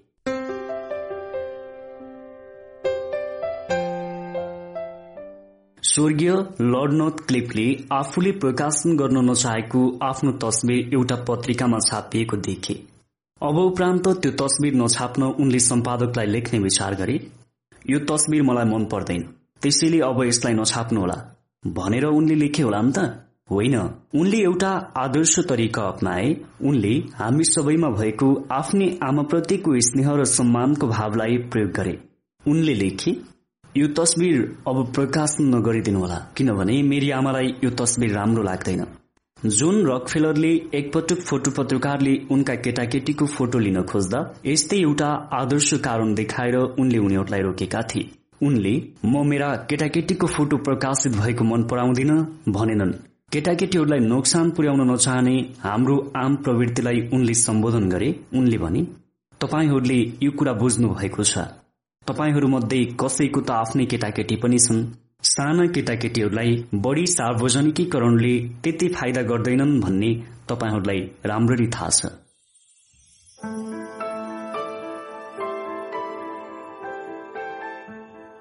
माइनका Cyrus Curtis the Saturday evening post र लेडिज होम जर्नलका मालिक हुन्। व्यवसायमा हात हाल्दा उनी एउटा गरिब केटा मात्र थिए। लेखकहरूलाई अन्य पत्रिकाले दिने जति पारिश्रमिक दिन सक्दैनथे त्यसैले अब्बल दर्जाका लेखकहरूलाई पैसा मात्रै दिएर मनाउन असमर्थ थिए। यहाँ उनले आदर्श कारणको सहारा लिए। उदाहरणको लागि उनले लिटल वेमनकी लेखिका लुइसा एल्कोटलाई उनी ख्यातिको शिखरमा भएको बखत नै आफ्नो पत्रिकाको लागि लेख्न मनाएका थिए। यसको लागि उनले एक सय डलरको चेक पठाए। यो चेक लेखिकाको लागि नभएर लेखिकाले रुचाएको सामाजिक संस्थाको लागि पठाइएको थियो। यहाँनिर केही शंकालु व्यक्तिहरू भन्न सक्छन् यी सब कुरा नर्थ क्लिप रकफेलर अथवा कोही भावुक मानिसको हकमा लागू होला। तर यही कुरा मैले पैसा असुल गर्न नसकेका ती एकहोरो मानिसलाई लागू गरेर देखाउनुहोस् त। तपाईँ सही हुन सक्नुहुन्छ। सबै प्रसंगमा र सबै मानिसमा लागू हुने त्यस्तो एउटै कुरा त कहीँ पनि हुँदैन। आफ्नो अवस्थाप्रति तपाईँ सन्तुष्ट हुनुहुन्छ भने किन परिवर्तन हुने? यदि सन्तुष्ट हुनुहुन्न भने किन प्रयास नगर्ने? कुरा जे भए पनि तपाईँ मेरा एक विद्यार्थी जेम्स टमसले भोगेको सत्य घटनालाई पढेर आनन्द लिनुहुन्छ होला नि। एउटा अटोमोबाइल कम्पनीका छजना ग्राहकले गाड़ी सर्भिस बिल तिर्न अस्वीकार गरे। पूरै बिलको बारेमा त कसैको पनि विरोध थिएन। प्रत्येकले कुनै एउटा शीर्षक चाहिँ गलत थियो भन्ने दावी गरेका थिए। आफूले सेवा लिएको कुरा त उनीहरूले गरेको हस्ताक्षरबाटै पुष्टि हुन्थ्यो। त्यसैले कम्पनी आफू सही छु भन्ने ठान्थ्यो र कम्पनीको तर्फबाट सही भएको दावी पनि गरियो। यो पहिलो गल्ती थियो। कम्पनीको क्रेडिट विभागका मानिसले पैसा उठाउन निम्न प्रक्रियाहरू अप्नाएका थिए। तिनीहरू सफल भए होला त। नम्बर एक। तिनीहरू प्रत्येक ग्राहक कहाँ गए र आफू पुरानो बाँकी लिन आएको भनेर ठाडै बताए। नम्बर दुई उनीहरूले कम्पनी पूरा सही छ भन्ने कुरा प्रष्टसँग भने यसको अर्थ थियो ग्राहकहरू पूराका पूरा गलत थिए। नम्बर तीन उनीहरूले ती ग्राहकहरूलाई भन्दा कम्पनीलाई गाड़ीको बारेमा धेरै ज्ञान भएकोले ग्राहकले कम्पनीसँग बहस गर्नु व्यर्थ छ भनेर बताए। नम्बर चार परिणाम तिनीहरू बहसमा उत्रे। यी कुनै तरिकाले ग्राहकसँग मेलमिलाप भएर हिसाब किताब मिल्यो त? तपाईँ आफै अन्दाज गर्न सक्नुहुन्छ। यस अवस्थामा क्रेडिट म्यानेजर ग्राहकहरूलाई कानूनी कार्यवाही गर्ने स्थितिमा पुगिसकेको थियो। सौभाग्यले यो कुरा जनरल म्यानेजरले थाहा पाए। म्यानेजरले ती ग्राहकको बारेमा अनुसन्धान गरे। तिनीहरू सबै विगतको समयमा नै बिल तिर्ने ग्राहकको कोटीमा पर्थे। असुली प्रक्रियामा ठूलो त्रुटि भएको थियो। त्यसैले उनले जेम्स टमसलाई यो असुल हुन नसकेको बिलको जिम्मा लगाए। टमसका अनुसार उनले निम्न तरिका अप्नाए। नम्बर एक प्रत्येक ग्राहकसँगको मेरो भेट हामीले सही ठहराएको पुरानो बक्यौता उठाउनेसँग सम्बन्धित थियो। तर मैले त्यस विषयमा एक शब्द पनि बताइन। मैले कम्पनीले गरेको र गर्न नसकेको के के कुरा हो त्यो थाहा पाउन उनीहरूसँग भेट गरेको स्पष्ट गरे। नम्बर दुई ग्राहकको तर्फबाट भएको घटनाको बेहोरा पूरा नसुने आफ्नो कुनै धारणा नबन्ने प्रश्न पारे कम्पनीबाट पनि गल्ती हुन सक्ने कुरा उनीहरूलाई बताए। नम्बर तीन मैले उनीहरूलाई म उनीहरूको कारमा चासो लिइराखेको छु भन्ने बताइदिए। उनीहरूको कारको बारेमा उनीहरूले जति संसारमा अरूले नजान्ने भएकोले उनीहरू त्यस विषयका ज्ञाता हुन् त्यसैले त्यो विषयमा उनीहरूले नै बताउन् भन्ने आफूले चाहेको पनि बताए। नम्बर चार मैले उनीहरूलाई बोल्ने मौका दिएँ र ध्यान दिएर उनीहरूको पुरै कुरा सुने। नम्बर पाँच। अन्तमा ग्राहक जब व्यवहारिक कुरामा ओर्लियो मैले सम्पूर्ण जिम्मेवारी उसको विवेक र अन्तरात्मामाथि नै छोडिदिए। मैले आदर्शको सहारा लिएँ। मैले भने पहिलो कुरा त कम्पनीले यो विषयप्रति ठिक तरिका अप्नाएन भन्ने मलाई लागेको कुरा तपाईँलाई बताउन चाहन्छु। हाम्रा प्रतिनिधिको कारणबाट तपाईँले असुविधा र कष्ट बेहोर्नु पर्यो। त्यो हुनु हुँदैन थियो। कम्पनीको तर्फबाट म क्षमा प्रार्थी छु। तपाईँसँग बसेर तपाईँका कुरा सुनिसकेपछि म तपाईँको सरलता र धैर्यताले ज्यादै प्रभावित भएको छु। तपाईँ इमान्दार र धैर्यवान भएकोले म तपाईँबाट एउटा सहयोग चाहन्छु। त्यो कुरा तपाईँले बढ्ता जान्नु भएको छ र तपाईँले नै राम्ररी गर्न सक्नुहुन्छ भन्ने मलाई विश्वास छ। तपाईँको बिल यहाँ छ। तपाईँ मेरो कम्पनीको अध्यक्ष हुनुभएको भए यो बिलको विषयलाई कसरी मिलाउनुहुन्थ्यो भनेर मैले तपाईँलाई नै सोधेर म आफू समस्याबाट बच्न सक्दछु भन्ने मैले सोचेको छु। यो तपाईँकै विवेकमा छोड्न चाहन्छु। तपाईँ जे भन्नुहुन्छ त्यही सदर हुन्छ। ग्राहकले बिल चुक्ता गर्यो त? यकिनन उसले उत्साहका साथ पुरै पैसा चुक्ता गर्यो। बिलहरू एक सय पचासदेखि चार सय डलरको बिचमा थिए। ग्राहकले यसमा चलाकी गर्ने प्रयास गरियो होला त? एउटाले गरियो पनि। एकजनाले विवादास्पद रकम तिर्न अस्वीकार गर्यो तर अरू पाँचजनाले पुरै भुक्तानी दिए। यो सबै घटनाको उत्कर्ष चाहिँ के भयो भने ती जनालाई दुई वर्षको अवधिभित्रै एक एकवटा नयाँ कार बेच्न पनि हामी सफल भयौं। टमस बताउँछन्। ग्राहकको बारेमा एकिनसाथ बताउन नसकिने परिस्थितिमा उनीहरू इमान्दार गम्भीर र सत्य हुन्छन् भन्ने आधार नै उनीहरूसँग व्यवहार गर्ने सबभन्दा सुगम तरिका हो भन्ने कुरा मलाई मेरो अनुभवले सिकाएको छ। साथसाथै बिलहरू झुटा होइनन् भनेर विश्वास दिलाउन सकेको खण्डमा त्यसलाई तत्काल चुक्ता गर्न पनि तयार हुन्छन् भन्ने मैले बुझेको छु।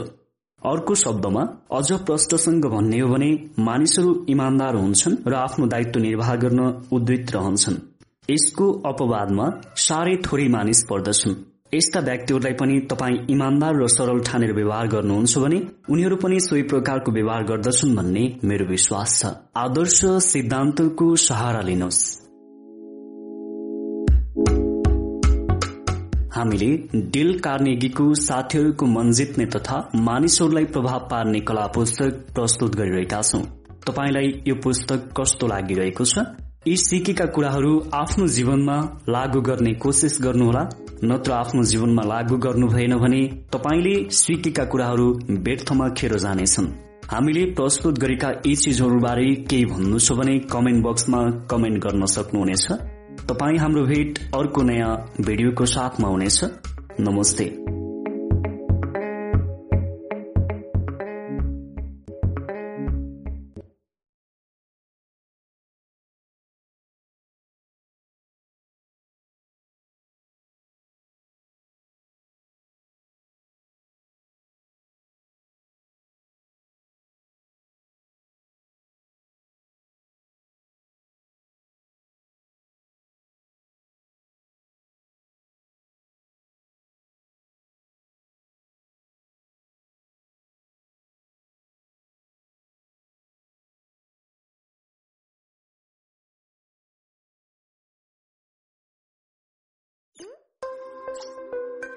डेल कार्नेगीको साथीहरूको मन जित्ने तथा मानिसहरूलाई प्रभाव पार्ने कलाको अबको भागमा छ चलचित्रमा हुन्छ टिभीमा हुन्छ। तपाईँबाट चाहिँ किन हुँदैन? धेरै वर्ष पहिले फिलाडेल्फिया इभिनिङ बुलेटिनका विरूद्धमा भ्रामक हल्लाहरू फैलाइएको थियो। हल्ला तीव्रताका साथ चारैतिर फैलिरहेको थियो। विज्ञापनदाताहरूलाई पाठकहरूले यो पत्रिका रुचाउन छोडिसके भनेर बताइएको थियो। धेरै विज्ञापन र थोरै समाचारले गर्दा पत्रिका पाठक माझ लोकप्रिय हुन छोडेको कुरा बताइएको थियो। तत्काल केही गरिहाल्नु जरुरी भएको थियो। तर कसरी? पत्रिकाले कुनै एक दिनको प्रकाशनका सबै खबरहरू एकत्रित गरेर यसलाई वर्गीकरण गर्यो र पुस्तक आकारमा प्रकाशित गर्यो। किताबको नाम एक दिन राखिएको थियो। यसमा तीन सय सात पृष्ठ थिए। कुनै हार्ड कभर पुस्तक भन्दा कम्ती थिएन यो। एक दिनको खबरहरू मात्र छापिएको हुनाले यो पुस्तकै भए पनि केही सेन्ट मात्र यसको मूल्य राखिएको थियो। त्यस पुस्तक रूपी पत्रिकाको प्रकाशनले नाटकीय ढंगबाट पत्रिकाले प्रशस्त पाठकीय खुराक प्रकाशन गर्दछ भन्ने तथ्यलाई पेश गरिदियो। यसले तथ्यलाई जस्ताको तस्तै प्रभावकारी र रोचकतापूर्ण रूपले उजागर गरिदियो। तथ्याङ्क र सामान्य कुराले भन्ने भन्दा यो ज्यादै धेरै थियो। आजको युग चमत्कारको युग हो। सत्य तथ्यलाई पेश गरेर मात्र पुग्दैन यथार्थलाई प्रभावकारी रोचक र चमत्कारपूर्ण ढंगबाट प्रस्तुत गर्नुपर्दछ। दिखावालाई प्रयोग गर्नै पर्दछ। चलचित्रमा र टेलिभिजनमा यस्तै हुन्छ। मानिसको ध्यानकर्षण गर्नका लागि तपाईँले पनि यस्तै तरिका पर्छ विन्डो डिस्प्लेका विशेषज्ञहरूलाई नाटकीयताको शक्ति थाहा छ। उदाहरणको लागि मुसाको नयाँ बीज उत्पादनकर्ताले विक्रेतालाई दुई जिउँदा मुसा भएको एउटा विन्डो डिस्प्ले उपलब्ध गराएको थियो। मुसाहरू प्रदर्शन गरिएको हप्ता बिक्री एकाएक पाँच गुणा वृद्धि भयो। टेलिभिजनका विज्ञापनहरूमा सामान बेच्ने नाटकीय तरिकाका प्रशस्त उदाहरणहरू भेटिन्छन्। एक दिन टेलिभिजनको अगाडि बसेर विज्ञापनकर्ताले पेश गरेका कुराको विश्लेषण गर्नुहोस्। तपाईँ यसमा एउटा एन्टासिड औषधिले अर्कोको दाजुमा कसरी एसिडको रंग बदल्न सक्छ भन्नेदेखि लिएर अर्को प्रकारको साबुनले हटाउन नसकेको कपड़ाको दाग सजिलै हटाएको आदि प्रकारका विज्ञापन देख्न सक्नुहुन्छ। तपाईँ घुम्ती र मोडहरूमा कार कसरी गुन्न सक्छ भन्ने हेर्न पाउनुहुन्छ। जबकि कुराले मात्रै यति बताउन सकिँदैन। उज्याला अनुहारहरूले किसिम किसिमका सामानहरू ल्याएको सन्तुष्टि देखाइरहेका हुन्छन्। बिक्रीको लागि राखिएका सामानको फाइदाहरूलाई यिनीहरूले नाटकीय रूपले प्रस्तुत गर्दछन्। यसले ग्राहकलाई ती सामान किन्न प्रेरित गरिरहेको हुन्छ। तपाई आफ्नो विचारलाई पनि व्यवसाय र जीवनका अरू पक्षहरूमा नाटकीय ढंगबाट पेश गर्न सक्नुहुन्छ। यो सजिलो छ। रिकमन भर्जुनियाका नेशनल क्यास रेजिस्टर कम्पनीका लागि विक्रेता जिम इमान्सले नाटकीय प्रदर्शनबाट कसरी बिक्री बढ़ाउन सके भन्ने हामीलाई बताएका थिए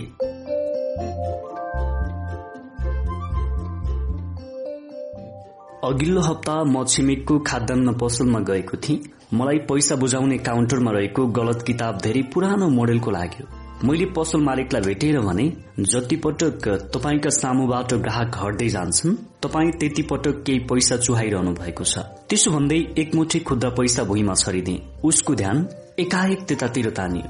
कुरा उसलाई चासो लाग्न त सक्थ्यो तर भुइँमा खसेको पैसाको आवाजले उसलाई टक्क रोकिने बनायो। उसका सबै पुराना सामान फेर्न अर्डर पाउन म सफल भएँ। यस्तै कुरा व्यवहारिक जीवनमा पनि लागू हुन्छ। पुराना जमानाका प्रेमीहरू प्रेम प्रस्ताव राख्दा प्रेमका शब्द मात्र व्यक्त गर्दैनथे निउरेर अनुनय नै गर्दथे। यस अनुनयले उसले आफूले भन्न खोजेको कुरा प्रदर्शन नै गरेको अर्थ लाग्थ्यो। आजभोलि त्यस्तो अनुनय त गर्नु पर्दैन तर उनीहरू प्रस्ताव राख्नु अगाडि रोमान्टिक वातावरण चाहिँ तयार पार्दछन्। नाटकीय रूप दिएर केटाकेटीलाई पनि आफ्नो कुरा मनाउन सकिन्छ। बर्मिङहाम एलाबामाका जो फोन्टलाई आफ्ना केटाकेटीसँग खेलौनाको विषयमा समस्या परिरहेको थियो। उनको पाँच वर्षको छोरा र तीन वर्षकी छोरी थिए छोराको तीन पाङ्री साइकल थियो र छोरीको गाडी। फन्टले दुवैलाई जोडेर ट्रेन बनाइदिए गाडीमा कोइला राख्ने र दाजुले चलाएको साइकलमा दुवैजना चढेर कोइला भएको गाडी तान्न सकिने देखाइदिए उनले। यसले दुवैको समस्या समाधान भयो। इन्डियानाकी म्यारी क्याथरिन उल्फले आफूले गरिरहेको काममा केही समस्या अनुभव गरेकी थिइन् र उनी हाकिमसँग त्यस विषयमा छलफल गर्न चाहन्थिन्। सोमबार उनले समय मिलाउने प्रयास गरिन् तर हाकिम अति व्यस्त भएकोले सचिव मार्फत पछि कुनै दिनको लागि समय मिलाउन भनियो। सचिवले पनि तत्काल समय मिलाउन नसक्ने र यसको लागि प्रयास गरेर खबर गर्ने बताइन्। त्यसपछि के भयो? उल्फ बताउँछन् मैले सचिवबाट त्यो हप्ताभरि कुनै खबर पाइन। मैले सोद्धा हाकिमले भेट्न नसक्ने कुनै कारण दिने गर्थिन् तिनी। शुक्रबार बिहानसम्म पनि कुनै सन्देश आएन। म हाकिमसँग भेटेर यही हप्ता आफ्नो समस्याको बारेमा छलफल गर्न चाहन्थे। त्यसैले मैले के गर्दा भेट्न सक्छु होला भनेर खुब सोचे। अन्तमा मैले यस्तो तरिका अप्नाए।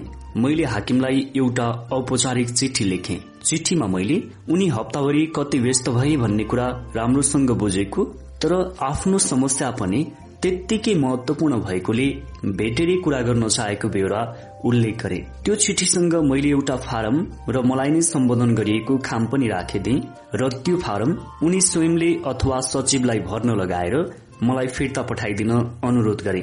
फारम यस प्रकारको थियो। सुश्री उल्फ म तपाईँलाई गति डट बजे भेट्न सक्छु। म तपाईँलाई डट डट डट मिनट जति समय दिन सक्छु। मैले यो चिठी बिहान एघार बजे खसाइदिए।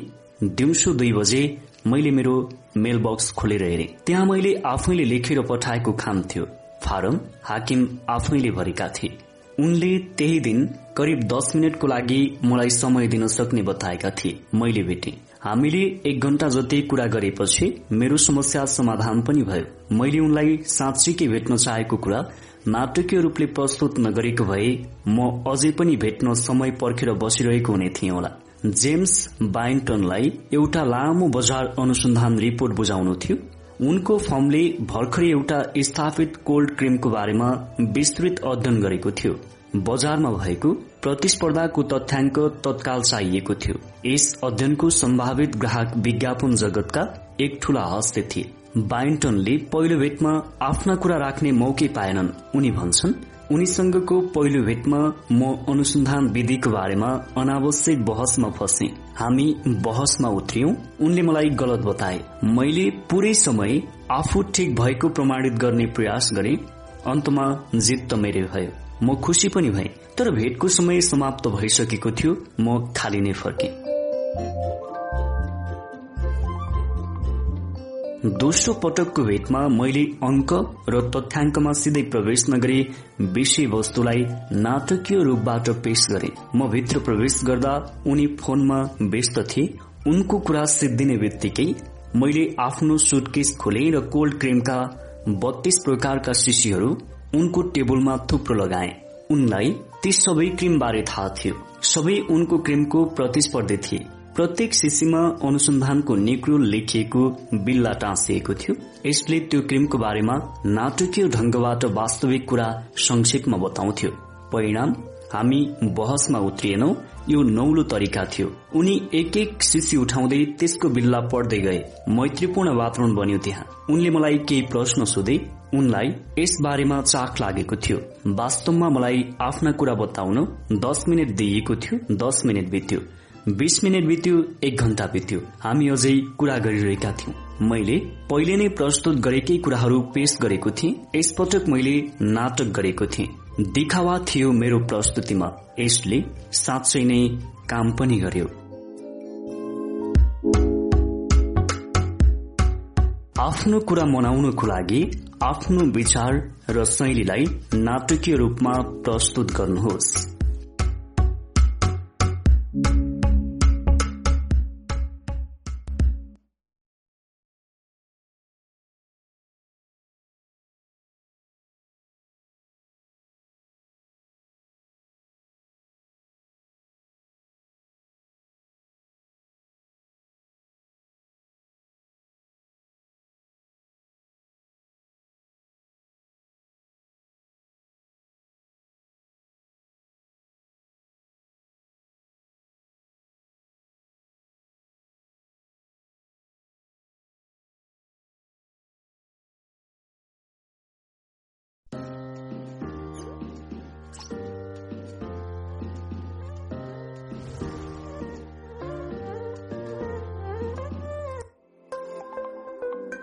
अब आफ्नो कुरा मनाउनको लागि कुनै पनि तरिका काम लाग्दैन भने कुनै तरिका काम नलाग्दा यसो गर्नुहोस्। चार्ल्स स्वापको एक कारखानामा पर्याप्त उत्पादन भइरहेको थिएन। त्यस कारखानामा एक प्रबन्धक थिए। स्वाबले प्रबन्धकलाई सोधे तपाईँ जस्तो सक्षम प्रबन्धकले पनि कारखानाबाट प्राप्त हुनुपर्ने जति उत्पादन गराउन किन सक्नु भएन प्रबन्धकको जवाब थियो। त्यही त म बुझ्न सकिरहेको छैन। मैले मजदुरहरूलाई सम्झाउने बुझाउने आकर्षित गर्ने तर्साउने सबै तरिका अप्नाए। केहीले पनि काम गरेन। उनीहरू सक्रिय नै हुँदैनन्। साँझो पर्ने बेलामा यो कुरा भइरहेको थियो। दिउँसोका मजदुरको लट गएर रातको लट आउने बेला भएको थियो। स्वाबले प्रबन्धकलाई एक टुक्रा चक दिन अनुरोध गरे अनि नजिकको मजदुरलाई सोधे आज दिउँसोको लटमा कति टिप्स काम भयो? छ। बिना कुनै जवाफ स्वाबले भुइँमा ठूलो छ लेखे र त्यहाँबाट हिँडे। रात्रि समयलाई छको अङ्क अचम्म लाग्यो र सोधे दिउँसोका मानिसले बताए ठूला हाकिम आएका थिए आज। उहाँले हामीले कति टिप्स बनायौं भनेर सोध्नु भएको थियो? हामीले छ भन्यौं। उहाँले भुइँमा त्यही अङ्क लेख्नुभयो। अर्को दिन बिहान फेरि स्वाब कारखानामा गए। रात्रि समूहले छ अङ्क मेटेर तेत्री आकारको सात लेखेका थिए। अर्को दिन बिहान फेरि स्वाब कारखानामा गई रात्रि समूहले छ अङ्क मेटेर तेत्रे आकारको सात लेखेका थिए। दिउँसोको जमात आउँदा त्यहाँ सात लेखिराखिएको देखे उनीहरूलाई रात्रि समूहले आफूलाई दिउँसोको समूह भन्दा असल प्रमाणित गर्न खोजेको रहेछन् भन्ने लाग्यो। रात्रि समूहलाई उनीहरूले केही देखाउनै पर्ने भयो। सबै उत्साही र सक्रिय भए। बेलुका जाने बेला उनीहरूले अझ ठूलो आकारमा दश लेखेर गए। यसरी स्थितिमा एकाएक सुधार आयो। केही समयभित्रै यो कारखाना र अरू कारखानाको दाँजोमा बढ़ी उत्पादन गर्नेमा दरियो यसको कारण के थियो त? चाल स्वापकै शब्दमा सुनौ। काम गराउनको लागि प्रतिस्पर्धाको भावना जागृत गराउनु पर्दछ। मेरो मतलब जसरी हुन्छ बढ़ी कमाउनको लागि होइन।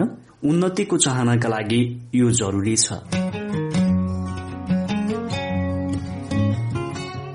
उन्नतिको चाहना चुनौती चुनौतीको स्वीकार उत्साही व्यक्तिलाई प्रेरित गर्ने अचुक तरिका। बिना चुनौती थियोडर रोजवेल्ट राष्ट्रपति बन्ने थिएनन् होला। क्युबाबाट भर्खरै फर्केका रोजवेल्टलाई न्यूयोर्क सिटीको गभर्नर पदमा उम्मेद्वार बनाइयो। विपक्षले रोजवेल्ट न्यूयोर्कका स्थायी बासिन्दा थिएनन् भन्ने पत्ता लगाए। उनले उम्मेद्वारी फिर्ता लिन पनि खोजे।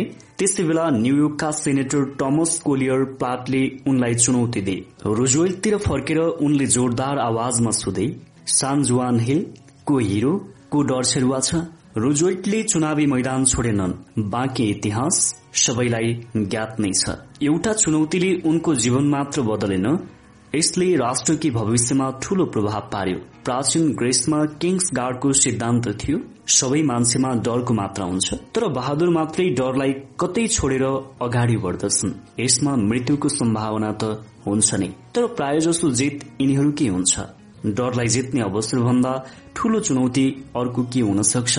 न्यूयोर्कको गभर्नर छँदा अल स्मिथ पनि चुनौतीका पक्षपाती थिए। कुख्या जेल सिङसङमा वार्डेनको आवश्यकता थियो।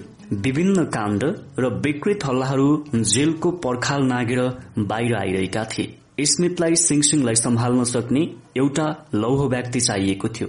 तर को? उनले न्यू ह्यामोटनका लेभिस लवेसलाई बोलाए। आफ्नो अगाडि उभिएका लेभिसतिर मुस्कुराउँदै स्मिथले सोधे सिङसङको वार्डेन बन्न जाने बारेमा के विचार छ त? एउटा अनुभव सिद्ध मान्छे चाहिएको छ। लेबिस अक्कबक्क भए। सिङसङको खतरा उनलाई थाहा थियो। नेताको सनकी प्रवृत्तिमा निर्भर रहने राजनैतिक नियुक्त थियो त्यो। वार्डेन फेरिरहेका थिए। एकजना त तीन हप्ता मात्र टिकेका थिए। आफ्नो क्यारियरको सवाल थियो खतरा मोल्नु लाभदायक थियो त। स्मिथ लेभिसको दिविदा देखिरहेका थिए। आफ्नो कुर्सीमा ढल्केर मुस्कुराए उनी। उनले भने हेर्नुहोस् तपाईँ जवान हुनुहुन्छ। तपाईँ डराउनु भएकोमा म तपाईँको दोष देख्दिन। यो अप्ठ्यारो ठाउँ हो। आँटिला मान्छे मात्र त्यहाँ पुगेर टिक्न सक्छन्। लेबिस गएर टिकी पनि। टिकी मात्र होइन आफ्नो समयको प्रसिद्ध वार्डेन पनि भने। सिङसङमा बीस हजार वर्ष भन्ने पुस्तक लाखौं प्रति बिक्री पनि भयो। उनको रेडियोमा गरेको कुरा र जेल जीवनका प्रसंगहरूले दर्जनौ चलचित्रहरूलाई प्रेरित पनि गरेको छ। जेल सुधार कार्यमा उनको अपराधीहरूको मानवीयकरण चमत्कार नै साबित भएको छ। Firestone tyre and rubber कम्पनीका संस्थापक Firestone tyre and rubber कम्पनीका संस्थापक हार्वे फायर स्टोन भन्छन्। पारिश्रमिक र मात्र पारिश्रमिकले मात्र असल मान्छेलाई काममा लगाउन र अड्डाइराख्न सक्छ भन्ने कुरामा मलाई विश्वास छैन।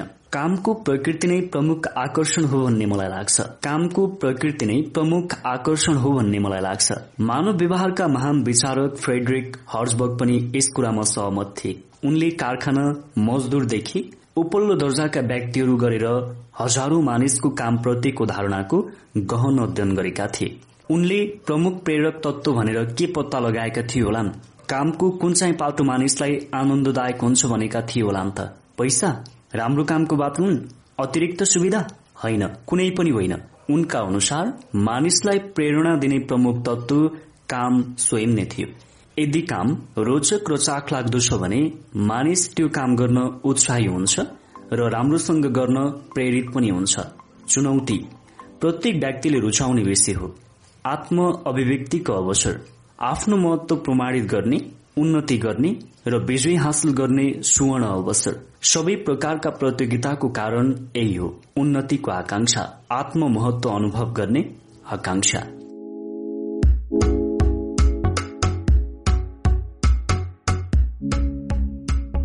आफ्नो कुरा मनाउनको लागि चुनौती दिनुहोस्। साथीहरूको मन जित्ने तथा मानिसहरूलाई प्रभाव पार्ने कला डेल कार्नेगीको पुस्तक हामीले प्रस्तुत गरिरहेका छौं। केही भन्नु छ भने कमेन्ट बक्समा कमेन्ट गर्न सक्नुहुनेछ।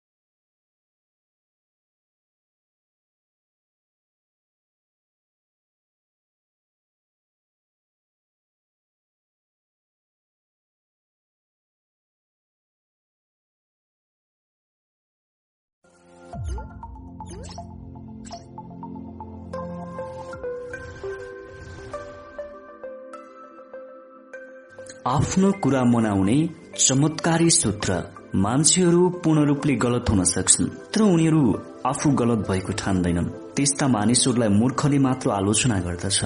समझदार मानिसहरू उनीहरूलाई बुझ्ने कोसिस गर्छन्। कोही पनि मानिस आफूले सोचेको र गरेको नै किन गर्दछ त?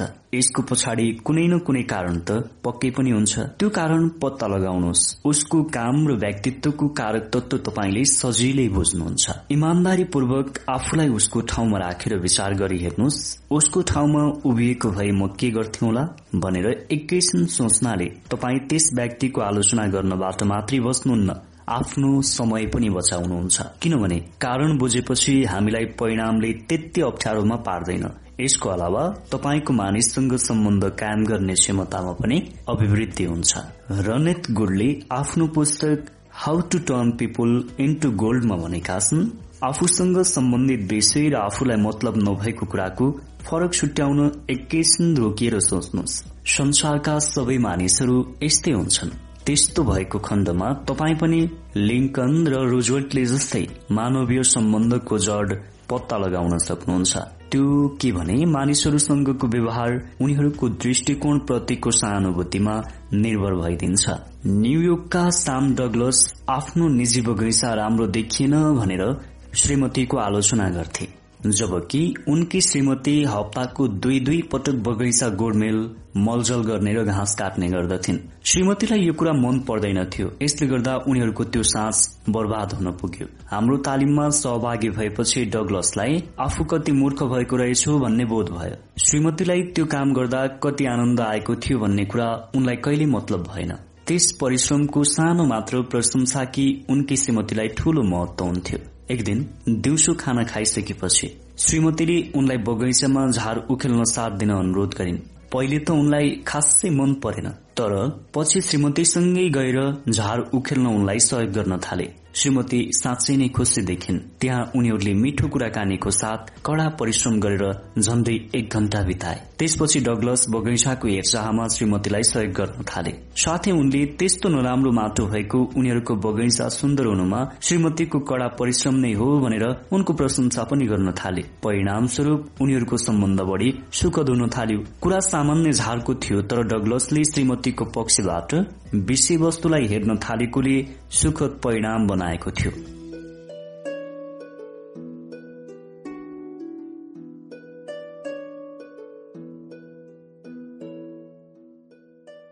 गेराल्ड निरनबगले आफ्नो किताब गेटिङ थ्रु दि पिपुलमा भनेका छन् जब तपाईँ अर्को व्यक्तिको विचार भावनालाई आफ्नो जत्तिकै महत्व दिनुहुन्छ यसले तपाईँहरू बीचको संवादमा महत्वपूर्ण सहयोग पुर्याउँछ। आफूले के र किन भन्न खोजेको त्यसबाट आफ्नो कुरा शुरू गर्नुहोस्। आफू श्रोता भएको भए तपाईँ आफू के सुन्न चाहनुहुन्थ्यो भन्ने कुराले तपाईँले भन्ने कुरा निर्देशित होस्। अरूको दृष्टिकोणलाई स्वीकार्दै जानुहोस्। यसले श्रोतालाई तपाईँका विचारप्रति सकारात्मक धारणा राख्न प्रेरित गर्दछ। मलाई मेरो घर नजिकको पार्कमा हिँड्न र घोडा चढ्न खुब मन पर्थ्यो। त्यहाँको कटुसको रुख मलाई साह्रै राम्रो लाग्थ्यो। तर हरेक वर्षको डढेलुले साना बिरुवा र झाडीलाई विनाश गरेको देख्दा मलाई धेरै दुःख लाग्छ। यो आगो कुनै लापरवाही अम्मेलीले लगाएको होइन। धेरै जस्तो यस्तो आग लागि वनभोज आउने केटाकेटीले गर्दा लाग्ने गर्छ। कहिलेकाहीँ त आगोले यति ठूलो रूप लिन्छ कि त्यसलाई नियन्त्रण गर्न सम्बन्धित व्यक्तिलाई नै बोलाउनु पर्छ पार्कको एउटा कुनामा आगो लगाउने व्यक्तिलाई जरिवाना र कैद सजाय हुनेछ भन्ने सूचना पनि झुण्डाइएको थियो। त्यो सूचना मान्छेहरूले मुस्किलले पुग्ने कुनामा राखिएको थियो। अभियुक्तहरूले वास्तवमै त्यो सूचना सायदै देखेका थिए होलान् पार्कको सुरक्षाको लागि एक प्रहरीको व्यवस्था पनि गरिएको थियो तर ऊ आफ्नो कामप्रति जिम्मेवार हुने थिएन। हरेक वर्ष आगो लागि नै रहन्थ्यो। एकपटक आगो जोडले फैलिरहेको थियो। म त्यस प्रहरी कहाँ गएर बारूण यन्त्र कार्यालयलाई खबर गर्न अनुरोध गरे तर उसले त्यो काम आफ्नो दायित्वभित्र पर्दैन भनेर कार्यालयलाई खबर गर्न जान मानेन। मलाई यसले बेचैन बनायो। मैले त्यो सार्वजनिक सम्पत्ति जोगाउने एकमात्र व्यक्ति आफू भएको ठहर गरेँ। शुरूमा मैले अरू व्यक्तिको दृष्टिकोण बुझ्ने प्रयास पनि गरिन। आगो रूखहरूको बीचमा दन्किरहेको थियो। यसले मलाई दुखित तुल्यायो। राम्रो कुरा गर्न खोजेर मैले त्यहाँ गलत काम गरे। ती केटाकेटीहरू भएको ठाउँमा गएर मैले उनीहरूलाई पातमा आगो लगाएको कारणले जेल पनि हाल्न सक्छन् है भनेर तर्साइदिए र आगो निभाइहाल्न उर्दी जारी गरे। तिमीहरूले मान्दैनौ भने म तिमीहरूलाई थुनाइदिन्छु भनेर तर्साउन खोजे। त्यसबेला मैले उनीहरूको दृष्टिकोण बुझेको थिएन। खालि आफ्नो भावना मात्र पोखेको थिएँ। परिणाम तिनीहरूले मेरो कुरा मन नलागी नलागी माने। म त्यहाँबाट हिँडेपछि सम्भवतः तिनीहरूले फेरि आगो लगाए र पुरै पार्क नष्ट पारिदिए। वर्षौं बित्यो। मैले मानव सम्बन्धको बारेमा केही ज्ञान केही कला वस्तु स्थितिलाई अर्काको आँखाबाट हेर्न सक्ने क्षमता पनि हासिल गरे। अहिले भएको भए म उनीहरूलाई निर्देशन दिनुभन्दा आगो लगाउँदै गरेका केटाकेटीसँग म सायद यसो भन्थे होला। रमाइलो भइराखेको छ है केटाकेटी हो के खाना पकाइराखेका छौ? म सानो छँदा मलाई पनि आगो बाल्न खुब मजा लाग्थ्यो। अहिले पनि लाग्छ। तर पार्कमा आगो लाग्दा खतरा हुन्छ भन्ने तिमीहरूलाई थाहा छ? तिमीहरूको कुनै हानि नोक्सानी गर्ने इरादा छैन भन्ने मलाई थाहा छ। तर सबै तिमीहरू जस्ता हुँदैनन् नि। उनीहरूले तिमीहरूले यहाँ आगो बालेको देख्छन् र तिनीहरू पनि यतै कतैतिर आगो बाल्छन्। तर फर्कने बेलामा ननिभाइ यत्तिकै छाडेर जान्छन्। यही आगो सुक्खा पात र दाउरामा सल्किन्छ। यसमा ध्यान नदिने हो भने पार्कका सबै रुख सिद्धिन बेर लाग्दैन। पार्कमा आगो लगाइएको न्युमा तिमीहरूलाई जेल हाल्न पनि सक्छन्। तर म तिमीहरूको रमाइलोमा अवरोध खडा गर्न चाहन्न। म तिमीहरूलाई हुकुम दिन पनि चाहन्न। तिमीहरूले रमाइलो मानेको देख्दा मलाई पनि रमाइलो लाग्छ। बरु अहिले नै वरिपरिका पात दाउराहरू राम्रोसँग पन्छाएर बेस होला। त्यस्तै फर्किने बेलामा आगो राम्रोसँग निभाउन पनि नबिर्सनु। अर्को पटक यसरी आगो बाल्दा अलि पर डाँडामा बालुवाको बीचतिर आगो बाल्नु। यसले केही नोक्सान पनि गर्दैन। मेरो कुरा सुनेकोमा तिमीहरूलाई धेरै धेरै धन्यवाद रमाइलो गर। यस प्रकारको कुराले के फरक पार्छ त? यसले केटाकेटीहरूलाई सहयोगी बनाउँछ। उनीहरूलाई झ्याउ पनि लाग्दैन रिस पनि उठ्दैन। उनीहरूलाई निर्देशन गरिएको हुँदैन। उनीहरूको लाज बच्छ। उनीहरूलाई रमाइलो लाग्छ। मलाई पनि आनन्द हुन्छ। किनभने मैले परिस्थितिलाई उनीहरूको तर्फबाट विचार गरेको थिएँ। व्यक्तिगत समस्याहरूले सताइराखेको बेला अर्को व्यक्तिको आँखाबाट परिस्थितिलाई हेर्दा तनावमा केही शिथिलता हुन सक्छ। अस्ट्रेलियाकी एलिजाबेथ नोबाक आफ्नो कारको किस्ता बुझाउन छ हप्ता ढिलो भइसकेको थियो। उनले बताइन् मेरो खाता हेर्ने व्यक्तिले शुक्रबार मलाई फोनमा सोमबार बिहानसम्म एक सय बाह्र डलर बुझाउन नल्याएमा कम्पनीले कारवाही गर्न सक्छ भनेर बताए। सप्ताहन्तमा त्यत्तिका पैसा जम्मा गर्न सक्ने कुनै स्थिति थिएन। त्यसैले सोमबार बिहान उसको फोन उठाउँदा म कुनै नराम्रो परिणामको आशंका गरिरहेको थिएँ। त्यसबाट विचलित हुनुको सट्टा मैले परिस्थितिलाई उसको आँखाबाट निहाल्ने प्रयास गरे। उसलाई यस्तो अप्ठ्यारो परेकोमा सबभन्दा पहिले मैले उसँग माफी मागे। पटक पटक यसरी कष्ट दिने मनै यस्तो अप्ठ्यारो ग्राहक हुला भनेर मैले स्वयंको आलोचना गरे। उसको बोली अकस्मात नरम भयो। उसको अनुसार म साँच्चैकै अप्ठ्यारो ग्राहक चाहिँ होइन रहेछु। उसका ग्राहकहरू कतिसम्म अशिष्ट हुन्छन् भन्ने अनेक उदाहरण दिँदै उसले ग्राहकहरूले ढाँट्ने गरेको र फोनमा कुरा नै नगर्ने सम्मका ग्राहकहरू समेत भएको बेहोरा बेली विस्तार सुनायो। म चुपचाप उसको कुरा सुनिरहे। उसले आफ्नो वेदना मलाई सुनाइरह्यो। अन्तमा मेरो अनुरोध बिना नै उसले सबै पैसा अहिले नै दिन नसके पनि मलाई केही नहुने बतायो महिनाको अन्तमा बीस डलर मात्र दिएर बाँकी पैसा मलाई अनुकूल परेको बेलामा दिँदा कुनै फरक नपर्ने सुझाव पनि दियो उसले। भविष्यमा कसैलाई आगो निभाउन अनुरोध गर्नु अगाडि आफ्नो उत्पादन किन्न अनुरोध गर्नु अगाडि अथवा चन्दा सहयोग माग्नु अगाडि एकैछिन आँखा गरेर सम्पूर्ण परिस्थितिलाई अरूको आँखाबाट हेर्ने र विचार गर्ने प्रयास किन नगर्ने? आफैलाई सोध्नुहोस्। आफूले भनेको काम गर्न ऊ बाध्य छ यसले समय लिन सक्छ। तर यसले दुश्मनी बढ्नुबाट रोक्नुका साथै थोरै परिश्रम र सजिलैसँग राम्रो परिणाम पनि उत्पन्न गराउँदछ। हावर्ड बिजनेस स्कूलका डिन डोनाम भन्छन् कुनै मान्छेलाई भेट्नु अगाडि आफूले उसँग के कुरा गर्ने हो र उसले के उत्तर दिन्छ होला भन्ने विचार नगरिकन उसको अफिसमा छिर्नु पहिले। म उसको अफिस बाहिर दुई घण्टा यत्तिकै ओहोर दोहोर गरिरहन चाहन्छु ताकि त्यो समयमा म केही सोच विचार गर्न सकु। यो भनाइको महत्वलाई अझ प्रष्ट पार्न म यो पुरै वाक्यलाई पुनः जोड दिएर दोहोऱ्याउन चाहन्छु। कुनै मान्छेलाई भेट्नु अगाडि आफूले उसँग के कुरा गर्ने हो र उसले के उत्तर दिन्छ होला भन्ने विचार नगरिकन अफिसमा पस्नु पहिले म उसको अफिस बाहिर दुई घण्टा यत्तिकै ओहोर दोहोर गरिरहन चाहन्छु ताकि त्यो समयमा म केही सोच विचार गर्न सकु। यो पुस्तक पढेर तपाईँले परिस्थितिलाई अर्काको दृष्टिकोणबाट हेर्ने तथा आफ्नो र उसको दुवैको पक्षबाट सोच विचार गर्ने बानीको विकास गर्नुभयो भने यही एउटा कुरा मात्रै पनि तपाईँको उन्नतिको दिशामा एउटा महत्वपूर्ण कदम साबित हुनेछ।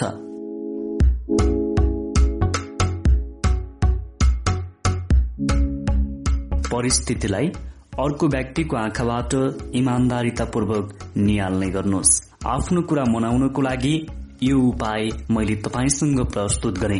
डेल कार्नेगीको साथीहरूको मन जित्ने तथा मानिसहरूलाई प्रभाव पार्ने कला पुस्तक हामीले प्रस्तुत गरिरहेका छौं। तपाईँलाई यो पुस्तक कस्तो लागिरहेको छ? कमेन्ट बक्समा कमेन्ट गर्न सक्नुहुनेछ।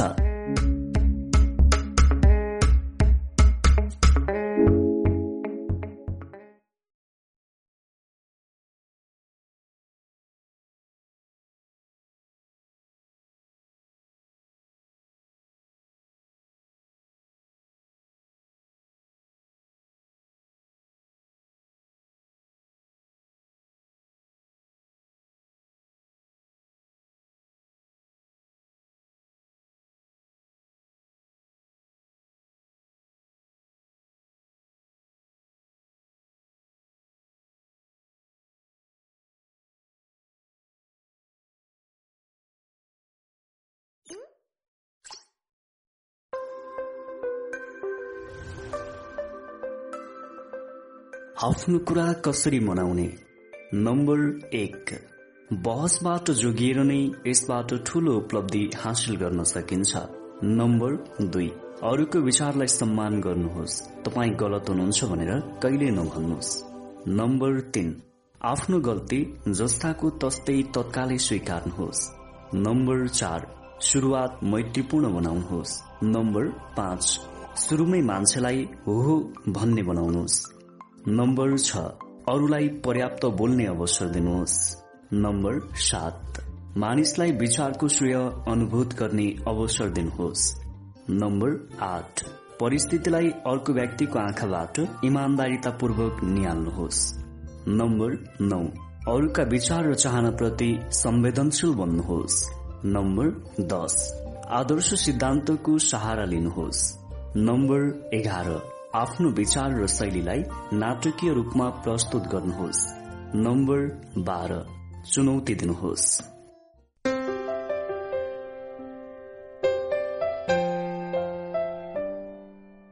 हामीले आफ्नो कुरा मनाउनको लागि यी विभिन्न तरिकाहरू अघिल्लो भागमा सिक्यौं। अबको भागबाट शुरू हुन्छ। भाग चारमा मनमा चोट नपुर्याइकन मानिसहरूलाई कसरी बदल्ने? दोष देखाउने तरिका। काल्भिन कुलिज राष्ट्रपति भएको बखत मेरा एक मित्र एकचोटि व्हाइट हाउसमा पाहुना बन्न पुगेका थिए।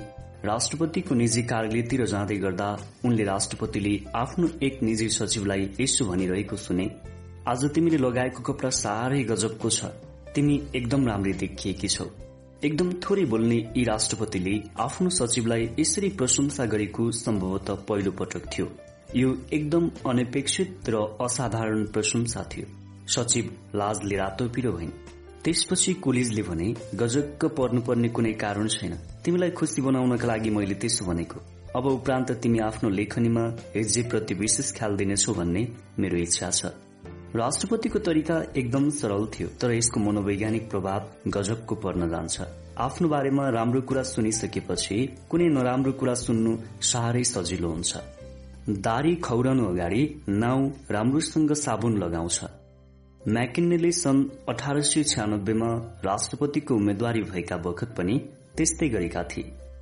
आफ्नो रिपब्लिकन पार्टीका एक सदस्यले प्रचार प्रसारको क्रममा उनको लागि एकदम राम्रो भाषण लेखिदिएको थियो। उनलाई त्यो भाषण सिसेरो प्याट्रिक हेनरी र ड्यानियल ओस्टर सबै मिलाउँदा भन्दा पनि राम्रो थियो भन्ने लागेको थियो। त्यो व्यक्तिले म्याकिन्नेलाई त्यो भाषण उत्साहपूर्वक सुनाए भाषणमा सबै कुराहरू थिए तर यो मौकामा उपयुक्त हुने खालको भने थिएन। म्याकिन्नेलाई भाषण अस्वीकार गर्नु पनि थियो र त्यस व्यक्तिको भावनामा ठेस पुर्याउनु पनि थिएन। हेर्नुहोस् त उनले कस्तो कूटनीतिको सहारा लिए म्याकिन्नेले भने। तिमीले त साँच्चै नै शानदारको भाषण पो लेखिदेऊ यसभन्दा राम्रो त कसैले पनि लेख्न सक्दैनथ्यो यो भाषण अनेक समयको लागि एकदम उपयुक्त भाषण हुन सक्छ। अहिलेको लागि पनि त्यत्तिकै उपयुक्त हुन्छ त? तिम्रो दृष्टिकोणबाट हेर्दा यो एकदम सही र उपयुक्त छ। हामीले यसलाई पार्टीको दृष्टिकोणबाट पनि हेर्नुपर्छ। अब घर गएर मैले भनेको तरिकाबाट भाषण लेख र एक प्रति मलाई पनि पठाइदेऊ ल। उसले भने अनुसार नै गर्यो। म्याकेन्नेको संशोधन र सहयोगबाट उसले अर्को भाषण तयार पार्यो। परिणामस्वरूप ऊ चुनाव प्रचार प्रसारको लागि एउटा प्रभावकारी वक्ता बन्न पुग्यो।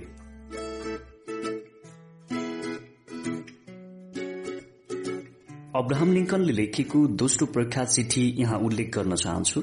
उनको पहिलो प्रसिद्ध चिठी आफ्ना पाँचवटा छोराहरूलाई लड़ाईको मैदानमा गुमाएकी श्रीमती विक्सबीलाई समवेदना व्यक्त गर्न लेखिएको थियो। लिङ्कनले यो चिठी सायद पाँचै मिनटमा लेखेका थिए होला। सन् उन्नाइस सय छब्बीसमा लिलाम बडाबडमा यो बाह्र हजार डलरमा बिक्री भएको थियो। लिङ्कनले पचास वर्षभरिको कड़ा परिश्रममा बचत गरेको रकम भन्दा यो धेरै थियो। गृहयुद्धको अन्धकारमा कोलाहलको समयमा लिङ्कनले सेनापति जोसेफ हुकरलाई अठार सय त्रिसठीको अप्रेल छब्बीस तारीकका दिन लेखेको चिठी थियो यो। लिङ्कनका सेनापतिहरूले नेतृत्व गरेको संघीय सेनाले अठार महिनादेखि एकपछि अर्को गर्दै पराजय भोग्दै आइरहेको थियो। हत्याको मूर्खतापूर्ण काम सिवाय केही उपलब्धि भएको थिएन। राष्ट्र स्तब्ध थियो। हजारौं सेनाले सैनिक सेवा परित्याग गरिसकेका थिए। आफ्नै रिपब्लिकन पार्टीका सांसदले लिङ्कनलाई व्हाइट हाउसबाट हराउन विद्रोह शुरू गरेका थिए। लिङ्कनले बताए हामी विनाशको संघारमा उभिएका छौं। ईश्वर पनि हाम्रो विरोधमा छन् जस्तो छ। मैले आशाको किरण देख्न सकेको छैन। यस्तो अन्धकार र अराजकताको बीचमा यो चिठी लेखिएको थियो। म यहाँ यो चिठी उद्धृत गर्न चाहन्छु। ती हठी सेनापतिको मन परिवर्तन गर्न लिङ्कनले कस्तो प्रयास गरेका थिए भन्ने कुरा देखाउँदछ। किनभने यिनै सेनापतिको क्रियाकलापमा सम्पूर्ण राष्ट्रको भाग्य निर्भर थियो। राष्ट्रपति बनेपछि लिङ्कनले लेखेको सबभन्दा तीखो पत्र हुनुपर्छ यो। यस्तो परिस्थितिमा पनि तपाईँ यसमा लिङ्कनले सेनापतिको प्रशंसा गरेपछि मात्र आलोचना गरेको पाउनुहुन्छ। वास्तवमा सेनापतिका गल्तीहरू भयंकर ठूला थिए। लिङ्कनले ठाडै त्यसो भनेनन् लिङ्कन अनुदारवादी र कूटनीतिज्ञ दुवै थिए। लिङ्कन लेख्छन् तपाईँसँग मेरा केही असन्तुष्टिहरू रहेका छन्। कूटनीति र व्यवहार कुशलता थियो त्यसमा। सेनापति होकरलाई सम्बोधन गरिएको चिठीको बेहोरा यस प्रकारको थियो। मैले तपाईँलाई पोटोम्याकको सेनाको सेनापति बनाए। तपाईँको नियुक्ति गर्नको लागि मसँग प्रशस्त कारणहरू थिए। तर पनि तपाईँसँग मेरा केही असन्तुष्टिहरू भएको कुरा म तपाईँलाई बताउन चाहन्छु। तपाईँ बहादुर र सक्षम सैनिक हुनुहुन्छ। यो मलाई साह्रै मनपर्छ। तपाईँ आफ्नो पेसासँग राजनीतिलाई मुस्नुहुन्न भन्ने मेरो विश्वास छ। यस विषयमा तपाईँ एकदम सही हुनुहुन्छ। तपाईँलाई आफूप्रति विश्वास छ अनिवार्य नभए पनि यो बहुमूल्य गुण हो। तपाईँको महत्वाकांक्षा निश्चित सीमाभित्र हानिकारक भन्दा लाभदायक नै छ। तर सेनापति बनसाइडको नेतृत्वमा रहेको सेनासँग तपाईँले अनावश्यक महत्वाकांक्षा प्रदर्शन गर्नुभयो र असहयोगको नीति अंगाल्नुभयो भन्ने मेरो धारणा छ। यसो गरेर तपाईँले राष्ट्र र एक योग्य सम्मानित सहयोद्धा सेनापतिलाई अन्तर्घात गर्नुभयो। तपाईँले हालसालै सेना र सरकारको लागि एउटा तानाशाहको आवश्यकता छ भनेर बताइएको कुरा मैले विश्वसनीय सूत्रबाट सुनेको छु। त्यति हुँदाहुँदै पनि मैले तपाईँलाई जिम्मेवारी दिएको त्यसका लागि होइन। सफलता प्राप्त गर्ने सेनापति नै तानाशाहको रूपमा स्थापित हुन सक्छन्। म तपाईँबाट सैनिक सफलताको अपेक्षा गर्दछु। यसको लागि म तानाशाहीको खतरा मोल्न पनि तयार छु। सरकार आफ्नो क्षमता भ्याएसम्म तपाईँको सहयोग गर्न तयार छ। आफ्ना सबै सेनापतिहरूका लागि यसले हिजो पनि त्यत्तिकै समर्थन दिएको थियो र भोलि पनि दिइरहनेछ। तपाईँले आफ्ना जवानहरूमा सेनापतिको आलोचना गर्ने र उसलाई अविश्वास गर्ने जुन विष घोलिदिनु भएको छ त्यो विष तपाईँतिरै फर्कन पनि सक्छ भनेर मलाई डर लागिरहेको छ। मेरो क्षमताले भ्याएसम्म यो प्रवृत्तिलाई समाप्त पार्न म तपाईँलाई सहयोग गरिरहन्छु। यस्तो भावना पारेका सैनिकबाट तपाईँले कुनै सहयोग पाउन सक्नुहुन्न। नेपोलियन बाँचिराखेको भए उनले पनि यस्तो स्थितिमा सफलता पाउन सक्दैनथे। त्यसैले हतारिनुबाट जोगिनुहोस्। सम्पूर्ण ऊर्जा र सतर्कताका साथ अगाडि बढ्दै हामीलाई विजय दिलाउनुहोस्। तपाईँ कुरिज म्याकिन्ने अथवा लिङ्कन कोही पनि होइन। तपाईँ यस्तै तरिका आफ्नो दैनिक व्यावसायिक सम्पर्कमा कतिको प्रभावकारी हुन्छ भनेर जान्न उत्सुक हुनुहुन्छ। यही होइन त?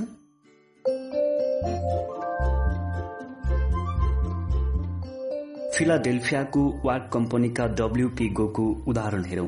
वाक कम्पनीले फिलाडेल्फियामा एउटा भवन बनाउन ठेक्का लिएको थियो। तोकिएको समयभित्र काम सिद्ध्याइसक्नु पर्ने थियो। सबै काम राम्रैसँग भइरहेको थियो। काम सिद्धिने आँटेको थियो। भवनको बाह्य सजावटको लागि तामाको सामान बनाउने जिम्मेवारी लिएको एउटा पार्टीले समयमै सामान उपलब्ध गराउन नसक्ने जानकारी गरायो अब के? भवनको सबै काम रोक्ने ठूलो जरिवाना गरिएला ठूलो नोक्सान यो सबै एउटै मान्छेको कारणले। टेलिफोनमा लामा लामा कुराकानी भए बहस भयो ताता तर्कहरू गरी सब व्यर्थमा। त्यसपछि डब्ल्यूपी गोललाई न्युयोर्कमै गएर त्यो व्यक्तिलाई तह लगाउन पठाइयो। त्यो फर्मको अध्यक्षसँग परिचय भइसकेपछि गोले सोधे न्यूयोर्कमा यो नाम गरेको मान्छे तपाईँ मात्र हो कि अरू पनि छ? अध्यक्ष अचम्ममा पर्यो र भन्यो थाहा छैन। गोले भन्यो आज बिहान रेलमा यात्रा गर्दा गर्दै मैले तपाईँको ठेगाना पत्ता लगाउन टेलिफोन डाइरेक्टीमा हेरेको थिएँ। न्यूयोर्कको ब्रुकलिनमा यो नाम गरेको मान्छे तपाईँ मात्र हुनुहुँदो रहेछ। उसले भन्यो मलाई त्यो थाहा थिएन। आफूले डाइरेक्टरीमा खोज्यो पनि सगर्भ फेरि भन्यो यो असाधारण नाम हो। मेरो परिवार दुई वर्ष अगाडि हल्यान्डबाट आएर न्यूयोर्कमा बसोबास गरेको थियो। केही समय उसले आफ्नो परिवार र पुर्खाको बारेमा कुरा गरिरह्यो। उसले आफ्नो कुरा सिद्ध्याइसकेपछि गोले उसको कारखानाको प्रशंसा गरे र आफूले देखेका अन्य यस्तै कारखानाको दाँजोमा यो उत्कृष्ट भएको बताए। उनले भने मैले देखेका मध्येको तामाको कारखानामा यो सबभन्दा सफा रहेछ। उसले हाँस्दै थप्यो यो व्यवसायको स्थापनाको लागि मैले मेरो जीवन नै लगाएको छु। मलाई यसप्रति गर्व छ। कारखानाको यस्तो निरीक्षण गर्ने हो कि? अवलोकन भ्रमणको क्रममा गोली निर्माणको काममा लागेका एकजना व्यक्तिको प्रशंसा गरे र उसको उत्पादन किन र कसरी अरू प्रतिस्पर्धीको दाँजोमा उत्कृष्ट छ भनेर व्याख्या पनि गरे। त्यहाँ केही असाधारण यन्त्र पनि थिए। उसले त्यो आफैले आविष्कार गरेको बताए। गोलाई ती यन्त्रले कसरी काम गर्दछन् भनी उसले देखायो र त्यसको क्षमताको बारेमा व्याख्या गर्न प्रशस्त समय लगायो। उसले गोलाई खाना खानको लागि पनि साह्रै कर गरेर लग्यो। देख्नुभयो गोले आफ्नो भ्रमणको उद्देश्यको बारेमा अहिलेसम्म एक शब्द पनि बताएका थिएनन्। खानापछि उसले भन्यो अब कारोबारको कुरा गरौं। तपाईँ किन यहाँ आउनु भएको हो भन्ने मलाई थाहा छ। हाम्रो भेट यति रमाइलो होला भनेर मैले सोचेको पनि थिइनँ। तपाईँ अब ढुक्कले फिलाडेल्फिया फर्कनु भए हुन्छ। सबै काम छाडेर तपाईँको सामान चाँडोभन्दा चाँडो उत्पादन गरेर समयमै त्यहाँ पुर्याउने जिम्मेवारी अब मेरो भयो। गोली एक शब्द नबोली आफूले खोजेको सबै कुरा पाए। सामान समयमै आइपुग्यो। भनेकै दिनमा भवन निर्माणको सम्पूर्ण काम पनि सिद्धियो। यस्तो परिस्थितिमा अधिकांश मानिसहरू उत्तेजित भएर चर्काचर्की गर्छन्। गोली पनि यही तरिका अप्नाएको भए यसो हुन सक्थ्यो होला त? फेडरल क्रेडिट युनियनको फुट मोनमाउथ न्यू जर्सी स्थित शाखाकी प्रबन्धक डोरोमी रोब्लेस्कीले हाम्रो एक कक्षामा तिनले कसरी एक कर्मचारीलाई अझ बढी कुशल बन्न सहयोग गरिन् भन्ने बताएकी थिइन्। हामीले भर्खरै एक युवतीलाई क्लबमा नयाँ नियुक्ति गरेका थियौं। हाम्रा ग्राहकसँग तिनको सम्पर्क धेरै राम्रो थियो। व्यक्तिगत लेनदेनको हिसाब किताबमा तिनी सक्षम र ठिक थिइन्। तर कारोबार सिद्धिसकेपछि वासलात बनाउने बेलामा तिनलाई समस्या पर्दथ्यो बढ़ी समय लगाउँदथिन्। हेड क्लर्कले मेरो छेउमा आएर तिनलाई हटाउने सिफारिश गरिसकेका थिए। तिनको ढिलासुस्तीले सबैलाई अड्काइ राख्दछ मैले पटक पटक सिकाइसकेको छु तर जति गरे पनि केही सिप लागेन। तिनलाई हटाउनै पर्छ। अर्को दिन मैले तिनलाई सामान्य दैनिक लेनदेन छिटो छरितो र ठिकसँग सम्हालिरहेको देखेँ। तिनी ग्राहकसँग पनि सन्तुष्ट थिइन्। तिनलाई हिसाब किताबको सन्तुलन मिलाउन किन गाह्रो पर्दछ भनेर मैले थाहा पाइहाले। कार्यालय बन्द भएपछि म तिनीसँग कुरा गर्न गएँ। स्वाभाविक रूपले तिनी बेचेन र हात्तिएकी थिइन्। मैले ग्राहकसँगको तिनको मैत्रीभाव र व्यवहार कुशलताको प्रशंसा गरे। सही र चुस्त ढंगबाट काम गर्ने गतिको पनि मैले तारिफ गरे। त्यसपछि मैले लेनदेनको सन्तुलन निकाल्ने तरिका तिनलाई सिकाएँ। तिमी प्रति मेरो विश्वास छ भन्ने कुरामा विश्वस्त भएपछि तिनलाई मैले बताएको कुरा सिक्न कुनै गाह्रो परेन। चाँडै नै त्यसमा दक्षता हासिल पनि गरिन्। त्यसपछि तिनको कारणले हामीलाई कुनै समस्या बेहोर्नु परेन। प्रशंसा गरेर कुराकानी शुरू गर्नु दाँतको डाक्टरले लठ्याउने औषधिबाट काम शुरू गरे जस्तै हो। दाँत उखेल्नु त छँदैछ लठ्याउने औषधिले दुखेको पत्तो नै हुँदैन। त्यसैले नेतृत्वमा बस्ने हरेकले यो सिद्धान्तलाई प्रयोग गर्नुपर्छ। सूत्र एक रह्यो प्रशंसा र साँचो सराहना गरेर कुरा शुरू गर्नुहोस्। जसबाट अरूको मनमा चोट नपुर्याइकन उनीहरूलाई बदल्न सकिन्छ।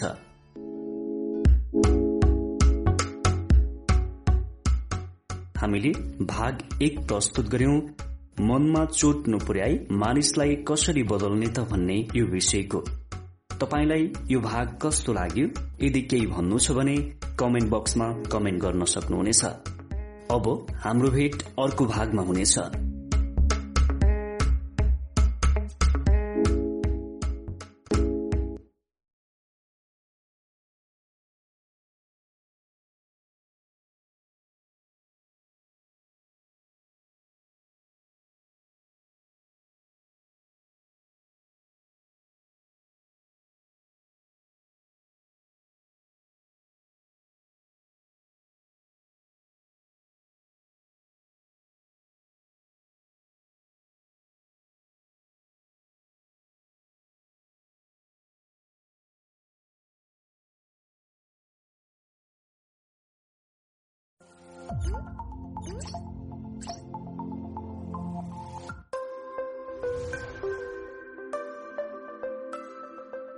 संसारमा जिन्दगी सकिएका मान्छेहरू हुन्छन् त कोही भर्खरै जिन्दगीको शुरूआत गर्नेहरू हुन्छन्। तपाईँ भर्खरै जिन्दगीको शुरूआत गर्ने भित्र पर्नुहुन्छ कि? तपाईँको जिन्दगी सकिएको भित्र पर्नुहुन्छ। तपाईँ स्वयं विचार गर्नुहोस्। साथीहरूको मन जित्ने तथा मानिसहरूलाई प्रभाव पार्ने कलाको अबको भागमा प्रस्तुत हुँदैछ। प्रशंसनीय तरिकाले कसरी आलोचना गर्ने त? चार्ल्स स्वाभ एक दिन दिउँसो आफ्नो एउटा स्टिल कारखानामा घुमिरहेका थिए। एकाएक उनको आँखा चुरोट खाइरहेका केही कर्मचारीहरूमाथि पर्यो। ठिक उनीहरूको माथि धुम्रपान निषेध भन्ने सूचना टाँसिएको थियो। स्वाबले सूचनातिर देखाउँदै त्यति पनि पढ्न सक्दैनौ? भने होला नि त। अह भनेनन्। उनी ती मानिसहरू भएको ठाउँमा गए प्रत्येकलाई एक एक चुरोट दिएर भने भाइहरू बाहिर गएर यसलाई खाइदिए म तिमीहरूको कदर गर्ने थिएँ। आफूले नियम तोडेको कुरा उनलाई बोध थियो भन्ने उनीहरूलाई थाहा थियो। उनीहरूलाई स्वापको व्यवहार मन पर्यो किनभने एक त उनले गाली गरेका थिएनन् अर्को उनीहरूले सानो उपहार पनि पाएका थिए। यसले उनीहरूको महत्व झल्काउँथ्यो। यस्ता मानिसलाई सबैले मन पराउँछन्।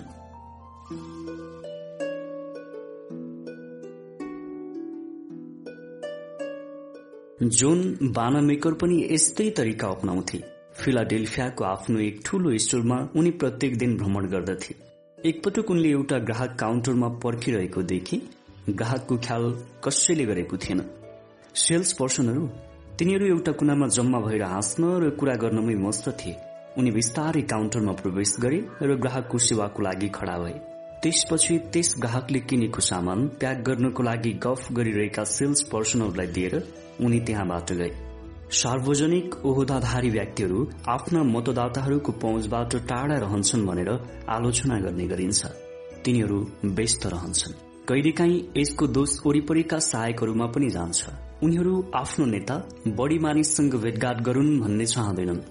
ओर्लान्डो फ्लोरिडाका मेयर कार्ल ल्याङफोर्ड बेला बेला सर्वसाधारण मानिसहरूलाई उनलाई भेट्ने अवसर प्रदान गर्न आफ्ना सहायकहरूलाई सतर्क गराइरहन्थे। उनी आफू खुल्ला ढोकाको पक्षपाती भएको कुरा बताउँथे। तैपनि उनका सचिव र प्रशासकहरू बेला बेलामा भेट्न आउने मानिसलाई रोक्ने गर्दथे। अन्तमा मेयरले एउटा समाधान निकाली छाडे। उनले आफ्नो कार्यालयको ढोका नै हटाइदिए। सहायकहरूले यो कुरा थाहा पाए। मेयरको प्रशासन त्यसपछि साँच्चै नै खुल्ला रहे। एउटै मात्र शब्द परिवर्तन गरेर मानिसको मन जित्न सकिने र नसकिने कुरामा परिवर्तन ल्याउन सकिन्छ। यतिले गर्दा उसलाई रिस पनि उठ्दैन र उसले प्रतिरोध पनि गर्दैन। धेरै मानिसहरू स्तरिँदै प्रशंसाबाट आलोचनाको शुरूआत गर्छन्। त्यसपछि तर मार्फत आलोचनात्मक टिप्पणी पेश गर्छन्। उदाहरणको लागि अध्ययनप्रति लापरवाह केटाकेटीलाई हामी यसरी सम्झाउन सक्छौ। जोनी तिमीले यसपालि पाएको अङ्क देखेर मलाई गौरव भएको छ। तर तिमीले गणितमा अझ बढी मेहनत गरेको भए नतिजा अझ राम्रो हुन्थ्यो कि? यस प्रसंगमा जोनी तर भन्ने शब्द नसुन्दासम्म प्रोत्साहित भइरहन्छ। प्रशंसाको लागि प्रयोग गरिएका कुराको इमान्दारिताप्रति उसले प्रश्न उठाउन सक्छ। प्रशंसाको रूपमा उसलाई आलोचना नै गरिएको भन्ने ठान्न पुग्छ। हाम्रो विश्वसनीयता हराउँदै जान्छ। सम्भवतः हामी जोनीको पढ़ाईप्रतिको धारणा परिवर्तन गर्ने हाम्रो उद्देश्य सफल बनाउन सक्दैनौ। जबकि तर को ठाउँमा र भन्ने शब्द फेरिदिए मात्रै यसो गर्न सकिन्थ्यो। जोनी तिमीले पाएको अङ्कप्रति हामीलाई साँच्चै नै गौरव छ र यसै गरी प्रयास गर्यो भने तिमी गणितमा पनि अरू विषयको जत्तिकै अङ्क प्राप्त गर्न सफल हुन्छौ। यो प्रशंसा चाहिँ जोनीलाई मनपर्छ किनभने यसको पुच्छर लागेर आलोचना भएको छैन। उसमा परिवर्तन होस् भनेर हामीले इच्छा गरेको व्यवहारलाई गुमाएर व्यक्त गरिएको छ। हाम्रो आकांक्षा अनुसार उसले आफूलाई परिवर्तन गर्न खोज्ने धेरै सम्भावना हुन्छ यस स्थितिमा। ठाडो आलोचनालाई पटक्कै मन नपराउने भावुक मानिसहरूको मामिलामा उनीहरूको गल्तीलाई यसरी अप्रत्यक्ष रूपमा व्यक्त गर्दा यसले चमत्कार नै गर्न सक्छ। रोड्स आइल्याण्डकी मार्च जेकोबले आफ्नो घर बनाउन आएका केही लापरवाह मजदूरहरूलाई काम सकिसकेपछि बेलुका सरसफाई गर्न कसरी प्रेरित गरेकी थिइन् भन्ने कुरा हाम्रो एक कक्षामा सुनाएकी थिइन्। बेलुका आफ्नो कामबाट घर फर्किँदा काम शुरू भएको केही दिनसम्म उनले भुइँभरि छरिएका कुडा कर्कटहरू देखेकी थिइन्। ती निर्माणकर्तासँग तिनले बहस गर्न पनि चाहेनन् किनभने तिनीहरूको काम धेरै राम्रो थियो। कामदारहरू फर्किसकेपछि तिनले आफ्ना केटाकेटीको सहायताले ती टुक्रा टुक्री र फोहोरलाई बढारेर एउटा कुनामा थुपारिन्। अर्को बिहान उनले मजदुरको नाइकेलाई बोलाएर भनिन् हिजो साँझ यो गाडीको आँगनको सरसफाई देखेर मलाई ज्यादै खुसी लाग्यो। यो सफा र सुन्दर देखिएकोले छिमेकीले पनि नाक खुम्च्याउनु परेन। त्यस दिनदेखि कामदारहरू आफैले टुक्रा टुक्री बटुलेर एक कुनामा थुप्रो लगाउन थाले। नाइकी पनि प्रशंसाका दुई शब्दको लागि उनलाई नियमित भेट्न थाल्यो। सैनिक तालिममा नयाँ भर्ती भएका व्यक्तिहरू र तिनका प्रशिक्षक बीच अक्सर कपाल काट्ने विषयलाई लिएर विवाद उठ्ने गर्छ। अनिवार्य सैनिक प्रशिक्षणमा भाग लिने ती व्यक्तिहरू आफूलाई सामान्य नागरिक ठान्छन् र सैनिक सेवाका व्यक्तिले जस्तो कपाल छुटो पारेर काट्न चाहँदैनन्। मास्टर सर्जेन्ट हार्ली केसरले यस्तै व्यक्तिहरूको एउटा समूहसँग यस प्रकारको विवादको सामना गर्नु पर्यो पुरानो ढर्राका यी मास्टर सर्जनले आफूसँग तालिम लिन आएका यी युवाहरूलाई धम्क्याउन सक्थे। तर उनले घुमाउरो बाटो अप्नाए। उनले भने महानुभावहरू तपाईँ नेतृत्वदायी पंक्तिमा हुनुहुन्छ। आफै उदाहरण बनेर पेश भएमा तपाईँहरूको काम बढ़ी प्रभावकारी हुन्छ। तपाईँका आफ्ना मातुतका व्यक्तिहरूको लागि तपाईँ नमूना बन्नुपर्छ। सैनिक नियमावलीले कपालको ढाँचाको भार के भन्दछ भन्ने तपाईँहरूलाई थाहा छ। मेरो आफ्नो कपाल तपाईँहरू मध्ये केहीको भन्दा त ज्यादै छोटो छ। तैपनि म आज मेरो कपाल छुट्याउन गइरहेको छु। ऐनामा हेर्दा तपाईँहरू मध्ये कसैलाई उदाहरणीय रूपमा कपाल बनाउन काट्नु जरुरी छ भन्ने लागेमा हामी नाई कहाँ जान समय मिलाइदिन्छौ। अपेक्षा अनुसारकै परिणाम आयो? धेरैले आफूलाई ऐनामा हेरेर त्यही दिन दिउँसो नाई कहाँ गएर नियमानुसारको कपाल कटाई मागे। सर्जेन्ट केसरले अर्को बिहान उनीहरूमध्ये केहीमा नेतृत्वको गुण विकास हुन शुरू भइसकेको कुरा पनि व्यक्त गरे। सन् अठार सय सतासी मार्च आठ तारीकका दिन प्रखर वक्ता हेनरी वार्ड बेचरको मृत्यु भयो। लाइमन एबोटलाई आउँदो आइतबार चर्चमा सम्बोधनको लागि आमन्त्रण गरिएको थियो। उत्साही एबोटले सम्बोधनको भाषण गुस्ता फ्लेभोटको जसरी लेख पुनर्लेखन गरे। श्रीमतीलाई पढेर पनि सुनाए अधिकांश लिखित भाषण झै यो भाषण पनि त्यति फुर्तिलो थिएन। उनकी श्रीमती मूर्ख भएकी भए यसो भन्ने थिइन् होला। लाइमन यो बेकारको भाषण भयो। यसले केही प्रभाव जमाउँदैन। तिम्रो भाषण सुनेर श्रोताहरू उग्न थाल्नेछन्। अनुसन्धान लेख जस्तो छ यता वर्षौं प्रवचन दिएको अनुभवबाट तिमीलाई राम्रो अनुभव भएको हुनुपर्ने हो। भगवानको लागि नै सही। तिमी साधारण मानिसको जसरी किन बोल्न सक्दैनौ? तिमी स्वाभाविक हुन किन सक्दैनौ? यो भाषण त्यहाँ पढ्यो भने तिमीले आजसम्म कमाएको इज्जत आफैले माटोमा मिलाउनेछौ। यो त तिनले भन्न सक्थिन् मात्र। यदि भनेको भए यसको परिणाम के हुन्थ्यो तपाईँ अन्दाज लगाउन सक्नुहुन्छ? तिनी बुद्धिमान थिइन्। तिनलाई पनि यो कुरा थाहा थियो। त्यसैले उनले यो नर्थ अमेरिकन रिभ्यूको लागि उत्कृष्ट लेख हुन सक्छ भनेर मात्र भनिन्। अर्को शब्दमा भन्नुपर्दा तिनले यसको प्रशंसा पनि गरिन् र भाषणको लागि चाहिँ उपयुक्त हुँदैन भनेर पनि बताइन्। लाइमन एबोटले कुरा बुझे त्यत्रो मेहनत गरेर तयार पारेको भाषण च्यापचुट पारे र कुनै चिट नहेरी त्यत्तिकै प्रवचन दिए। मनमा चोट नपुर्याई मानिसहरूलाई बदल्नको लागि कसैले यदि गल्ती गरेको छ भने उसले गरेको गल्तीलाई अप्रत्यक्ष तरिकाबाट बताइदिनुहोस्। हामीले यो भागमा सिक्यौं। तपाईँ हाम्रो भेट अर्को नयाँ भागमा हुनेछ। नमस्ते।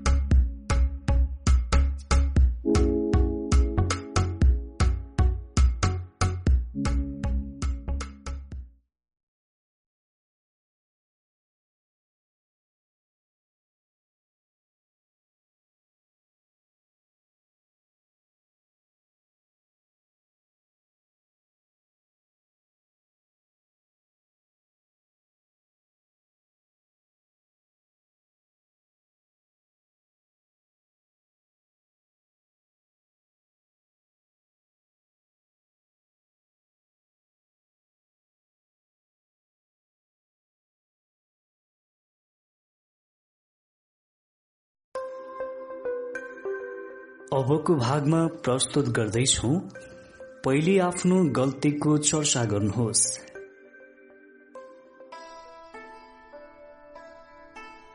मेरी भतिजी जोसेफाइन कार्नेगी मेरो सचिवको रूपमा काम गर्न न्युयोर्क आएकी थिइन्। उन्नाइस वर्षकी जोसेफाइनले तीन वर्ष अगाडि माध्यमिक शिक्षा पूरा गरेकी थिइन्। उनको व्यावसायिक अनुभव सुन्ने जत्तिकै थियो। पछि तिनी पश्चिमी दुनियाँकै एक सफल सचिव बन्न पुगिन्।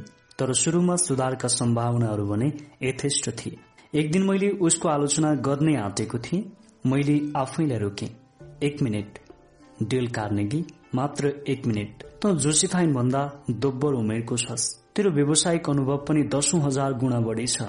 सामान्य स्तरको भए पनि तेरो हैसियतको दृष्टिकोण दक्षता र शैली उसँग कसरी अपेक्षा गर्न सकिन्छ? एक मिनट डिल त उन्नाइस वर्षको हुँदा के गर्थे सम्झि त आफूले गरेको मूर्खतापूर्ण गल्तीहरूलाई सम्झि त यसरी इमान्दारितापूर्वक निष्पक्षताका साथ विचार गरेपछि मलाई जोसिफाइनको उमेरमा आफू त्यो भन्दा पनि गए गुज्रेको स्थितिमा रहेको स्पष्ट भयो। तर त्यसो भन्दैमा जोसिफाइन प्रशंसाको हकदार त थिएनन्। त्यसपछि जोसिफाइनलाई उसले गरेका गल्तीतिर म यसो भनेर ध्यानकर्षण गराउन थाले।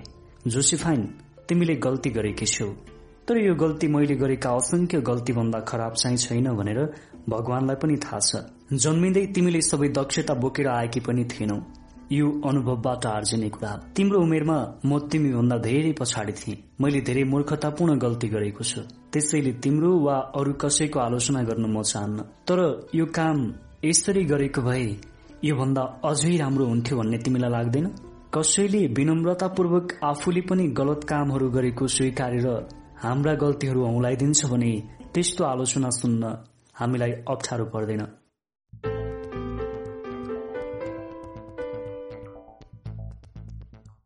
मानितोबा क्यानाडाका इन्जिनियर एजी डिलिस्टोनलाई आफ्नो नयाँ सचिवसँग केही समस्या पर्यो। आफूले लेख्न लगाएका चिठीहरू हस्ताक्षरको लागि आइपुग्दा उनी त्यसमा कम्तीमा हिज्जेका दुई तीनवटा त्रुटिहरू फेला पार्दथे। डिलिस्टोन यो समस्यालाई यस प्रकारले हल गरेको बताउँछन्। अधिकांश इन्जिनियर जस्तै मेरो अंग्रेजी र हिज्जे पनि उत्कृष्ट छैन। वर्षौंदेखि मसँग एउटा नोटबुक छ। म त्यसमा आफूलाई गाह्रो लागेका शब्दहरू टिप्ने गर्दछु।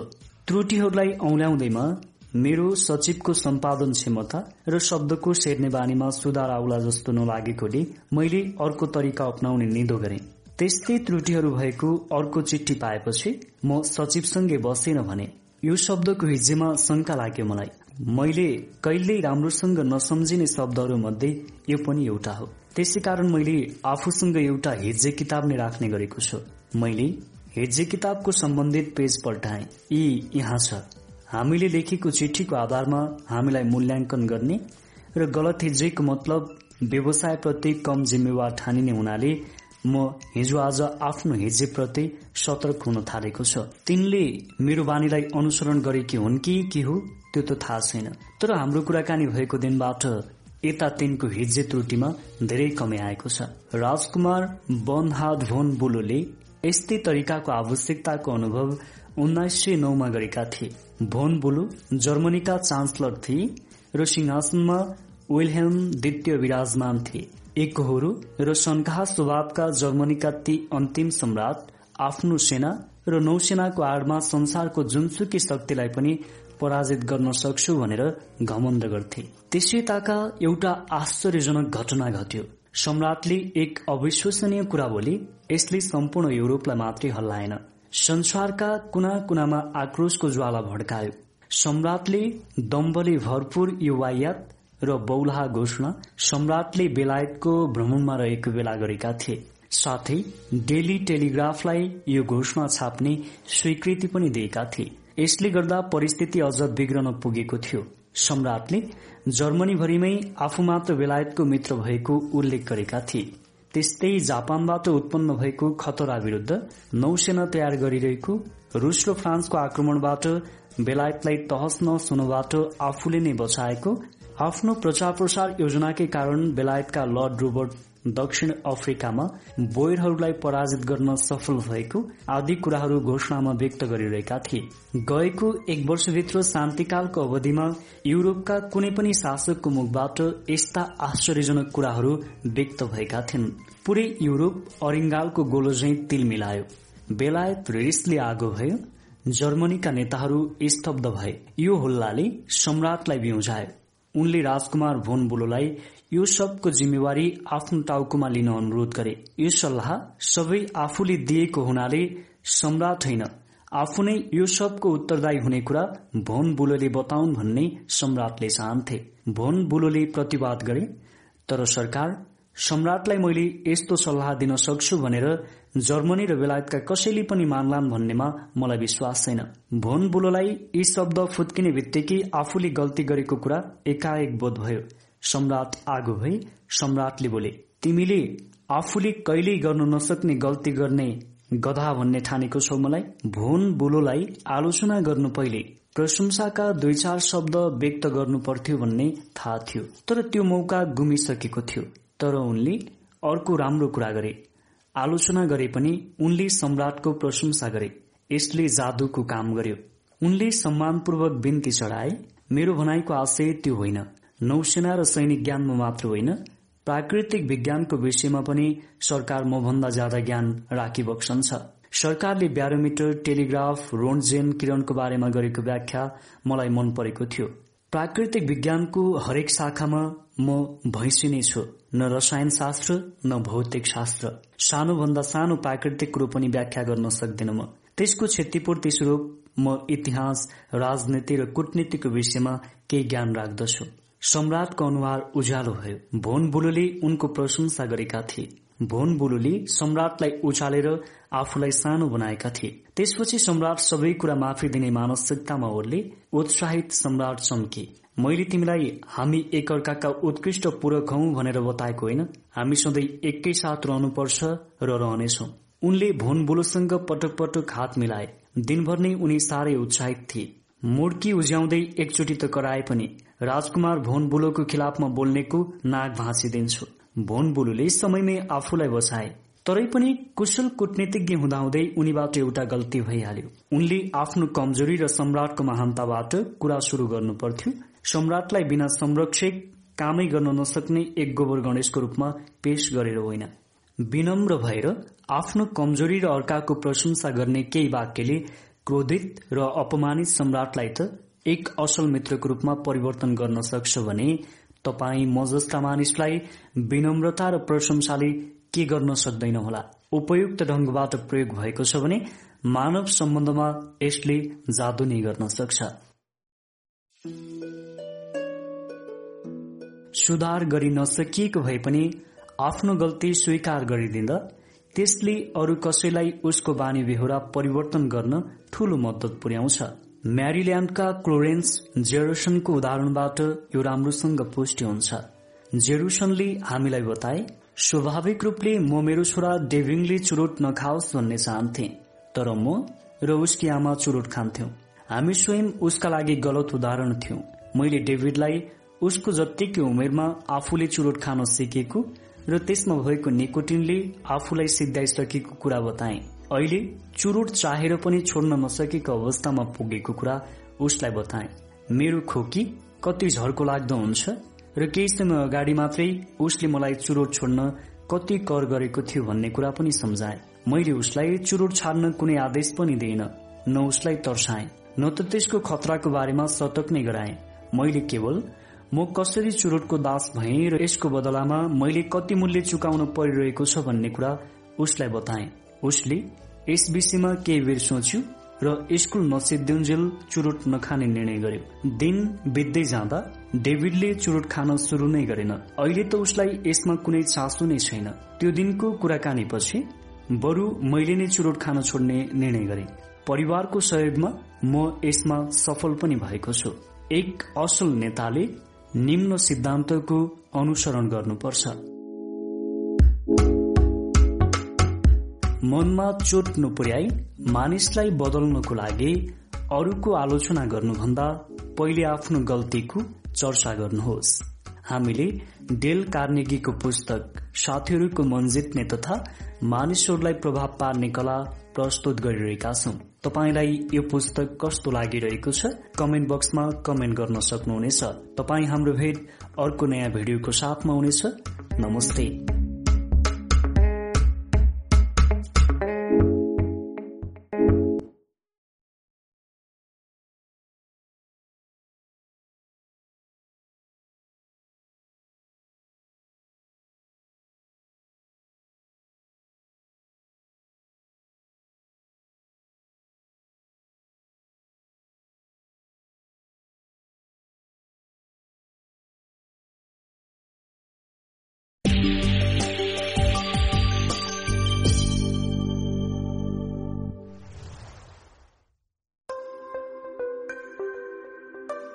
डेल कार्नेगीको पुस्तक साथीहरूको मन जित्ने तथा मानिसहरूलाई प्रभाव पार्ने कला। हामीले यो पुस्तक प्रस्तुत गरिरहेका छौं।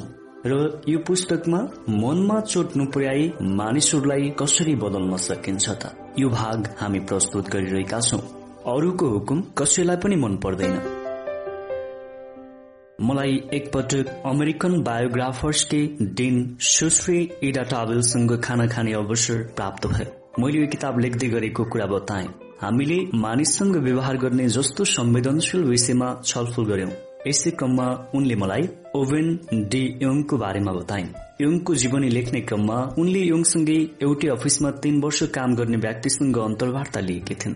त्यो मान्छेका अनुसार युङले कहिले पनि कसैलाई ठाडो आदेश दिएनन्। उनी सुझाव दिन्थे हुकुम होइन। उदाहरणको लागि युङले कहिले पनि यो गर यो नगर भनेर बताएनन्। उनी भन्थे यसलाई सोची हेर न। यसो गर्दा कसो होला? चिठी लेखाइसकेपछि उनी प्राय जसो सोध्ने गर्थे यो कस्तो छ? आफ्नो सहयोगीको चिठी पढिसकेपछि उनी भन्थे यो कुरालाई यसरी भनेको भए अलि राम्रो हुन्थ्यो कि? उनी जहिले पनि अरू मानिस स्वयंलाई काम गर्ने अवसर दिन्थे। आफ्ना सहयोगीलाई उनले कहिले पनि आदेश दिएनन्। उनीहरूलाई आफै काम गर्न दिए आफ्ना गल्तीबाट सिक्ने अवसर दिए यस प्रकारको विधिले मानिसलाई गल्ती सच्याउन धेरै सजिलो बनाउँछ। यसले व्यक्तिको गौरवको रक्षा गर्दछ र उसलाई आफ्नो महत्वको अनुभूति पनि गराउँदछ। यसले विद्रोह होइन सहयोगलाई प्रोत्साहन गर्दछ। ठाडो आदेशले पैदा गरेको आक्रोश लामो समयसम्म रहिरहन्छ। चाहे यो स्पष्ट रूपले गलत परिस्थितिलाई सच्याउन दिएको आदेश नै किन नहोस्। ओमिङ पेन्सिल्भानियाका एउटा व्यावसायिक स्कूलका अध्यापक ड्यान शान्तेरिलले हाम्रो एक कक्षामा उनको एउटा विद्यार्थीको बारेमा बताएका थिए। त्यस विद्यार्थीले स्कूलको प्रवेश गर्ने बाटोमा नियम विपरीत कार पार्क गरेर आवागमनमा अवरोध खड़ा गरेको थियो। एक प्रशिक्षकले कक्षामा गएर जङ्गिएर सोधे त्यो बाटो छेकेर राखेको कार कसको कारवाला विद्यार्थीले जवाब दिने बित्तिकै ती प्रशिक्षकले चिच्याएर आदेश दिए त्यो कारलाई हटाऊ अहिले हटाइहाल नत्र भने म यसलाई सिक्रीले बाँधेर त्यहाँबाट हटाउन लगाउँछु। त्यो विद्यार्थीको गल्ती थियो। कार त्यहाँ पार गर्न हुँदैन थियो। त्यस दिनदेखि ती प्रशिक्षकसँग त्यो विद्यार्थी मात्र रिसाएन। कक्षाका अरू विद्यार्थीहरू पनि उसको साथ लागे। हरेक दिन उनीहरू एक न एक उपद्रो गरेर तिनलाई उत्तेजित बनाउने र उनको काममा बखेडा खडा गर्न थाले। ती प्रशिक्षकले समस्यालाई कसरी बेग्लै ढंगबाट हल गर्न सक्थे? मैत्रीपूर्ण बोलीमा यो कार कसको होला भनेर सोधेर उनले त्यो कार त्यही बाटो हटाएको खण्डमा अरू कारहरू आवाज आवाज गर्न सजिलो हुन्थ्यो भनेर सुझाव दिएको भए त्यो विद्यार्थीले खुसी भएर आफ्नो कार त्यहाँबाट हटाउँथ्यो। साथै ऊ र उसका साथीहरू पनि तिनीसँग आक्रोशित हुँदैनथे प्रश्नको रूपमा सोध्नाले आदेश सहज मात्र बन्दैन। यसले व्यक्तिको रचनात्मकतालाई अभिप्रेरित पनि गर्ने गर्दछ। आदेश जारी गर्ने निर्णयमा आफ्नो पनि सहभागिता छ भन्ने लाग्यो भने मानिसहरूले त्यो आदेश स्वीकार गर्ने सम्भावना अत्याधिक बढी हुन्छ। जोहान्सबर्ग दक्षिण अफ्रिकाका आयन म्याकडोनाल्ड मेसिनका पात पूर्जा बनाउने एउटा सानो उद्योगको जनरल प्रबन्धक हुन्। एकचोटि उनको कम्पनीलाई ठूलो अर्डरको अवसर आयो। म्याकडोनाल्डलाई तोकिएको समयभित्र सामान पुर्याउन सकिँदैन भन्ने थाहा थियो। कारखानामा पहिले लिएका अर्डरको सामान उत्पादन भइरहेको थियो। छोटो समयभित्रै अर्डर अनुसार पूर्ति गर्नुपर्ने भएकोले अर्डर स्वीकार गर्न सम्भव छैन जस्तो लागेको थियो उनलाई। उनले मजदुरहरूलाई तीव्र गतिमा काम गरेर अर्डर अनुसारको उत्पादन गर्न दबाव दिएनन्। बरु उनले सबैजनालाई एकै ठाउँमा बोलाए र परिस्थितिको अवगत गराए। अर्डर प्राप्त भएदेखि सो अनुसारको पूर्ति समयमै गर्न सके कम्पनी र उनीहरू सबैलाई कस्तो फाइदा हुन्छ भनेर स्पष्ट पारे। त्यसपछि उनले केही प्रश्नहरू गरे। अर्डर प्राप्त गर्नको लागि हामीले केही गृह कार्य गर्नुपर्छ कि? अर्डर लिएर समयमै सबै उत्पादन पनि गर्न सकिने कुनै खास तरिका कसैले सोचिराखेको छ कि? काम गर्ने समय र कामदारको व्यवस्थापन समायोजन गरेर त्यसबाट सहयोग लिन सकिने कुनै तरिका छ कि? मजदुरहरूले विभिन्न विचारहरू प्रस्तुत गरे र अर्डर स्वीकार गर्न कर गरे। उनीहरू हामी गर्न सक्छौ भन्ने धारणा लिएर आए। यसपछि अर्डर लिइयो उत्पादन गरियो र समयमै ठाउँमा पुर्याइयो। सक्षम नेताले निम्न सिद्धान्तको प्रयोग गर्दछ। आदेशलाई प्रश्नको रूपमा सोध्नुहोस्। मनमा चोट नपुर्याई मानिसहरूलाई प्रभाव पार्ने अर्को तरिका हो।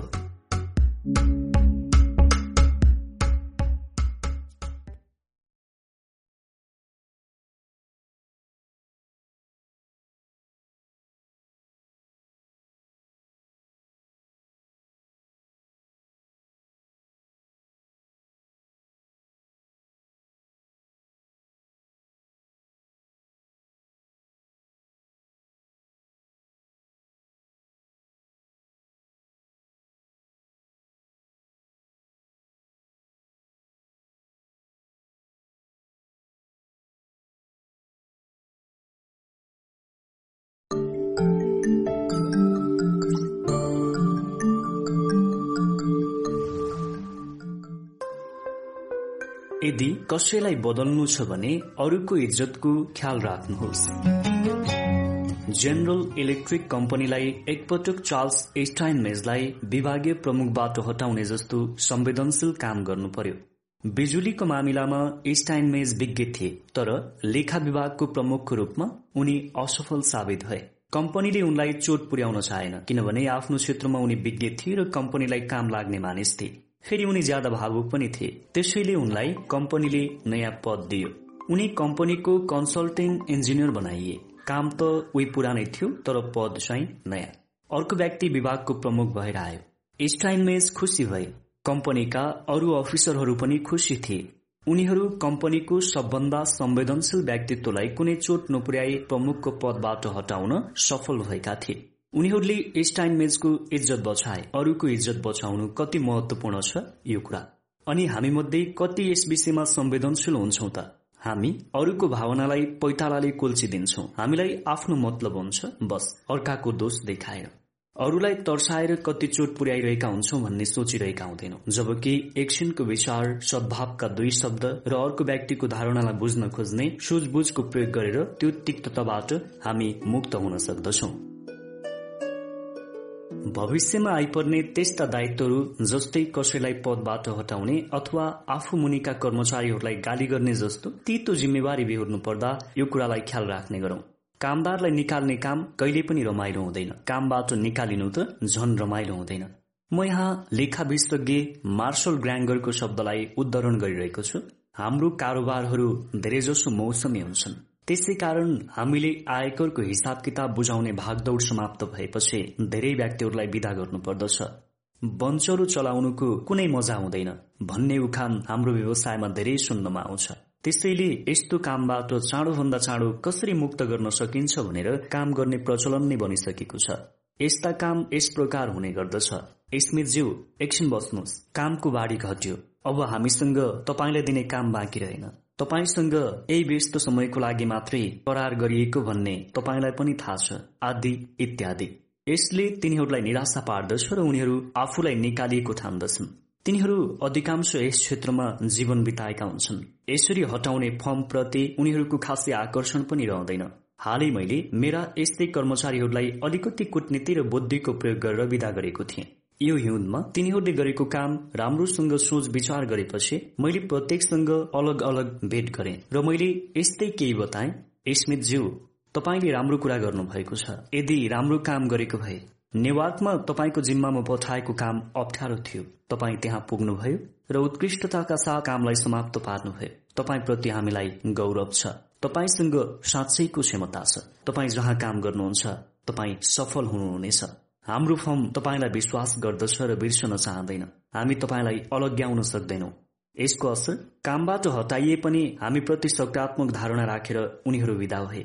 उनीहरूले आफूलाई निकालिएको ठानेनन्। हामीसँग काम भएको भए हामी उनीहरूलाई राख्थ्यौं भन्ने विश्वास थियो। र जब हामीलाई आवश्यक हुन्छ उनीहरू स्नेह साथ आउँदछन्। हाम्रो कक्षाको एउटा सेसनमा मानिसलाई आफ्नो इज्जत जोगाउने अवसर दिनाको सकारात्मक प्रभाव र खोट देखाउँदाको नकारात्मक परिणामको बारेमा दुईजना सहभागीहरूले चर्चा गरेका थिए। ह्यारिसबर्ग पेन्सिल्भानियाका फ्रेड क्लकले आफ्नो कम्पनीमा भएको घटना बताएका थिए। उत्पादन विषयक एउटा बैठक कम्पनीको उपाध्यक्ष उत्पादन सम्बन्धी काम हेर्ने सुपरिवेक्षकसँग ठाठाडो सवाल गरिरहेका थिए। उसको लवज आक्रमक थियो र सुपरिवेक्षकको खोट देखाउन लक्षित थियो। आफ्ना सहकर्मीहरूको सामुन्ने आलोचित नहुनुको लागि ती सुपरिवेक्षक जवाब दिन आनाकानी गरिरहेका थिए। यसले गर्दा उपाध्यक्षले आफ्नो रिस थाम्न सकेन र सुपरिवेक्षकको निन्दा गर्दै झुटो बोलेको आरोप समेत लगायो। त्यस घटना घट्नु अगाडि उनीहरूको बीचमा जुन व्यवहारिक सम्बन्ध थियो त्यो सब क्षणभरमै तहस नहस भयो। ती सुपरभाइजर वास्तवमा राम्रा व्यक्ति थिए तर उपरान्त कम्पनीलाई उपयोगी भएनन्। केही महिनापछि तिनले हाम्रो कम्पनी छोडे र यसैको प्रतिस्पर्धी कहाँ काम शुरू गरे। त्यहाँ तिनले धेरै राम्रो काम गरेका छन्। अर्का सहभागी आन्ना मेजोनीले आफ्नो कामको सम्बन्धमा घटेको त्यस्तै घटनाको उल्लेख गरेकी थिइन् तर तरिका र परिणाममा भारी अन्तर थियो। सुश्री मेजोनी खानेकुरा प्याकेजिङको लागि बजार विशेषज्ञ थिइन् उनलाई उनको पहिलो विशेष जिम्मेवारी दिएको थियो। एउटा नयाँ उत्पादनलाई बजारमा परीक्षण गर्नु थियो। तिनले कक्षामा बताइन् परीक्षणको नतिजा जब आयो म बर्बाद भइसकेको थिएँ। मेरो योजनामा गम्भीर त्रुटि भएको थियो। सम्पूर्ण परीक्षण फेरि गर्नुपर्ने भयो। अझ खराब त के भयो भने बैठकमा यसको रिपोर्ट पेश गर्नु अगाडि मैले मेरो हाकिमसँग यस विषयमा छलफल गर्ने समय नै पाइन। रिपोर्ट प्रस्तुत गर्न मलाई बोलाउँदा मेरो सातो उड्यो। आँसु खसाउनुबाट आफूलाई जोगाए भने नै मलाई पर्याप्त हुन्छ जस्तो लागेको थियो। जे भए पनि मैले कुनै पनि हालतमा आँसु नखसाल्ने र उपस्थित लोग्ने मान्छेहरूलाई आइमेहरू बढी भावुक हुने भएकोले व्यवस्थापनको जिम्मेवारी सम्हाल्न सक्दैनन् भनेर टिप्पणी गर्ने मौका नदिने निदो गरे। मैले संक्षेपमा रिपोर्ट पेश गरेँ र आफूबाट एउटा त्रुटि भएको स्वीकार्दै आउँदो बैठक अगाडि अर्को अनुसन्धान गर्ने पनि बताए। बस्दा बस्दै मैले मेरो हाकिमको गर्जना सुन्न आफूलाई तयार पनि पारे। तर उनले मलाई मेरो कामको लागि धन्यवाद दिए र नयाँ प्रोजेक्टमा गल्ती हुनु स्वाभाविक भएको पनि बताए। साथै उनले दोहोऱ्याएर गरिएको अनुसन्धान सही र कम्पनीको लागि अर्थपूर्ण हुने विश्वास समेत व्यक्त गरे। मेरो सम्पूर्ण सहकर्मीको सामुन्ने हाकिमले मेरो कामप्रति विश्वास भएको र मैले आफ्नो क्षमताले भएको गरेको आफूलाई लागेको बताए। उनले मेरो असफलताको कारण मेरो अयोग्यता होइन अनुभव विहीनता मात्र हो भनेर बताए। बैठकबाट बाहिर निस्किँदा मेरो टाउको ठाडो थियो। मैले हाकिमको म प्रतिको विश्वासलाई कहिल्यै टुट्न दिने छैन भन्ने निश्चय गरे। हामी सही र अर्को व्यक्ति गलत नै भए पनि उसलाई आफ्नो लाज बचाउने अवसर नदिएर हामीले उसको आत्मसम्मानमा ठेस पुर्याउने बाहेक केही गरेको हुँदैनौ।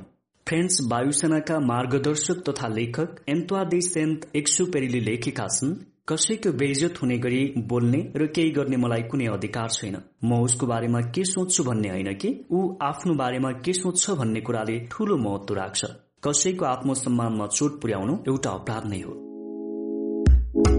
मनमा चोट नपुर्याई मानिसहरूलाई बदल्नको निम्ति अरूको इज्जतको ख्याल राख्नुहोस्।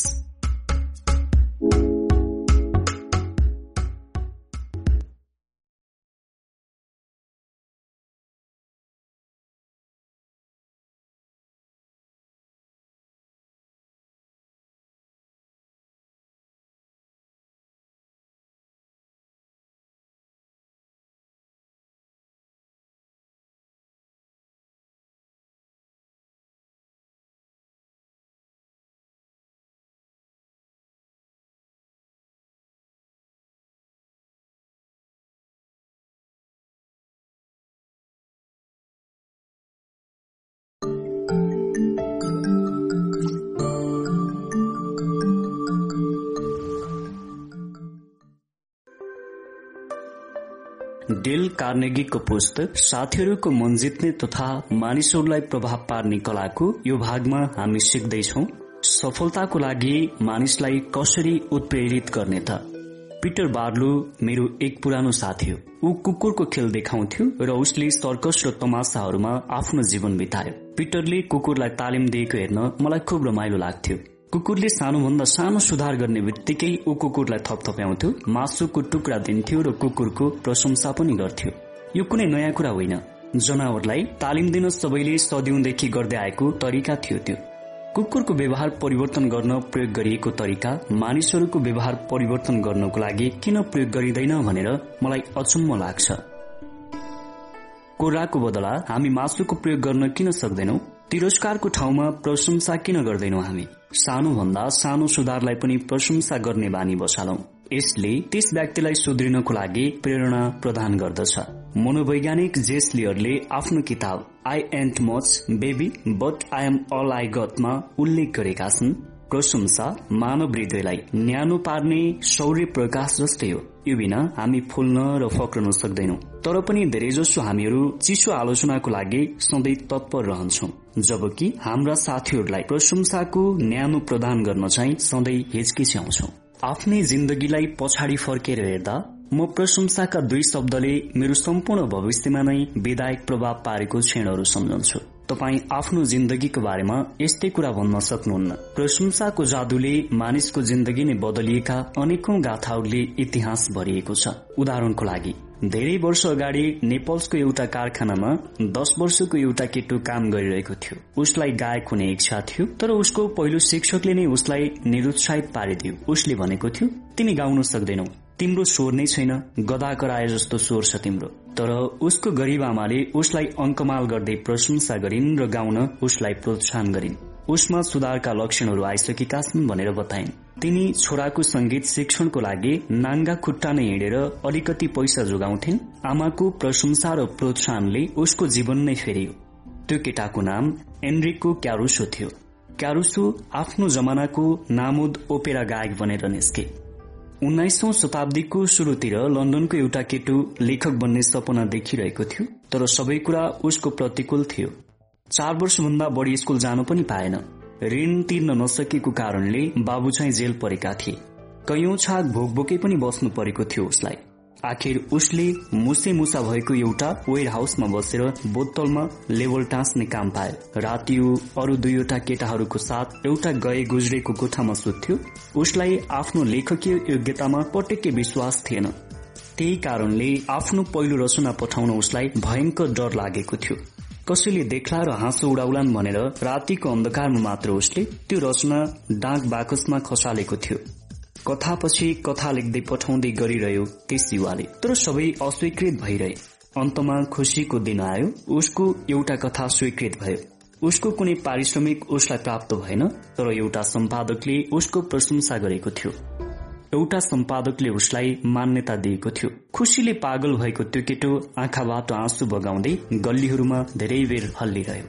एउटा कथाको प्रकाशनबाट मिलेको प्रशंसा र सम्मानले उसको पुरै जीवन नै बदलियो। त्यो प्रोत्साहन नपाएको भए उसको जिन्दगी त्यही मुसाको दुलोले भरिएको कारखानामै बित्ने थियो होला। तपाईँले त्यस केटाको नाम सुन्नु भएको छ। उसको नाम थियो चार्ल्स डिकेन्स। लन्डनको अर्को केटुको कथा पनि यस्तै छ। एउटा सामान बेच्ने पसलमा क्लर्कको काम गर्थ्यो पाँचै बजे उठेर चौध घण्टासम्म काममा जोतिनु पर्थ्यो यो बैराग लाग्दो काम उसलाई पटक्कै मन परेको थिएन। दुई वर्षपछि उसले यो सहन सकेन। एक दिन बिहान नास्ता पनि नखायो पन्ध्र माइल पर आमालाई भेट्न गयो उसकी आमा अर्काको घरमा काम गर्थिन्। उसको चित्त फाटेको थियो। आमालाई उसले रुँदै आफ्नो दुःख सुनायो त्यो पसलमा फेरि काम गर्न जानुभन्दा मर्नु नै निको भनेर धेरै बिलौन गयो। त्यसपछि आफूलाई पढाउने पुरानो शिक्षकलाई आफू अब अरू दुःख सहन नसक्ने भएकोले आत्महत्या गर्ने विचार आएको कुरा लेखेर एउटा लामो चिठी पठाए।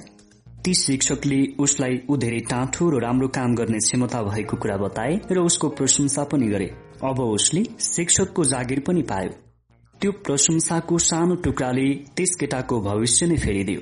यसले अंग्रेजी साहित्यको इतिहासमा पनि ठूलो प्रभाव पर्न गयो किनभने यस केटाले कलमबाट असंख्य प्रसिद्ध किताबहरू लेखिए। उसलाई लाखौं डलरको आमदानी पनि भयो। तपाईँले त्यस केटाको नाम सुन्नु भएको होला नि? उसको नाम हो एचजी वेल्स। बीएफ स्किनरको शिक्षण कलाको सार भनेको प्रशंसा हो।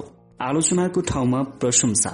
यी महान मनोवैज्ञानिकका अनुसार खराब बानी छुटाउन र असल बानीको विकास गर्दै लैजान आलोचनालाई कम गर्दै प्रशंसालाई बढ़ाउँदै लैजानुपर्छ। जनावर र मानिस दुवैमा गरिएका अनगिन्ती प्रयोगको आधारमा उनले यो निष्कर्ष निकालेका छन्। नर्थ क्यारिलोनीका जोन रिङ्गल पाफले आफ्ना केटाकेटीसँग व्यवहारमा यही सूत्रलाई प्रयोग गर्दथे। धेरैजसो परिवारमा आमा बाबु ठूला ठूला स्वरले चिच्याएर आफ्ना केटाकेटीलाई सम्झाइरहेका हुन्छन्। प्राय जसो प्रत्येक यस्ता घटनापछि केटाकेटी अझ बिग्रदै गएका हुन्छन् भने बाबुआमाको हालत पनि उस्तै रहँदैन। यो समस्याको झट्ट हेर्दा कुनै समाधान पनि देखिन्न। रिङ्गिल पाफले हाम्रो तालिममा सिकेका केही तरिकाहरूलाई यो समस्या समाधानका लागि प्रयोग गर्ने निदो गरे। उनी बताउँछन् उनीहरूले गरेको गल्तीमा गाली गर्नुको साटो प्रशंसा गर्ने तरिका अवलम्बन गर्ने निर्णय गर्यौं हामीले। तिनीहरूले गरेका सबै कुरा हामीलाई गलत लाग्दथे त्यसैले यो तरिका प्रयोग गर्न धेरै कठिनाई भयो। प्रशंसा गर्ने कुरा पाउन धेरै गाह्रो भयो। हामीले केही कुरा पत्ता लगाइ छाड्यौं।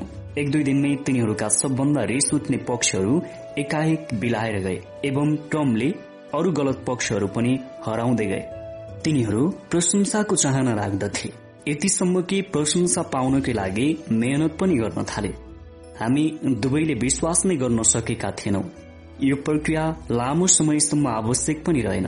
केही समयपछि उनीहरूका व्यवहार स्वत सामान्य हुँदै गयो र यो पहिलेको भन्दा धेरै राम्रो थियो। पहिलेको जस्तो व्यवहार गर्नु जरुरी पनि रहेन। राम्रा कामहरूको संख्या बढ्दै जान थाल्थ्यो।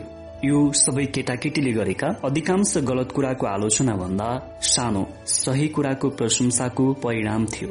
नोकरीको मामिलामा पनि यो लागू हुन्छ। क्यालिफोर्नियाका केही थ्रोपरले यो सिद्धान्त आफ्नो कम्पनीमा लागू गरेका थिए। उनको छपाईको पसल थियो एकचोटि छापाखानाबाट छापिएर आएको सामग्री साह्रै राम्रो भएको पाए उनले।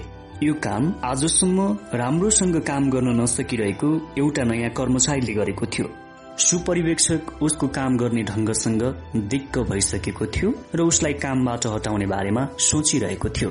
यो जानकारी पाएपछि रोपर आफै पसलमा गए र त्यस व्यक्तिसँग कुराकानी गरे। उनले भर्खरै छापिएको सामग्री उत्कृष्ट भएको र त्यस्तो छपाई विगत केही समयदेखि भएकै थिएन भनेर उनको प्रशंसा गरे। त्यो किन राम्रो भएको हो?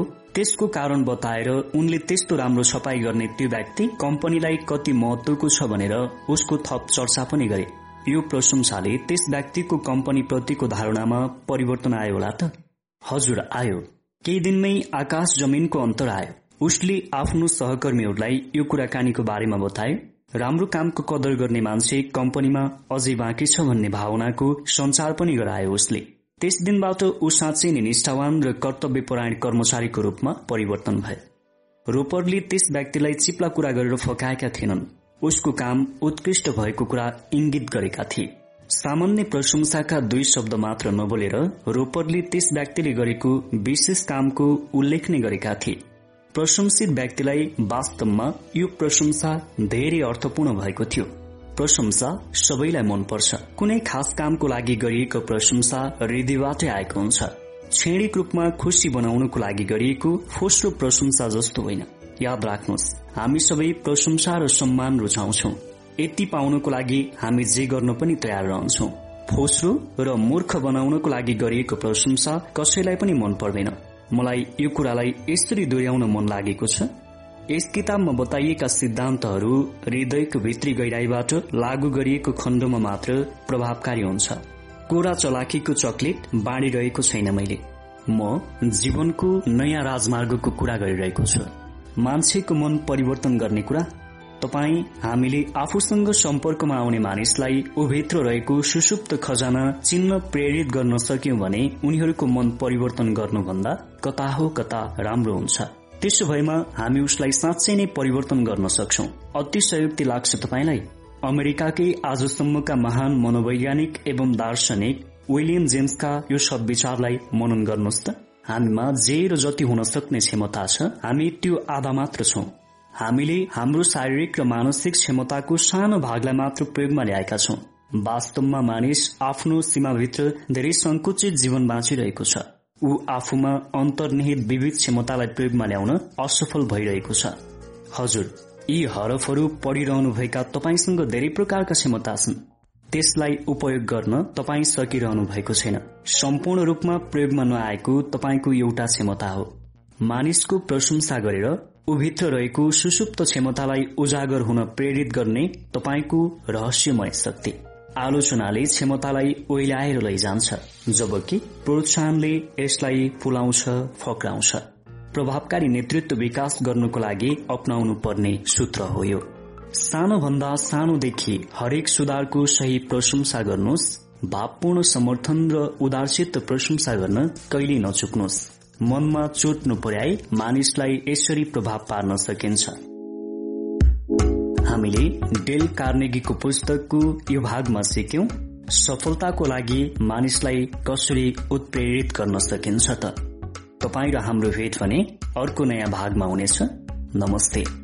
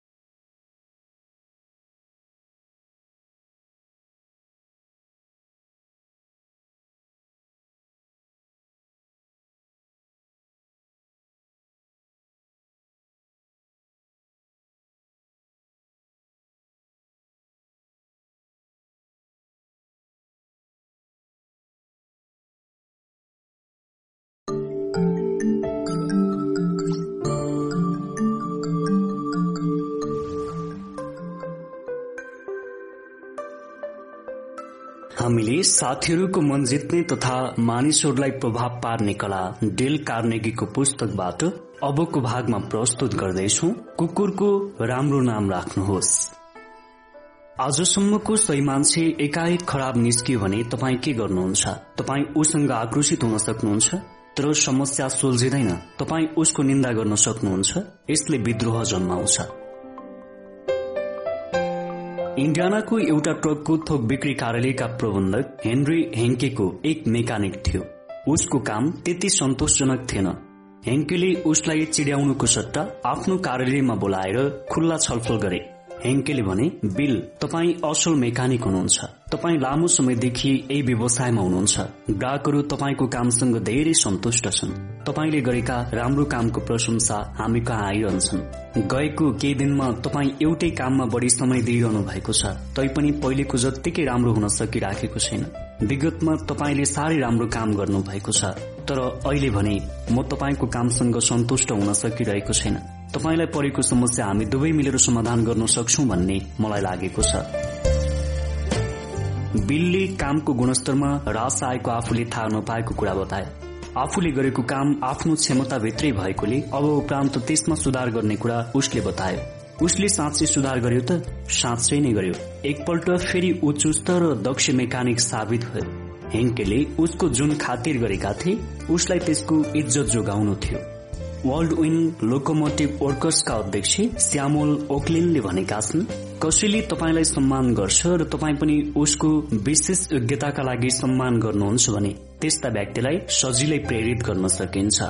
संक्षेपमा तपाईँ कुनै व्यक्तिको एउटा पक्षमा निश्चित सुधार गर्न चाहनुहुन्छ भने त्यो गुण त्यस व्यक्तिको विशिष्ट प्रतिभाको रूपमा नै रहेको जस्तो गरी उसँग व्यवहार गर्नुहोस्। सेक्सपियरले भनेका छन् कुनै गुण तपाईँमा छैन भने त्यो गुण आफूमा भए जस्तो गरी व्यवहार गर्नुहोस्। त्यसै गरी तपाईँले कुनै व्यक्तिमा विकास होस् भनेर चाहनु भएको गुण उसमा पहिलेदेखि नै थियो भनेर बताइदिनु धेरै राम्रो हुन्छ। तपाईँले उचित इज्जत दिनु भएको छ भने त्यो इज्जतलाई जोगाउन ऊ हर सम्भव प्रयास गर्दछ। जर्जेटी लेम्बाङ्कले आफ्नो किताब सोभेनियर माई लाइफ विथ मेटरलिङ्कमा एक सरल सुवादकी बेल्जियन सिन्ड्रोनाको कायापलट भएको कुरा उल्लेख गरेकी छिन्। उनले लेखेकी छिन् एउटी काम गर्ने केटीले नजिकको होटलबाट मेरो लागि खाना ल्याइन्। तिनलाई भाँडा माझ्ने केटीको रूपमा चिनिन्थ्यो। किनभने तिनले त्यही कामबाट आफ्नो काम शुरू गरेकी थिइन्। तिनको आँखा डेढो थियो खुट्टा बाङ्गिएको थियो जिउमा मासु नै नभएको र मनमा आत्मविश्वास नै नभएको जस्तो थिइन्। एक दिन तिनले मलाई खानाको प्लेट दिँदै गर्दा मैले तिनलाई सिधै भने म्यारी तिमीलाई आफ्नो क्षमताको बोध छैन? आफ्नो भावनालाई लुकाएर राख्ने तिनको बानी थियो। कुनै नराम्रो आशंकाले तिनी एकछिन टक्क अडिन् अनि प्लेट टेबलमा राखेर सुस्केर हाल्दै सरल भाषामा भनिन् मैले यस्तो सोच्न पनि सकेको थिइनँ। उनलाई कुनै शंका थिएन। त्यसैले कुनै प्रश्न सोधिनुन्। तिनी भान्सातिर गइन् र मैले भनेको कुरामा सोच्न थालिन्। मैले ठट्टा गरेको होइन भन्ने कुराले उनलाई ठूलो बल दियो। त्यस दिनदेखि मैले र मेरो साथीहरूले उनलाई विशेष खातिर गर्न थाल्यौं। सबभन्दा महत्वपूर्ण परिवर्तन त म्यारी स्वयंमै देखियो। आफूमा कुनै चमत्कार छ भन्ने कुरामा तिनलाई विश्वास भयो। अनुहार र शरीरमा तिनले ध्यान दिन थालिन्। परिणाम स्वरूप तिनको टाक्सिएको जवानी खुल्न थाल्यो र कुरूपता पनि बिलाउँदै गयो।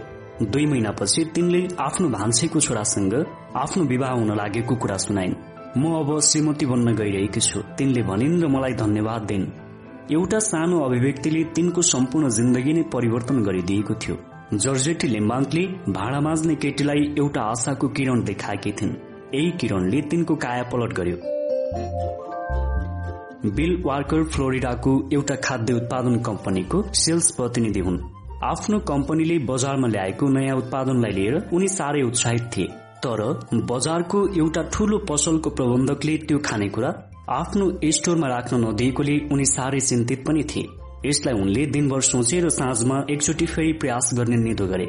त्यहाँ गएर उनले भने ज्याक बिहान तपाईँ कहाँबाट गइसकेपछि मलाई मैले हाम्रो नयाँ उत्पादनको बारेमा सम्पूर्ण कुरा बताउनेछु भन्ने बोध भयो। मैले बिहान छुटाएका कुरा बताउनको लागि म तपाईँको थोरै समय माग्दछु। अरूको कुरा ध्यान दिएर सुन्ने र तथ्यहरूलाई हेरेर आफ्नो निर्णय परिवर्तन पनि गर्न सक्ने तपाईँको महानता मलाई असाध्यै मनपर्छ। जाकले बिलको कुरा सुन्न पुनः अस्वीकार गर्न सक्यो होला त? अह सकेन। जाकले आफूले पाएको इज्जतको बचाउ गर्नु थियो डब्लिन आयरल्याण्डका दाँतका डाक्टर मार्टिन फ्रेन्जुकलाई एक दिन आफ्नो एक बिरामीले गरेको गुनासोले छक्कै पार्यो। तिनले मुख सफा गर्ने स्टिलको गिलास सफा नभएको गुनासो गरेकी थिइन्। वास्तवमा बिरामीहरू कागजको कप प्रयोग गर्दथे। तर पनि फोहोर कप प्रयोगमा ल्याउनु डाक्टरको व्यावसायिक धर्म थिएन। बिरामी गएपछि डाक्टर आफ्नो अफिसमा गए र त्यहाँ सरसफाई गर्न आउने आइमाईलाई एउटा चिठी लेख्न लागे। ती आइमाई हप्ताको दुई पटक त्यहाँ सरसफाईको लागि आउँथिन्। उनले लेखे प्रिय ब्रेजेट तपाईँले गरेको सरसफाईको राम्रो कामको लागि धन्यवाद दिन चाहिरहेको छु। तर तपाईँलाई बिरलै भेट्ने गरेको छु मैले। के पनि भने हप्ताको दुई दिन दुई घण्टा मात्रैको समय ज्यादै थोरै समय हो। तपाईँले चाहेको जस्तो गर्न नसकिराख्नु भएको पनि हुन सक्छ। गिलासहरू सफा गर्ने जस्तो कामको लागि बढ़ी समय लाग्छ भने तपाईँ चाहेको समय लगाउन पनि सक्नुहुन्छ। थप समयको लागि तपाईँलाई पारिश्रमिक अवश्य म दिनेछु। डाक्टरले पछि बताए भोलिपल्ट मैले मेरो टेबल ऐना जस्तै टल्केको पाएँ। कुर्सी पनि त्यस्तै थियो। उपचार गर्ने कोठाका हरेक चिज टलक्क टल्केका थिए। ती महिलालाई मैले उचित सम्मान दिएको थिएँ। त्यतिले गर्दा नै तिनले आजसम्मकै एकदम राम्रो काम गरेकी थिइन्। तिनलाई कति थप समय लाग्यो होला सोच्नुहुन्छ? ठिक हो थप समय पटक्कै लागेन। भनाइ पनि छ कुकुरलाई जस्तो नाम दियो त्यस्तै काम गर्छ। नराम्रो नाम दिनुहोस् नराम्रै काम गर्छ। राम्रो नाम दिनुहोस् राम्रै काम गर्छ। ब्रुकलिन न्युयोर्कको एक स्कुलकी श्रीमती रुथ होपकिन चौथो कक्षाका लागि शिक्षिका थिइन्। एक वर्ष नयाँ कक्षा शुरू हुने पहिलो दिन उनले विद्यार्थी हाजिर कापीमा विद्यार्थीको नाम हेरिन् सूचीमा स्कुलभरिकै सबभन्दा बदमास भनेर चिनिएको टम्मीको नाम पनि थियो। यो नामले उनको उत्साह एकाएक चलायो। तीन कक्षाकी शिक्षिकाले आफ्नो सहकर्मी प्रधान अध्यापक र सुन्ने जति सबैलाई टम्मीले दिएको दुःखको बारेमा बताएको रुथले सुनेकी थिइन्। ऊ वास्तवमा खराब मात्र थिएन। कक्षामा अनुशासनको गम्भीर समस्या नै खड़ा गरिदिन्थ्यो।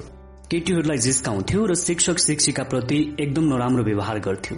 जति ठूलो हुँदै गयो उसको बदमाशी पनि उति नै बढ्दै गएको थियो। उसको एउटै असल कुरा के थियो भने ऊ कक्षामा सिकाएका कुराहरू सजिलैसँग सिक्दथ्यो। श्रीमती होपकिनले टम्मीको समस्यालाई तत्काल समाधान गर्ने निर्णय गरिन्। पहिलो दिन कक्षामा उनले प्रत्येक केटाकेटीलाई एक एकवटा प्रशंसापूर्ण टिप्पणीले स्वागत गरिन्। रोजी तिमीले लगाएको लुगा त एकदम राम्रो र छरितो छ। एलिसिया तिमी त राम्रो चित्र बनाउन खप्पै छौ भन्ने सुनेकी छु आदि। टम्मीको पालो आएपछि उनले उसको आँखामा सिधै हेरिन् र भनिन् टम्मी तिमी त स्वाभाविक रूपमै नेता जस्तो देखिन्छौ। यो कक्षालाई नमुना कक्षा बनाउनको लागि म तिमीमा नै भर पर्दछु है। टम्मीले गरेको हरेक क्रियाकलापको प्रशंसा गर्ने क्रममा उनले यो कुरा केही दिनसम्म लगातार दोहोऱ्याइन्। यसले टम्मीलाई ऊ असल विद्यार्थी हो भन्ने कुरा बुझाउन मद्दत गर्यो। यो नौ वर्षीय केटाले आफूले पाएको त्यो सम्मानको कारणले गर्दा त्यस्तो नराम्रो काम केही गर्न सकेन र गरेन पनि। अर्काको आचरण सुधार गर्ने जस्तो कठिन नेतृत्वदायी काममा सफलता प्राप्त गर्न चाहनुहुन्छ भने तपाईँले तलको सूत्र अप्नाउनु पर्छ मनमा चोट नपुर्याई मानिसलाई बदल्नको लागि हरेकलाई उचित सम्मान दिनुहोस्।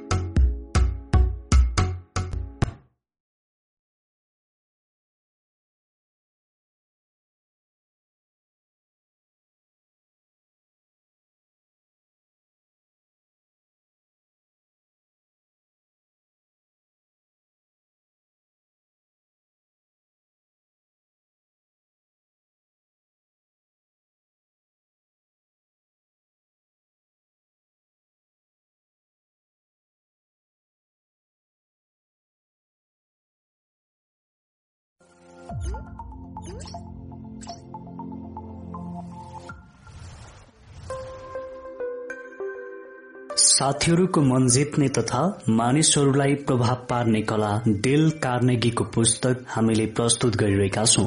र अबको यो भागमा हामी प्रस्तुत गर्दैछौ गल्ती सजिलै सुध्रिन सक्छ भन्ने बोध गराउनुहोस्। मेरो एकजना अविवाहित साथी थियो। चालिस वर्षको उमेरमा उसको विवाह हुने भएको थियो। उसको मंगेतरले उसलाई जीवनको त्यो उत्तरार्धमा नाच सिक्न बाध्य पारे। आफ्नो कथा सुनाउँदै उनले भने बीस वर्ष अगाडि नाच शुरू गर्दा जस्तो नाच्थे। म त त्यस्तै नै थिएँ। भगवानलाई थाहा छ मलाई कस्तो शिक्षा आवश्यक पर्थ्यो। मेरो पहिली शिक्षिकाले भनेको सायद ठिकै थियो। म पटक्कै जान्दिन थिएँ।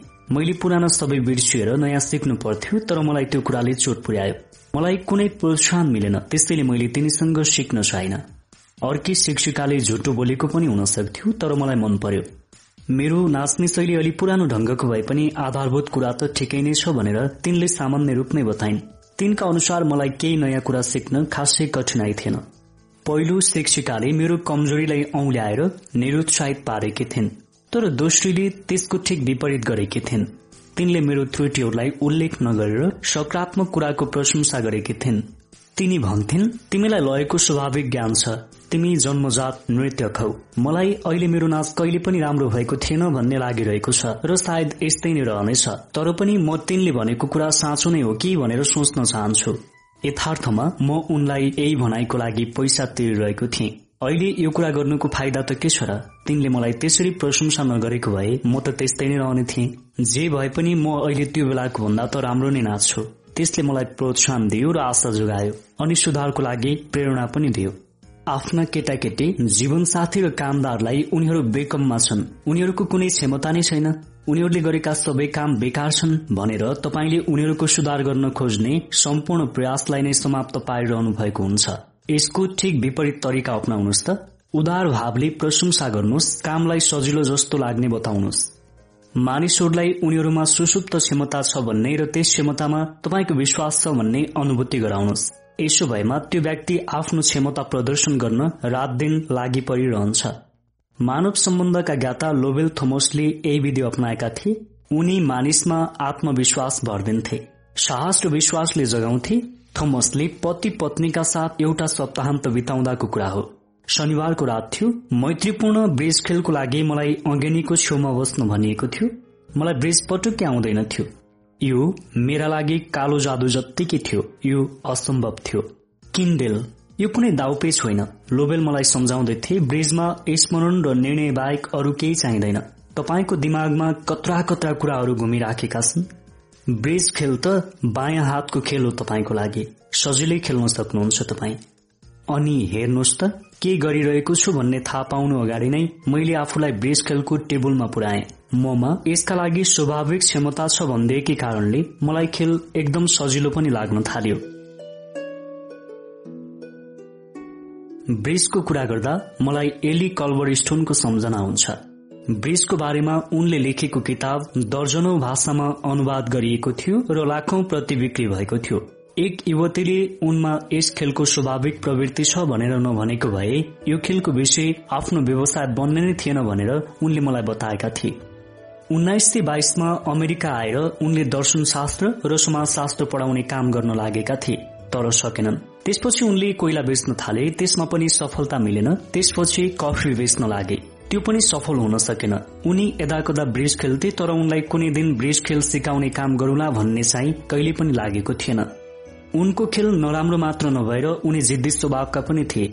ज्यादा प्रश्न सोध्ने र बढ़ी जाँच पड़ताल गर्ने बानीले गर्दा उनीसँग कोही पनि खेल्न रुचाउँदैनथे। त्यसै ताका उनको एक बेस शिक्षिकासँग भेट भयो। तिनको नाम जोसेफाइन डिनोल थियो। कल्बर स्टोन प्रेममा फसे र तिनीसँग विवाह पनि गरे। डिलोनको आँखाले कल्बर स्टोनले तासका पत्तीहरू बडो चलाकीपूर्ण तरिकाले खेलाएको देखियो। त्यसैले उनी एक सफल खेलाड़ी बन्न सक्छन् भनेर डिलोनले बताइन्। त्यही एउटा प्रोत्साहनले नै उनलाई ब्रिजलाई व्यवसाय बनाउने प्रेरणा मिलेको हो भनेर कल्बर स्टोनले मसँग बताएका थिए। ओहियोका हाम्रा प्रशिक्षक क्लोरेन्स जोन्सले प्रोत्साहन र सुधारको तरिका अप्नाएर छोराको जिन्दगीलाई नै परिवर्तन गरिदिएको अनुभव हामीलाई बताएका थिए। उन्नाइस सय सत्तरीमा मेरो छोरा डेभिड मसँग बस्न भनेर आयो। त्यस बेला ऊ पन्ध्र वर्षको थियो। त्यस बेलासम्म उसले आवार जिन्दगी बिताएको थियो।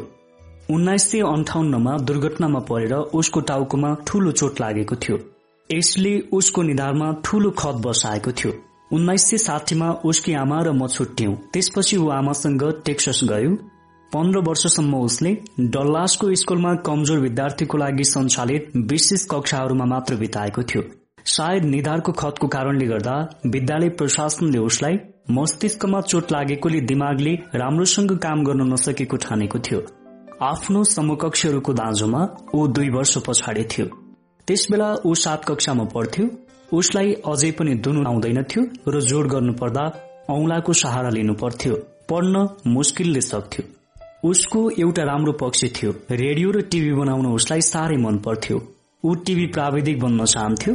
मैले यो कुरालाई समाते र यस्तो तालिमको लागि गणितको जरुरी हुन्छ भन्ने कुरामा जोड़ दिए। यसमा दक्ष हुनको लागि उसलाई सहयोग गर्ने विचार गरे मैले। उसमा आएको सानो सुधारलाई हामी रमाइलोसँग उत्सवकै रूपमा मनाउँथ्यौं। म मेरी श्रीमतीलाई बोलाउँथे। हामी दुवै उसलाई अङ्कमाल गर्थ्यौं र नाच्थ्यौं। एक महिनामा उसमा निकै सुधार आयो। सिक्ने प्रक्रिया सजिलो र रमाइलो दुवै हुन्छ भन्ने कुरा अनुभव गरे। परिणामस्वरूप बीजगणितमा उसले राम्रो अङ्क पायो। गुणन जानेपछि बीजगणित अचम्मले सजिलो भएर जान्छ। आफूले पाएको अङ्कमा ऊ आफैलाई अचम्म लाग्यो। साथसाथै उसमा अरू सुधारहरू पनि एकपछि अर्को गर्दै द्रुत गतिमा देखिन थाल्यो। पढ़ाईमा अकस्मात सुधार भयो। चित्रकलामा पनि निपुणता देखा पर्यो। एकचोटि स्कूलमा विज्ञान शिक्षकले उसलाई एउटा प्रदर्शनी गर्ने काम दिए। उसले उत्तलकको प्रभावको बारेमा एउटा जटिल संयन्त्र प्रदर्शन गर्ने विचार गर्यो। यसको लागि चित्रकला र नमुना निर्माण गर्ने क्षमता बाहेक गणितको पनि त्यत्तिकै दक्षता चाहिन्थ्यो। प्रदर्शनीमा उसले पहिलो पुरस्कार प्राप्त गर्यो र शहरको प्रतिस्पर्धाको लागि पनि छानियो। त्यहाँ पनि उसले तृतीय पुरस्कार पायो। आखिरमा यस्तो भयो। पढ़ाईमा दुई कक्षा पछाडि परेको र मस्तिष्क बिग्रिएको भनिएको केटु साथीहरू उसलाई तर्साउने रूपको फ्रेङ्कस्टाइन भन्थे। उसले सिक्न सक्ने र उपलब्धि पनि हासिल गर्न सक्ने पत्ता लगाएको थियो। यसको परिणाम आठौं कक्षाको अन्तिम त्रैमासिकदेखि स्कूल अवधिभर उसले नियमित रूपमा उत्कृष्टता प्राप्त गरिरह्यो। स्कूलको तर्फबाट राष्ट्रिय उत्कृष्ट विद्यार्थी समाजको सदस्य पनि चुनियो सिकाइ सजिलो हुन्छ भन्ने पत्ता लगाएपछि उसको पूरै जीवन रूपान्तरण भयो। कसैलाई सुधार्नु छ भने ख्याल राख्नुहोस्। मनमा चोट नपुर्याई मानिसलाई बदल्नको लागि प्रोत्साहन गर्नुहोस्। गल्ती सजिलै सुध्रिन सक्छ भन्ने बोध गराउनुहोस्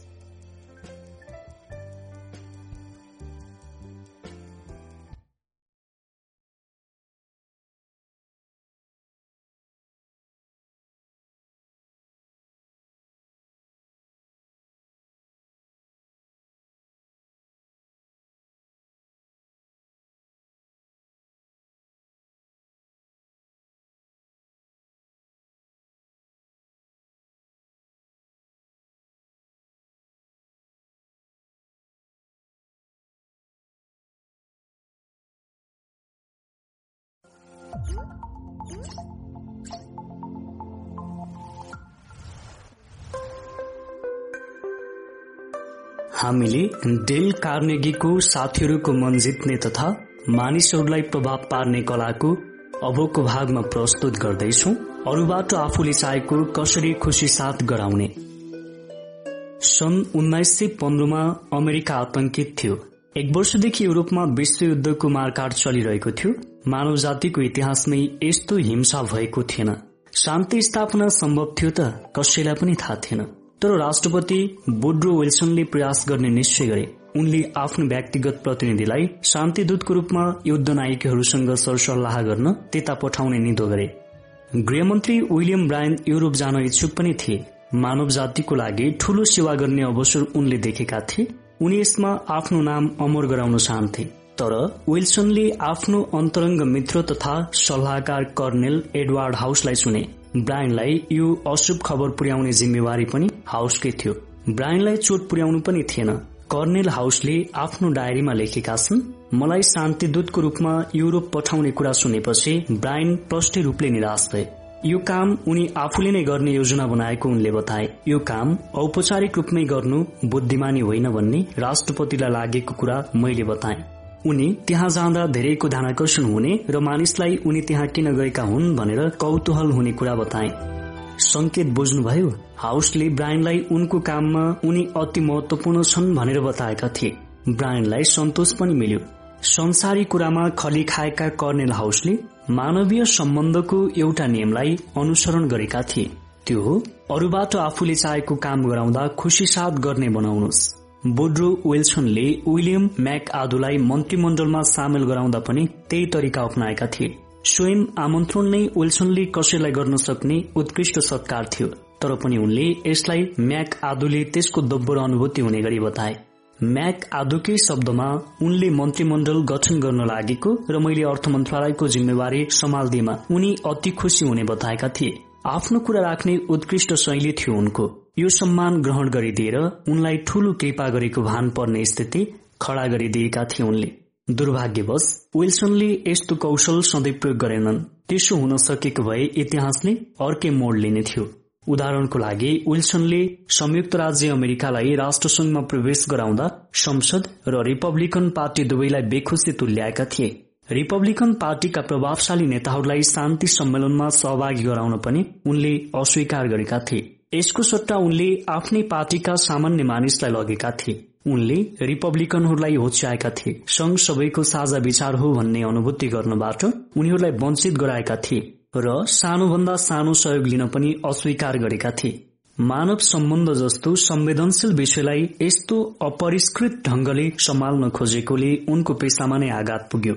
यसले उनको स्वास्थ्य बिगार्यो र आयु पनि छुट्यायो। अमेरिका पनि संघबाट बाहिरियो संसारको इतिहासले अर्कै मोड लियो। आफूले चाहेको काम अरूबाट खुसी साथ गराउने कला राजनेता र कूटनीतिज्ञले मात्र प्रयोग गर्दैनन्। इन्डियानाका डेल फेरियरले आफ्नो बच्चालाई जिम्मा दिएको काम यस्तै तरिका अप्नाएर गरेका थिए। जेफलाई भुइँमा खसेका आरूहरू टिप्न लगाइएको थियो। यसले गर्दा घाँस काट्नेलाई बीचबीचमा अडिएर भुइँका आरू टिपिरहनु पर्दैनथ्यो जेफलाई यो काम मन परेको थिएन। त्यसैले या त काम गरिएकै हुँदैनथ्यो या त झारा टारिएको हुन्थ्यो। जसले गर्दा घाँस काट्नेलाई बीचबीचमा अडिएर आरू टिप्नु पर्थ्यो उसलाई हप्काउनुको साटो मैले एक दिन उसँग भने जेफ तिमीसँग एउटा कुरा गर्नु छ। प्रति टोकरी आरू बापत म तिमीलाई एक डलर दिन्छु। तर तिमीले काम सिद्धाइसकेपछि अझै आरू फेला पर्यो भने एउटा आरू बापत म तिमीसँग एक डलर लिन्छु। यो कुरा हुन्छ कि हुँदैन? तपाईँहरूले अन्दाज गरे जस्तै उसले सबै आरू सिनित्तै टिप्ने मात्रै काम गरेन। टोकरी भर्नको लागि कतै बोटबाटै आरू टिप्छ कि भनेर बेला बेलामा आँखा लगाई राख्नु समेत पर्यो। म एकजना मानिसलाई चिन्छु। प्रवचनका लागि गरिएका हरेक निम्ता ऊ अस्वीकार गर्थ्यो। साथीहरू र उसका मान्यजनहरू सबैले गरेको आमन्त्रण अस्वीकार गर्थ्यो तर ऊ यति कुशलतापूर्वक अस्वीकार गर्थ्यो कि उसँग कोही पनि रिसाउन सक्दैनथ्यो। यस्तो कसरी त? यो र त्यो भनेर आफू अति व्यस्त भएको कुरा मात्रै बताएर अस्वीकार गर्दैनथ्यो पहिला निमन्त्रणाको प्रशंसा गर्थ्यो र स्वीकार गर्न असमर्थ भएकोमा क्षमा माग्थ्यो अनि ऊ वैकल्पिक वक्ताको नाम सिफारिस गर्थ्यो। आफ्नो अस्वीकारको कारणले कसैलाई पनि चित्त दुखाउने स्थिति सिर्जना हुन दिँदैनथ्यो बरु निमन्त्रणा गर्ने व्यक्तिको ध्यान आमन्त्रण स्वीकार्ने सम्भावित व्यक्तितिर ढल्काउन सफल हुन्थ्यो। गुन्टर स्मिथ जर्मनीमा सञ्चालित हाम्रो कक्षामा सहभागी भएका थिए। उनी एउटा खाद्य सामग्री पसलका व्यवस्थापक थिए। त्यस पसलमा काम गर्ने एउटी कर्मचारी सामानमा मूल्य टाँच्ने काममा अलि लापरवाह थिइन्। यसले गर्दा बिक्रीमा समस्या खड़ा भयो र ग्राहकको गुनासो आउन थाल्यो। सम्झाउने चेतावनी दिने र छलफल गर्ने कुनै तरिका तिनको हकमा लागू हुन सकेन। अन्त्यमा स्मिथले तिनलाई आफ्नो अफिसमा बोलाए र तिनलाई सम्पूर्ण सामानको मूल्य टाँच्ने कामको सुपरिवेक्षक नियुक्ति दिए। अब उपरान्त सामानको मूल्य उचित रूपले राखे नराखेको हेर्ने उत्तरदायित्व तिनको भयो। नयाँ जिम्मेवार र उत्तरदायित्वले तिनको धारणामा परिवर्तन गरिदियो। त्यसपछि तिनको काम सन्तोषजनक पनि भयो। केटाकेटी पनि सायद नेपोलियनले एउटा नयाँ सम्मानको सिर्जना गरेर आफ्ना सेनालाई पन्ध्र सय पदक वितरण गरेका थिए। उनले अठार सेनापतिलाई मार्शलको दर्जा दिए र आफ्नो गणलाई विशाल सेना भन्न थाले। आफ्ना महान योद्धाहरूलाई खेलौना बाँडेको भनेर नेपोलियनको आलोचना पनि गरियो। यसमा नेपोलियनको जवाब थियो मानिसहरू खेलौनाबाट शासित हुन्छन्। सम्मान र अधिकार दिने यस्तो तरिका नेपोलियनको हकमा लागू भएको थियो। तपाईँको हकमा पनि उपयोगी हुन्छ। न्युयोर्ककी मेरी एक साथी श्रीमती अर्नेस जेन केटाहरूले आँगनमा खुँदेर बिगारिदिने समस्याबाट आक्रान्त थिइन्। तिनले उनीहरूलाई सम्झाइन् केही लागेन। त्यसपछि तिनले सबभन्दा उपद्रेहा केटुलाई एउटा पदवी र अधिकार दिन्। तिनले उसलाई आफ्नो जासुस नियुक्त गरिन् र त्यहाँ प्रवेश गर्नेको चियो गर्ने जिम्मेवारी दिन्। समस्या सजिलै समाधान भयो त्यस जासुसले आँगनको एक छेउमा धोनी जगायो। फलामको छड रातो हुने गरी ततायो र जबरजस्ती प्रवेश गर्ने सबैलाई त्यस छडले डाम्ने धम्की दियो। कसैको आचरणमा सुधार गर्न चाहने कोही पनि प्रभावशाली नेताले यी सुझावहरूलाई सधैँ आफ्नो मनमा राखिरहनुपर्छ। एक शान्त रहनुहोस्। गर्न नसक्ने कुनै पनि कुरा गर्छु नभन्नुहोस्। आफ्नो स्वार्थ बिर्सेर अर्काको स्वार्थमा ध्यान दिनुहोस्। दुई अर्को व्यक्तिबाट आफूले के चाहेको त्यसमा स्पष्ट हुनुहोस्। तीन संवेदनशील हुनुहोस्। अर्को व्यक्ति साँच्चीकै के चाहन्छ भनेर आफूलाई सोध्नुहोस्। चार तपाईँले सुझाएको काम गर्दा उसले पाउने फाइदालाई विचार पुर्याउनुहोस्। पाँच उनीहरूको चाहनालाई यी फाइदासँग भिडाएर हेर्नुहोस्। छ सुझाव दिँदा यस्तो ढंगबाट दिनुहोस् कि उनीहरूलाई यसबाट व्यक्तिगत रूपमै फाइदा हुन्छ भन्ने भान परोस्। कडा आदेशलाई यसरी पनि दिन सकिन्छ। जोन भोलि हामी कहाँ केही ग्राहकहरू आउँदैछन्। हाम्रो भण्डार कोठालाई सफा र चिटिक्क पार्नुपर्छ। त्यसैले यसलाई बडार कुडार गरेर सामानलाई मिलाएर चाङमा राख र कोठालाई टिलिक्क टल्काऊ अथवा यही आदेशलाई जुनले यसो गर्दा फाइदा पाउँछ भन्ने पढ्ने गरी पनि व्यक्त गर्न सकिन्छ। जोन हामीले अहिले नै गर्नुपर्ने एउटा काम छ। अहिले गर्यौं भने पछि समस्या झेल्नु पर्दैन। हाम्रो सुविधाहरू देखाउन म भोलि केही ग्राहकहरूलाई यहाँ ल्याउँदैछु। म उनीहरूलाई हाम्रो भण्डार कोठा पनि देखाउन चाहन्छु तर यसको हालत लथालिङ्ग छ। यसलाई बढारेर सामान जति दराजमा खात लगाएर मिलाएर राख्यौं र कोठालाई टलक्क टल्कायौं भने हामी सक्षम छौं भन्ने देखाउन सकिन्छ र कम्पनीको इज्जत राख्न तिमीले पनि ठूलो मेहनत गरेको ठहरिनेछ। भने अनुसारको काम गर्दा जुन खुसी हुन्छ होला त। ज्यादा खुसी नभए पनि त्यसबाट उपलब्ध हुने फाइदा नदेखाउँदाको भन्दा त पक्कै पनि बढी नै खुसी हुन्छ। भण्डार कोठाको आकर्षण प्रति जोनलाई गर्व छ र कम्पनीको इज्जत बढाउन इच्छुक पनि छ भने ऊ पक्कै पनि सहयोगी हुनेछ। यसरी काम ओर्याउँदा जोनलाई यो काम त जसरी भए पनि गर्नु नै छ र अहिले नै गरेदेखि पछि समस्या बेहोर्नु पर्दैन भन्ने बोध पनि भइहाल्छ। यस्तो तरिका अप्नाउँदा तपाईँले सधैँ सकारात्मक प्रतिक्रिया पाउनुहुन्छ भन्ने चाहिँ कहिले पनि ठिक होइन। तैपनि यो तरिका नअप्नाउँदा भन्दा अप्नाउँदा नै आचरणमा परिवर्तन ल्याउन सकिन्छ भन्ने धेरै मानिसको अनुभव छ। तपाईँले दस प्रतिशत मात्रै बढोत्तरी पाउनुभयो भने पनि तपाईँ यथास्थितिको भन्दा दस प्रतिशत बढ़ी सफल भएको ठहर्छ र यो नै तपाईँलाई मिल्ने फाइदा हो। यो सूत्र प्रयोग गरेर तपाईँ अरूबाट आफूले चाहेको जस्तो काम गराउन सक्नुहुन्छ। त्यो सूत्र हो मानिसलाई अरूले भनेको काम गर्दा खुसी साथ गर्ने तुल्याउनुहोस् मनमा चोट नपुर्याई मानिसलाई कसरी बदल्न सकिन्छ यो जानकारी हामीले यो भिडियोमा सेयर गर्यौं हामीले डेल कार्नेगीको पुस्तक प्रस्तुत गरिरहेका थियौं र डेल कार्नेगीको पुस्तकका भागहरू अन्तर्गत मनमा चोट नपुर्याई मानिसलाई कसरी बदल्न सकिन्छ त शीर्षकको यो भागहरू थिए र यो पुस्तकमा प्रत्येक चिजहरूलाई भागमा छुट्याइएको छ र यो भनेको अन्तिम भाग थियो र अन्तिम भागमा के के सूत्रहरू छन् त? मनमा चोट नपुर्याई मानिसलाई बदल्नको लागि। सूत्र नम्बर एक थियो हामीले प्रस्तुत गरेको प्रशंसा र साँचो सराहना गरेर कुरा शुरू गर्नुहोस्। सूत्र नम्बर दुई थियो कसैले गरेको गल्तीलाई अप्रत्यक्ष तरिकाबाट बताउनुहोस्। सूत्र नम्बर तीन थियो अरूको आलोचना गर्नुभन्दा पहिले आफ्नो गल्तीको चर्चा गर्नुहोस्। सूत्र नम्बर चार आदेशलाई प्रश्नको रूपमा सोध्नुहोस्। सूत्र नम्बर पाँच थियो अरूको इज्जतको ख्याल राख्नुहोस्। सूत्र नम्बर छ थियो सानो भन्दा सानोदेखि हरेक सुधारको सही प्रशंसा गर्नुहोस्। भावपूर्ण समर्थन र उदारचित्त प्रशंसा गर्न कहिले नचुक्नुहोस्। सूत्र नम्बर सात थियो हरेकलाई उचित सम्मान दिनुहोस्।